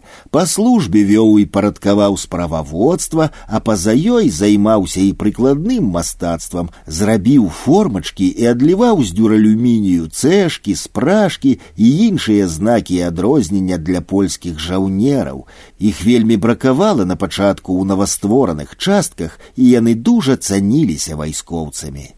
Перад дэмабілізацыяй піманаў прысвоіў кастусю званне сяржанта і даў апошняе заданне размеркаваць гурту тысячу кароваў сярод перасяленцаў на заходніх землях Польшчы, што адышлі ёй ад нямметчыны, кастусь справіўся з апошнім загадам і быў дэмабілізаваны. Ведаючы сітуацыю на радзіме, у Беларусь больш не вярнуўся, а сеў пад шчэцінам на землях, якія Польшча атрымала ў кампенсацыю ад Германіі. Польшча стварала там пласт новых асаднікаў, давала нямецкія дамы і 10 гектараў зямлі. Што і казаць, гэта быў неблагі варыянт для людзей, якія мелі альтэрнатывай вяртання ў савецкі канцлагер. Па дамове польскага і савецкага кіраўніцтва ў Польшчу маглі перасяляцца палякі з заходняй Беларусі, а ў БССР беларусы з Беластотчыны, якая адышла да Польшчы. Каля чвэрці мільёна жыхароў заходняй Беларусі, якія да 39 -го года мелі польскае грамадзянства, у 44-46 годах пераехала ў Польшчу, з Польшчы ў БССР пераехала ў 10 разоў менш. На новым месцы кастусь стварыў сям'ю, выпадкова сустрэў земляка завадскага з вёскі піліпкі і пазнаёміўся з яго дочкамі, рэняй алінай і ядзяй. Упадабаўшы аліну, узяў з ёй шлюб і пражыў шчасліва больш за паўстагоддзя. Адзін з усёй нашай вялікай сям'і ён пражыў адносна свабоднае і спакойнае жыццё, працаваў мастаком афарміцелем, нарадзіў дзяцей і пабачыў унукаў і праўнукаў. Праз усё жыццё ён пранёс тугу па страчанай радзіме, якую наведаў толькі адзін раз у сямідзясятых малюючы карціны заўсёды звяртаўся да родных краявідаў нават у апошнія гады жыцця не кідаў пензаль калі раптам не было под рукой палатна ён хапаў цырату са стола нацягваў тканінным бокам на падрамнік і пісаў любоў да жывапісу была братавым захапленнем на ўсё жыццё Аглядаючыся на мінулыя гады, скажу, што калі жыццёвы лёс брата косці склаўся не самым горшым чынам, то як творца ён так і не рэалізаваў сябе. Адораны і апантаны мастацтвам ён імкнуўся быць жывапісцам і ўсё жыццё заставаўся толькі рамеснікам у гэтай справе. У ваколіцах княгініна і крывічоў да гэтага часу ў старых вясковых хатах вісяць яго карціны з маляўнічымі краявідамі, абразкі на біблейскія тэмы побытавыя замалёўкі. Частка з гэтых карцін пераехала разам з гаспадарамі ў гарады, збольшага ў вялейку ці маладэчна, на іх зроблены лацінкай ці кірыліцай подпіс у куце ка сцебурака. Даўно памерлі тыя, хто ведаў мастака асабіста, свой век дажываюць нешматлікія працы, што маюць амаль стогоддзя з моманту з'яўлення на свет. Творчы кон майго брата Канстанціна у нечым паўтарае кон цэлага пакалення беларускіх творцаў таго часу, якія маючы вялікія спадзяванні, так і сышлі ў нябыт непатрэбныя айчыне.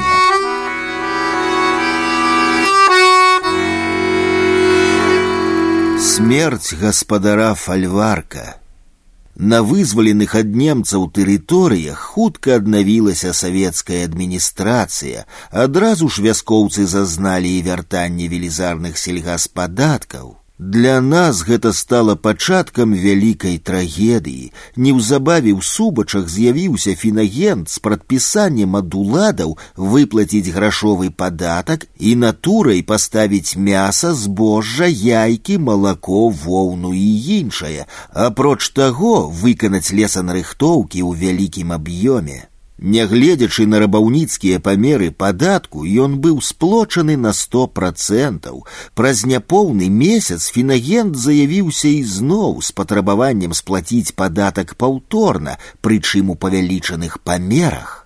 Напружыўшы ўсе сілы, сям'я задаволіла і гэтае патрабаванне. Калі трэці раз прыйшла папера з аналагічным прадпісаннем, гаспадар Мікола Сцібурака адмовіўся яго выконваць.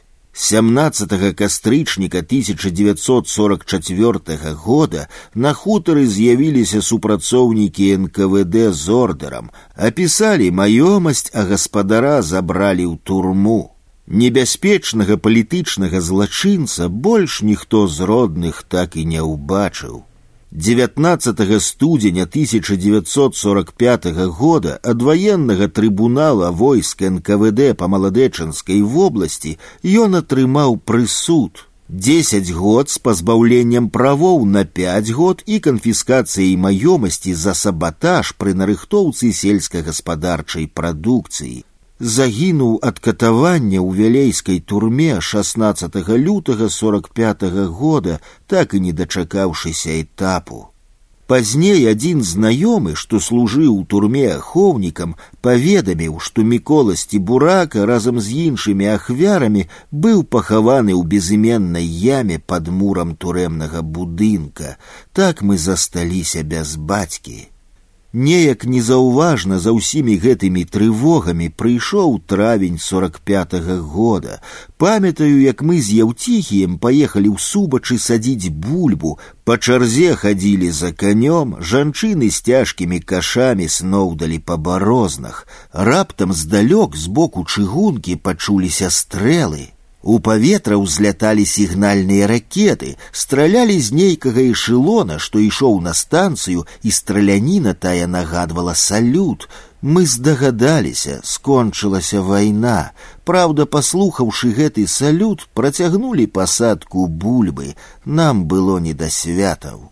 З таго часу неяк так павялося, што 9 мая ніхто ў нашай сям'і не хадзіў на парады і гулянні, а найчасцей праводзіў дзень на гародзе ў далечыні ад тлуму і пафасу афіцыйных святаў. Па вяртанні яўціхія з гарадзенскай турмы нашая сям'я раздзялілася. Мы з яўціхіем і валяй перабраліся ў маладэчна, а ў субачах засталіся маці з малодшай сястрой ленай мы з яўціхіем уладкаваліся на працу ў дзясятую дыстанцыю сігналізацыі і сувязі станцыі маладэчна заходняй чыгункі, а валя ў маладэчанскую друкарню. Чыгуначная бронь гарантавала нам працу ў тыле, і мы не патрапілі на фронт.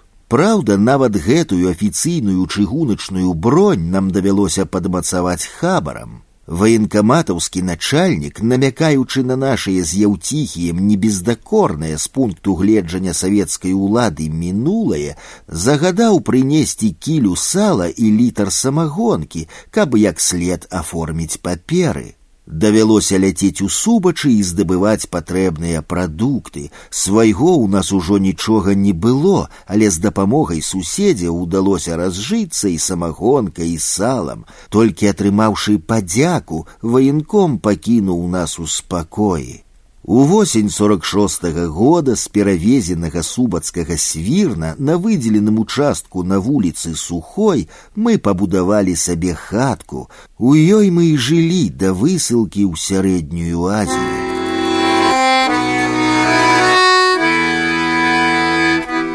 Раскіданае гняздо хутка ў субачах засталася адна мая маці ксенія сцібурака, бо сястра алена паступіла на вучобу ў горы горадскую сельгасакадэмію і з'ехала. Ад нашага былога заможнага фальварка субачы, што славіўся на ўсю ваколіцу сваёй узорнай гаспадаркай, на момант канчатковай ліквідацыі заставалася наступнае: дом з дваровымі пабудовамі 14 гектараў зямлі, конь, карова, свіння, малатарня, веялка. Тым часам 21 лістапада 1944 года бюро ЦК КПБ прыняло пастанову аб адмене ўсіх перадзелаў зямлі, праведзеных падчас нямецкай акупацыі, а таксама правядзенне работаў па адрэзцы лішкаў зямлі. Згодна з нормамі новага дакумента максімальны памер надзелу на сям'ю ў крывіцкім раёне складаў 12 гектараў пры ўмове, што зямля апрацоўваецца сваімі сіламі і на яе не прэтэндуюць ні калгас, ні малазямельныя сяляне, памер можа быць большы. На нашую ніхто не прэтэндаваў, у выніку засталося, што было. Чарговым рашэннем былі вызначаныя нормы абавязковых паставак збожжа дзяржаве. Калі калгасу з гектара трэба было здаць 30 кіляў, калгасніку з прысядзібнага участка 70, то аднаасобніку 145. Правы аднаасобнікаў не былі абароненыя. У любы момант яны маглі стаць ахвярамі самавольства ўладаў апошняй вялікай групай класавых ворагаў, што перашкаджала калгаснаму будаўніцтву, былі кулакі. Кулацкія спісы складаліся на сходах бядняцка-серадняцкага актыву, паколькі ніхто не валодаў ніякімі дакладнымі універсальнымі крытэрамі вызначэння кулацкага элемента, многія кіраваліся гэтак званым класавым нюхам. Сцебуракі трапілі ўпершыню ў такі спіс у сорок сёмым годзе, калі не было і знаку ад колішняй заможнасці.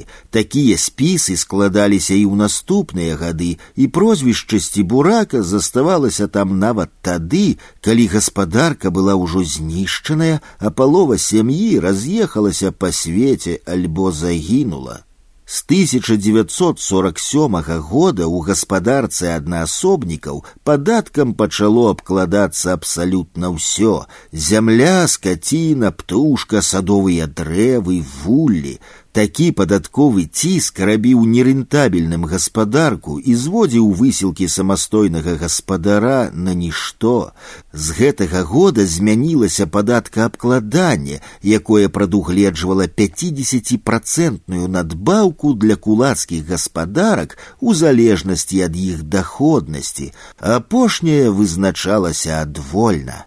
У 1948 годзе Савет міністраў БССР прыняў чарговую пастанову аб парадку спагнання нядоімак з кулацкіх гаспадарак заходніх абласцей БССР. У ім асобна агаворвалася, што ў нядоімшчыка можа быць адабраная апошняя карова.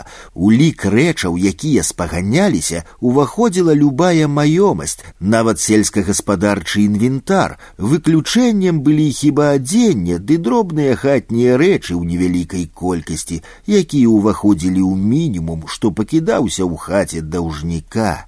Усе названыя меры прывялі да таго, што на 49 год абсалютная большасць аднаасобных гаспадарак была даведзеная да галечы і ліквідацыі. Немагчымыя ўмовы гаспадарання ў звязку з драконаўскімі падаткамі вымушалі гаспадароў уступаць у калгасы ці кідаць усё і збягаць праўдамі няпраўдамі па заробкі ў гарады ці на будоўлі сацыялізму. Не маючы магчымасці змагацца з савецкай сістэмай, нашая сям'я, распрадаўшы што можна, пакінула субацкую гаспадарку. Мая маці з'ехала да дачкі ніны ў вёску паграбішча. Зямля, палітая потам некалькіх пакаленняў, была кінутая, але сям'я сцебуракаў і надалей заставалася ў спісах кулакоў, а значыць класава чужога элемента і патэнцыйных ворагаў народа. Да канчатковага вырашэння лёсу ёй падобных заставалася некалькі гадоў. Калі мы патрапілі ў спісы ворагаў народа, нашая вялікая радзіна стала ад нас адварочвацца, каб крый Божа камуністы не засумняваліся і ў іх, Гэта было вельмі крыўдна і балюча. Потым, калі прайшлі гэтыя выклятыя гады, нашыя сваякі рабілі выгляд, што яны нас не цураліся, толькі адзінкі попрасілі прабачэння за здраду, але цёплых стасункаў паміж намі ўжо не было ніколі. У гэты час адбылася яшчэ адна падзея, згарэў нашток і іншыя гаспадарчыя пабудовы. Адбылося гэта не выпадкова, а ў выніку запланаванага падпалу, учыненага нашымі суседзямі.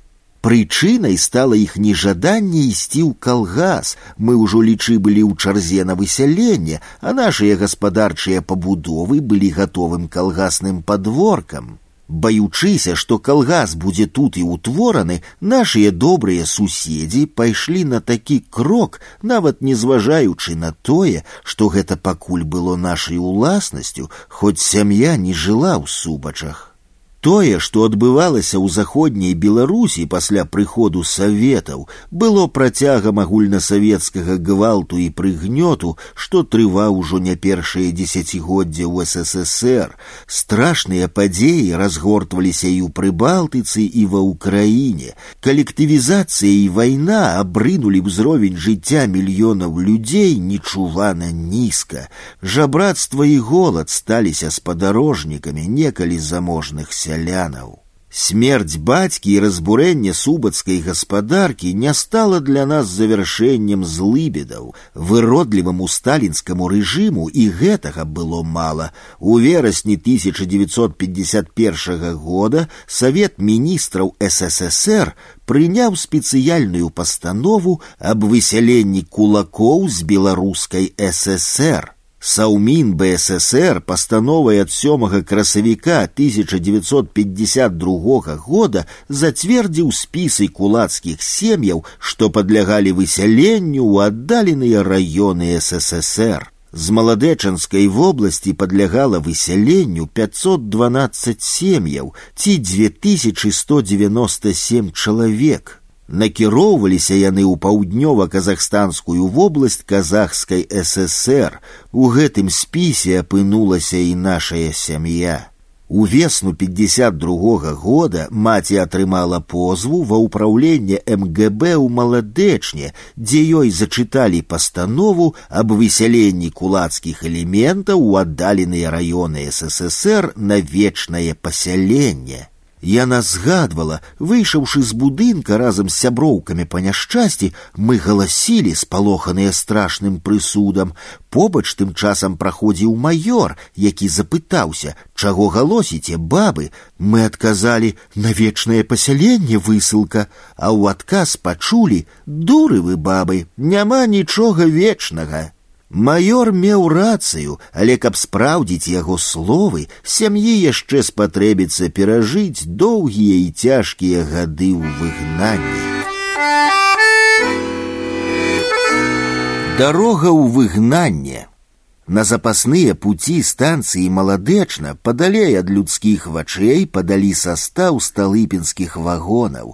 Да яго на пагрузку пачалі на палутарках падвозіць людзей з клункамі. Гэта былі раскулачаныя сяляне маладэчанскай вобласці. У адной з такіх палутарак прыехала і нашая сям'я.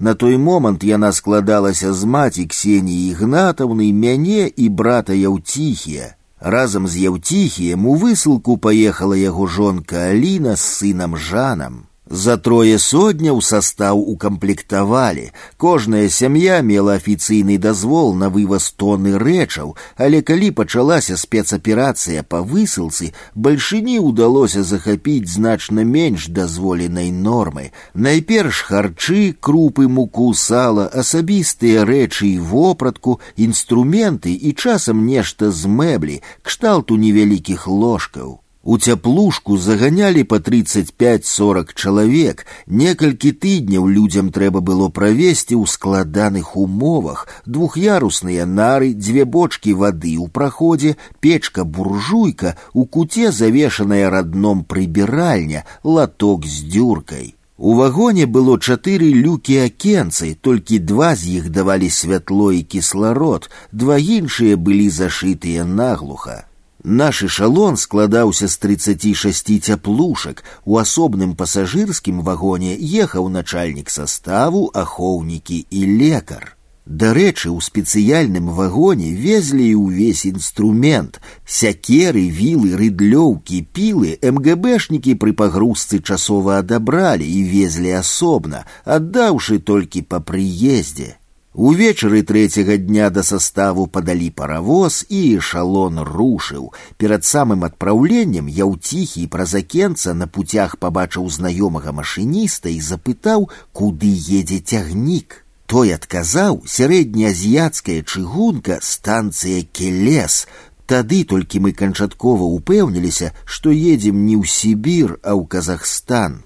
Эшалон, у якім ехала сям'я сцібуракаў, быў адным з чатырох составаў, якія, пераганяючы адзін аднаго, везлі кулацкі элемент на вечнае пасяленне ў месцы высылкі. Літаральна праз некалькі месяцаў з Беларусі выправіўся апошні, пяты. Менавіта ў ім везлі яшчэ аднаго члена сям'і сцібуракаў, маю малодшую сястру Алену, студэнтку трэцяга курса горы горадскай сельгас-акадэміі. Тое, што яна жыла асобна і была студэнткай інстытута, яе не выратавала. Яна распавяла нам так пра свой арышт.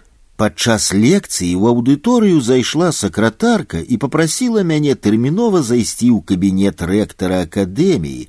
Там, апроч рэктара, знаходзіліся дзве цывільныя элегантна апранутыя асобы, якія пасля некалькіх фармальных пытанняў прадставіліся супрацоўнікамі МГБ і прад'явілі ордер на арышт. Прайшлі разам са мной на кватэру, я сабрала рэчы.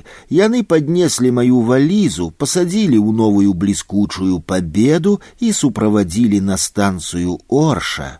Там мяне чакаў цягнік, як стала вядома пасля, на факультэце паведамілі, што ўзялі англійскага шпіёна, што праўда, я тады сапраўды паўсюль цягала з сабой велічэзны ангельска-рускі слоўнік і старанна вучыла замежную мову, бо рыхтавалася па заканчэнні паступаць у аспірантуру. У далейшым яе лёс склаўся так, апынуўшыся ў высылцы, Лена пры першай магчымасці здолела працягнуць вучобу, скончыла сярэднеазіяцкі палітэхнічны інстытут у Ташкенце па спецыяльнасці геадэзія і картаграфія, атрымала дыплом і новы пашпарт і ў 1955 годзе вярнулася ў Беларусь. Па вяртанні выкладала ў пінскім гідрамеліярацыйным тэхнікуме, замужам не была. Усё жыццё была свядомай беларускай, адкрыта крытыкавала савецкую ўладу яе кіраўніцтва, за што была пад наглядам КГБ, была веруючым чалавекам, напрыканцы жыцця далучылася да грэка-каталіцкай абшчыны ў маладэчне, бо лічыла уніяцтва найбольш правільнай для Беларусі версіяй хрысціянства памерла ў Іллі, пахаваная на могілках Васцюковічах. На пачатку наш цягнік рухаўся толькі па начах, а днямі адстойваўся на запасных путях і тупіках. Краіна саветаў не хацела, каб такія составы лішні раз траплялі на вочы грамадзянам. У смаленску мы рэзка змянілі кірунак на поўдзень. Ехалі по-ранейшаму ўночы, на стаянках з вагонаў не выпускалі, вакол вагонаў дзяжурыла ахова. Праз дзень праводзілася пераклічка, у асноўным ели тое, што мелі з сабой. За ўвесь час дарогі толькі два разы было гарачае харчаванне, пяць разоў выдавалі хлеб. Па хлеб з кожнага вагона адпраўлялі толькі жанчын, што мелі дзяцей, каб не збеглі.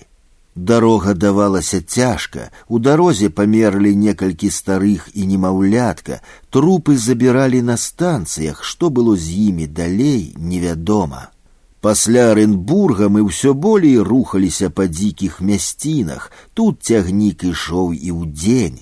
Паравоз змяніў цеплавоз, усе бачылі такую машыну ўпершыню і былі вельмі здзіўленыя. Нашими суседзямі па эшалоне былі рэпрэсаваныя сем'і з вялейскага, ілянскага, крывіцкага, мядзельскага, маладэчанскага, валожынскага, пастаўскага, дунілавіцкага раёнаў. Гэта былі звычайныя моцныя сяляне, вінаватыя толькі ў тым, што любілі сваю зямлю і умелі на ёй працаваць. Сярод тых, хто ехаў у высылку, хапала ўдзельнікаў вайны і партызанскага руху, але ні ўзнагароды, ні ўдзел у вайне, ні інваліднасць не змякчалі прысуду.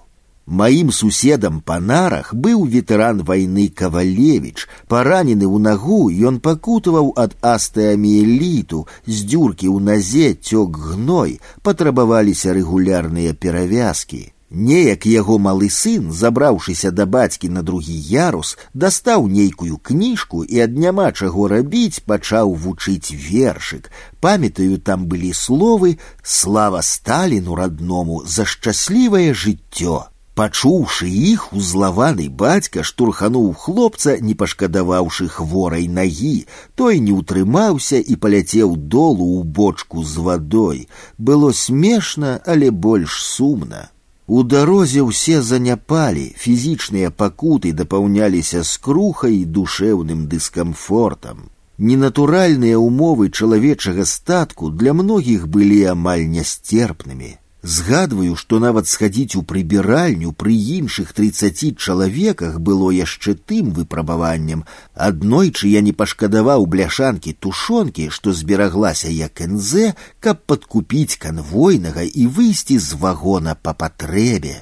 Нават такая дробязь, як апраўка ў адзіноце на свежым паветры была здольная абудзіць прыязныя пачуцці да чырвонапагонніка, які даў на яе літасцівы дазвол. На станцыі кызыл-арда людзям упершыню за ўвесь час дазволілі выйсці з вагонаў і дзве-тры гадзіны пахадзіць на свежым паветры. Затым быў келес, дзе стаялі дзесяць гадзінаў, Пасля вельмі павольна састаў пайшоў да станцыі пахтаарал. Быў пачатак траўня, з акенца быў бачны стэп у чырвоных маках і яркае нязвыклае сонца. Да эшалона, які трэцяга траўня нарэшце прыйшоў на канцавы прыпынак, былі падагнаныя грузавыя машыны ссыльных як некалі рабоў на рынку пачалі размяркоўваць па гаспадарках у бавоўнаводчыя калгасы у вінаробчы саўгас у мтс нашая сям'я трапіла ў калгас імя жданова на нашае новае месца жыхарства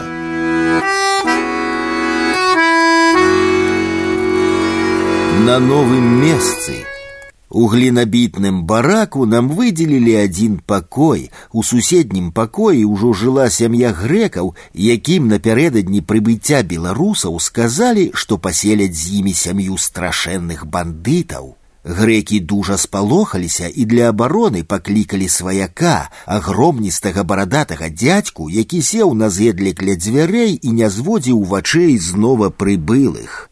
Некалькі гадзін ён сядзеў нерухома, прыглядаючыся. Потым моя маці падышла да яго і пачаставала кавалачкам хлеба з салам, а сілак прыняў пачастунак, з'еў і трошки пачакаўшы, падняўся са свайго месца, прамармытаў нешта пад нос і, махнуўшы рукой, сышоў прэч. Усе супакоіліся, гісторыі пра нашую небяспечнасць былі моцна перабольшаныя. Усе мы аўтаматычна зрабіліся калгаснікамі, штодня хадзілі на палявыя працы, палолі, палівалі, збіралі бавоўну, але яўціхій наадрэз адмаўляўся хадзіць на такую працу, дзяўпці зямлю матыкай на спёцы ён лічыў прыніжэннем. Ён быў добрым тэхнікам і ведаў сабе цану, але такой работы не падварочвалася. Сітуацыю змяніў выпадак. Неяк моцна захварэў жан, сын яўціхія, малога з матуляй надоўга паклалі ў раённы шпіталь. Бацька па магчымасці наведваў іх, і вось неяк, адведаўшы сына, яўціхій першу вяртаўся дадому. Яго спыніўся падвесці на машыне незнаёмец. У кабіне машыны яўціхі агледзеў паламаную рацыю і з дазволу кіроўцы на хаду здолеў яе адрамантаваць. Здзіўлены кіроўца, як высветлілася дырэктар мясцовай МТС, распытаў яўціхія, хто той ды адкуль, і пасля рэзка развярнуў самаход назад у райцэнтр. У камендатуры, дзе мальдаваліся спецперасяленцы, ён перагаварыў з камендантам і забраў патрэбнага спецыяліста да сябе разам з сям'ёй, братам і матуляй. Так, пражыўшы тры месяцы ў калгасе імя Жданова, мы пераехалі на сядзібу МТС. У МТС я ўціхій пачаў працаваць механікам, а я загадчыкам склада.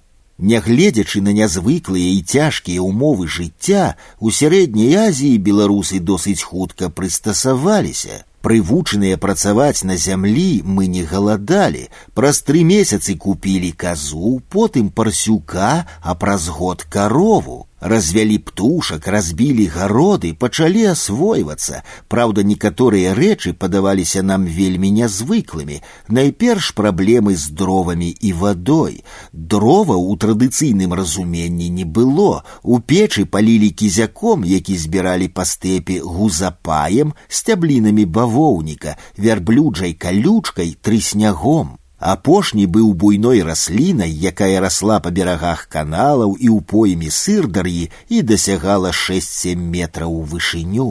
Найвялікшай праблемай быў недахоп вады, на ўсе патрэбы бралі яе за рыкаў арашальных каналаў і хаузаў штучных вадаёмаў. Яна была мутная з водарасцямі зялёнага колеру, яе трэба было адстойваць, а для пітва яшчэ і абавязкова кіпяціць. Калі выпіць сырой вады, то была вялікая рызыка захварэць на дызентырыю ці нават брушны тыфус. На жаль, шмат хто з беларусаў перахварэў на гэтыя хваробы адразу ж у першыя месяцы тамтэйшага побыту. У тым ліку і я хваробе маёй папярэднічала камандзіроўка ў пустыню кызылкум за 150 кіламетраў ад нашай МТС. Мне трэба было арганізаваць на стаянцы пастухоў пункт машыннай стрыжкі авечак. Да гэтага ў тых мясцінах стрыглі толькі ўручную. Трэба патлумачыць, што ў сярэдняй Азіі была традыцыйнай адгонна-пашавая жывёлагадоўля, калі авечкі, вярблюды, коні і радзей буйны рагаты скот круглы год былі на падножным корме. Вялікія статкі разам з пастухамі павольна перакачоўвалі з аднаго месца на другое. Сухія кармы не нарыхтоўваліся, нават узімку авечкі і коні выганяліся ў заснежаны стэп. Яны капытамі расчышчалі снег і здабывалі сабе корм. Такі від выпасу называўся цібянеўкай, з казахскага тэбіндэў зімовая паша. За вялікай атарай прыглядвалі два чабаны з адмысловымі пастухоўскімі сабакамі. Чабаны жылі ў юртах з сем'ямі, качавалі яны ад калодзежа да калодзежа. Вось на адной такой стаянцы апынуўся і я. На дзясяткі кіламетраў роўная, як стол зямля, некалькі юртаў пастухоў і вялікі статак. У статку былі авечкі каракульскай пароды. Як вядома, наванароджаных ягнятаў гэтай пароды забівалі на першы трэці дзень на смужкі, якія карысталіся вялікім попытам, а дарослых авечак стрыглі два разы на год. І тады якраз быў час стрыжкі. Разам са мной для забеспячэння працэсу быў дастаўлены рухавік з генератарам і шасцю электранажніцамі. Гаспадарка была размешчаная под вялікім брызентавым навесам, а побач у намёце жыў і я. Там жа под навесам павесілі дрот з лямпачкамі і стрыглі з вечара да позняй ночы. Дзённая спёка рабіла такую працу невыноснай, а ўвечары справа ішла лягчэй. Лямпачкі былі катэгарычна неабходныя, бо на поўдні цемра ўвечары апускалася імгненна, зусім не так, як у нашых паўночных шыротах, дзе сонца сядае доўга і павольна. У Казахстане ноч густая, як атрамант, накрывала зямлю імгненна. Пастухам казахам, якія жылі ў першабытных умовах далёка ад цывілізацыі, вельмі падабалася гэтае святло, і яны прасілі мяне, каб лямпачкі гарэлі як даўжэй, нават калі заканчвалася праца. Іх вочы цешыліся са штучных агеньчыкаў, якія разганялі густую цемраць. Жылі мы там у абсалютна нязвыклых для еўрапейцаў умовах, адпрацаваўшы дзень усе разам ели з агульнага катла. Для гэтага рэзалі авечку і гатавалі плоў ды шурпу, мясны бульон або суп на мясным бульоне. Мясо, што заставалася, падсольвалі і развешвалі на прасушку на сонцы. За дзень другі мухі паспявалі ў ім адкласці яйкі. Калі праз дзень два тое мяса клалі ў кіпень, зверху ўсплывалі белыя чарвякі, іх здымалі шумоўкай і далей гатавалі ежу. Не лепей было і з вадой. Вось пасля гэтай камандзіроўкі я і злёг з тыфам. Па вяртанні дадому я трапіў у раённую бальніцу ў цяжкім стане, але мне пашанцавала, дактары прызначылі пеніцылін, вельмі дэфіцытны на той час антыбіётык. Гэта і вырашыла справу, нягледзячы на тое, што медсястра ці не палову пеніцыліну з прызначаных хворым ін'екцый прадавала на чорным рынку, мой малады арганізм здолеў перамагчы. Хвароба адступіла, я толькі вельмі шкадаваў, што ў мяне пасля тыфу выпалі ўсе валасы на галаве, а тыя, што пасля адраслі, былі рэдкія і ад былой фрызуры не засталося і знаку.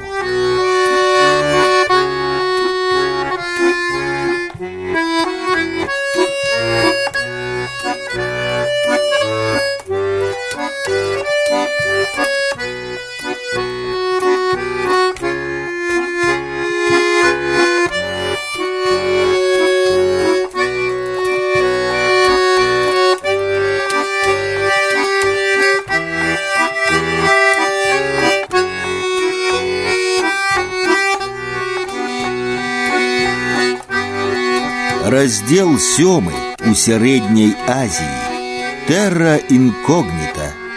Землі, куды трапілі мы разам з іншымі ссыльнымі беларусамі, ужо некалькі дзесяцігоддзяў выкарыстоўваліся сталінскім рэжымам як месца знаходжання рэпрэсаваных грамадзянаў ССР. Паўднёвы Казахстан уяўляў сабой пустынныя землі з малалікім мясцовым насельніцтвам, якое пераважна займалася адгоннай жывёлагадоўляй. Земляробства тут было магчымым, але цалкам залежала ад арашэння. Усе разнастайныя глебы ў гэтай мясцовасці былі прыдатнымі для гаспадаркі, але аднолькава залежнымі ад вады. Калі вады не было, жыццё знікала, а пры яе наяўнасці сухі стэп ператвараўся ў квітнеючы аазіс. Каналы, што адводзілі ваду з магутнай сырдар'і, дазвалялі вырошчваць на паліўных землях каштоўную культуру тых краёў бавоўну, а багарныя землі выкарыстоўваліся пад азімую пшаніцу. Варта адзначыць, што асваенне гэтых земляў распачалося яшчэ да саветаў. Першыя каналы былі тут пракапаныя царскімі інжынерамі з дапамогай свабоднай працоўнай сілы ды замежнай землекапальнай тэхнікі. Яшчэ ў 1950-е гады ў МТС стаялі ангельскія такарна-вінтарэзныя станкі і пнеўматычны молат выпуску 1903 года. Але і царскія каналы не былі тут першымі. Дзеля праўды варта сказаць, што ў ташкенскім аазісе арашальныя каналы існавалі яшчэ ў трэцім стагоддзі да нашай эры. А потым у шестнадцатым сямнадцатым стагоддзях сістэма арашэння была яшчэ больш дапрацаваная. Плошча паліўных земляў працягвала паступова павялічвацца і ў девятнацатым пачатку двадцатого стагоддзя але рэзкі рост адбыўся ў часы ссср са з'яўленнем магутнай тэхнікі гэта было драпежніцкае выкарыстанне і вады і зямлі сырдар'і і амудар'і забіралася столькі вады што ў выніку перасохла аральскае мора на пачатку сельская гаспадарка показывала выдатныя вынікі. На землях, што арашаліся, апроч бавоўны, вырошчвалася садавіна, вінаград, рыс, кукуруза і бахчавыя культуры. Менавіта для гаспадарчага асваення гэтых земляў сюды шмат год высылаліся грамадзяне з усіх куткоў саюза. Беларусы былі далёка не першымі ссыльнымі. Сумнае першынство мелі карэйцы, высланыя сюды з далёкага ўсходу, і іранцы з Азербайджана выселеныя ў 1938 годзе.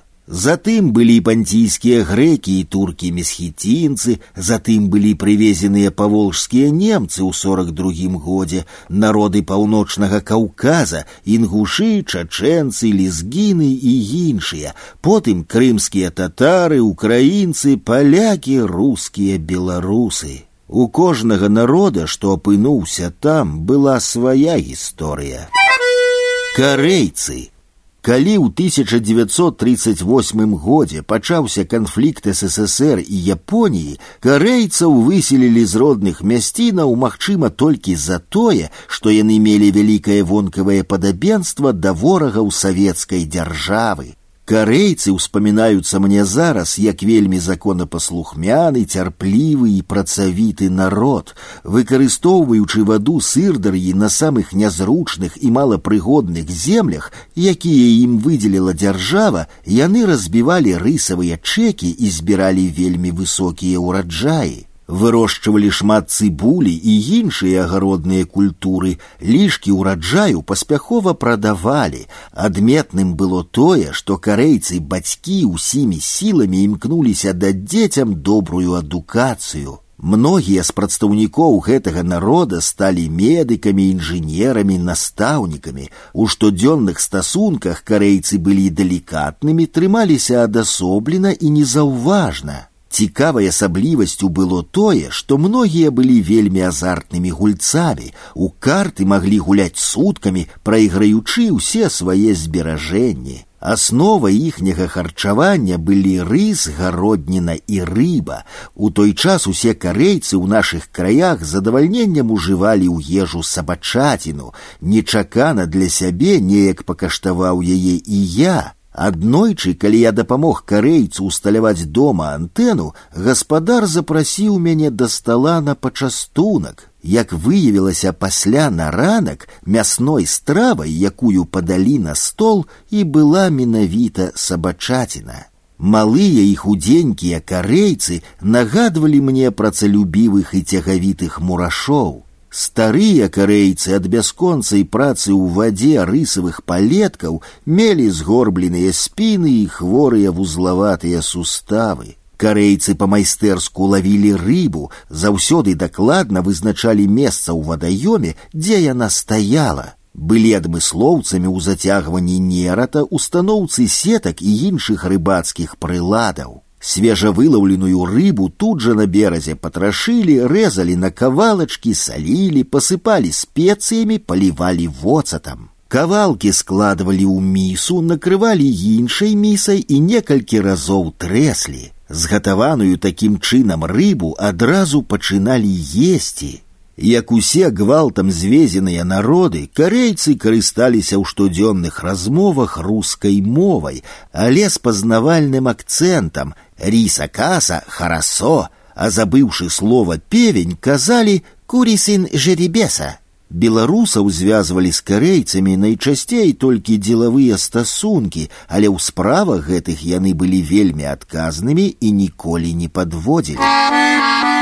Іранцы Яшчэ адной групай сыльных былі іранцы, персы, якіх дэпартавалі з Азербайджана ў 38 годзе як недабранадзейны элемент. Апынуўшыся ў высылцы, яны пасяліліся кампактна адной грамадой, утварыўшы асобнае паселішча. Пабудавалі нізенькія глінабітныя мазанкі з пакатым аднасхільным дахам, накрытым чаротам і прысыпаным зямлёй. На гэтых дахах часцяком пасвіліся козы, замест звыклых дзвярэй на ўваходзе ў такіх хацінках віселі бычыныя скуры. Аднойчы мне давялося зазірнуць у такое жытло, усё там выглядала надзвычай дзіўна. У цэнтры мазанкі быў размешчаны прымітыўны агмень, што слугаваў для ацяплення жытла і для прыгатавання ежы. Над ім вісеў мядзяны рондаль, побач стаяў нізенькі столік, корсі. Глінабітная падлога была засланая цыноўкай, у больш заможных бывала на яе месцы кашма.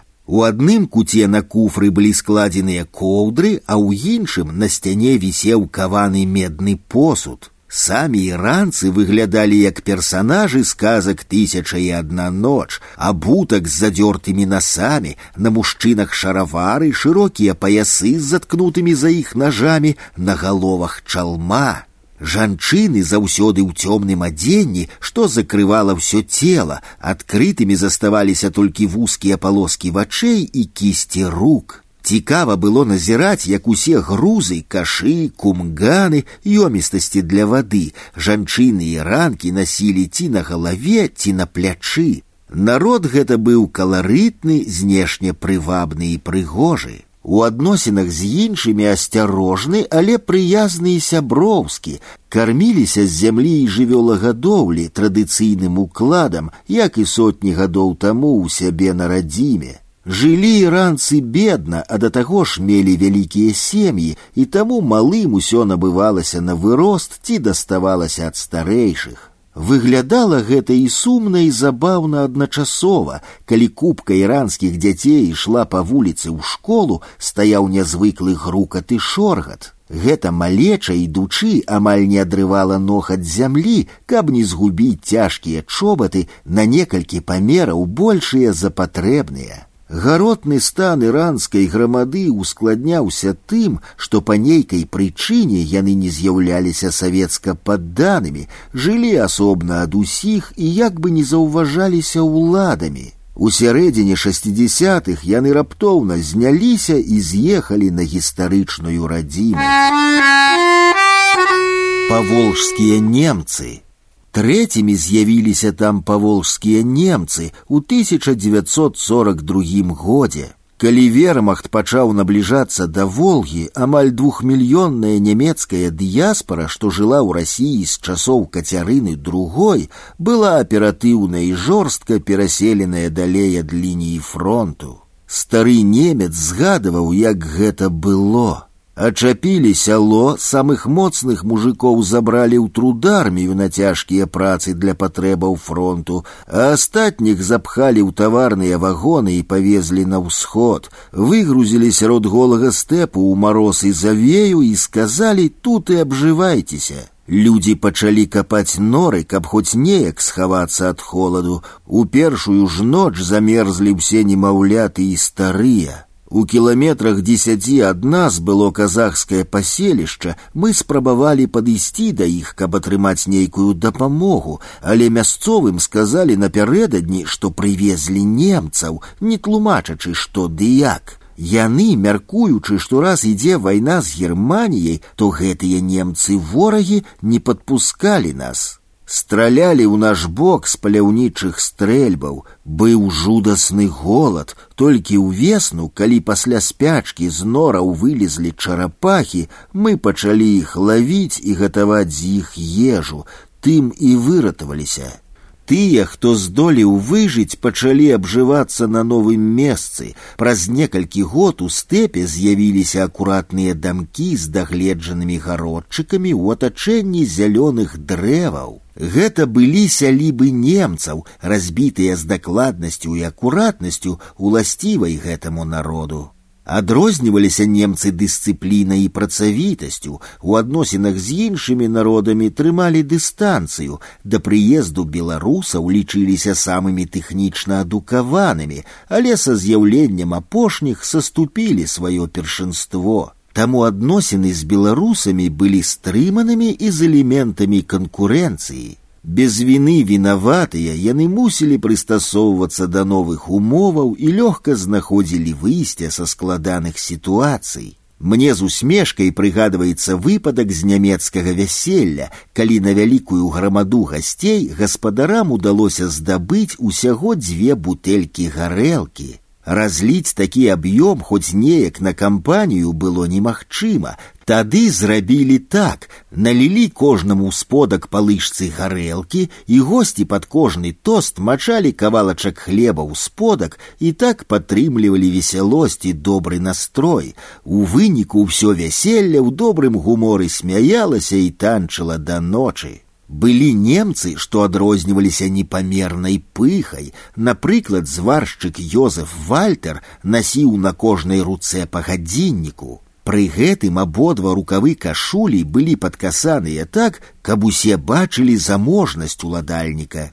Што праўда, адзін гадзіннік не працаваў. Вальтер любіў, калі ў яго пыталіся колькі часу. Ён заўсёды пры гэтым пытаўся, а табе на якім гадзінніку зірнуць. І тут, у залежнасці ад таго, ці хацеў ты дагадзіць ці пазлаваць зваршчыка, можна было абіраць на рабочым з круглым циферблатам або на паламаным з квадратным. Зірнуўшы на рабочы круглы, ён выдаваў дакладны час, а сам зараджаўся добрым настроем і рабіўся адкрытым да супрацы. А вось калі яго прасілі сказаць час квадратнага, Йозефу даводзілася неяк выкручвацца, хутка глядзець на сонца, цені ад дрэваў і прыдумляць лічбы. Няёмкае становішча, у якім ён апынаўся, яго бянтэжыла і злавала. Агульны ўзровень культуры ў немцаў быў высокі, калі аднойчы ў сельскі клуб прывезлі па разнарадцы новае піяніна, апроч старой немкі матыльды не знайшлося нікога, хто ведаў бы, як падступіцца да дзіўнага інструмента.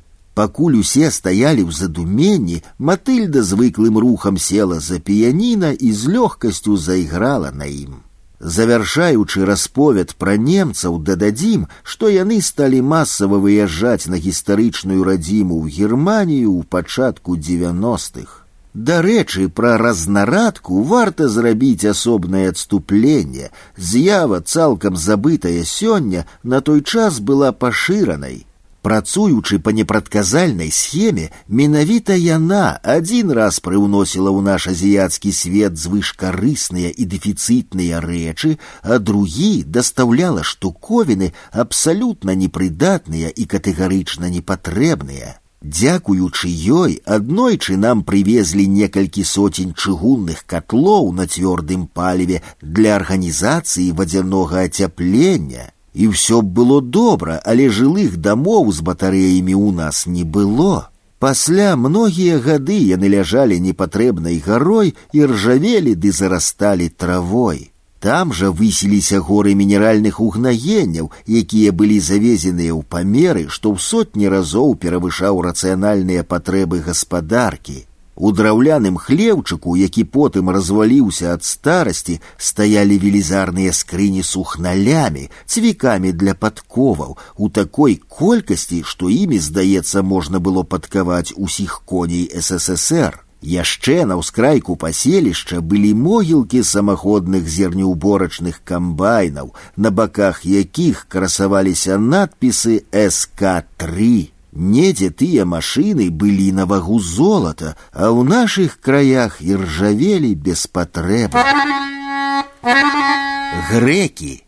Наступнымі ў Азію прывезлі грэкаў з Каўказа, а дакладней з прычарнамор'я. Гэта былі гэтак званыя грэкі піндосы, перасяленцы з горнага масіву піндас, што ўцякалі ад уціску турэцкіх уладаў на землі расійскай імперіі ў прычарнамор'е. Яны ўяўлялі сабой вельмі бедную субытнічную супольнасць, якая зазнавала ўціск і на старым і на новым месцы жыхарства. Само слово піндас стала прыніжальным і займела адмоўную канатацыю і праз сваю блізкасць са словамі навагрэцкай мовы бядняк дно бруд. І да высылкі ў часы побыту на каўказе яны жылі вельмі бедна. Стары грэк калінідзі распавядаў, увесну ў заплечным кашы насілі зямлю на камяністы схіл, сеялі пшаніцу, ячмень, садзілі хвасолю. Увосень дажджы змывалі зямлю ўніз, а ўвесну яе трэба было ізноў заносіць наверх кашамі. Затое жылі грэкі вельмі дружна, трымаліся адзін аднаго, дапамагалі, харчаваліся зазвычай сціпла, ежай расліннага паходжання, лобія, сацыбелі, гуркі, памідоры, садавіна. Здаралася некалькі сем'яў у складчыну куплялі 50літровую бочку салёных анчоусаў, якія ў нас зваліся хамсой, дзялілі і ўжывалі як асноўную крыніцу пратэіну ў харчаванні. З задавальненнем скуплялі залатыя ўпрыгожанні і манеты. Як мне памятаецца, сярод грэкаў амаль не было сур'ёзных спецыялістаў. Найчасцей яны працавалі на падсобных работах, дзе не патрабавалася вялікіх ведаў і навыкаў. Найбольшы поспех мелі ў гандлі, дробным рамястве і аказанні побытавых паслугаў, гандлявалі з лёгкасцю ўсім, чым заўгодна, пры гэтым падмануць кагосьці чужога не лічылі заганным. Сярод іх было нямала цырульнікаў, краўцоў, прадаўцоў, сем'і ў грэкаў зазвычай былі вялікімі. Дзеці і моладзь вучыліся без асаблівай ахвоты, падвышанага імкнення да ведаў не было. Грэкі самымі першымі сталі пакідаць Азію і з'язджаць у Грэцыю. Акрамя піндосаў асобнай групай грэкаў былі тыя, хто эміграваў у ССР пасля путчу чорных палкоўнікаў у 49 годзе. Савецкі ўрад пасяліў іх у ташкенце і ваколіцах. Гэта былі зусім іншыя людзі, адукаваныя, частка кваліфікаваныя спецыялісты, добрыя будаўнікі. Менавіта яны пабудавалі ваданапорную вежу ў пасёлку бальшавік, якая на той час была ўзорным спалучэннем практычнасці і прыгажосці. З нашымі мясцовымі грэкамі яны стасаваліся зусім мала, мовы іх амаль не разумелі і паглядалі на іх звысоку. Новыя грэкі пабылі ў Азіі нядоўга, пасля аб'яўлення амністыі вярнуліся дадому. У маіх адносінах з грэкамі быў цікавы эпізод. Неяк пры нагодзе ў іх кампаніі я працытаваў верш Эдуарда Багрыцкага кантрабандысты, што пачынаўся так. По рыбам, по звездам проносит шаланду, Три грека в Одессу везут контрабанду. И завершался родками «Ай, греческий парус, ай, черное море, ай, черное море, вор на воре». Греки, на жаль, не ацанілі паэзіі багрыцкага, а ўспрынялі гэта вельмі персанальна і пакрыўдзіліся. Японцы Пасля разгрому квантунскай арміі з далёкага ўсходу ў нашыя мясціны прывезлі палонных японскіх салдатаў. Ваеннапалонныя трапілі ў розныя рэгіёны ССР, у асноўным у Сібір на далёкі ўсход, а таксама і ў сярэднюю Азію, Казахстан і Узбекістан. Усяго каля 600 тысяч чалавек на тэрыторыі ССР яны знаходзіліся больш за 10 гадоў, апошнія былі вернутыя на радзіму толькі ў 56 годзе. Каля 70 тысяч японцаў назаўсёды засталіся на чужыне, загінуўшы ад голаду хваробаў, скончыўшы жыццё самагубствам. Стаўленне японскіх вайскоўцаў да сітуацыі было спецыфічным, і яны сябе не лічылі справядліва захопленымі ў палон, бо ў бальшыні выпадкаў самі склалі зброю па закліку імператара, і таму па іх меркаванні павінны былі быць адпушчаныя дадому. Пры гэтым яны паводзілі сябе ў палоне стаічна і дысцыплінавана.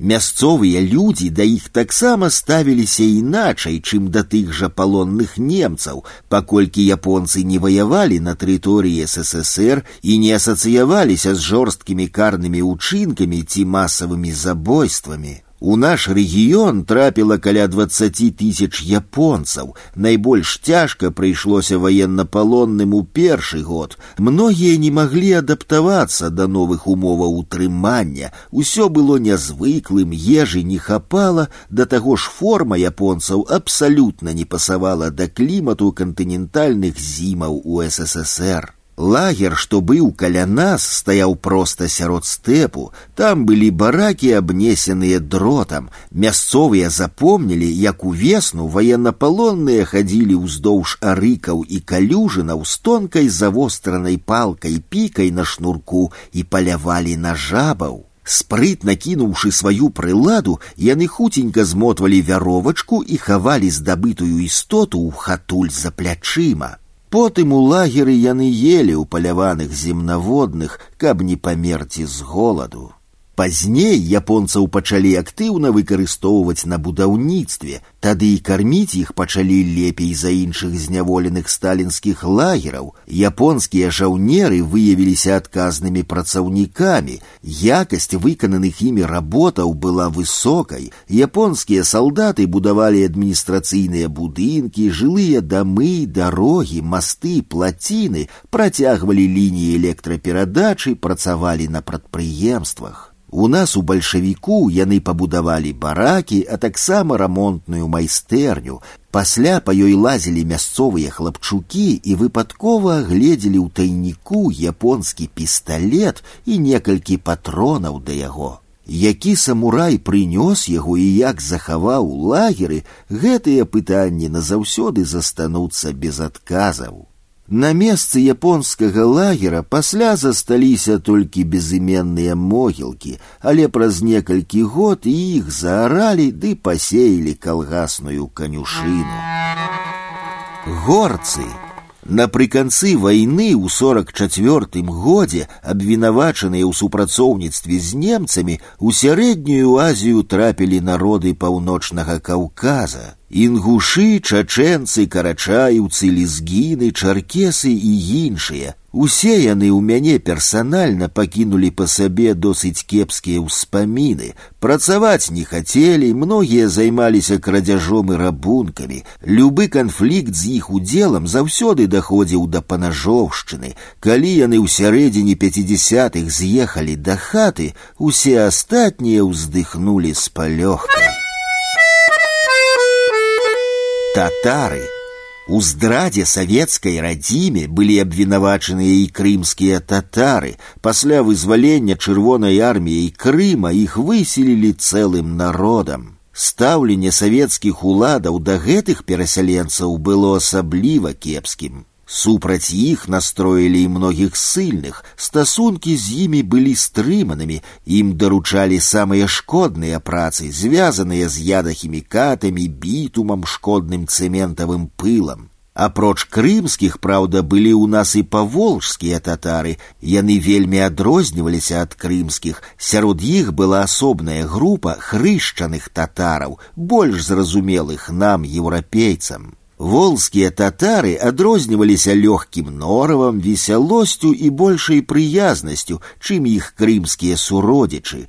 Яны лёгка сыходзіліся з людзьмі і былі адкрытымі і добразычлівымі ў стасунках. Мне прыгадваецца такі эпізод. Неяк у цырульні сядзелі мы ў чарзе на падстрыжку. У крэсла да цырульніка юрка аручыдзі сеў волскі татарын юнус садыкаў. Майстар рабіў сваю справу, клацалі нажніцы, са сцяны залівалася радыё, гучала песня ах самара гарадок. Раптам трансляцыя перарвалася, голас змоўк. І тут, седзячы ў крэсле, юнус артыстычна прыгожым тэнарам працягнуў спеў забарванага радка. Фрызёр замоўк у захапленні з нажніцамі і грэбенем у руках. Да працы ён вярнуўся толькі па завяршэнні спеваў. Скончыўшы працу, ён адмовіўся браць грошы і сказаў: « Ты мне ўжо заплаціў сваёй песняй. Украінцы Яшчэ адной групай перасяленцаў былі ўкраінцы. У нашай мясцовасці іх было няшмат, і былі яны не палітычнымі ссыльнымі, а найперш сялянамі, што збеглі ад галадамору ў трыцатыя гады ці нават раней. Пад уплывам клімату і умоваў ужо праз пакаленне знешне яны прыпадобніліся да мясцовага насельніцтва. Смуглявыя, шыракаскулыя, яны былі больш падобнымі да казахаў, чым да сваіх суайчыннікаў.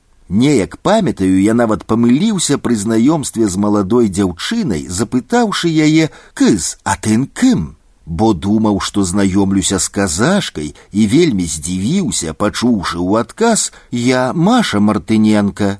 А вось уклад захавалі свой, мазанкі, плятні, адзенне, бытавыя звычкі, мова, усё ў іх было ўкраінскім. Акрамя той машы згадваецца мне каларытны ўкраінец літвіненка з жытомершчыны, заўзяты паляўнічы, які надзвычай сакавіта апісваў свае выправы. Расповеды пачыналіся такімі словамі: Я хапаю стрэльбу, прыцэльваюся і хлабысь, хлабысь, пять качак на зямлі адразу.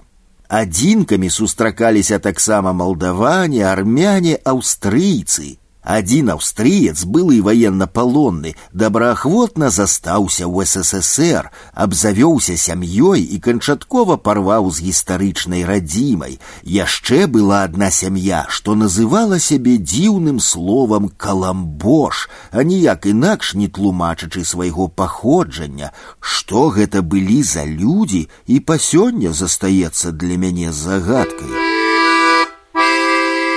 Рускія як і паўсюдна ў ССР у нас, канешне, былі і рускія. У бальшыні выпадкаў гэта былі людзі, якія з'яўляліся і знікалі ў пошуках шчасця, доўгага рубля ці бог ведае чаго. След ад іх хутка астываў, і толькі некаторыя заставаліся на сталы побыт. Быў калінін з валдаю, гісторыя таго, як ён патрапіў да нас, вартая асобай згадкі. На танцах у родным сяле ён прыраўнаваў сваю дзяўчыну да суперніка і агрэў таго аглобляю. Пабачыўшы, што супернік упаў як падсечаны, калінін палічыў, што забіў яго на смерць. Не заходзячы да хаты, забойца кінуўся на ўцёкі, прайшоў па лесе 30 кіламетраў да станцыі, сеў першы цягнік і паехаў белы свет. Думаючы, што знаходзіцца ва ўсесаюзным вышуку паўтара дзясятка гадоў ён туляўся па краіне, нідзе надоўга не спыняючыся, пакуль не асеў у Казахстане. Адтуль нарэшце адважыўся адазвацца, напісаў ліст сваякам, атрымаў адказ і даведаўся, што той забіты, ачомаўся праз гадзіну, а пасля ажаніўся з той дзеўкай, з-за якой была спрэчка, а пра яго ўцікача усе даўно і думаць забыліся. Калінін быў добрым сталяром, з дрэва рабіў цуды, але неяк на дабрабыце гэта не адбівалася. Сям'я яго чамусь жыла ў пастаяннай нястачы. На сметніку сталяр збіраў бляшанкі з-пад кансерваў, прырабляў да іх тронкі, і такім посудам у гаспадарцы карысталася сям'я валдайскага майстра. Быў шамін інвалід вайны. У шаміна ў мірным часе засталіся куксы замест рук, пустыя вачніцы і шыты пораты жывот, у якім немаведама што ратавалі хірургі. Глыбокі калека між тым меў жонку і ажно пяцярых дзяцей. Жанчына, якую ён, пайшоўшы на вайну, пакінуў зусім маладой жонкай, не адмовілася ад яго скалечанага, па вяртанні нарадзіла з ім дзяцей і даглядала яго самога як дзіця. Прыехаўшы ў наш пасёлак, шаміны набылі ў грэкаў халупку з падворкам, зарослым здзічэлымі садовымі дрэвамі і сталі там жыць. У маёй памяці захаваліся карцінкі. Жонка вядзе мужа да вадаскіду на канале, дзе купаюцца дзеці, заводзіць сляпога ў ваду, дзе ён, прысядаючы, асвяжаецца і спрытна ды няўклюдна спрабуе сябе абмываць куксамі, махаючы імі як качка крылцамі. Таксама быў адстаўны падпалкоўнік разліваеў, які жыў звычайным жыццём і адкрываўся толькі на падпітку. Тады ён з зацятасцю і крыўдай заўсёды згадываў адзін адзіны эпізод пра свой гераічны дывізіён 152 міліметровых гарматаў на одыры, якім ён расчысціў плацдарм і за які ўсе атрымалі ўзнагароды, а ён нічога. Палякі Былі ў нас і тыя, каго называлі палякамі. Насамрэч пры блізкім разглядзе амаль на сто адсоткаў гэта аказваліся беларусы каталікі. Яны актыўна запісваліся палякамі і з'язджалі ў Польшу ў 56, пакуль працаваў дазвол на выезд. Мой сябра Юльян Зямчонак, беларус пад паставаў, запісаўшыся вось так палякам, з'ехаў на радзіму. Там яны былі чужымі для мясцовых, але безумоўна траплялі ў непараўнальна лепшыя умовы, чым у любым з куткоў саюза. Юльян пасля мне пісаў у лісце, Нас тут ніхто не чакаў, супольнай працы, гэта значыць калгасаў. Дзякуй Богу, тут не атрымалася, працуем аднаасобна. Мая марыська сумуе і па радыё прымачы шукае хвалі ташкента. Сапраўдныя этнічныя палякі ў нашай мясцовасці таксама бывалі, Праўда, і зніклі да нашага прыезду. Недалёка ад нас у пахта-арале ў сорок другім годзе фарміравалася адна з дывізій арміі Андерса, якая пасля была перакінутая ў Іран. Бичы была яшчэ адна інтэрнацыянальная група людзей, якая качавала па краіне саветаў. Іх міграцыі залежалі хіба ад змены пары года, як цяплела падаваліся на поўнач, як халадала спускаліся паўднёвей. Яны не мелі сталага месца жыхарства і працы, часта былі без сродкаў, насілі, што прыйдзецца, елі, што знойдуць. Гэта былі бичы, былы інтэлігентны чалавек. Адно, што дакладна можна пра іх сказаць, яны жылі па-за законамі тагачаснага соцыуму, наколькі гэта было магчыма. Трымаліся ў невялікіх кампаніях сабе падобных, перабіваліся выпадковымі заробкамі, халтурамі, лавілі рыбу, нешта збіралі, недзе злёгку паджаброўвалі. Пры гэтым нічога выразна крымінальнага за імі не заўважалася. Бичы шкоды людзям не рабілі, а малечы былі добрымі сябрамі. Мой сын Мікола распавядаў, што калі кампанія падшыванцаў аднойчы прыбегла ў іх невялікі лагер, малых дапусцілі гуляць і глядзець, што і як. Адзін з такіх бичоў запытаўся ў міколы: « Ты хто? Той адказаў беларус.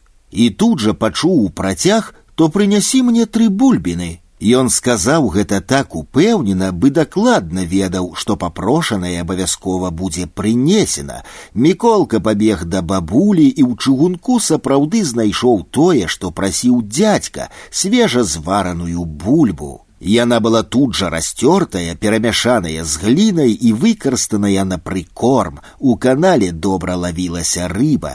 Такія групкі бадзягаў адносна спакойна туляліся па ўскраінах саюза, не трапляючы пад увагу органаў. У далечыні ад сталіцы буйных гарадоў бичы, выкінутыя сацыялістычным ладам на ўзбочыну магістральнага шляху ў светлую будучыню, ціха жылі як дзівоснае племя выгнаннікаў і валацугаў. Яны ў коле сабе падобных дэкламавалі ясеніна, мандельштама, спявалі галіча вярцінскага і іншых няправільных паэтаў, нешта спявалі пад гітару ля агню і проста жылі на свеце ў сваё сціплае задавальненне, што ў той час само па сабе лічылася ўпадніцкім і амаральным. Ужывалі віно, гарэлку, часта былі на падпітку. Гэта быў своеасаблівы пратэст супраць камуністычнага ладу жыцця жыцця. Тут варта сказаць, што нягледзячы на змяшэнне народаў і звычаяў, грамадскі парадак у нас быў узорны, прынамсі зладзеяў і бандытаў ніхто не бачыў. Ні з хатаў, ні з падворкаў нічога не знікала, а часам і з нічыйнай вуліцы. Аднойчы я троху на падпітку позна вечарам на матацыкле вяртаўся з райцэнтра, вёз мех мукі, Пасля дажджу дарога моцна раскісла, матацыкл захрас у каляіне на ўскрайку паселішча, аднаму было рады не даць, мінакоў не было, а грукаць па хатах у пошуках дапамогі не хацелася. Я ўзлаваўся, кінуў свой цяжкі іж 49 у каляіне і пайшоў да хаты спаць. Раніцай вярнуўся назад, каб агледзець стан рэчаў і прыступіць да выратавальнай аперацыі, і пабачыў матацыкл у поўным парадку на ўзбочыне дарогі выцягнуты з каляіны упоперак на бензабаку ляжаў некрануты мех мукі крымінальныя выпадкі што мне прыгадваюцца збольшага камічныя была гісторыя як малады небарака немец згаладаўшыся залез праз акно ў краму схапіў там бохан хлеба і выскачыў вонкі за ім пабеглі, злодзей выбег у чыстае поле, рвануў па сцежцы, але ўбачыўшы пагоню, сеў і пачаў кавалкамі глытаць хлеб. Пакуль дабеглі і схапілі, бохан быў ужо з'едзены. Беларусы. Але вернемся да беларусаў. Усе мы жылі досыць кампактна у трох суседніх раёнах: джетысайскім, пахтааральскім, кіраўскім жылі побач, але ў параўнанні з іншымі нацыянальнымі суполкамі жылі не тое, каб дружна, ці можа мне так падавалася. Пінскія атрымаліся асобна, вялейска-пастаўскія сваім колам, валожынска-маладэчынскія сваім. Былі пінчукі з прозвішчамі казлякоўскі, казадойка, зубоўскі, кахнюк, мініч, шаламіцкі, пратасавіцкі, кучанюк, якубчык. Мы з гумарам звалі іх пінскай шляхтай. Больш за ўсё даставалася пратасавіцкаму, чыё прозвішча мы жартам перайначвалі напроціў савецкі. Мясцовыя не разумелі гульні словаў і вельмі здзіўляліся пачуўшы. Былі докшыцкія, зямчонак, глінскі, зглыбоччыны стахоўскі, адзіны не земляроб, а гандляр, з вялейшчыны дуровічы, нарэйкі, матошкі, кавалевічы. Гэтыя суполкі канкуравалі між сопку і не асабліва сябравалі. Пры гэтым усе беларусы былі аднолькава працавітымі і тэхнічна адукаванымі. Беларусы высока цаніліся мясцовым начальствам як здольныя і надзейныя людзі, таму многія прэстыжныя і адказныя пасады займаліся менавіта выхадцамі з Беларусі. Вось пара прыкладаў, якія добра ілюструюць гэтае сцвярджэнне. Аднойчы беларусы грамадой паехалі ў госці ў суседні пладавін саўгас імя Кірова. Добра там пагулялі і вярталіся на навюткім газ-51, дзе ў кузаве былі ўсталяваныя лавы для пасажыраў. Шафёр быў таксама на падпітку. На нейкім павароце машына з'ехала ў кювет і перакулілася. Ніхто не пацярпеў, але новы самаход памяўся ды падрапаўся. Неяк агульнымі высілкамі далі рады яго вярнуць на дарогу і даехаць да гаража. Трохі расчухаўшыся, мужыкі ўзяліся за тэрміновы рамонт, бо ведалі, што разбіральніцтвы за пашкоджанне сацмаёмасці не прымусіць сябе чакаць. Ноччу кіпела праца, раніцай на мех двары з'явіўся дырэктар саўгаса, якому добразычліўцы ўжо паведамілі пра здарэнне.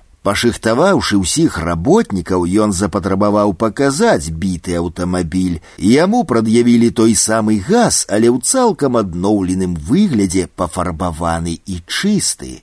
Прыемна здзіўлены дырэктар змяніў гнеў на міласць і, даведаўшыся, хто кіраваў работамі, тут жа прызначыў вішнага майстра новым начальнікам гаража. Яшчэ адна гісторыя, якая падвысіла аўтарытэт беларускай грамады, адбылася, калі згарэла дызельная электрастанцыя С-80. Генератор на 35 киловатт, і ўвесь пасёлак застаўся без асвятлення. Гэта без перабольшвання было здарэнне раённага маштабу. Для рамонту трэба было невядома, колькі чакаць аварыйную брыгаду з цэнтра, а пакуль тое пра паўнавартасную працу установаў можна было забыцца.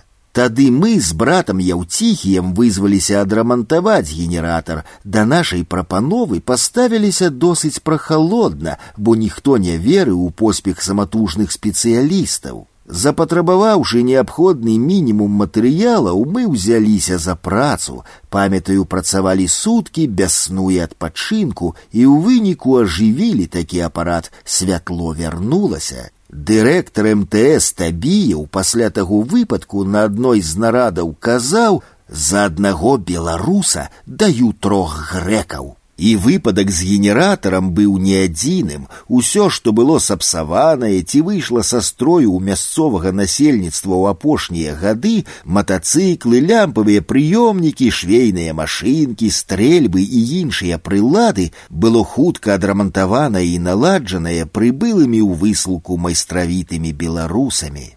Акрамя нас, раскулачаных, другой невялікай групай беларусаў былі рэпатрыянты з заходняй Еўропы, паўночнай і паўднёвай Амерыкі, якія выехалі на заробкі за мяжу з другой рэчы паспалітай. У час хрушчоўскай адлігі ў канцы 50-х пад моцным уздзеяннем камуністычнай прапаганды пра добрае жыццё ў ССР яны вырашылі вярнуцца на радзіму.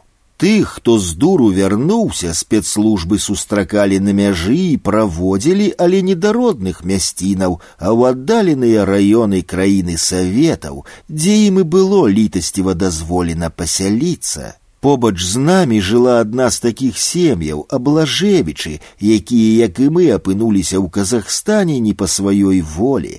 Да гэтага яны каля 30 год жылі ў Аргенціне, дзе мелі сваё ранча. Там яны гадавалі быдла і хоць цяжка працавалі, але жылі ў дабрабыце.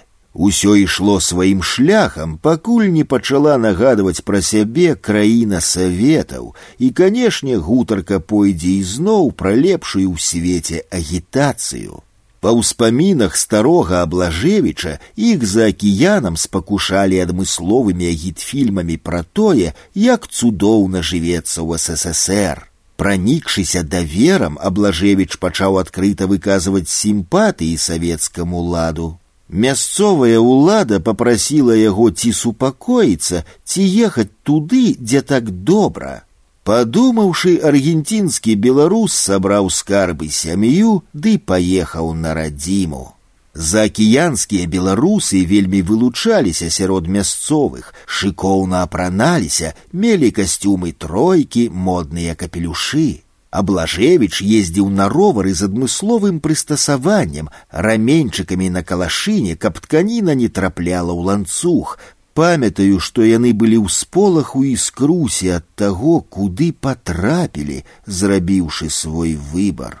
Праз некалькі гадоў нашую МТС ліквідавалі і людзям, якія жылі пры ёй, прапанавалі ехаць на іншае месца. Новае паселішча, куды перабраліся многія, і мы ў тым ліку афіцыйна звалася цэнтральная сядзіба саўгаса бальшавік. Гаспадарка гэтая спецыялізавалася на вырошчванні бавоўны. Адметнасцю было тое, што землі нашага раёна былі прадметам спрэчак. За кароткі час яны паспелі пабыць і ў паўднёва-казахстанскай вобласці казахскай ССР і ў сырдар'інскай вобласці узбекскай ССР, а потом ізноў казахскай ССР, але ўжо ў складзе іншай чымкенскай вобласці. Наш раён быў самай паўднёвай паўднёвай кропкай Казахстана.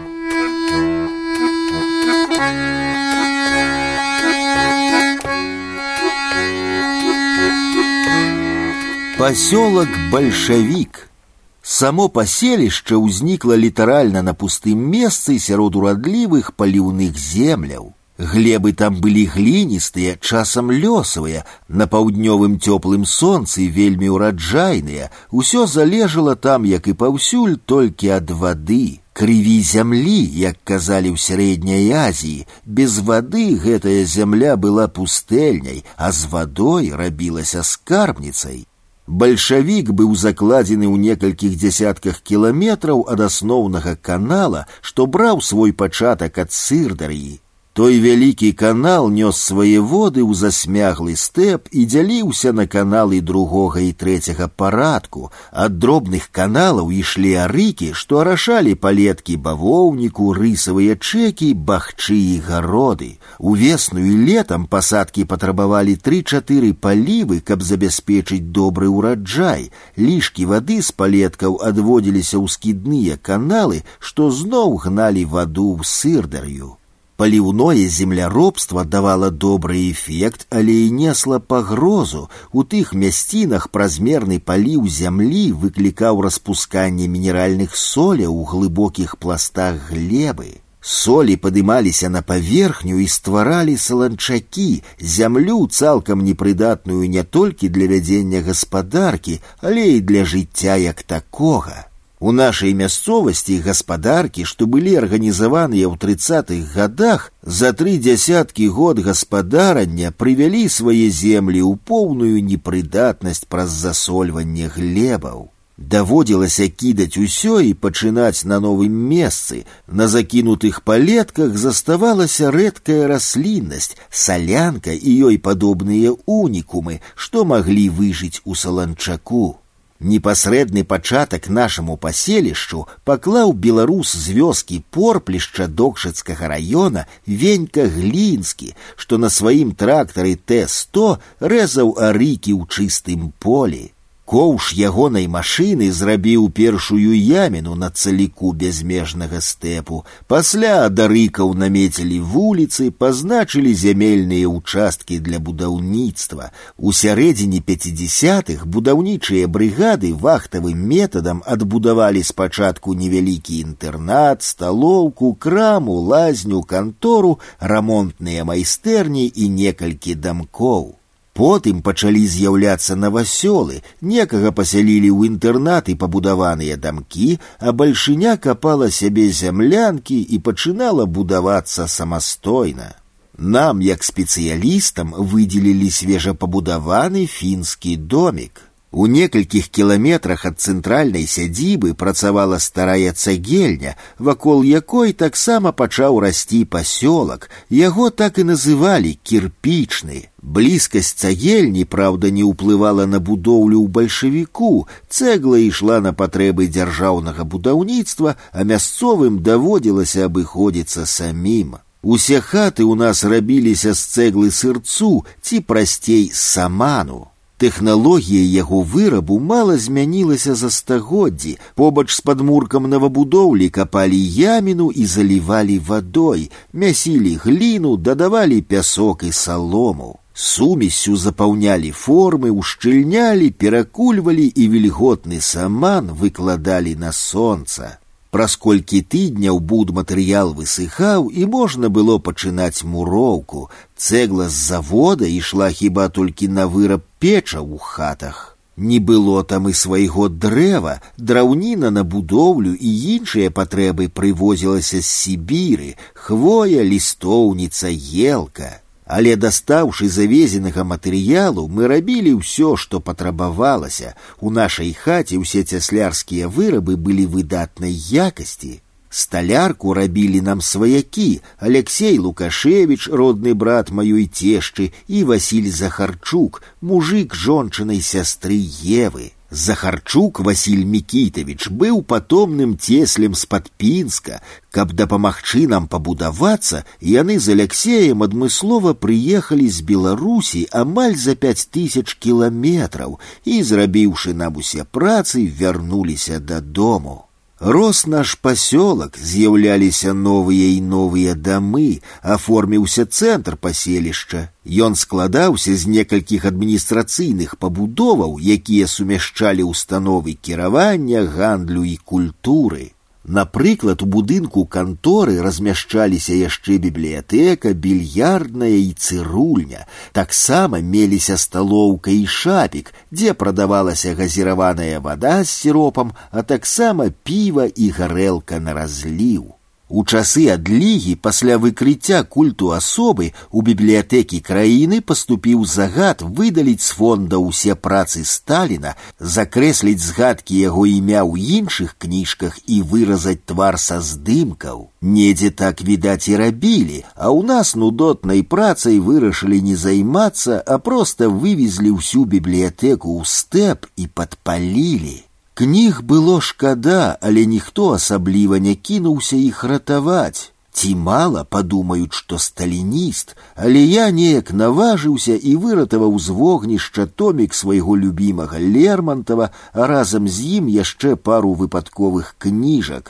Так у нас на паліцыі з'явіліся трохтомнік Пушкіна, роман Вальтера Скотта Робін Рой і жэрміналь Эміля Заля.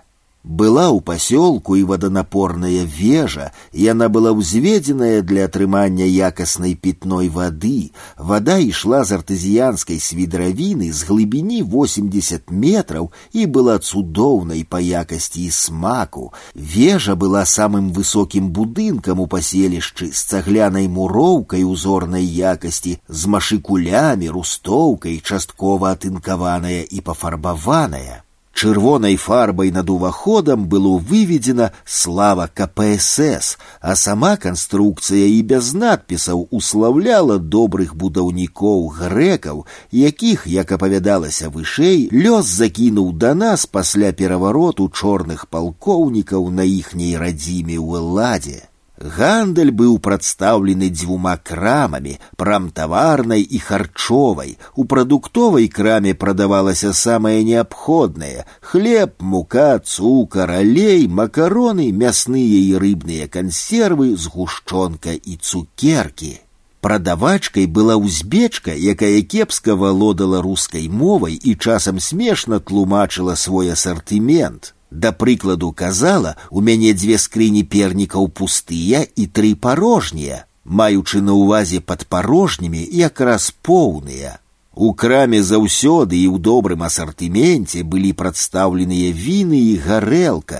Гарэлка ў шклянцы зялёнага колеру ёмістасцю паўлітра з сургучнай галоўкай каштавала два рублі 83 копейкі, а потым з'явілася бутэлька светлага шкла з бесказыркай за 4 рублі 12 копеек. Кагор набывалі людзям, якія моцна перахварэлі, і каб справа ішла на папраўку, ім раілі выпіваць келіх перад ядой. Каньяк у продажы быў таксама, але яго набывалі ў выключных выпадках, напрыклад, для пачосткі начальства ці каб уладзіць справу, атрымаць лепшае месца, перасесці на іншую машыну ці трактар. Лічылася, што каньяк патыхае клапамі, таму гарэл купіць лепей. Людзі гарэлку пілі часцяком, але алкаголікаў былі лічаныя адзінкі. У тыя часы, калі збіраліся трое мужчынаў і дамаўляліся выпіць, то бралі одну паўлітроўку гарэлкі на трох, ішлі на бераг канала і там у няспешных размовах выпівалі яе і разыходзіліся па хатах.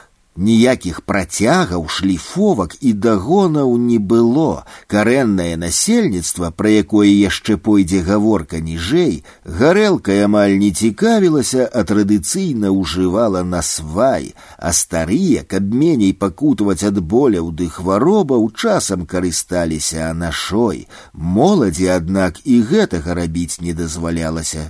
Вяртаючыся да асартыменту кропак гандлю, скажу, што акрамя названых вышэй паўсядзённа неабходных тавараў, нічога ў тыя часы ў крамах не прадавалася, не бывала свежага мяса, рыбы, малочнай прадукцыі ці садавіны з гароднінай. Для гэтага існаваў базар.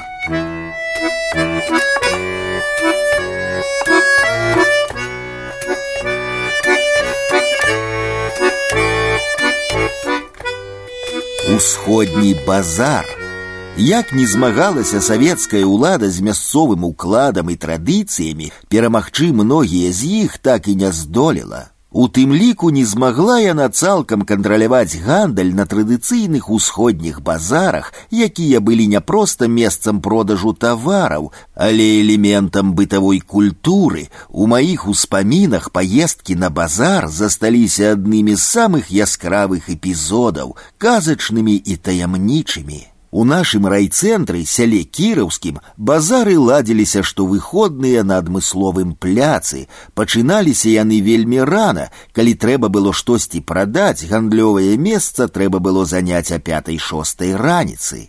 Месца куплялася ў дырэктара базару. Найчасцей гэта быў прылавак пад навесам. На прылаўку раскладаўся тавар. Гандлявалі гароднінай, садавіной, саматужнымі вырабамі, скабяным, маскатэльным таварам, метызамі, мядзяным і бляшаным посудам былі шэрагі з вопраткай вырабамі з воўны і самаробным абуткам.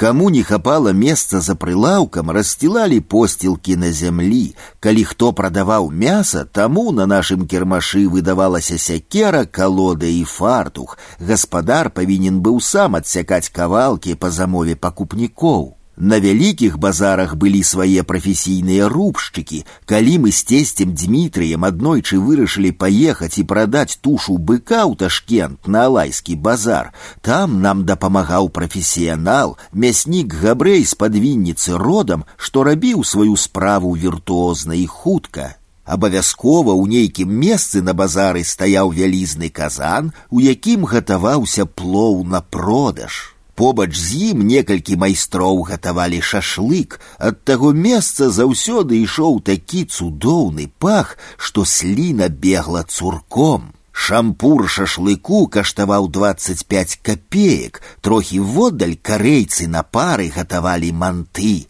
У некалькіх кропках прадаваліся віно і гарэлка на разліў. Калі рабіўся добры гешэфт, пакупнік і прадавец ішлі піць магарыч. Дети імкнуліся трапіць у шэрагі, дзе прадаваліся тахан халва, пахлава, парварда, цукровыя пеўнікі, рахат лукум, цукаты, фісташкі, арахіс. Смак гэтых традыцыйных усходніх слодычаў я памятаю дасюль. Цікава было і ў тым месцы гандлёвага пляца, дзе быў адмысловы вялізны загон для гандлю жывёлай.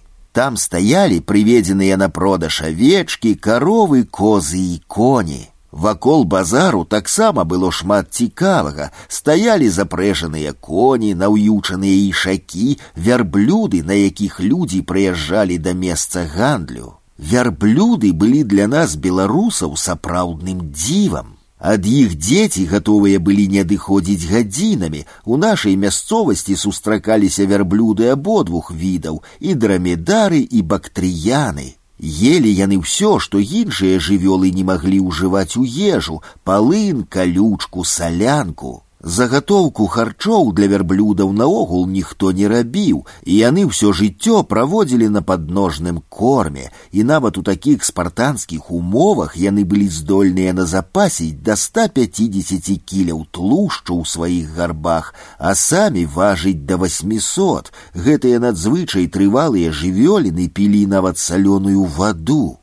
Уюкі, што грузілі на іх, маглі дасягаць паловы іх уласнай вагі.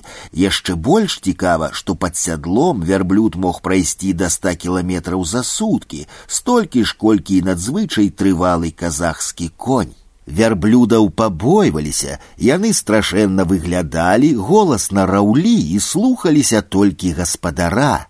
Затое як цікава было назіраць за тым, як яны умелі па камандзе, склаўшы пад сябе доўгія ногі, класціся на глебу і потым, круцячы вакол галавой, задуменна жавалі сваю жвачку. Нават і баючыся, людзі і асабліва малеча ўсё ж круціліся каля іх. Калі вярблюдам зусім назалялі, здараліся выпадкі, што звяры давалі адпор, пляваліся сваёй жуйкай. Так было з беларусам Іванам Хадорчанкам з-пад быхава. Ён неяк падышоў да вярблюда і выдыхнуў яму ў храпу тытунёвы дым сваёй цыгаркі. У адказ жывёла так харкнула зялёнай кашай, што заляпіла курцу і твары грудзі. Курэц сораму, каб хутчэй абмыцца, тут жа развярнуўся і з разбегу даў нырца ў канал.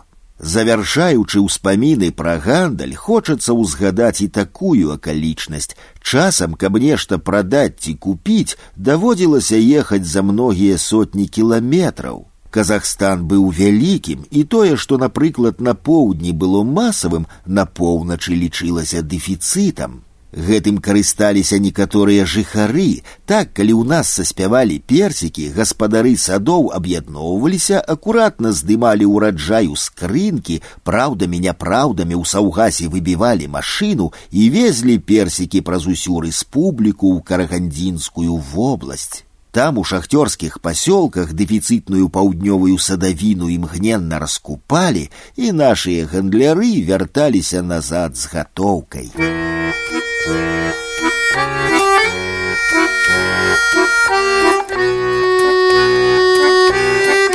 Вінаградарства. Жывучы ў пасёлку і працуючы хто дзе, усе так ці інакш займаліся і падсобнай сельскай гаспадаркай. Беларусы нашага пасёлка хутка перанялі ад узбекаў і грэкаў асновы земляробства на паліўных землях. Вакол хатаў разбілі сады, апроч звыклых нам яблыняў і грушаў, сліваў ды вішняў, там цудоўна раслі персікі, алыча, айва, гранат, смакоўніца, абрыкосы, вінаград. У нас было 50 кустоў вінаграду. Большая частка вінаграду была вінных гатункаў: алеатіка, саперавер, кацытэлі, мускаты.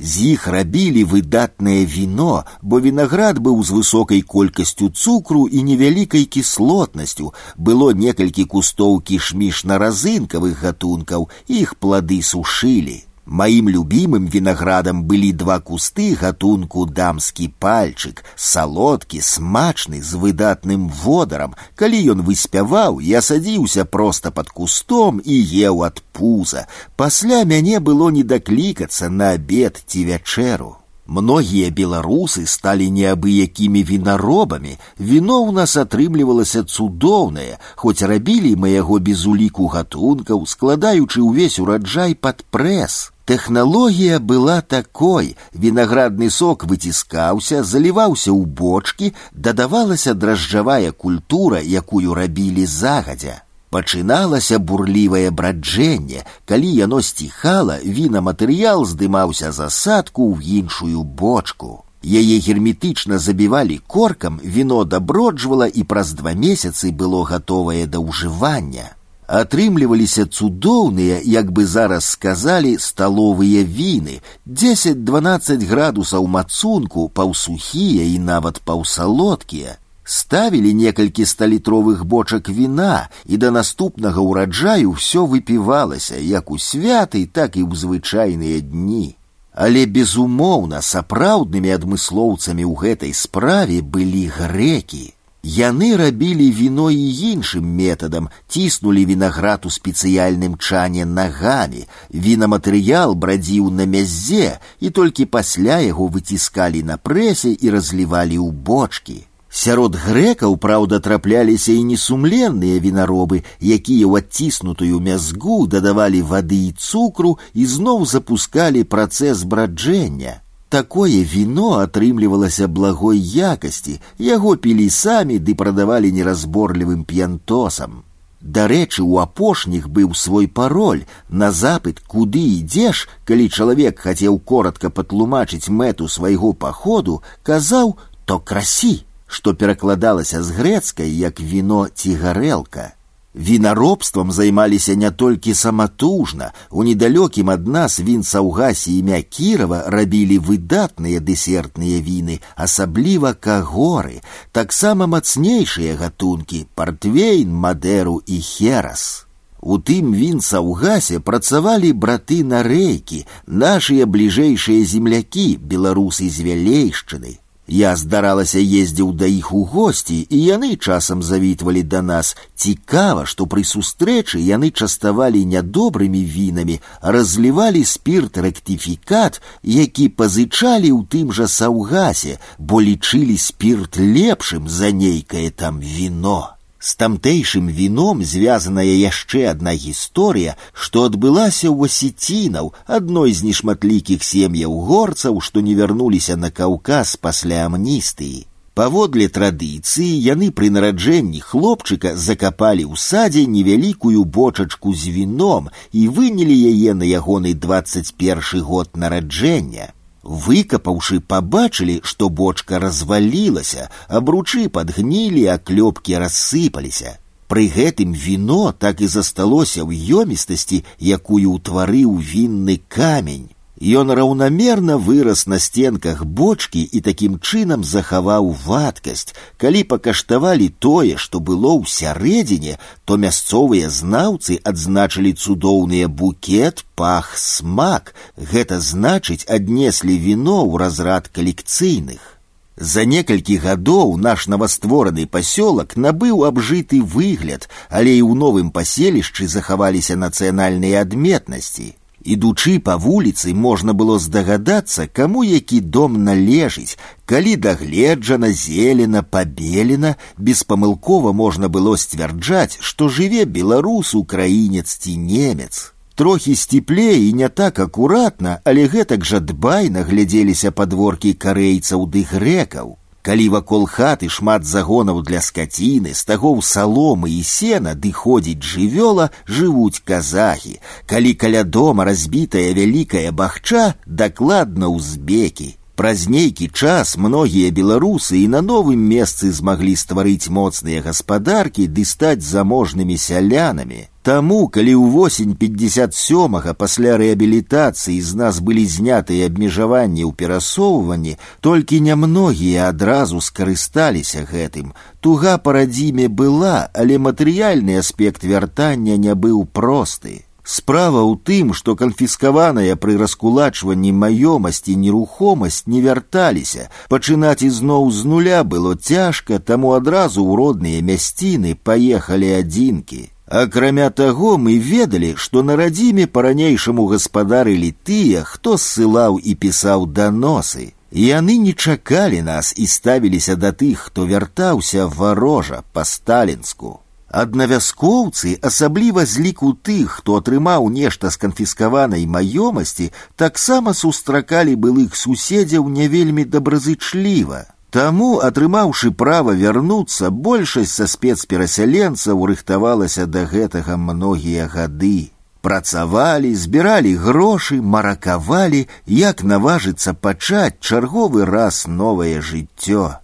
Так мы, а разам з намі іншыя перасяленцы перасталі быць ссыльнымі. Мы атрымалі роўныя правы з іншымі насельнікамі сярэдняй Азіі, але, канешне, мясцовымі мы так і не сталі.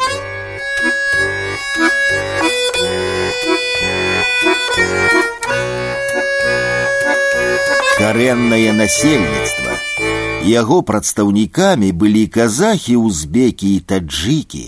Распачынаючы гаворку пра іх адразу скажу, чыстая праўда гэты вядомы выраз усход справа тонкая. Разабрацца ва ўсіх асаблівасцях міжэтнічных адносінаў, характараў, звычак і паводзінаў мясцовых народаў нам, еўрапейцам, было надзвычай цяжка. Адрозненняў паміж намі было значна болей, чым падабенстваў, нават беспамылкова ідэнтыфікаваць нацыянальнасць карэннага жыхара часам было надзвычай няпроста.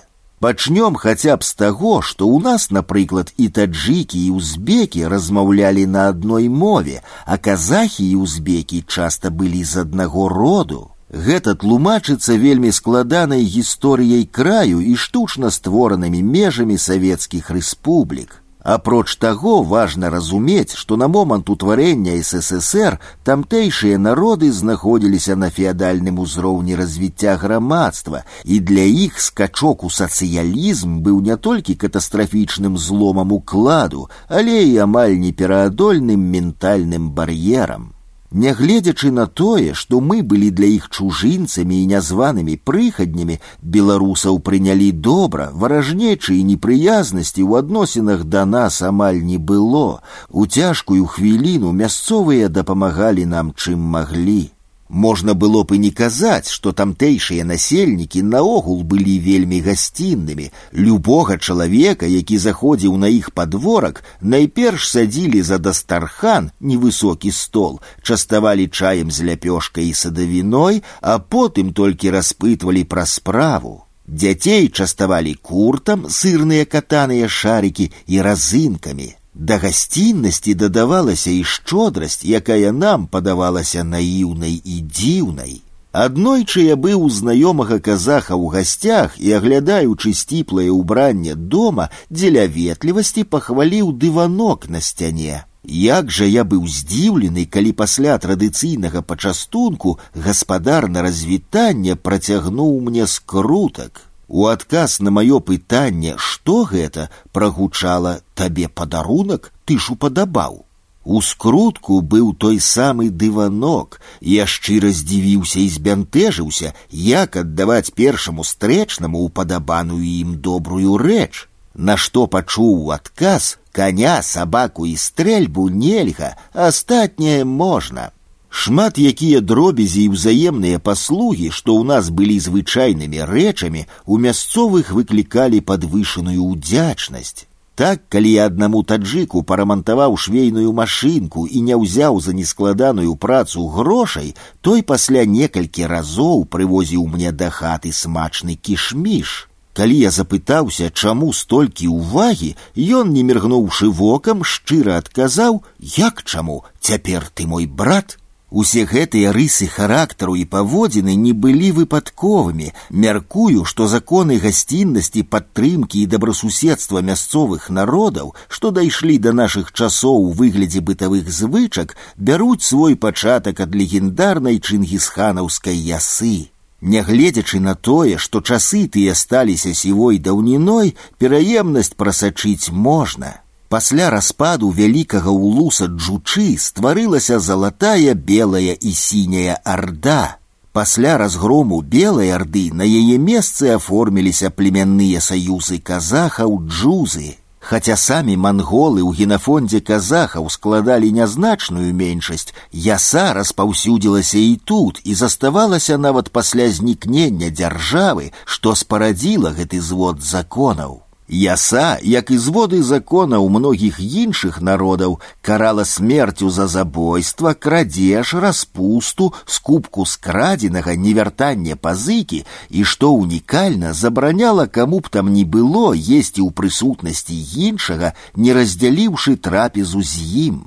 Згодна з ёй жорстка каралі і таго, хто адмаўляў падарожнаму ў вадзе і ежы, а не аказанне дапамогі таварышу ў бядзе прыраўноўвалася да самых цяжкіх злачынстваў. Гэтыя законы стэпу сфармавалі стэрэатыпы паводзінаў жыхароў той зямлі. Беларусаў здзіўляла іх даверлівасць, гасціннасць і добразычлівасць. У сасланых абарыгены разбіраліся вельмі хутка, за добро платілі добром, не адмаўлялі ў дапамозе, але і кепскае запаміналі. Калі іх хоць раз падманвалі ў іхнім даверы, болей з такімі не кантактавалі. Мясцовыя былі мусульманамі сунітамі, надзвычай мірнымі і добразычлівымі суседзямі, волею лёсу сутыкнуўшыся з прадстаўнікамі іншай цывілізацыі, пераймалі ад іх новае і прагрэсіўнае. Памалу сярод іх таксама пачалі з'яўляцца свае кваліфікаваныя механізатары, педагогі, інжынеры. Спрыяла гэтаму і дзяржаўная палітыка. Не абыходзілася праўда ў гэтай справе і без кур'ёзаў, асабліва калі партыя і ўрад высунулі прынцып каранізацыі. У нашым раёне на хвалі яе выканання дырэктарам саўгаса прызначылі казаха бердымкула, які скончыў сельгастэхнікум. І ўсё было б добра, але на жаль, даручаную працу ён не асіліў. Некаму б хапіла такога фіяска да канца жыцця, але ж тут іншая сітуацыя. Павінен казах быць у кіраўніцтве і ўсё тут. Таму яго з пасады знялі, але ў кадравым рэзерве доўга не трымалі, далі новы шанец, паставілі загадчыкам нарыхтоўчай канторы. Бердымкулы гэтую працу заваліў, паспрабавалі ізноў, перавялі загадчыкам склада, але і тут кіраўнік прагарэў, пасады скончыліся, на раённым партгас-актыве пытаюць у роспачы, куды бердымкул цябе яшчэ паставіць. У раённай бальніцы ёсць, канешне, вакантная пасада загадчыка хірургічнага аддзялення, але не прызначаць жа цябе туды. На што бердымкул у адказ, а што, Пойду, калі райкам падтрымае, пойду. Лепшым маім сябрам быў казах уцеш уцягенаў. Гэта быў сярэдняга веку мужчына, адметны тым, што ў дзяцінстве, упаўшы з дрэва і пашкодзіўшы хребетнік, усё жыццё быў вымушаны перасоўвацца на мыліцах. Ён доўга, але беспаспяхова лекаваў парэз ног па абласных і сталічных клініках, у шпіталях шмат чытаў і таму быў добра абазнаны ў класічнай і сучаснай літаратуры. Менавіта гэта і стала глебай для нашага сяброўства. Па прафесіі ён быў радыё і тэлемайстрам. Калі тамтэйшае насельніцтва пачало набываць прыёмнікі і тэлевізары, то мы часам халтурылі разам. Я рабіў антэну і лез усталёўваць яе на дах, а ўцеш унізе падключаў кабель і наладжваў прыёмнік. Зарабіўшы 10-15 рублёў, набывалі выпіўкі і закускі, ды ішлі да мяне пад вінаградны навес размаўлялі пра жыццё, абмяркоўвалі прачытаныя кнігі, спрачаліся, выпіўшы 150-200 грамаў гарэлкі, уцеж страчваў магчымасць перасоўвацца на мыліцах самастойна, і мне даводзілася яго несці да хаты на спіне. Едучы такім чынам, уцеж за салодай цытаваў мне рубаі Амара Хаяма. Наливай нам вина, хоть болит голова, Хмель дарует нам равные с Богом права. Наливай нам вина, ибо жизнь быстротечна, Ибо все остальное на свете — слова.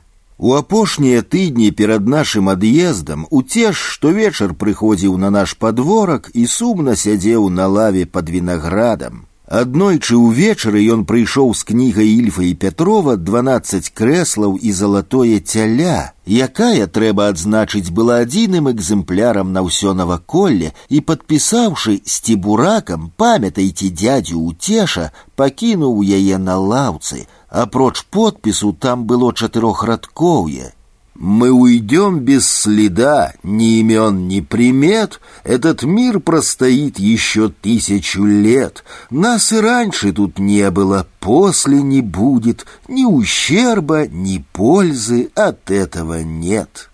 Узбек Ахунаў падчас другой сусветнай служыў у частцы, якая дайшла да беларускага горада Асіповічы, і там стаяла некалькі месяцаў, пакуль не скончылася вайна. Пасля таго лічыў кожнага беларуса сваім сябрам і дапамагаў парадамі па земляробстве і вядзенні гаспадаркі. Калі бачыў, што нехта кепска працуе, казаў: зямлю падманеш, зямля падмане. Ахунаў быў непераўзыдзены майстар па прыгатаванні плову. Калі ладзіўся агульны пасялковы той свята з пачастункам у тюркскамоўных народаў, яго заўжды запрашалі быць кухарам. Гэтая справа была сапраўднай містэрыяй, прыносілі велізарны казан, на адкосе ў шчыльнай гліне выкопвалася нешта падобнае да печы, усталёўваўся казан і пачыналася дзейства. Спачатку рабіўся зірвак, смажыліся апетытныя кавалкі бараніны, потым дадаваліся гародніна, рыс, спецыі. Пах смажанага мяса і цыбулі прыцягваў усіх над вялікім казаном з лыжкай, больш падобнай памерамі да вясла, шчыраваў кухар.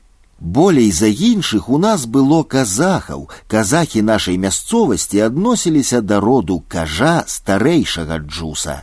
Жылі мясцовыя казахі па сваіх законах, сваім укладам. Законы савецкай краіны на іх паўсядзённае жыццё аказвалі толькі ўскосны ўплыў. Многія парадкі захоўваліся з даўніх часоў. Так пра аднаго брыгадзіра жывёлавода казалі адкрыта: гэта наш бай. Маючы на ўвазе ў тым ліку і тое, што затары ў некалькі тысячаў галоваў значная частка была яго ўласная.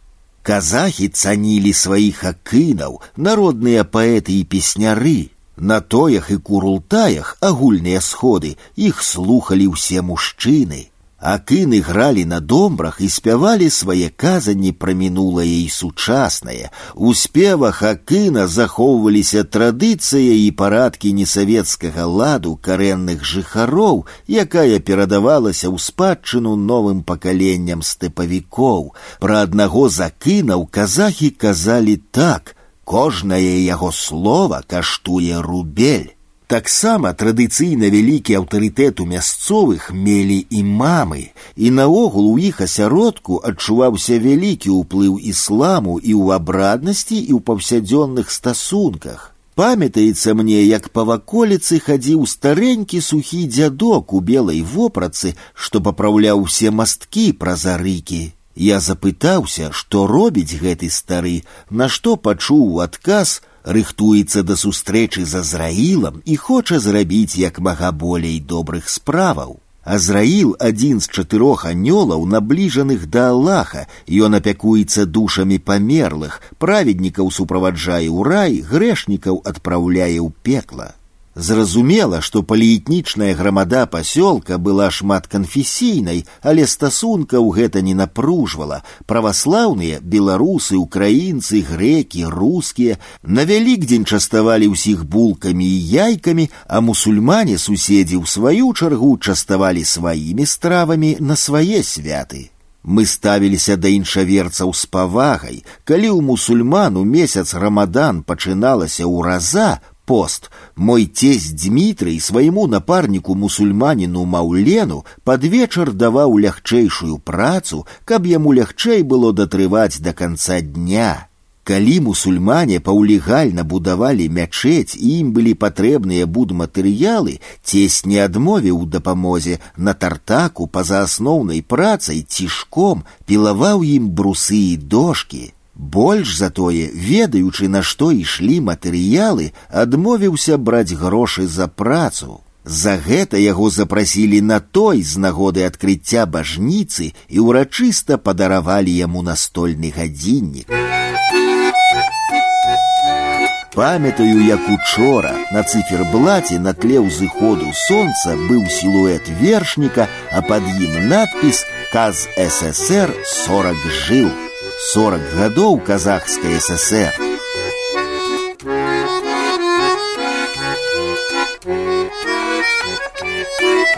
Абжыўшыся і ўладкаваўшыся на працы, многія сасланыя стваралі сем'і.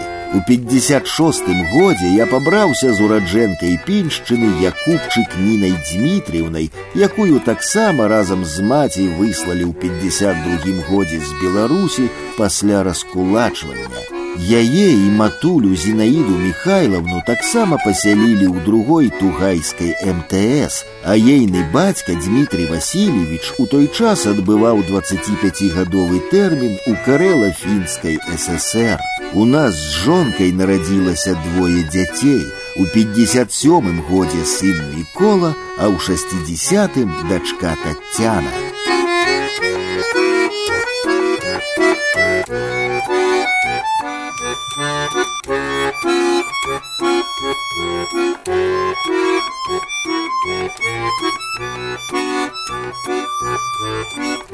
Далей у нашай кнізе ідуць успаміны міколы сцібуракі, і ён робіцца галоўным апавядальнікам сямейнай гісторыі.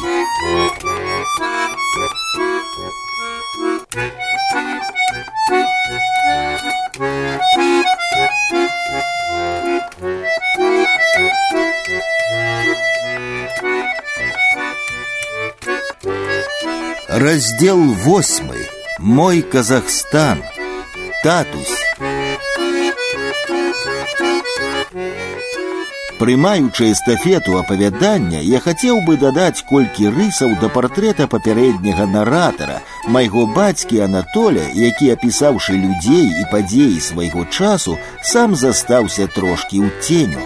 Мой бацька быў самым малодшым з братоў, таму быў пад іх аховай і ўплывам. Больш за ўсё любіў чытаць кніжкі, ведаў на памяць шмат чаго з Лермантава, Пушкіна, Міцкевіча, сучасных яму польскіх, рускіх і беларускіх пісьменнікаў. Пры Польшчы скончыў шэсць класаў, пры саветах зноў пайшоў у шосты клас, потым у сёмы, але пачалася вайна. У час акупацыі правучыўся некалькі месяцаў, але школу спалілі. Пасля вайны скончыў восьмы клас школы рабочай моладзі і завочна тэхнікум, атрымаўшы спецыяльнасць тэхнік-механік. Да сваёй працы ставіўся адказна і быў майстрам высокай кваліфікацыі, напрыклад, сапсаваную электраправодку і электраабсталяванне аўтамабіля газ-53 мог замяніць за адзін дзень. Як і браты меў відавочныя схільнасці да тэхнікі, асабліва да радыё і электраапаратуры.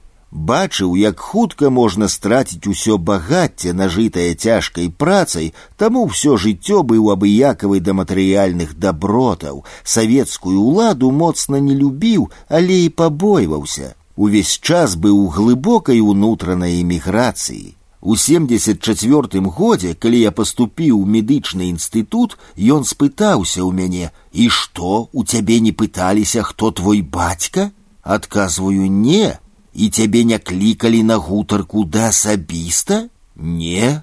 Пасля гэтага ён неяк палагаднеў да ўладаў, але агулам трымаўся ранейшых поглядаў. Амаль усё жыццё майго таты прайшло пры таталітарных кіраўніках і рэжымах пілсудскі сталін гітлер хрушчоў і брэжняў затым перабудова і невялікі кавалак свабоды ў девяностых а потым ізноў аўтарытарызм Пры гэтым у душы ён заставаўся шчырым прыхільнікам дэмакратыі і гуманізму што праяўлялася і ў яго характары і ў чалавечых стасунках Таксама ў глыбіні душы захаваў ён пэўны сантымент да маршалка Юзафа Пілсудскага, і вось як ён пра яго разважаў, Па-першае, пілсудскі беларус. Ён у маладосці сваёй рукой напісаў гэта ў анкеце, ды і самі палякі з карэннай Польшчы называлі яго ліцвінам. Ён добра валодаў беларускай мовай і па-польску размаўляў з беларускім акцэнтам, нарадзіўся на свянцяншчыне этнічных беларускіх землях і ў планах меў адраджэнне федэрацыі Польшчы, літвы і Беларусі. Калі разваліўся ССР, ён ні хвіліны не шкадаваў пра гэта, вітаў незалежнасць Беларусі, але ў 94 галасаваў за Лукашэнку, які паабяцаў, што верне страчаныя ўклады на зберкніжках, калі не грашыма, дык лядоўнямі і тэлевізарамі.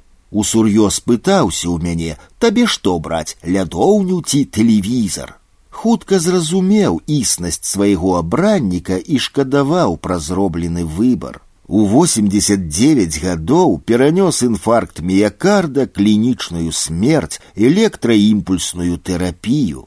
Пасля гэтага пражыў яшчэ пяць год, чытаючы ад вокладкі да вокладкі народную волю, свабодныя навіны і рэгіянальную газету таксама перачытаў наноў шмат чаго сусветнай класікі мастацкай літаратуры, ухваляў і цікавіўся заняткамі ўнукаў, гісторыяй і літаратурай. Апошнія гады быў пад доглядам дачкі.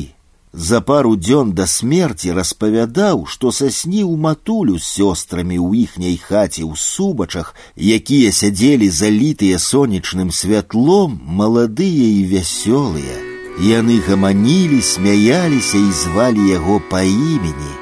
За некалькі гадзін да смерці прамовіў у светлай памяці хачу быць вольным і адышоў у іншы свет. Пахаваны на могілках у лазаўцы пад маладэчнам каля жонкі, з якой пражыў 52 гады.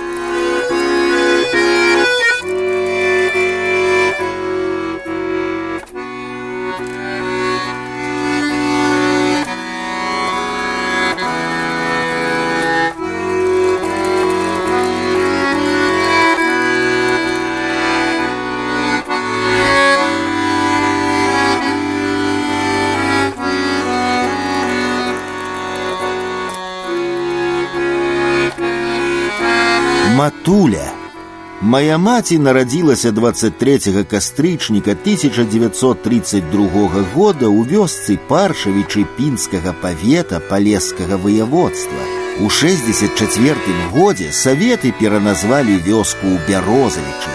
Ніна была малодшай дачкой у сям'і заможных беларускіх сялянаў Дмітрыя і Зінаіды Якубчыкаў. У маці было дзве сястры, старэйшая была Таня, сярэдняя Ева.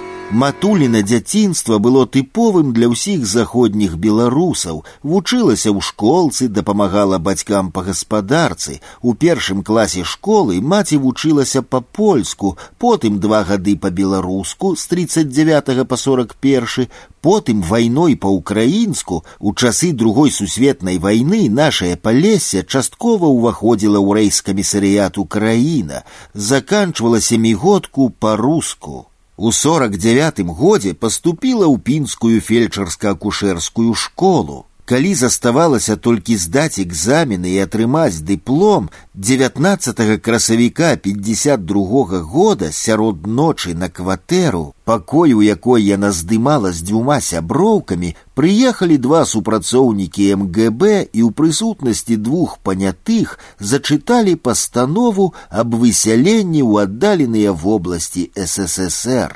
Далі на зборы паўгадзіны, а збіраць і не было чаго. Вопратка трохі бялізны ды сто з кніжак перавязаны шпагатам. Адразу павезлі на чыгуначную станцыю, маці згадвала. Як ішлі ўздоўж вагонаў зачыненых дзвярэй чуліся галасы маладых хлопцаў: « Эй, прыгажуня, давай да нас, поедем разам. І раптам з іншага вагона пачуўся вокліч маці: « Ніначка, ідзі сюды, я тут. Канваіры завялі ў вагон да матулі. У вагоне абняліся, заплакалі, але і ўсцешыліся, што хоць у такую цяжкую хвіліну затое разам. Раніцай да составу подбеглі развітацца мае сяброўкі, і адна з іх закінула ў акенца маю залікоўку. Гэтая кніжачка была сведчаннем маёй адукацыі, наяўнасць якой дазволіла мне ў высылцы здаць іспыты і атрымаць дыплом.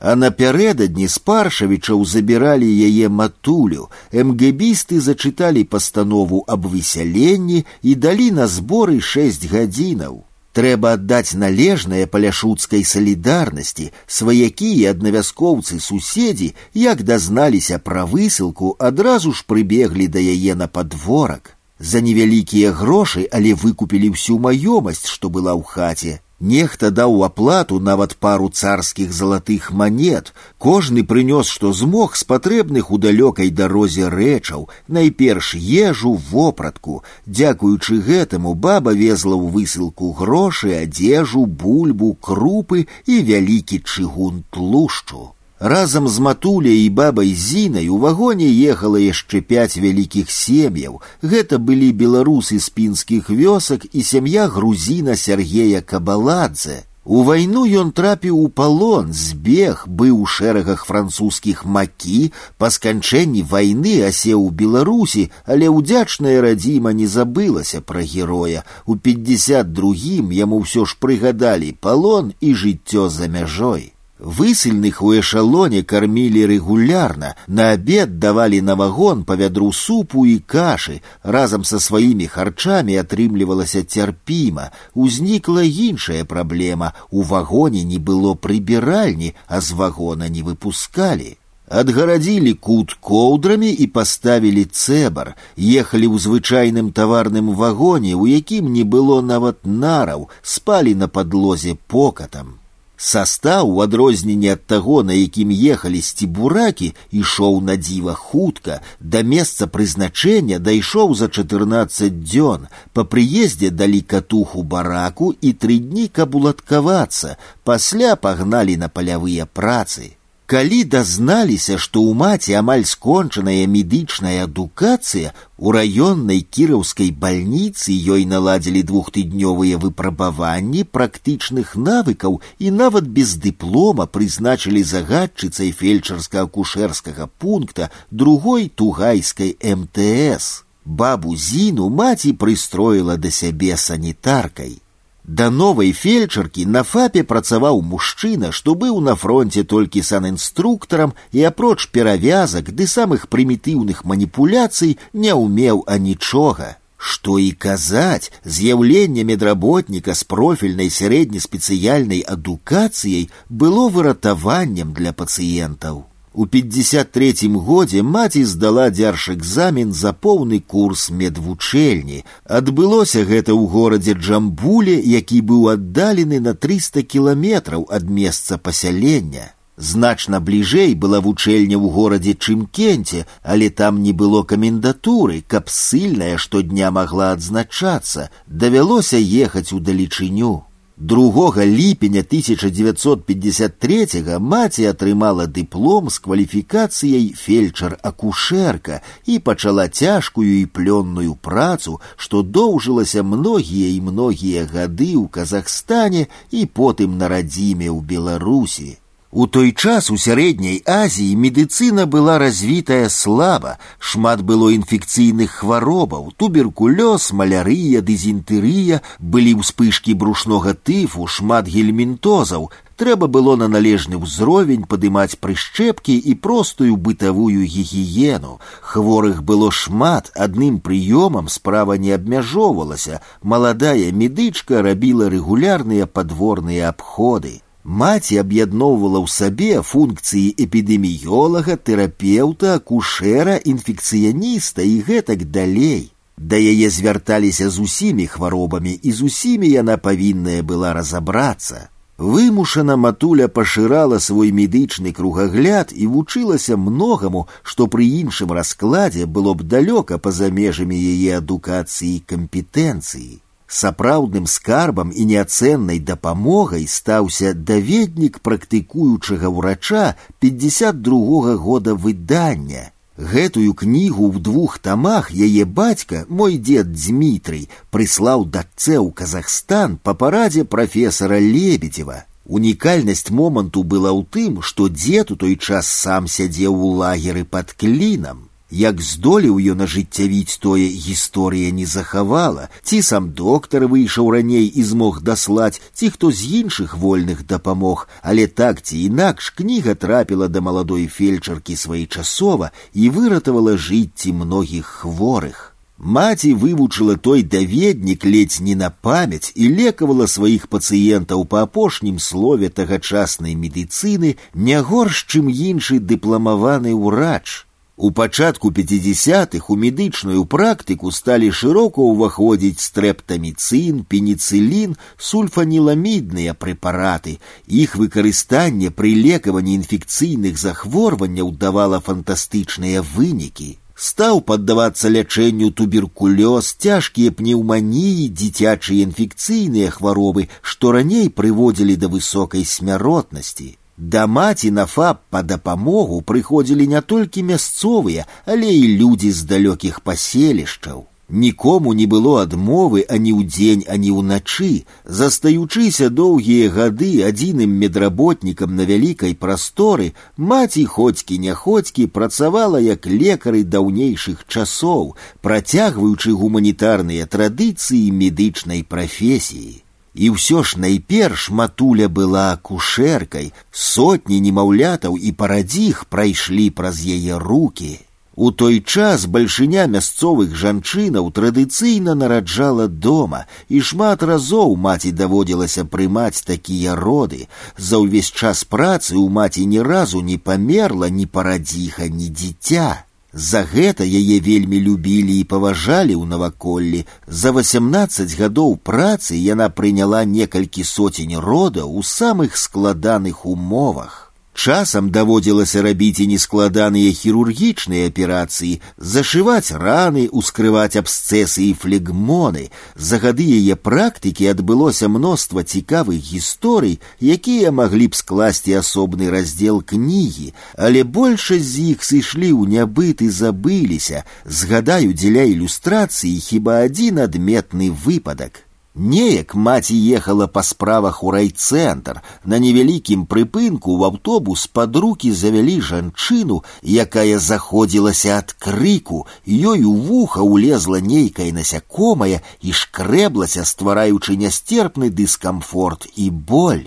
Жанчына пачувалася блага, і маці вырашыла паспрабаваць дапамагчы неадкладна. Спытала, ці не вязе хто раптам на продаж алею, адшукаўся бавоўнавы, яна крапнула пару кропля ў вуха і неўзабаве з вуха вылезла сараканожка. Хворая імгненна адчуняла і, акрыяўшы, нават рассмяялася. Хутка ўвесь аўтобус, а пасля і ўвесь кірмаш абмяркоўвалі ўчынак знаходлівай доктаркі чараўніцы.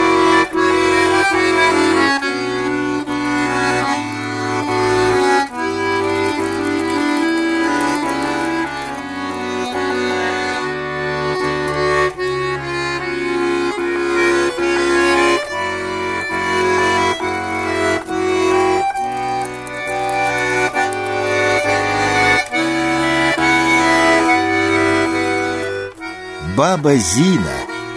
Незаменной помощницей молодой фельдшерки у повседневной працы на ФАПе была яе матуля моя баба Зина.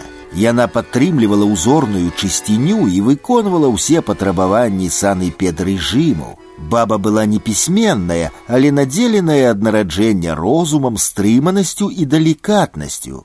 Яна лёгка сходзілася з людзьмі і магла залагодзіць любога ды прыцішыць канфлікт. Да сябе была вельмі патрабавальнай і ўважлівай да людскога меркавання. Перад тым, як нешта зрабіць, часта запытвалася, а што скажуць людзі. Мне ўспамінаецца выпадак, які добра характарызуе асобу маёй бабулі зіны. Гэта было ў першы год высылкі з акна барака, у якім жылі баба Зіна з маці, было відаць саўгаснае зернесховішча, якое ахоўваў вялізны глухі казах кажмахан. Была глыбокая восень з ветрам і дажджом, глуханямы, паклаўшы стрэльбу на калені, хутаўся ў ірваны чапан, кафтан і дрыжэў ад холаду. Баба Зіна заварыла чайнік, адрезала лусту хлеба, узяла кавалак пілаванага цукру і панесла гэтаму грознаму ахоўніку. Што яна сказала яму і наогул, на якой мове можна было паразумецца з глуханямым казахам, думаю, на мове дабрыні. Праз гадзіну кажмахан пагрукаў дзверы, вярнуў чайнік і жэсtam папрасіў падаць пустую ёмістасць, у якую высыпаў вядро пшаніцы, пры гэтым замычэў і заўсміхаўся.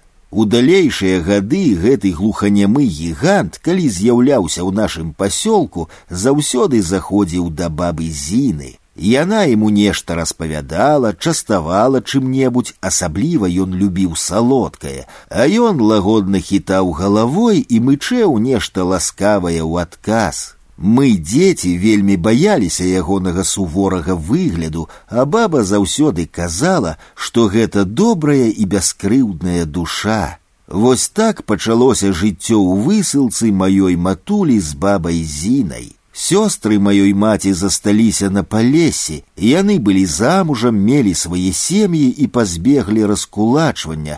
Праз некалькі гадоў да жонкі і дачкі ў сярэдняй Азіі далучыўся бацька, мой дзед Зміцер. Адбылося гэта ў 54 годзе, і яго гісторыя вартая асобнага расказу.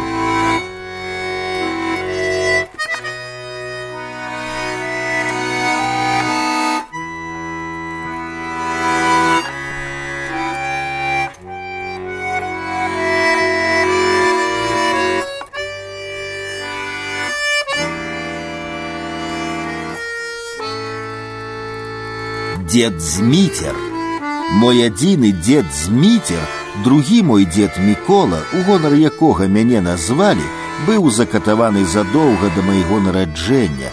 Нарадзіўся на вадохрышча ў 1900 годзе ў палескай вёсцы Паршавічы пад Пінскам. На выдатна скончыў царкоўна-прыходскую школу, працаваў на гаспадарцы, затым у 1922 годзе патрапіў у першы афіцыйны прызыў у войска польскае. Праз свой малы рост і сціплую вагу трапіў кавалерыю, служыў пад варшавай. У тыя часы маладая польская дзяржава яшчэ не была ахопленая такімі шавіністычнымі настроямі, як пазней у трыццатых, але дзед згадываў, што і ў час яго службы адносіны да беларусаў і паляка ў войску польскім усё ж не былі роўнымі. Ён расказваў, напрыклад, што на разгрузку сена на станцыю з часткі камандзір адпраўляў штораз толькі красавякаў, даючы карэнным палякам адпачынак. Аднойчы дзед, узлаваны такім стаўленнем, знарок падцялежыў воз сенам, той перакуліўся на рэйкі і перапыніў на нейкі час рух. Быў вялікі верхал, але камандзір зразумеў прычыны і далей стаў прытрымлівацца чаргавання ў нарадах на разгрузку, адпраўляючы з часткі на станцыю і жаўнераў палякаў. Агулам школа польскай кавалерыі згадвалася дзедам і праз шмат гадоў. Часам у добрым настроі ці кульнуўшы чарку, ён паказваў мне кавалерыйскія баявыя прыёмы, як адбівацца доўгай пікай ад пяхоты, як біць ёй уперад і ў бакі.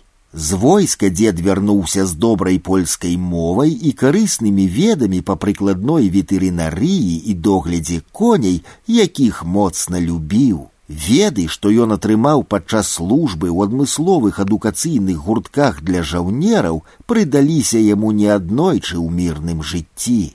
Пасля службы зміцер Якубчык пасватаўся да Зінаіды Лукашевіч суседніх выжлавічаў, прывабнай і працавітай дзяўчыны з добрым пасагам. Бацька яе быў восем гадоў у Амерыцы і прывёз даляраў. Пажаніўшыся, маладыя набылі 12 гектараў зямлі ў асадніка. Зямля была кепская, прынамсі папярэдні гаспадар так і не здолеў з ёй нічога зрабіць. Пачалася штодзённая цяжкая праца, трэба было з кепскай пясчанай глебы зрабіць урадлівую раллю. Дед прыгадываў, што пачынаў працу ад чацвёртай раніцы і рабіў, не ведаючы адпачынку да ночы, ні ў будні, ні ў прысвяткі не сядзеў без справы і даў рады. Зямля пачала даваць неблагія ўраджаі, асабліва добра рос лён, ураджаю з палетка ўставала і сабе і на продаж. Сабраўшы грошай, дзед праз нейкі час рэалізаваў сваю даўнюю мару, набыў двух пародзістых племянных жарабцоў огераў. Звалі іх шэрай і ас за тое, што яны пакрывалі мясцовых кабылак, дзед браў па сем злотых. Яны былі неверагодна моцнымі і разумнымі, выдатна хадзілі пад сядлом. Канешне, з тымі пародзістымі коньмі быў і клопат. Варта было ім пабачыць кабылу, як яны пачыналі хвалявацца і ржаць, не слухаліся камандаў і ўрэшце расхадзіўшыся, часам нават вырываліся і ўцякалі ад гаспадара. З гэтымі дзедавымі коньмі было шмат прыгодаў. У другую сусветную партызаны рэквізавалі іх на свае патрэбы, але огеры не слухаліся новых уладальнікаў, бязлітасна дэмаскіравалі іх сваім буйным норавам, паздрадніцку адмаўляючыся падпарадкоўвацца. Нейкім цудам яны не трапілі на кілбасу, а былі выгнаныя з атрада і вярнуліся назад у вёску, дзе ізноў служылі гаспадару. Пасля вайны на іх паклаў вока і забраў сабе старшыня малоткавіцкага райвыканкама. Але і тут коні паказалі нораў, узбунтаваўшыся, разбілі брычку і выкінулі старшыню на дарогу. Да гаспадара гэтым разам яны не вярнуліся, упартых жарабцоў аддалі на бойню. Аднойчы дзедава любоў да коней ледзь не каштавала яму жыцця, здарылася гэта ў вайну. Неяк у дзень па доўгай вясковай вуліцай пад людскі лямант і брэх сабакаў конь панёс калёсы. Выкінуў вазніцу, раскідаў рэчы, разбіў калёсы і ляцеў, не разбіраючы дарогі з аднымі аглоблямі. Ніхто не рызыкаваў спыніць жывёліну, аж пакуль на пярэймы не выйшаў дзед кавалерыст. Ён схітрыўся неяк скокнуць збоку і павіснуць на збруі коня, але той не сцейшыўся, а наадварот і рвануўся яшчэ мацней, дзед атрымаў удар глобляю падбароддзя, адляцеў у бок, а конь пабег далей. Выявілася, што конь быў хворы на шаленства, яго давялося застрэліць. Дзед абышоўся толькі гузакамі і разбітым тварам, пашанцавала, што шалёная жывёла не куснула і не абслініла героя, бо чым бы тое скончылася невядома.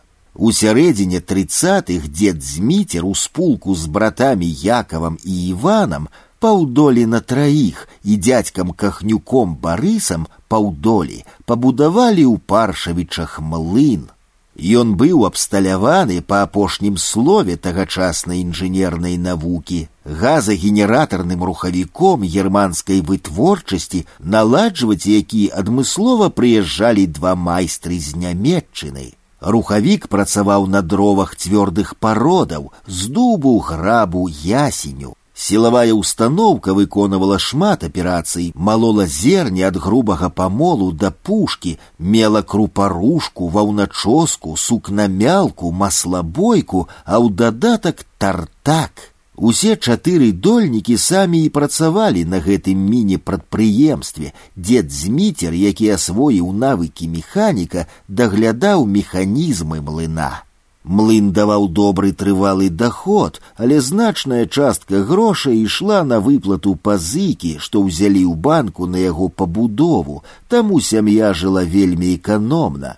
Працы млынарам хапала круглы год. На пытанне, як ідзе праца на млыне, яны коротко казалі: завозна, братка, завозна.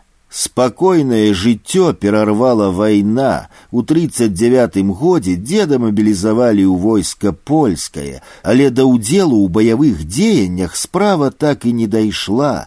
Каманда мабілізаваных, што ішла ў кірунку кобрына, трапіла ў палон да чырвонаармейцаў. Пад канвоем яны рушылі далей. Невядома, як бы павярнулася жыццё деда, але дапамог выпадак. На нейкім прыпынку сталі ля ракі. У гэты час побач таксама спынілася нейкая вайсковая частка, і салдаты з яе пайшлі да вады абмыцца. Тут дзеду паспрыяла смеласць і шацунак. Ён скінуў верхняе адзенне, застаўся ў вайсковых нагавіцах і белай сародцы. Так цішком падышоўшы, зліўся з кампаніяй паўголых ваякаў, якія бавіліся на беразе, зайшоў у ваду, потым цішком прайшоў паўз кусты і абозы і ўцёк у лес. Пасля вярнуўся ў родную вёску. Дома деда чакалі змены, першыя саветы млын нацыяналізавалі, праўда, гаспадароў не кранулі. Хутка пачалася вайна, і за немцамі млын ізноў вярнуўся старым гаспадарам. Праўда, спакою гэта не прынесла, бо ўдзень малолі зерне немцам уночы партызанам, і адмовіць ні тым, ні другім не выпадала. Па вяртанні саветаў шматпакутны млын ізноў стаў народнай гаспадаркай. З колішніх уладальнікаў пры млыне пакінулі толькі дзеда, бо лепш за яго ніхто не ведаў ягонага механізма.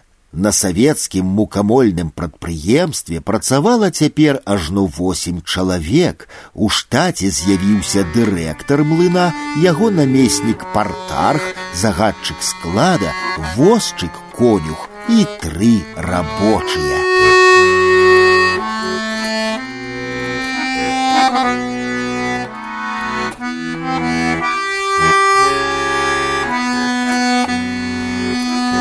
Карельскі лесапавал. Паколькі млын стаў дзяржаўным, новыя работнікі мала клапаціліся пра якасць прадукцыі і рэпутацыю прадпрыемства. Стали потиху красці збожжа і муку, гнаць самагонку ды выпіваць проста на млыне пасля працы. Пасля адной з такіх гулянак млын згарэў, каб выйсці сухім з вады, партарх абвінаваціў деда, абгрунтаваўшы гэта тым, што маўляў былы гаспадар эксплуататар сам спаліў млын, не могучы трываць таго, што яго былая ўласнасць служыць працоўнаму народу, наладзілі паказальны суд. У сорок сёмым деду далі 25 год лагераў і адправілі ў карэла-фінскую ССР на лесапавал под кандапогу. З іх дзед адбыў сем гадоў, смерць Сталіна скасавала вырак. Сем гадоў карэльскіх лагераў былі сапраўдным пеклам, з тым адрозненнем, што ў пекле горача, а там было пераважна халодна. Дед быў палітычным зняволеным, а ў лагеры было поўна звычайных крымінальнікаў. Ён згадваў, як яны на вачах ва ўсіх лёгка забівалі чалавека за буханку хлеба ці абутак, калі той сам яго не здымаў. Кожны дзень без перабольшвання быў барацьбой за жыццё, і толькі сялянская звычка да цяжкай працы дазволіла яму пратрымацца даўжэй за бальшыню іншых. Людзі больш далікатныя ці слабейшыя фізічна паміралі цягам першых гадоў. У тым лагеры на пачатку чамусь было многа малдаванаў, якія хутка паміралі ад непасільнай працы і жудаснага клімату. Многія з іх прасілі дзеда пахаваць іх па праваслаўнаму, прачытаўшы малітву і паставіўшы хоць які сімвалічны крыж. Знясіленыя яны клаліся жывымі на зямлю, каб дзед пазначыў памер ямы пад магілу адразу і пасля не капаў лішняга. Першыя два гады дзед пратрываў на самым цяжкім месцы на лесапавале, пасля захварэў на жаўтуху і трапіў у лазарэт, барак, дзе ніхто нікога асабліва не лячыў, але дзе хворым давалася галоўнае трохі харчу і вызвалення ад штодзённай знясільвальнай працы. Праляжаўшы колькі дзён і трошку ачомаўшыся, дзед падняўся і першае, што зрабіў, чыста прыбраў лазаретную палату, дзе ляжаў разам з іншымі дзесяцю дахадзягамі. Гэты ягоны інтуітыўны ўчынак меў лёсавызначальныя наступствы. На абходзе лагерны доктар прафесара лебедзяў з Ленінграда спытаў, хто так прыбраў палату показалі на деда прафесару спадабаўся деда ўчынак і ён дабіўся ў адміністрацыі лагера пераводу Дмітрия якубчыка з агульных работ у сваё распараджэнне у санітары так выпадак выратаваў дзедава жыццё, што падштурхнула тады дзеда, муштроўка польскага войска, бытавая культура заходнебеларускага селяніна ці простае нежаданне паміраць у брудзе невядома, але так ці інакш на валку ён не вярнуўся. Рэшту часу прабыўшы ў распараджэнні доктара Лебедзева, ленінградскага прафесара, які сам адбываў тэрмін у карэльскім лагеры. Свой прысуд лекар атрымаў за падпольны спарон, які ён зрабіў па любоўніцы нейкага вялікага партыйнага кіраўніка. Аперацыя прайшла ўдала, і ўсё было б добра, каб пацыентка не прагаварылася сяброўцы, якая ў сваю чаргу і паведаміла пра пачутае ў органы. У тыя гады спароны былі афіцыйна забароненыя, таму вынікам стала шматгадовая практыка прафесара ў лазарэце лесапавалу. Дед Зміцер часта і з удзячнасцю згадываў і самога доктара і ягоную прыгаворку, калі той злаваўся: « Эх, мітюша, мітюша, деревенщина ты неатёсанная. Яны блізка сышліся і па-свойму нават пасябравалі. Менавіта па парадзе доктара Лебедзева дзед неяк здабыў для сасланай дачкі той даведнік практыкуючага ўрача, што гэтак дапамог маладой фельчарцы ў Казахстане. Пасля смерці Сталіна дзед Дмітрый выйшаў па амністыі, але паколькі падлягаў новаму пакаранню па прысудзе аб раскулачванні, быў тут жа этапаваны на новае месца жыхарства сям'і ў сярэднюю Азію. Але ўз'яднанне з сям'ёй прыйдзе пазней, пакуль яны мусілі перажыць самы складаны час без бацькі.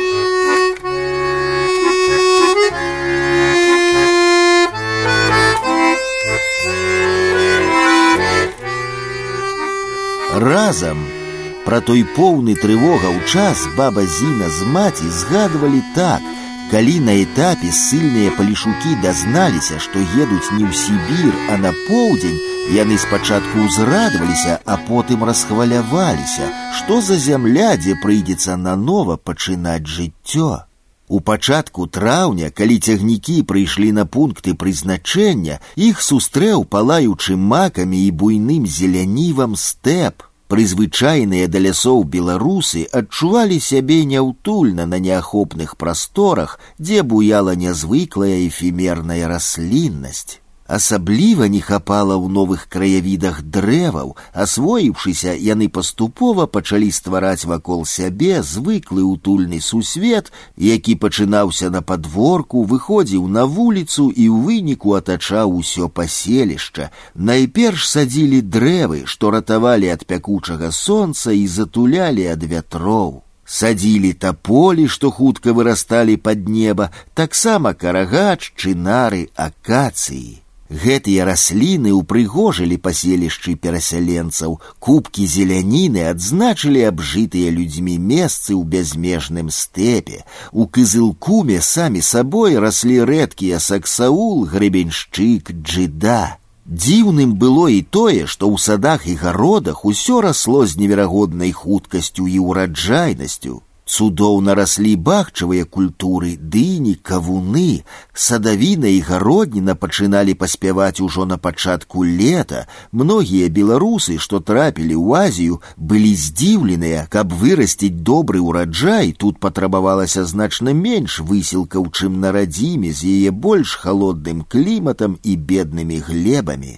Іншымі былі і працоўныя стасункі, калі ў 50-тыя гады ў беларускіх калгасах з сялянамі разлічваліся працаднямі і натурай, то тут усё мералася грашыма. За кошт выкачвання сродкаў з цэнтральных раёнаў ССР для асваення ўскраінаў у апошнія траплялі лепшая тэхніка, тавары і тэхналогіі. Працавітыя беларусы напоўніцу скарысталіся гэтым і на пачатку шестидесятых многія з іх абзавяліся моцнымі гаспадаркамі, добрымі працоўнымі месцамі, пасадамі і трывала аселі на новай зямлі. Дед Зміцер, калі далучыўся да сям'і, таксама ўсе сілы аддаў звыклай сялянскай працы, паспяхова заняўся жывёлагадоўляй, бычкоў, якіх дзед гадаваў на продаж, здаралася не мог давесці да кірмашу, бо яшчэ на падыходзе іх з рукамі вырывалі пакупнікі, так выдатна тыя выглядалі. Гонарам ягонай гаспадаркі была маліна, карова чырвонай стэпавай пароды вішнёва-чырвонай масці з вялікімі прыгожымі рагамі, скіраванымі ўверх і ўперад. Яна давала амаль 30 літраў малака ў суткі. Сакрэт быў просты. Дбайны гаспадар пасля пазьбы ў хляве яе падкормліваў яшчэ канюшынна люцэрнавым сенам, кукурузнай і пшанічнай саломай, кукурузным зернем, жмыхам бавоўніку, буракамі, а таксама кавунамі і дынямі, што не паспявалі з'есці мы самі. Не дзіва, што яна давала амаль 10 тонн малака ў год. У яслях у маліны ляжаў вялікі кавалак солі, лізунец. Ён быў адпаліраваны каровіным языком да алмазнага бляску. Калі дзед выводзіў маліну на пашу, я цішком прабіраўся ў хлеў і, беручы прыклад з маліны, нахіляўся ў яслі і пару разоў праводзіў языком па гэтым дзівосным кавалку солі.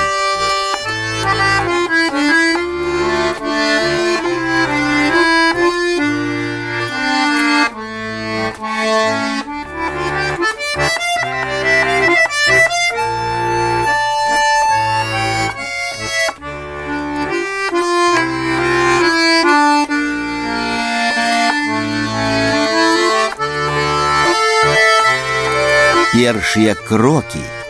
Вось у гэтых краях у сям'і высланых беларусаў у 1957 годзе нарадзіўся і я, Мікола Сцебурака. Быў хрышчаны ў горадзе мерзачуль праваслаўным бацюшкам грэкам, які запомніўся тым, што падчас пачастунку казаў: вып'ем траічна. Першы мой успамін мне тры гады я прыстаўляю услончык да акна, чапляюся руками за падваконне, прыціскаюся лбом да шыбы і нема крычу. Заву бабу зіну, якая ў двары займаецца нашай каровай малінай. Крычу таму, што мне патрэбны гаршчок, сам знайсці яго я не магу, не магу таксама і выйсці, бо хата зачыненая. Мае спробы дакрычацца бабы поспеху не прыносяць і каптюжок пачынае паўсці і падае мне ў шаравары. Мне крыўдна, але крыўда перарастае ў жах, калі вывальваецца другі каптюх, а потым і трэці. У мяне поўныя штонікі, і я ў слязах і ў роспачы. Вось першыя мае ўспаміны.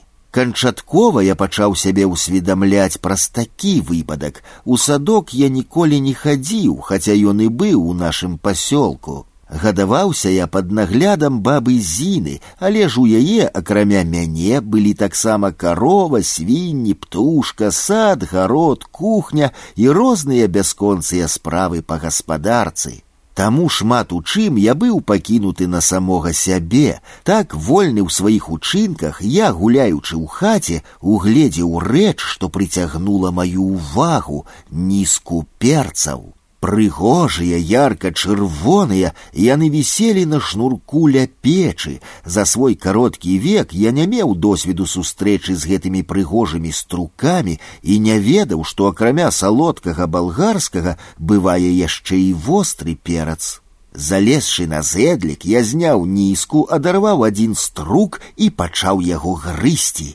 Праз імгненне рот абпаліла полымя, заняло дух, вочы напоўніліся слязьмі. Я паваліўся на падлогу і зароў. У хату прыбегла баба, я крычу: « Баба, родненькая, ратуй, я паміраю. Баба Зіна сапраўды моцна налякалася, але калі пабачыла побач са мной надкусаны перац, пачала смяяцца. Дала мне кубак холоднага малака з хлебам, так я і аджыў і адсвядоміў. Дарэчы, налякаць бабулю ледзь не да смерці я здолеў яшчэ раней.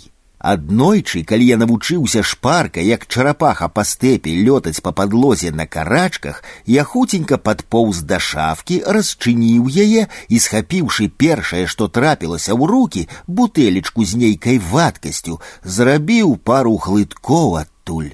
У той шафе стаялі рэактывы, патрэбныя для праяўкі стужкі. Бацька якраз у той час захапіўся фатаграфіяй і меў усе неабходныя рэчы для хатняй фоталабараторыі. Баба Зіна падбегла і адабрала бутэлечку, але было позна. Спалоханая, што не паспела прадухіліць мае раптоўныя дзеянні, яна ў роспачы сама выпіла рэшту таго, што я не паспеў. Пасля взяла мяне на руки, і мы разам пачалі чакаць смерці. Але смерць ніяк не прыходзіла, затое з працы прыйшоў бацька, які, агледзеўшы пузырок з-пад замацавальніка гіпасульфіду натрыю, запэўніў, што ад такой бясшкоднай атруты мы не памром дакладна, а вось каб мы пачаставаліся тым, што стаяла побач праяўляльнікам, то было б значна горш. Перад тым, як рэзюмаваць усе небяспечныя выпадкі, што адбыліся ў часе майго ранняга дзяцінства, скажу, што збаўца наш Ісус Христос быў відавочна вельмі літасцівы да мяне малога, бо толькі утапіцца я павінен быў сама мала двойчы. Першы раз было так, калі мне споўнілася пяць гадоў, бацька змайстраваў мне вуду, а старэйшыя хлапцы навучылі лавіць рыбу. У тыя дні рыба добра бралася на дажджавога чарвяка, клявалі плотка і пячкур. Я наклаў бляшанку чарвякоў, узяў вуду, маці абула мяне ў новыя скураныя сандалікі, і я выправіўся на зброс, месца на рашальным канале, дзе лішкі вады адводзіліся назад у раку. На гэтым вадаскідзе берагі, каб не размывала вода, на некаторых участках былі ўмацаваныя бетоннымі плітамі. Босыя ногі па такіх нахіленых плітах хадзілі лёгка, а вось цвёрдыя падэшвы сандалікаў счаплення з паверхняй не мелі. Смело ступіўшы на бетон, я паехаў прама ў ваду, а потым, не збаўляючы хуткасці і ў кірунку дна, нават не паспеўшы спалохацца. Добра, што на беразе былі старэйшыя хлопцы, якія кінуліся мяне ратаваць і выцягнулі на бераг. Да свайго гонару дадам, што калі мяне паставілі на цвёрдую глебу, я па-ранейшаму ў адной руцэ трымаў бляшанку з чарвякамі, а ў другой вуду. Другая гісторыя з тапельствам адбылася на гэтым жа месцы на наступны год. Узімку, не дачакаўшыся па-сапраўднаму моцнага лёду, пайшоў па ім коўзацца і праваліўся ў палонку. На гэты раз выратавала тое, што я цягнуў з сабой санкі і нават боўтнуўшы, не выпусціў вяроўку. За вяроўку і санкі мяне і выцягнулі хлопцы, што былі побач. З часам адводных рызыкаў я перайшоў да сухапутных. Чарговым варыянтам развітацца з жыццём сталася гульня на будоўлі, дзе мне на галаву звалілася сапраўдная цагліна.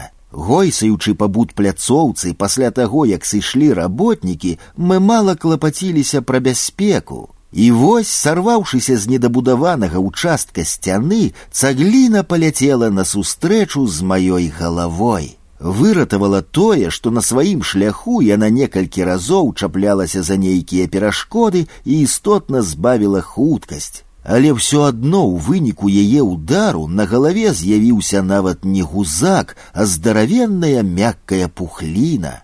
Прытомнасць я не страціў, а больш затое, адчайна спалохаўшыся, стаў маланкава меркаваць, што рабіць. Успомніў, што трэба прыкладаць халоднае, паляцеў у арык і уткнуўся галавой у ваду так глыбока, як змог. Мне падалося мала, і я стаў браць халодную гліну з дна і прыкладаць яе да галавы. Гліна, відаць, была не толькі халодная, але і гаючая. Галава балець перастала, а праз тыдзень і пухліна цалкам сышла.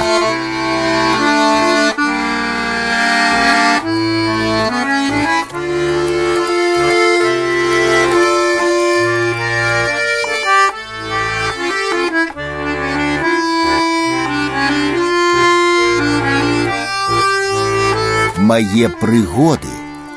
Згадваючы прыгоды дзяцінства, скажу адразу, што мае выпадкі былі далёка не унікальнымі і невыключнымі. У нашым пасёлку было багата дзяцей. Многія сем'і былі шматдзетнымі і сяброў аднагодка ў мяне было шмат. Дарослыя былі на працы, а ніякіх піянерскіх лагераў там на шчасце не існавала, і мы дзеці ўвесь вольны час праводзілі самастойна. Не дзіва, што час ад часу мы траплялі ў рызыкоўныя сітуацыі, якія сучаснаму збэшчанаму звышапекай пакаленню могуць падацца за дужа небяспечнымі, хаця насамрэч мы проста жылі поўным жыццём шчаслівага дзікунскага кшталту. Пазбаўленыя прымусовых гурткоў і секцыяў, мы самі прыдумлялі сабе забаўкі. З ранняй вясны пачыналіся гульні ў ножыкі, гульня простая, на зямлі малявалі круг, яго дзялілі на палову, па чарзе удзельнікі кідалі ножык на зямлю саперніка. Калі ножык утыркаўся лязом у глебу, то кідок лічыўся рэзультатыўным і ад зямлі саперніка адразалі кавалак. Але тут трэба было быць асцярожным і адразаць ад чужой зямлі невялікія кавалкі, бо калі ножык утрыкаўся далёка і да яго нельга было дацягнуцца, ход пераходзіў саперніку. Так адзін павялічваў сваю тэрыторыю, а той, хто цярпеў паразу, страчваў, ажно пакуль не заставаўся стаяць на адной ножцы. Ад мясцовых мы перанялі гульню ў валчышкі. Алчышка гэта костка з каленнага сустава авечкі. Калі кідаеш костку, яна спыняючыся становіцца ў нейкае пэўнае палажэнне. Кожная мела назву і адпаведны ранг у гульні. Зваліся станы алчы, табан, чыка, пука. Самае лепшае палажэнне алчы, яно перамагала ўсе астатнія. За ім ішоў табан, які браў чыку і пуку, а чыка біла толькі пуку. Былі адмысловыя методыкі падрыхтоўкі гэтых гульнявых костак, ідэальна падагнаная костка з уцяжарвальнікам у выглядзе свінцовай пласцінкі звалася кірпан. Для таго, каб займець такі якасны прадмет, аматары гульні ішлі на розныя хітрыкі, шліфавалі косткі аб цэмент для надання правільнай формы, фарбавалі іх і гэтак далей. Уладальнік непераможнага кірпана быў паважаным чалавекам. Костачкі можна было купіць за дзве-тры капейкі. Многія хлопцы нажывалі сабе сапраўдны капітал, выйграючы косткі сапернікаў і пасля прадаючы іх. Праўда, выйгрышны кірпан быў бясцэнны, з ім рэдка хто развітваўся па добрай волі. Лянга яшчэ адна гульня, што яднала нас незалежна ад узросту і нацыянальнасці. З авечай шкуры рабілася нешта кшталту валанчыка. Ён адмыслова ўцяжарваўся свінцом з аднаго боку і трымаў пэўную раўнавагу ў палёце і пры падзенні. Гэты снарад падбіваўся ўнутраным бокам ступака, падбівалі так, каб валан быў заўсёды ў паветры. З кожным турам рухі, што рабіў гулец, ускладнялі змяняліся. Летом, калі наступала пара сухмені і гарачыні, мы гадзінамі не вылазілі з вады, купаліся ад красавіка да кастрычніка. Месцаў для купання малечы мелася шмат, але было некалькі нашых улюбёных, дзе заўсёды збіраліся хлопцы. Плавалі мы ўсе як мінімум добра, а некаторыя дык і выкшталцона. Выхваляючыся адзін перад адным, мы скакалі ў ваду з высокага берага, плавалі на хуткасць, спаборнічалі, хто даўжэй пратрымаецца пад вадой ці пранырне большую адлегласць. Такія нашыя ўменні ніяк не ацэньваліся са спартовага боку. Там не існавала секцыі спартшколаў, ніхто нас не падымаў на п'едыстал і не даваў граматаў. Усё гэта лічылася звычайнай справай для падшпаркаў майго часу. Толькі па вяртанні ў Беларусь у 73 годзе мне давялося неяк ацаніць свае навыкі, калі пабачыўшы ўпершыню ў маладэчанскай спартшколе 25метровы басейн, я на спор пранырнуў яго туды назад чатыры разы. А калі быў заплыў на 100 метраў на хуткасць, я адразу выканаў нарматыў першага дарослага разраду. Згадваючы нашыя гульні, адзначу, што дзяўчата ў нашыя хлапечыя кампаніі мы не бралі, бо ў нас ішлі мужчынскія размовы і сур'ёзныя высвятленні стасункаў. Канешне, і кампанія была не адна, а некалькі. Нельга сказаць, што яны варагавалі між сабой, але саперніцтва існавала дакладна. Бойкі здараліся зрэдку, больш высвятлялі перавагі па-іншаму, хто пераможа ў футбольным матчы, хто зловіць больш рыбы і гэтак далей. Тэмы такіх спаборніцтваў часта ўзнікалі спантанна, безумоўна існаваў свой кодэкс гонару, не любілі тых, хто скардзіўся бацькам ці даносіў пра нейкія выпадкі настаўнікам. Даносчыку маглі ўпіхнуць у заплечнік вужаку ці ў той час, як ён купаецца, завязаць пакінутае на беразе трыкову злом. Гэта было неабыякое пакаранне, моцна завязанае і туга зацягнутае парай хлопцаў трыко, развязванню бесстаронняй дапамогі не паддавалася катэгарычна. У выніку некаторым небаракам даводзілася ісці да хаты без штаноў. Дарэчы, асабліва злоснаму ворагу на гэты туга зацягнуты вузел яшчэ і сікалі, каб не было магчымасці справіцца з вузлом з дапамогай зубоў. Дзеля праўды варта адзначыць, што варагуючы ці сябруючы мы былі роўнымі, амаль усе жылі ў адных умовах і не было вялікай розніцы ў дастатку. У шасцідзясятых большасць сем'яў жыла надзвычай сціпла, а некаторыя дык і зусім бедна. Не дзіва, што многія нашыя гульні і забавы мелі практычную скіраванасць, а калі сказаць прасцей, былі пошукамі ежы.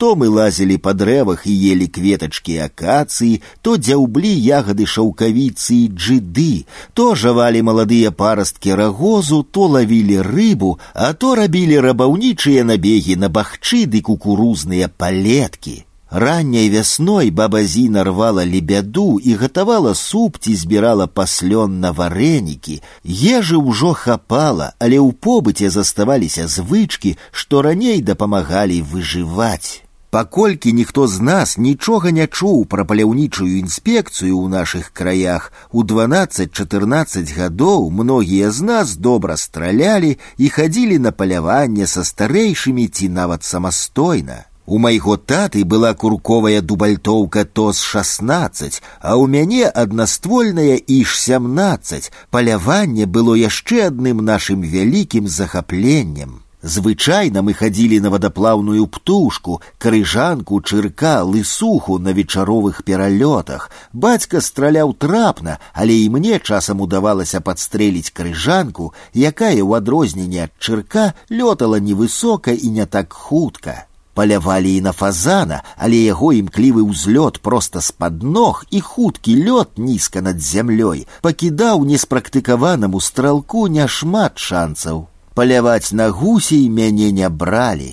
Дарослыя хадзілі яшчэ на больш адказныя і складаныя тэхнічна паляванні, на дзіка ў тугайных зарасніках і на сайгака ў далёкі стэп. Але гэта былі выправы толькі для сапраўдных дарослых адмыслоўцаў. Куды больш даступнай была рыбалка, рыбу лавілі круглы год, прычым усімі вядомымі прыладамі і спосабамі, вудамі, донкамі, восцямі, брадніком ставілі нераты ўсіх відаў. Рыбы было багата і на любы густ. Вадзіліся ў тамтэйшых вадаёмах сазан, шчупак, сом, жэрах, лешч, вусач. Дробнай рыбы такой, як плотка, краснапёрка, пячкур было безліч. Што і казаць, тамтэйшая рыбалка была цудоўнай, як і нашыя рыбалоўныя ўгоддзі, каналы, арыкі, сажалкі, старыя ручныя рукавы.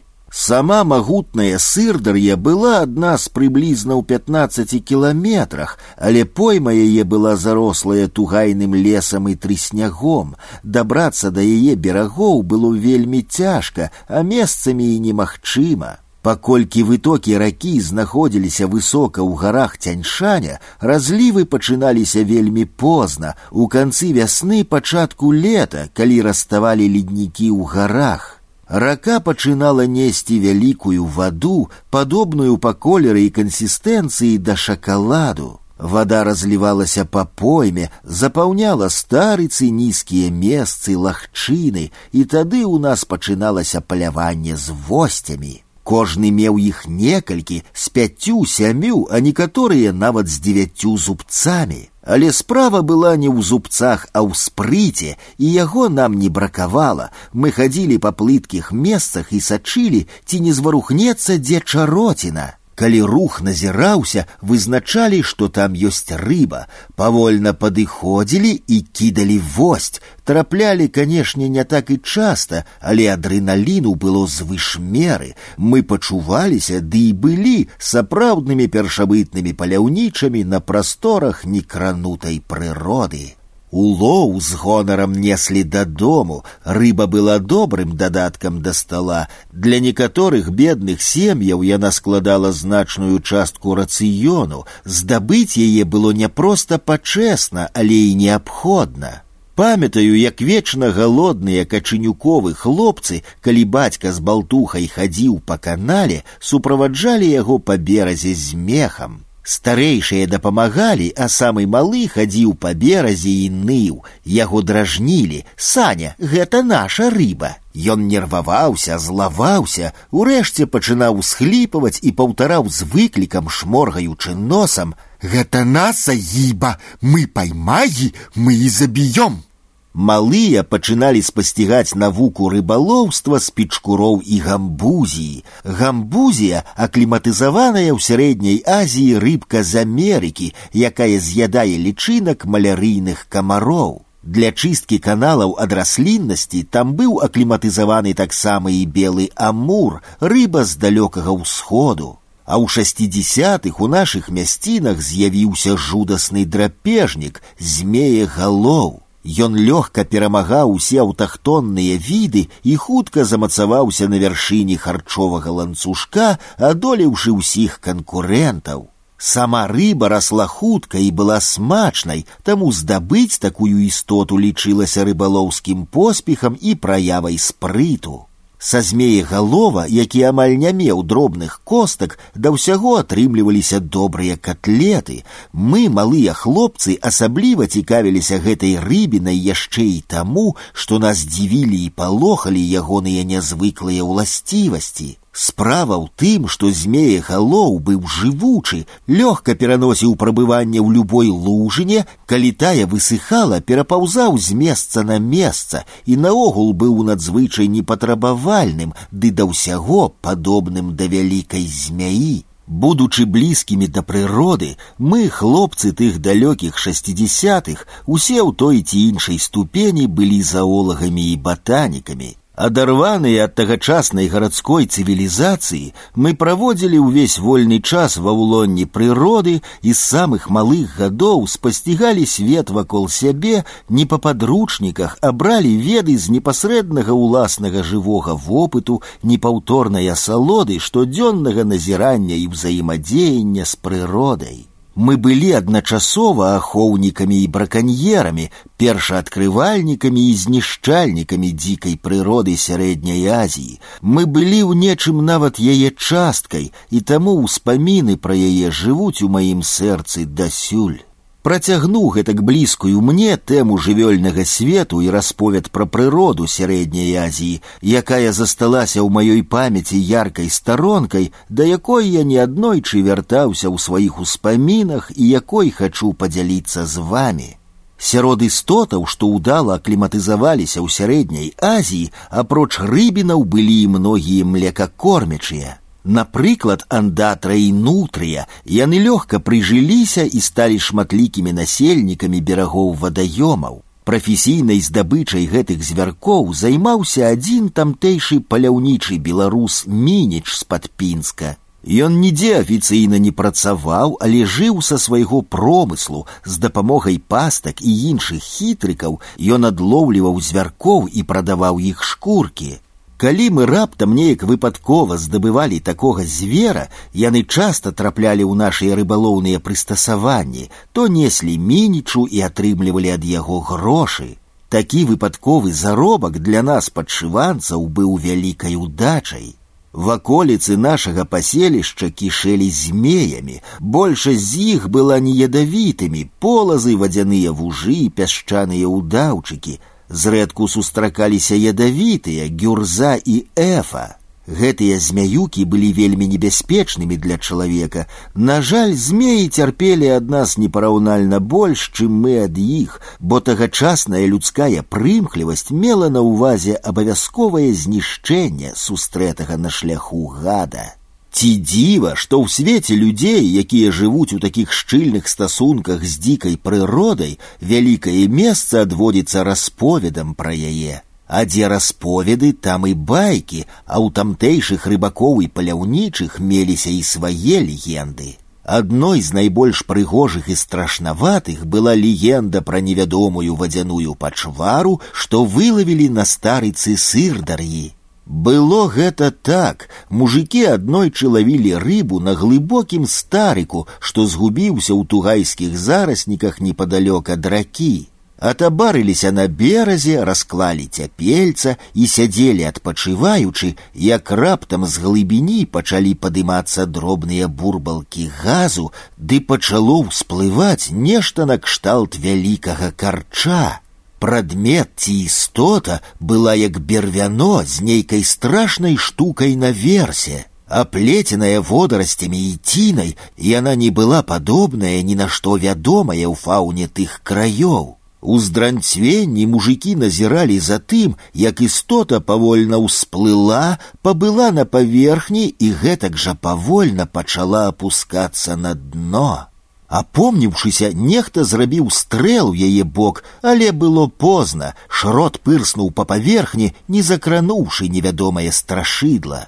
Назаўтра да вадаёма сабралася грамада, узброеная сеткамі, восцямі, стрэльбамі і стала пільнаваць.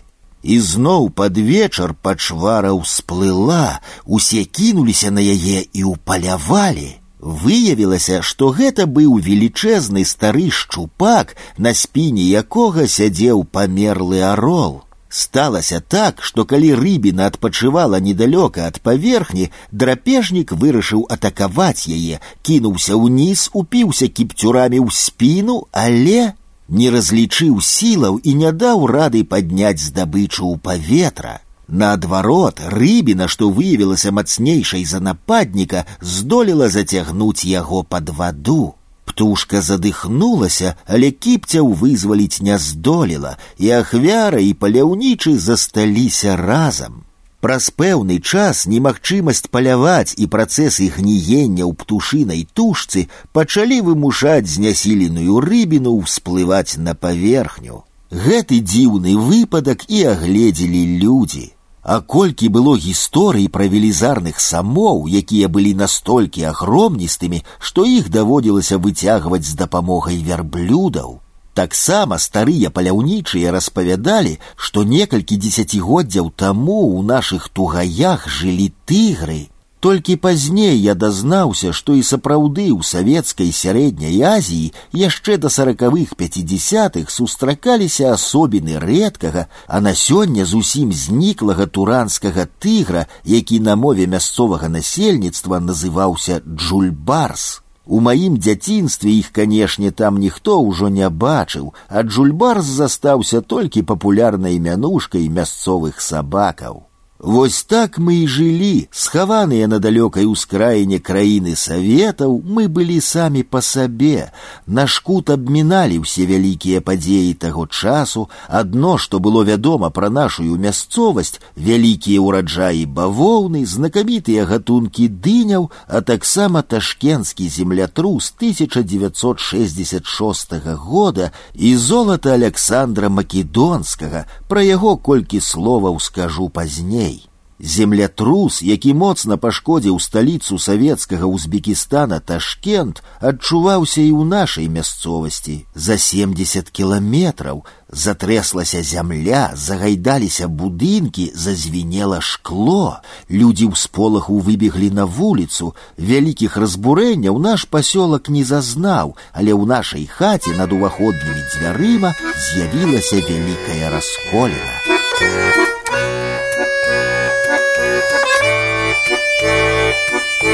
школа. Якім захапляльным не быў свет азіяцкай прыроды, час ад часу нам малым даводзілася адрывацца ад яго і ісці вучыцца, таму згадваю колькімі словамі маю школу вучняў і настаўнікаў.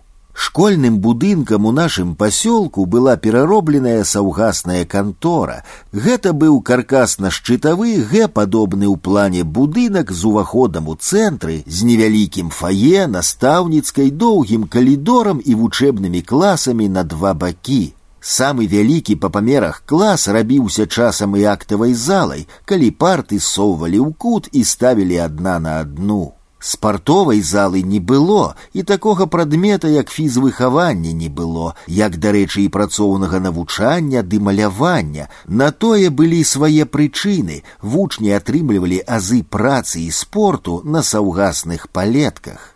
На школьным ганку, які падтрымлівалі дзве драўляныя калоны, вучня ў пачатку дня сустракала прыбіральшчыца Тэреза Гесель, паволжская немка, жанчына перадпенсійнага ўзросту. Яе цікавіў найперш наш абутак, калі ён бываў запэцканы глінай, прымушала ісці мыць пад калонку, як усе немкі яна была узорнай чысцёхай, спраўдзіўшы чысціню абутку, яна сачыла за тым, каб мы не бадзяліся па школе да заняткаў.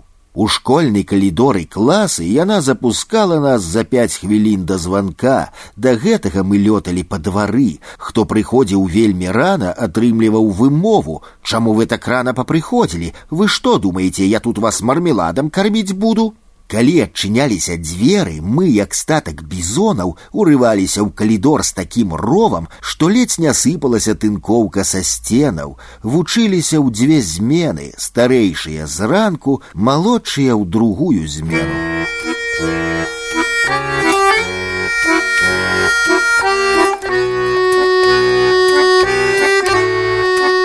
Одноклассники Вучнымі ў маім класе былі як мясцовыя казахі, таджыкі, узбекі, так і рускія, украінцы, беларусы, грэкі, немцы, карейцы. Жылі па-сяброўску, вучыліся і гулялі разам, але кожны меў свой пах у прамым сэнсе. Валасы дзяўчат казашак і узбечак, што адмыслова запляталіся ў маленькія коскі, пахлі малочнай сыроваткай, бо яны абмывалі ёй валасы пасля мыцця. Ад карейцаў патыхала сырой рыбай, грэкі пахлі фасоляй, а таджыкі дымам ад адкрытых агменяў сваіх жытлаў. Грэкі вучыліся зазвычай досыць слаба, таджыкам наогул савецкая адукацыя амаль не давалася, а ў школу яны хадзілі толькі таму, што так было трэба, астатнія вучыліся па-рознаму. Выкладанне ў нашым вавілоне вялося, канешне, па-руску. У пачатковых класах у нас было дзве настаўніцы. Спачатку выкладала скачкова Паліна Лаўрэнціўна, руская патомная настаўніца і добры чалавек, а затым грачанка Соф'я Анастасаўна Папандопула. Яна выкладала і завочна вучылася ў педвучэльні, была, як памятаецца мне жанчынай нервовай, з вучнямі не цырымонілася, давала поўхі і біла лінаркай. Згадваючы гэтую настаўніцу, прыпамінаю такі эпізод. У той час у школе вучні павінны былі абгортаваць не толькі кнігі, але і сшыткі. На абгортках трэба было пісаць, напрыклад, тетрадь по арифметике ученика второго класса Вовы Горяева. Дык вось дзяўчынка, што сядзела перада мной, грачанка нопіца Петрыдзі, напісала на сшытку так: Петрать по арифметике ученицы второго класса нопицы Тетриди. Разгледзеўшы смешную памылку, я без задняй думкі паведаміў пра гэта настаўніцы. Раззлаваная вучителька порвала абгортку сшытка беднай дзяўчынкі, а тая расплакалася. Гэты выпадак адвучыў мяне быць даносчыкам назаўсёды. Пісалі мы пёравымі ручкамі, абмакваючы пяро ў каламарні вылівачку. Вучням школы па тагачасных правілах патрабавалася мець пяро з зорачкай, але некаторыя даставалі нерэкамендаваныя пёры з крыжыкам ці ромбікам, якія пісалі танчэй. Пяро з крыжыкам было ў Хрыстафора цульфы. Да таго ж атрамант быў у яго фіялетавы, але з залатым адлівам. Ён сядзеў другі год у другім класе і ад нуды на уроках да літары лічбаў выдумляў адмысловыя закаручкі. Лічбу 9 ён рабіў падобнай да прапісной загалоўнай R, а націск пяра рабіў дзе заўгодна, таму знакі атрымліваліся дзіўныя і цікавыя. Лічба 2 ў яго наогул нагадвала вензель і выклікала ўсеагульнае захапленне. Незвычайныя пёры рабіліся аб'ектам цікавасці і прагі валодання. Паколькі проста купіць іх не было дзе, то іх трэба было здабываць. Напрыклад, пяро можна было выйграць. Гульня ў пёры была простай. Пяро клалі на край стола і іншым паддзявалі так, каб яно падляцела і перакуліўшыся упала да гары нагамі. Перакуленае пяро лічылася выйграным і забіралася. Непаўторным майстрам такой гульні быў сафін рым. За ім, як нітачка за іголачкай бегала сястра блізнятка рыма сафіна. Яны вучыліся з намі адзін год, былі заўсёды аднолькава брудныя, вясёлыя і галодныя. На нагах у абаіх былі сохлыя пакарабачаныя кірзачы з дзюрамі на насах і на ўсіх складках. Гэтыя іхнія боты ніколі не бачылі ані гуталіну, ані шчоткі. У разгар эпідэміі гульні ў пёры у рыма і рымы былі поўныя кішэні выйграных трафеяў. Яны іх ахвотна прадавалі па дзве капейкі за штуку, а грошы адразу ж пускалі на пончыкі і піражкі. Дарэчы, піражкі гэтыя рабіліся тут жа ў школе. У бакоўцы стаяла цётка пры казане, у якім кіпеў алей. Адразу ж на вачах школьнікаў яна кідала цеста ў казан, праз некалькі хвілінаў даставала, пасыпала трошкі цукровай пудрай і прадавала. Свежыя з пылу з жару яны мелі непаўторны смак і пах. Каларытным персанажам быў у маім класе і коля галавін, патомак хапёрскіх казакоў. Ён быў адметны тым, што мог давесці да шаленства нервовую настаўніцу толькі адной фразай. Спазняючыся на урок, ён грукаў дзверы і пытаўся: « Можна присесть. Софья Анастасовна закипала, як имбрик. Что такое присесть? Как это присесть? Нужно сидеть и учиться. Марш на место.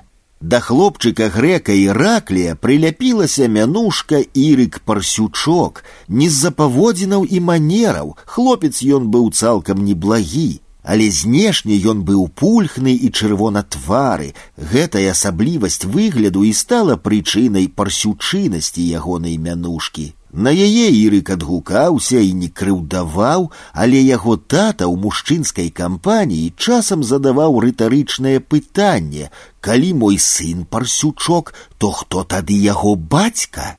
Апроч вучобы ў нашай школцы кожны павінны быў браць удзел у мастацкай самадзейнасці. Развучвалі і выконвалі песні ды танцы народаў ССР, часцей чамусьці украінскія, малдаўскія і мясцовыя. Напрыклад, у абавязковай праграме была андзіжанская полька, таксама амаль заўсёды дэкламавалі вершы, здольныя вучылі на памяць вялікія творы, а для астатніх, каб уцягнуць у працэс максімальную колькасць вучняў, існаваў літмантаж. Была ў той час у асаблівай модзе тэма космасу, бралі касмічны верш, кожнаму раздавалі па страфе і прымушалі вучыць. Мы з рудзікам шумахерам лёгка вывучвалі і свае строфы і чужыя, а вось воля семыкіна не магла даць рады нават сваім радкам. Пры адным прагоне яна забывалася іх, пры другім блытала радкі месцамі, пры наступным вымаўляла словы з усімі магчымымі памылкамі.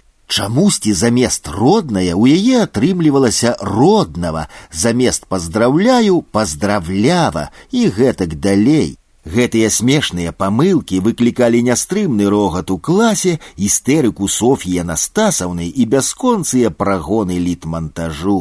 Часта праводзіліся агульнашкольныя і піянерскія лінейкі, на якіх мы ўрачыста абяцалі вучыцца, працаваць і жыць, як завяшчаў вялікі Ленін і вучыць родная камуністычная партыя. На гэтых мерапрыемствах біць у барабаны, несці піянерскі сцяг і асіставаць сцяганосцу давяралі самым лепшым. А вось у горн заўсёды дудзеў двоечнік кулдас джумабаяў, толькі простое, што ў аднаго яго хапала сілы выводзіць мелодыю. У моманты выканання твар дудара пунсавеў, на стрыжанай на лыса галаве надзімаліся вены, і нам штораз рабілася страшна, ці не лопне кулдасава галава. Апроч дудзення кулдас меў яшчэ адзін адметны талент. Умеў праколваць іголкай шчаку, глытаць суровую нітку і далей высморкваць яе праз нос.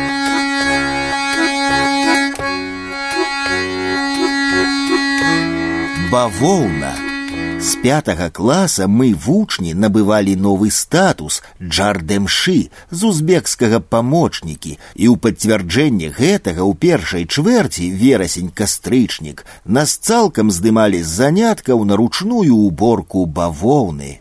У нашым саўгасе раслі мексіканскі і індакітайскі гатункі. Гэта былі кусты метр метр сорок вышынёй з цёмна-зялёнымі трохпяціканцовымі лістамі, з вялікімі кветкамі крэмавага колеру, што распускаліся знізу ўверх ад каранёў да макушкі. Расліна квітнела толькі адзін дзень, а праз месяц на ёй саспявала першая коробачка. На кусте таких коробачак было некалькі дзясяткаў. Коробачка раскрывалася, у ёй выспявала восемь-девять семачак, пакрытых баваўняным валакном. Вось яго мы і збіралі. Кожнаму навучэнцу выдаваўся адмысловы фартух, што падвязваўся на шыі і поясе і меў выгляд вялікай торбы кенгуру прысвойваўся асабісты нумар зборшчыка, і мы ішлі на палеткі. Праца была нуднай і надзвычай аднастайнай. Зборшчык ішоў паміж доўгімі радамі і збіраў бавоўну, складаў фартух,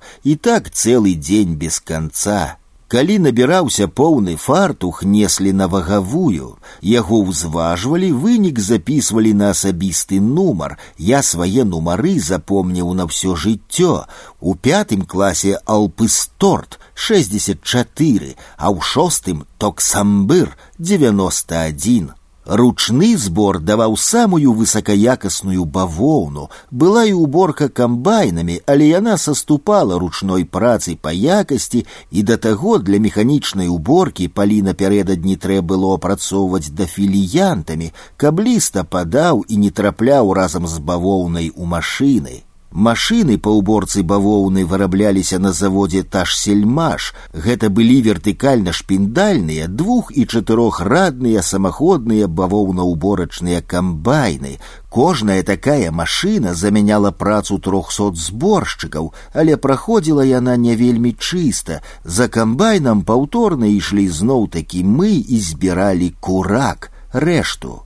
Дадам, што за ўсе гэтыя пакуты ў дзень можна было зарабіць каля аднаго рубля. Так мы вучыліся ўсю першую чвэрць. Гэтак жа з навучальнага працэсу знікала і чацвёртая чвэрць. Нас здымалі на праполку і прарэджванне бавоўны. Апроч таго мы нарыхтоўвалі тутавыя галінкі для харчавання шаўкапрада тутаўнікам ці шаўкоўніцай была абсаджаная большасць арашальных каналаў. Калі нашая школа атрымала разнарадку па развядзенні гэтага вусеня, на патрэбы новай задачы былі вызваленыя два класы ў будынку школы.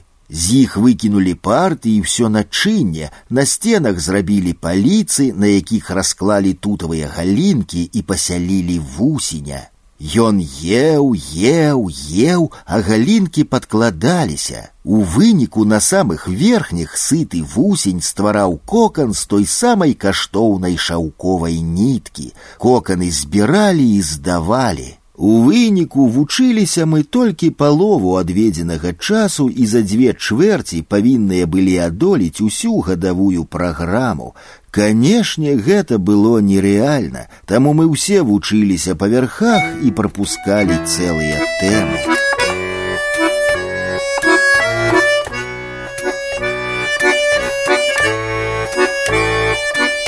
Настаўнікі Педкалектыў нашай школы таксама заслугоўваў асобнай увагі, і ён быў надзвычай стракатым ад учарашняй выпускніцы нашай жа школы да кандыдата фізіка-матэматычных навук. Рускую мову і літаратуру выкладаў сам дырэктар школы, і ён быў добрым і справядлівым чалавекам, адно што па-руску ён размаўляў з вялікім акцэнтам, бо быў з мясцовых казахаў. Геаграфію выкладала тэхнолог-кандытар. Аднойчы яна выгнала мяне з класа за спрэчку наконт таго, якая гара ў свеце самая высокая, Джамалунгма ці Эверест. Настаўніца не ведала другой назвы, а я вычытаў яе ў энцыклапедыі і вырашыў пахваліцца сваімі ведамі. Батаніку вёў кареец Кім Іван Васильевич, выдатны спецыяліст з сапраўдным універсітэцкім дыпломам, фізіку выкладаў чудзінаў Уладлен Пятрович, выкладаў добра, але меў папулярнасць у нас найперш не за веды, а за тое, што ўмеў на гімнастычных снарадах выконваць амаль цыркавыя трукі. Матэматыкам быў Уцягенаў Ісраіл Ікматавіч, казах. У мінулым выкладчык ташкенскага універсітэта, кандыдат фізіка-матэматычных навук. Калі матэматыка была першым урокам, гэта быў поўны жах. Двойкі сыпаліся налева і направа, але потым сітуацыя кардынальна мянялася, бо ў 8.30 адкрываўся шапік, дзе на разліў прадавалі спиртное. На першым перапынку Ісраіл Ікматавіч спяшаўся туды, выпіваў 100 грамаў гарэлкі і, пачынаючы з другога урока, матэматыка губляла сваю небяспечнасць. Настаўнік рабіўся лагодным, бліскуча тлумачыў матэрыял, дасціпна жартаваў і выпісваў складаныя формулы, стоячы амаль спінай да дошкі. Нават калі вучань не мог прамовіць ніводнага слова ў адказ на зададзенае пытанне, ставіў тры балы. Калі пыталіся, чаму так паблажліва, тлумачыў: Ну, вучань выйшаў да дошкі, стаяў, думаў, просто не змог сфармуляваць.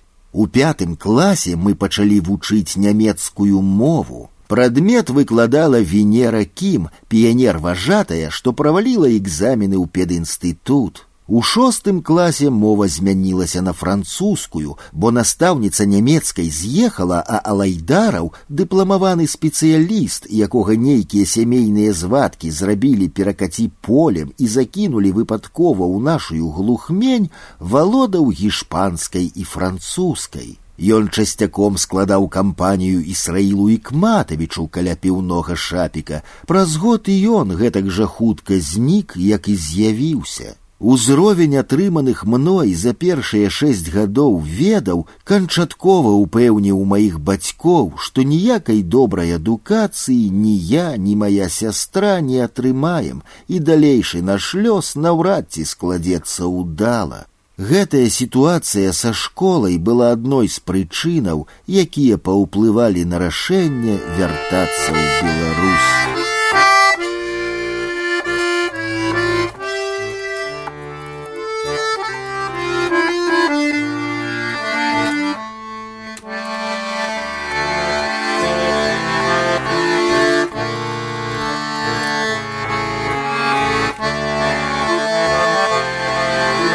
вяртанне.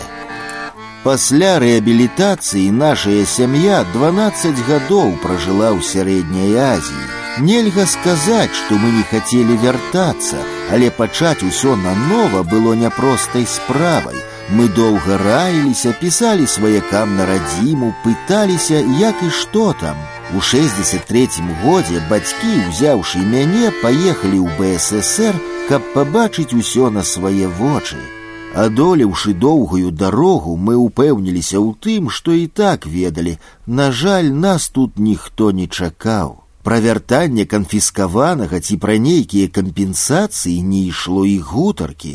Пабыўшы пэўны час у гасцях у сваякоў і родных, мы вярнуліся назад, але думка пра пераезд ужо не пакідала бацькоў. Яны меркавалі як найлепей уладкаваць жыццё на новым месцы, а я вёз у Казахстан незабыўныя ўражанні ад першай сустрэчы з Беларусю. Усе гады, праведзеныя на чужыне, Беларусь для мяне была нечым легендарным, прыцягальным і дзіўным, хоць і ў значна большай ступені эфемерным, чым рэальным.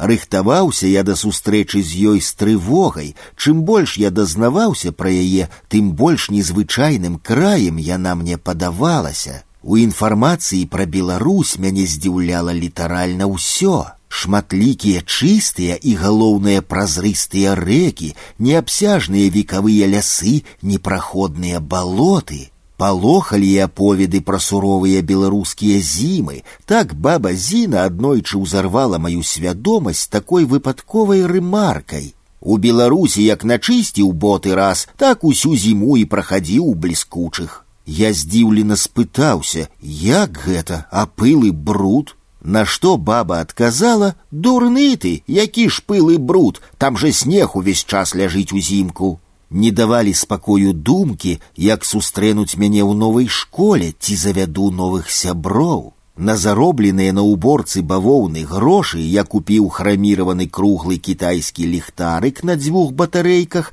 гадзіннік з металічным бранзалетам і кітайскія кеды, якім не было зносу. Нават у канцы шестидесятых у сярэдняй Азіі было шмат кітайскіх тавараў, махровыя ручнікі, тэрмасы і іншае. Увесь гэты хлапечы скарб я склаў у тумбачку каля ложка і не дакранаўся, толькі час ад часу паглядаў ці ўсё на месцы. Калі пыталіся, чаму я гэтым не карыстаюся, казаў гэта для Беларусі. Я рыхтаваўся да вяртання на гістарычную радзіму. Тым часам пра пераезд падумалі не адныя мы.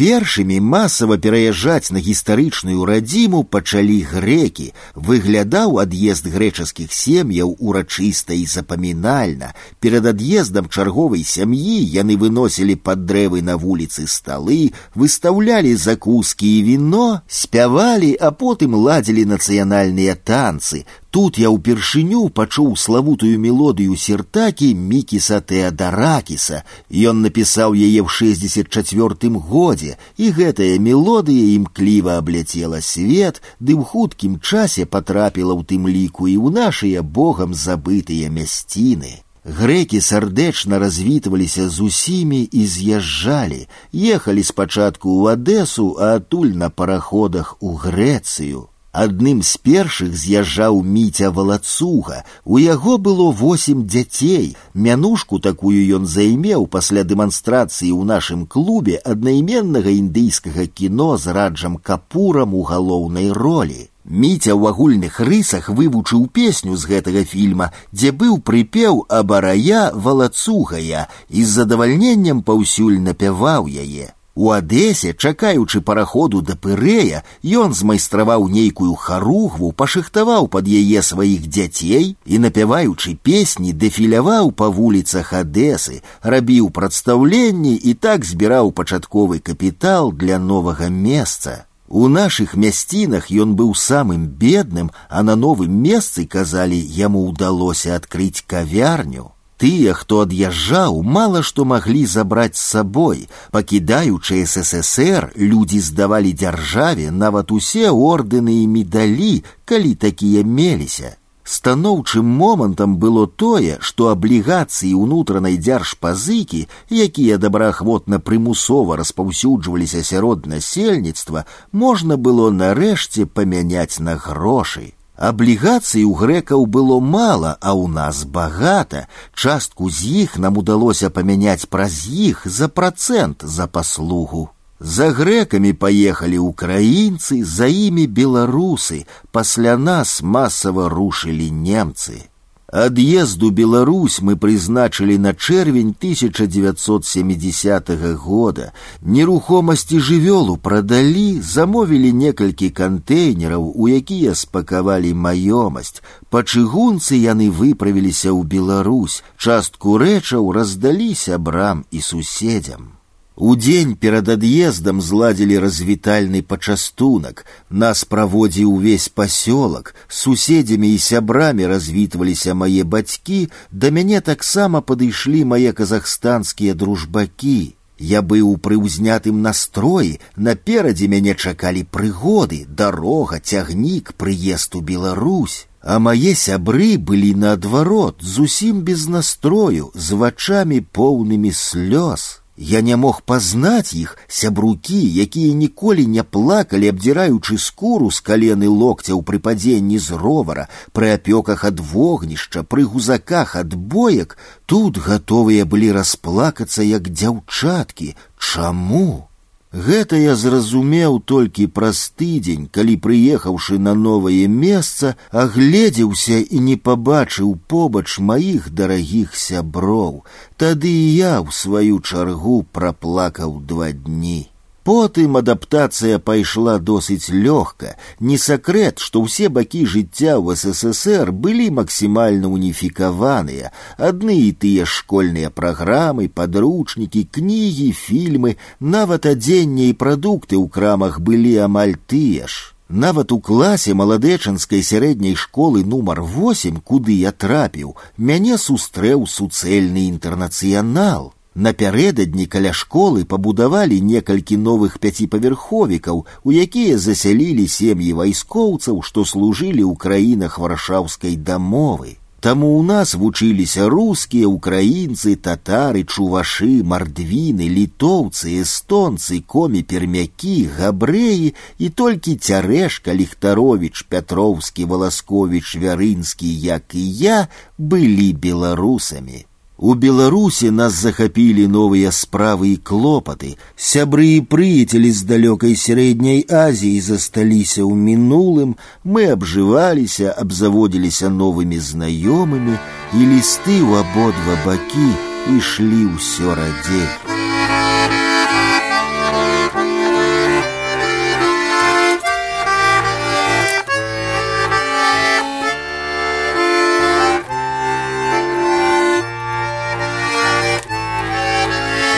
замест эпілога.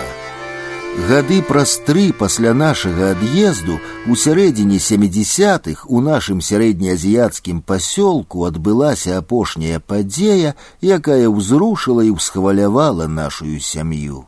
Зусім недалёк ад бальшавіка ў высокім падмытым беразе сырдар'і абвал выявіў багатае на скарбы пахавання ваяроў Александра Македонскага. Менавіта ў тых мясцінах, як выявілася, легендарны палкаводзец вызначыўся не ісці на поўнач, а прыняў рашэнне рушыць на поўдзень у Індыю. Пакуль справа дайшла да афіцыйных археалагічных даследаванняў, мясцовыя расцягнулі большую частку каштоўнасцей. Улады, дазнаўшыся пра гэта, выставілі нават вайсковае чапленне ў тым раёне, але было позна. Сярэдняя Азія паступова, аддаліўшыся ў прасторы і часе, аддалялася і ў нашых думках. Людзі, з якімі мы жылі побач доўгія гады там, тут у Беларусі рабіліся ўсё менш рэальнымі, а тое, што было часткай нашага жыцця, неяк няўлоўна і хутка станавілася толькі далёкім успамінам перагарнулася вялікая старонка кнігі жыцця, усё сталася іншым. З часам нават назвы тых мясцінаў цалкам змяніліся. Нашая вобласць стала туркестанскай, райцэнтр кіраўская ператварыўся ў асык ата і страціў статус райцэнтра. Раён атрымаў назву Мактааральскі. Райцэнтры суседніх раёнаў таксама змянілі назвы, і ліч стаў атакентам, славянка марзакентам, нашая цэнтральная сядзіба саўгаса бальшавік стала звацца зардылі, пасёлак кірпічны стаў кемерам. Што тычыцца самой туркестанскай вобласці, ёй стала надавацца ўвага як культурнаму цэнтру Казахстана, дзе некалі брала свой пачатак казахстанская дзяржаўнасць. Іншай за гэты час зрабілася і нашая Беларусь. Незваротна мінулі часы самастойнай і заможнай жыткі гаспадароў сцібурака ў фальварку субачы. Абагуленая зямля трапіла ў калгас, будынкі большасцю былі разабраныя, а ацалелыя трапілі ў чужыя руки. На нашых сенажацях і лужках пасвіліся чужыя коні. Тутэйшых нашых сяброў і прыяцеляў раскідаў лёс, сувязі з многімі былі страчаныя назаўсёды. Мы вярнуліся ў іншую раку, якая несла ваду па новым рэчышчы. У 2020 годзе ў час напісання гэтай кнігі ў субачах застаўся апошні карэнны жыхар. Разбурыліся некалі моцныя хаты нашых суседзяў, здзічэлі і зніклі сады, палі сталі зарастаць хмызамі. Ад усёй нашай вялікай гаспадаркі напамінам на падворку застаўся мураваны склеп ды засохлая старая груша сапяжанка. Не стала і мясцовых людзей, што памяталі гаспадароў тамтэйшага фальварка. Толькі недалёка ад сядзібы застаўся прыгожы барок, які некалі гадаваўся і бярогся намі на меркаванае набыццё камянічкі ў вільні. Людзі з суседніх вёсак і па сёння ходзяць туды ў грыбы і ягады. І не памятаючы паходжання назвы, усё ж завуць яго як і раней. Стебуракаў лес.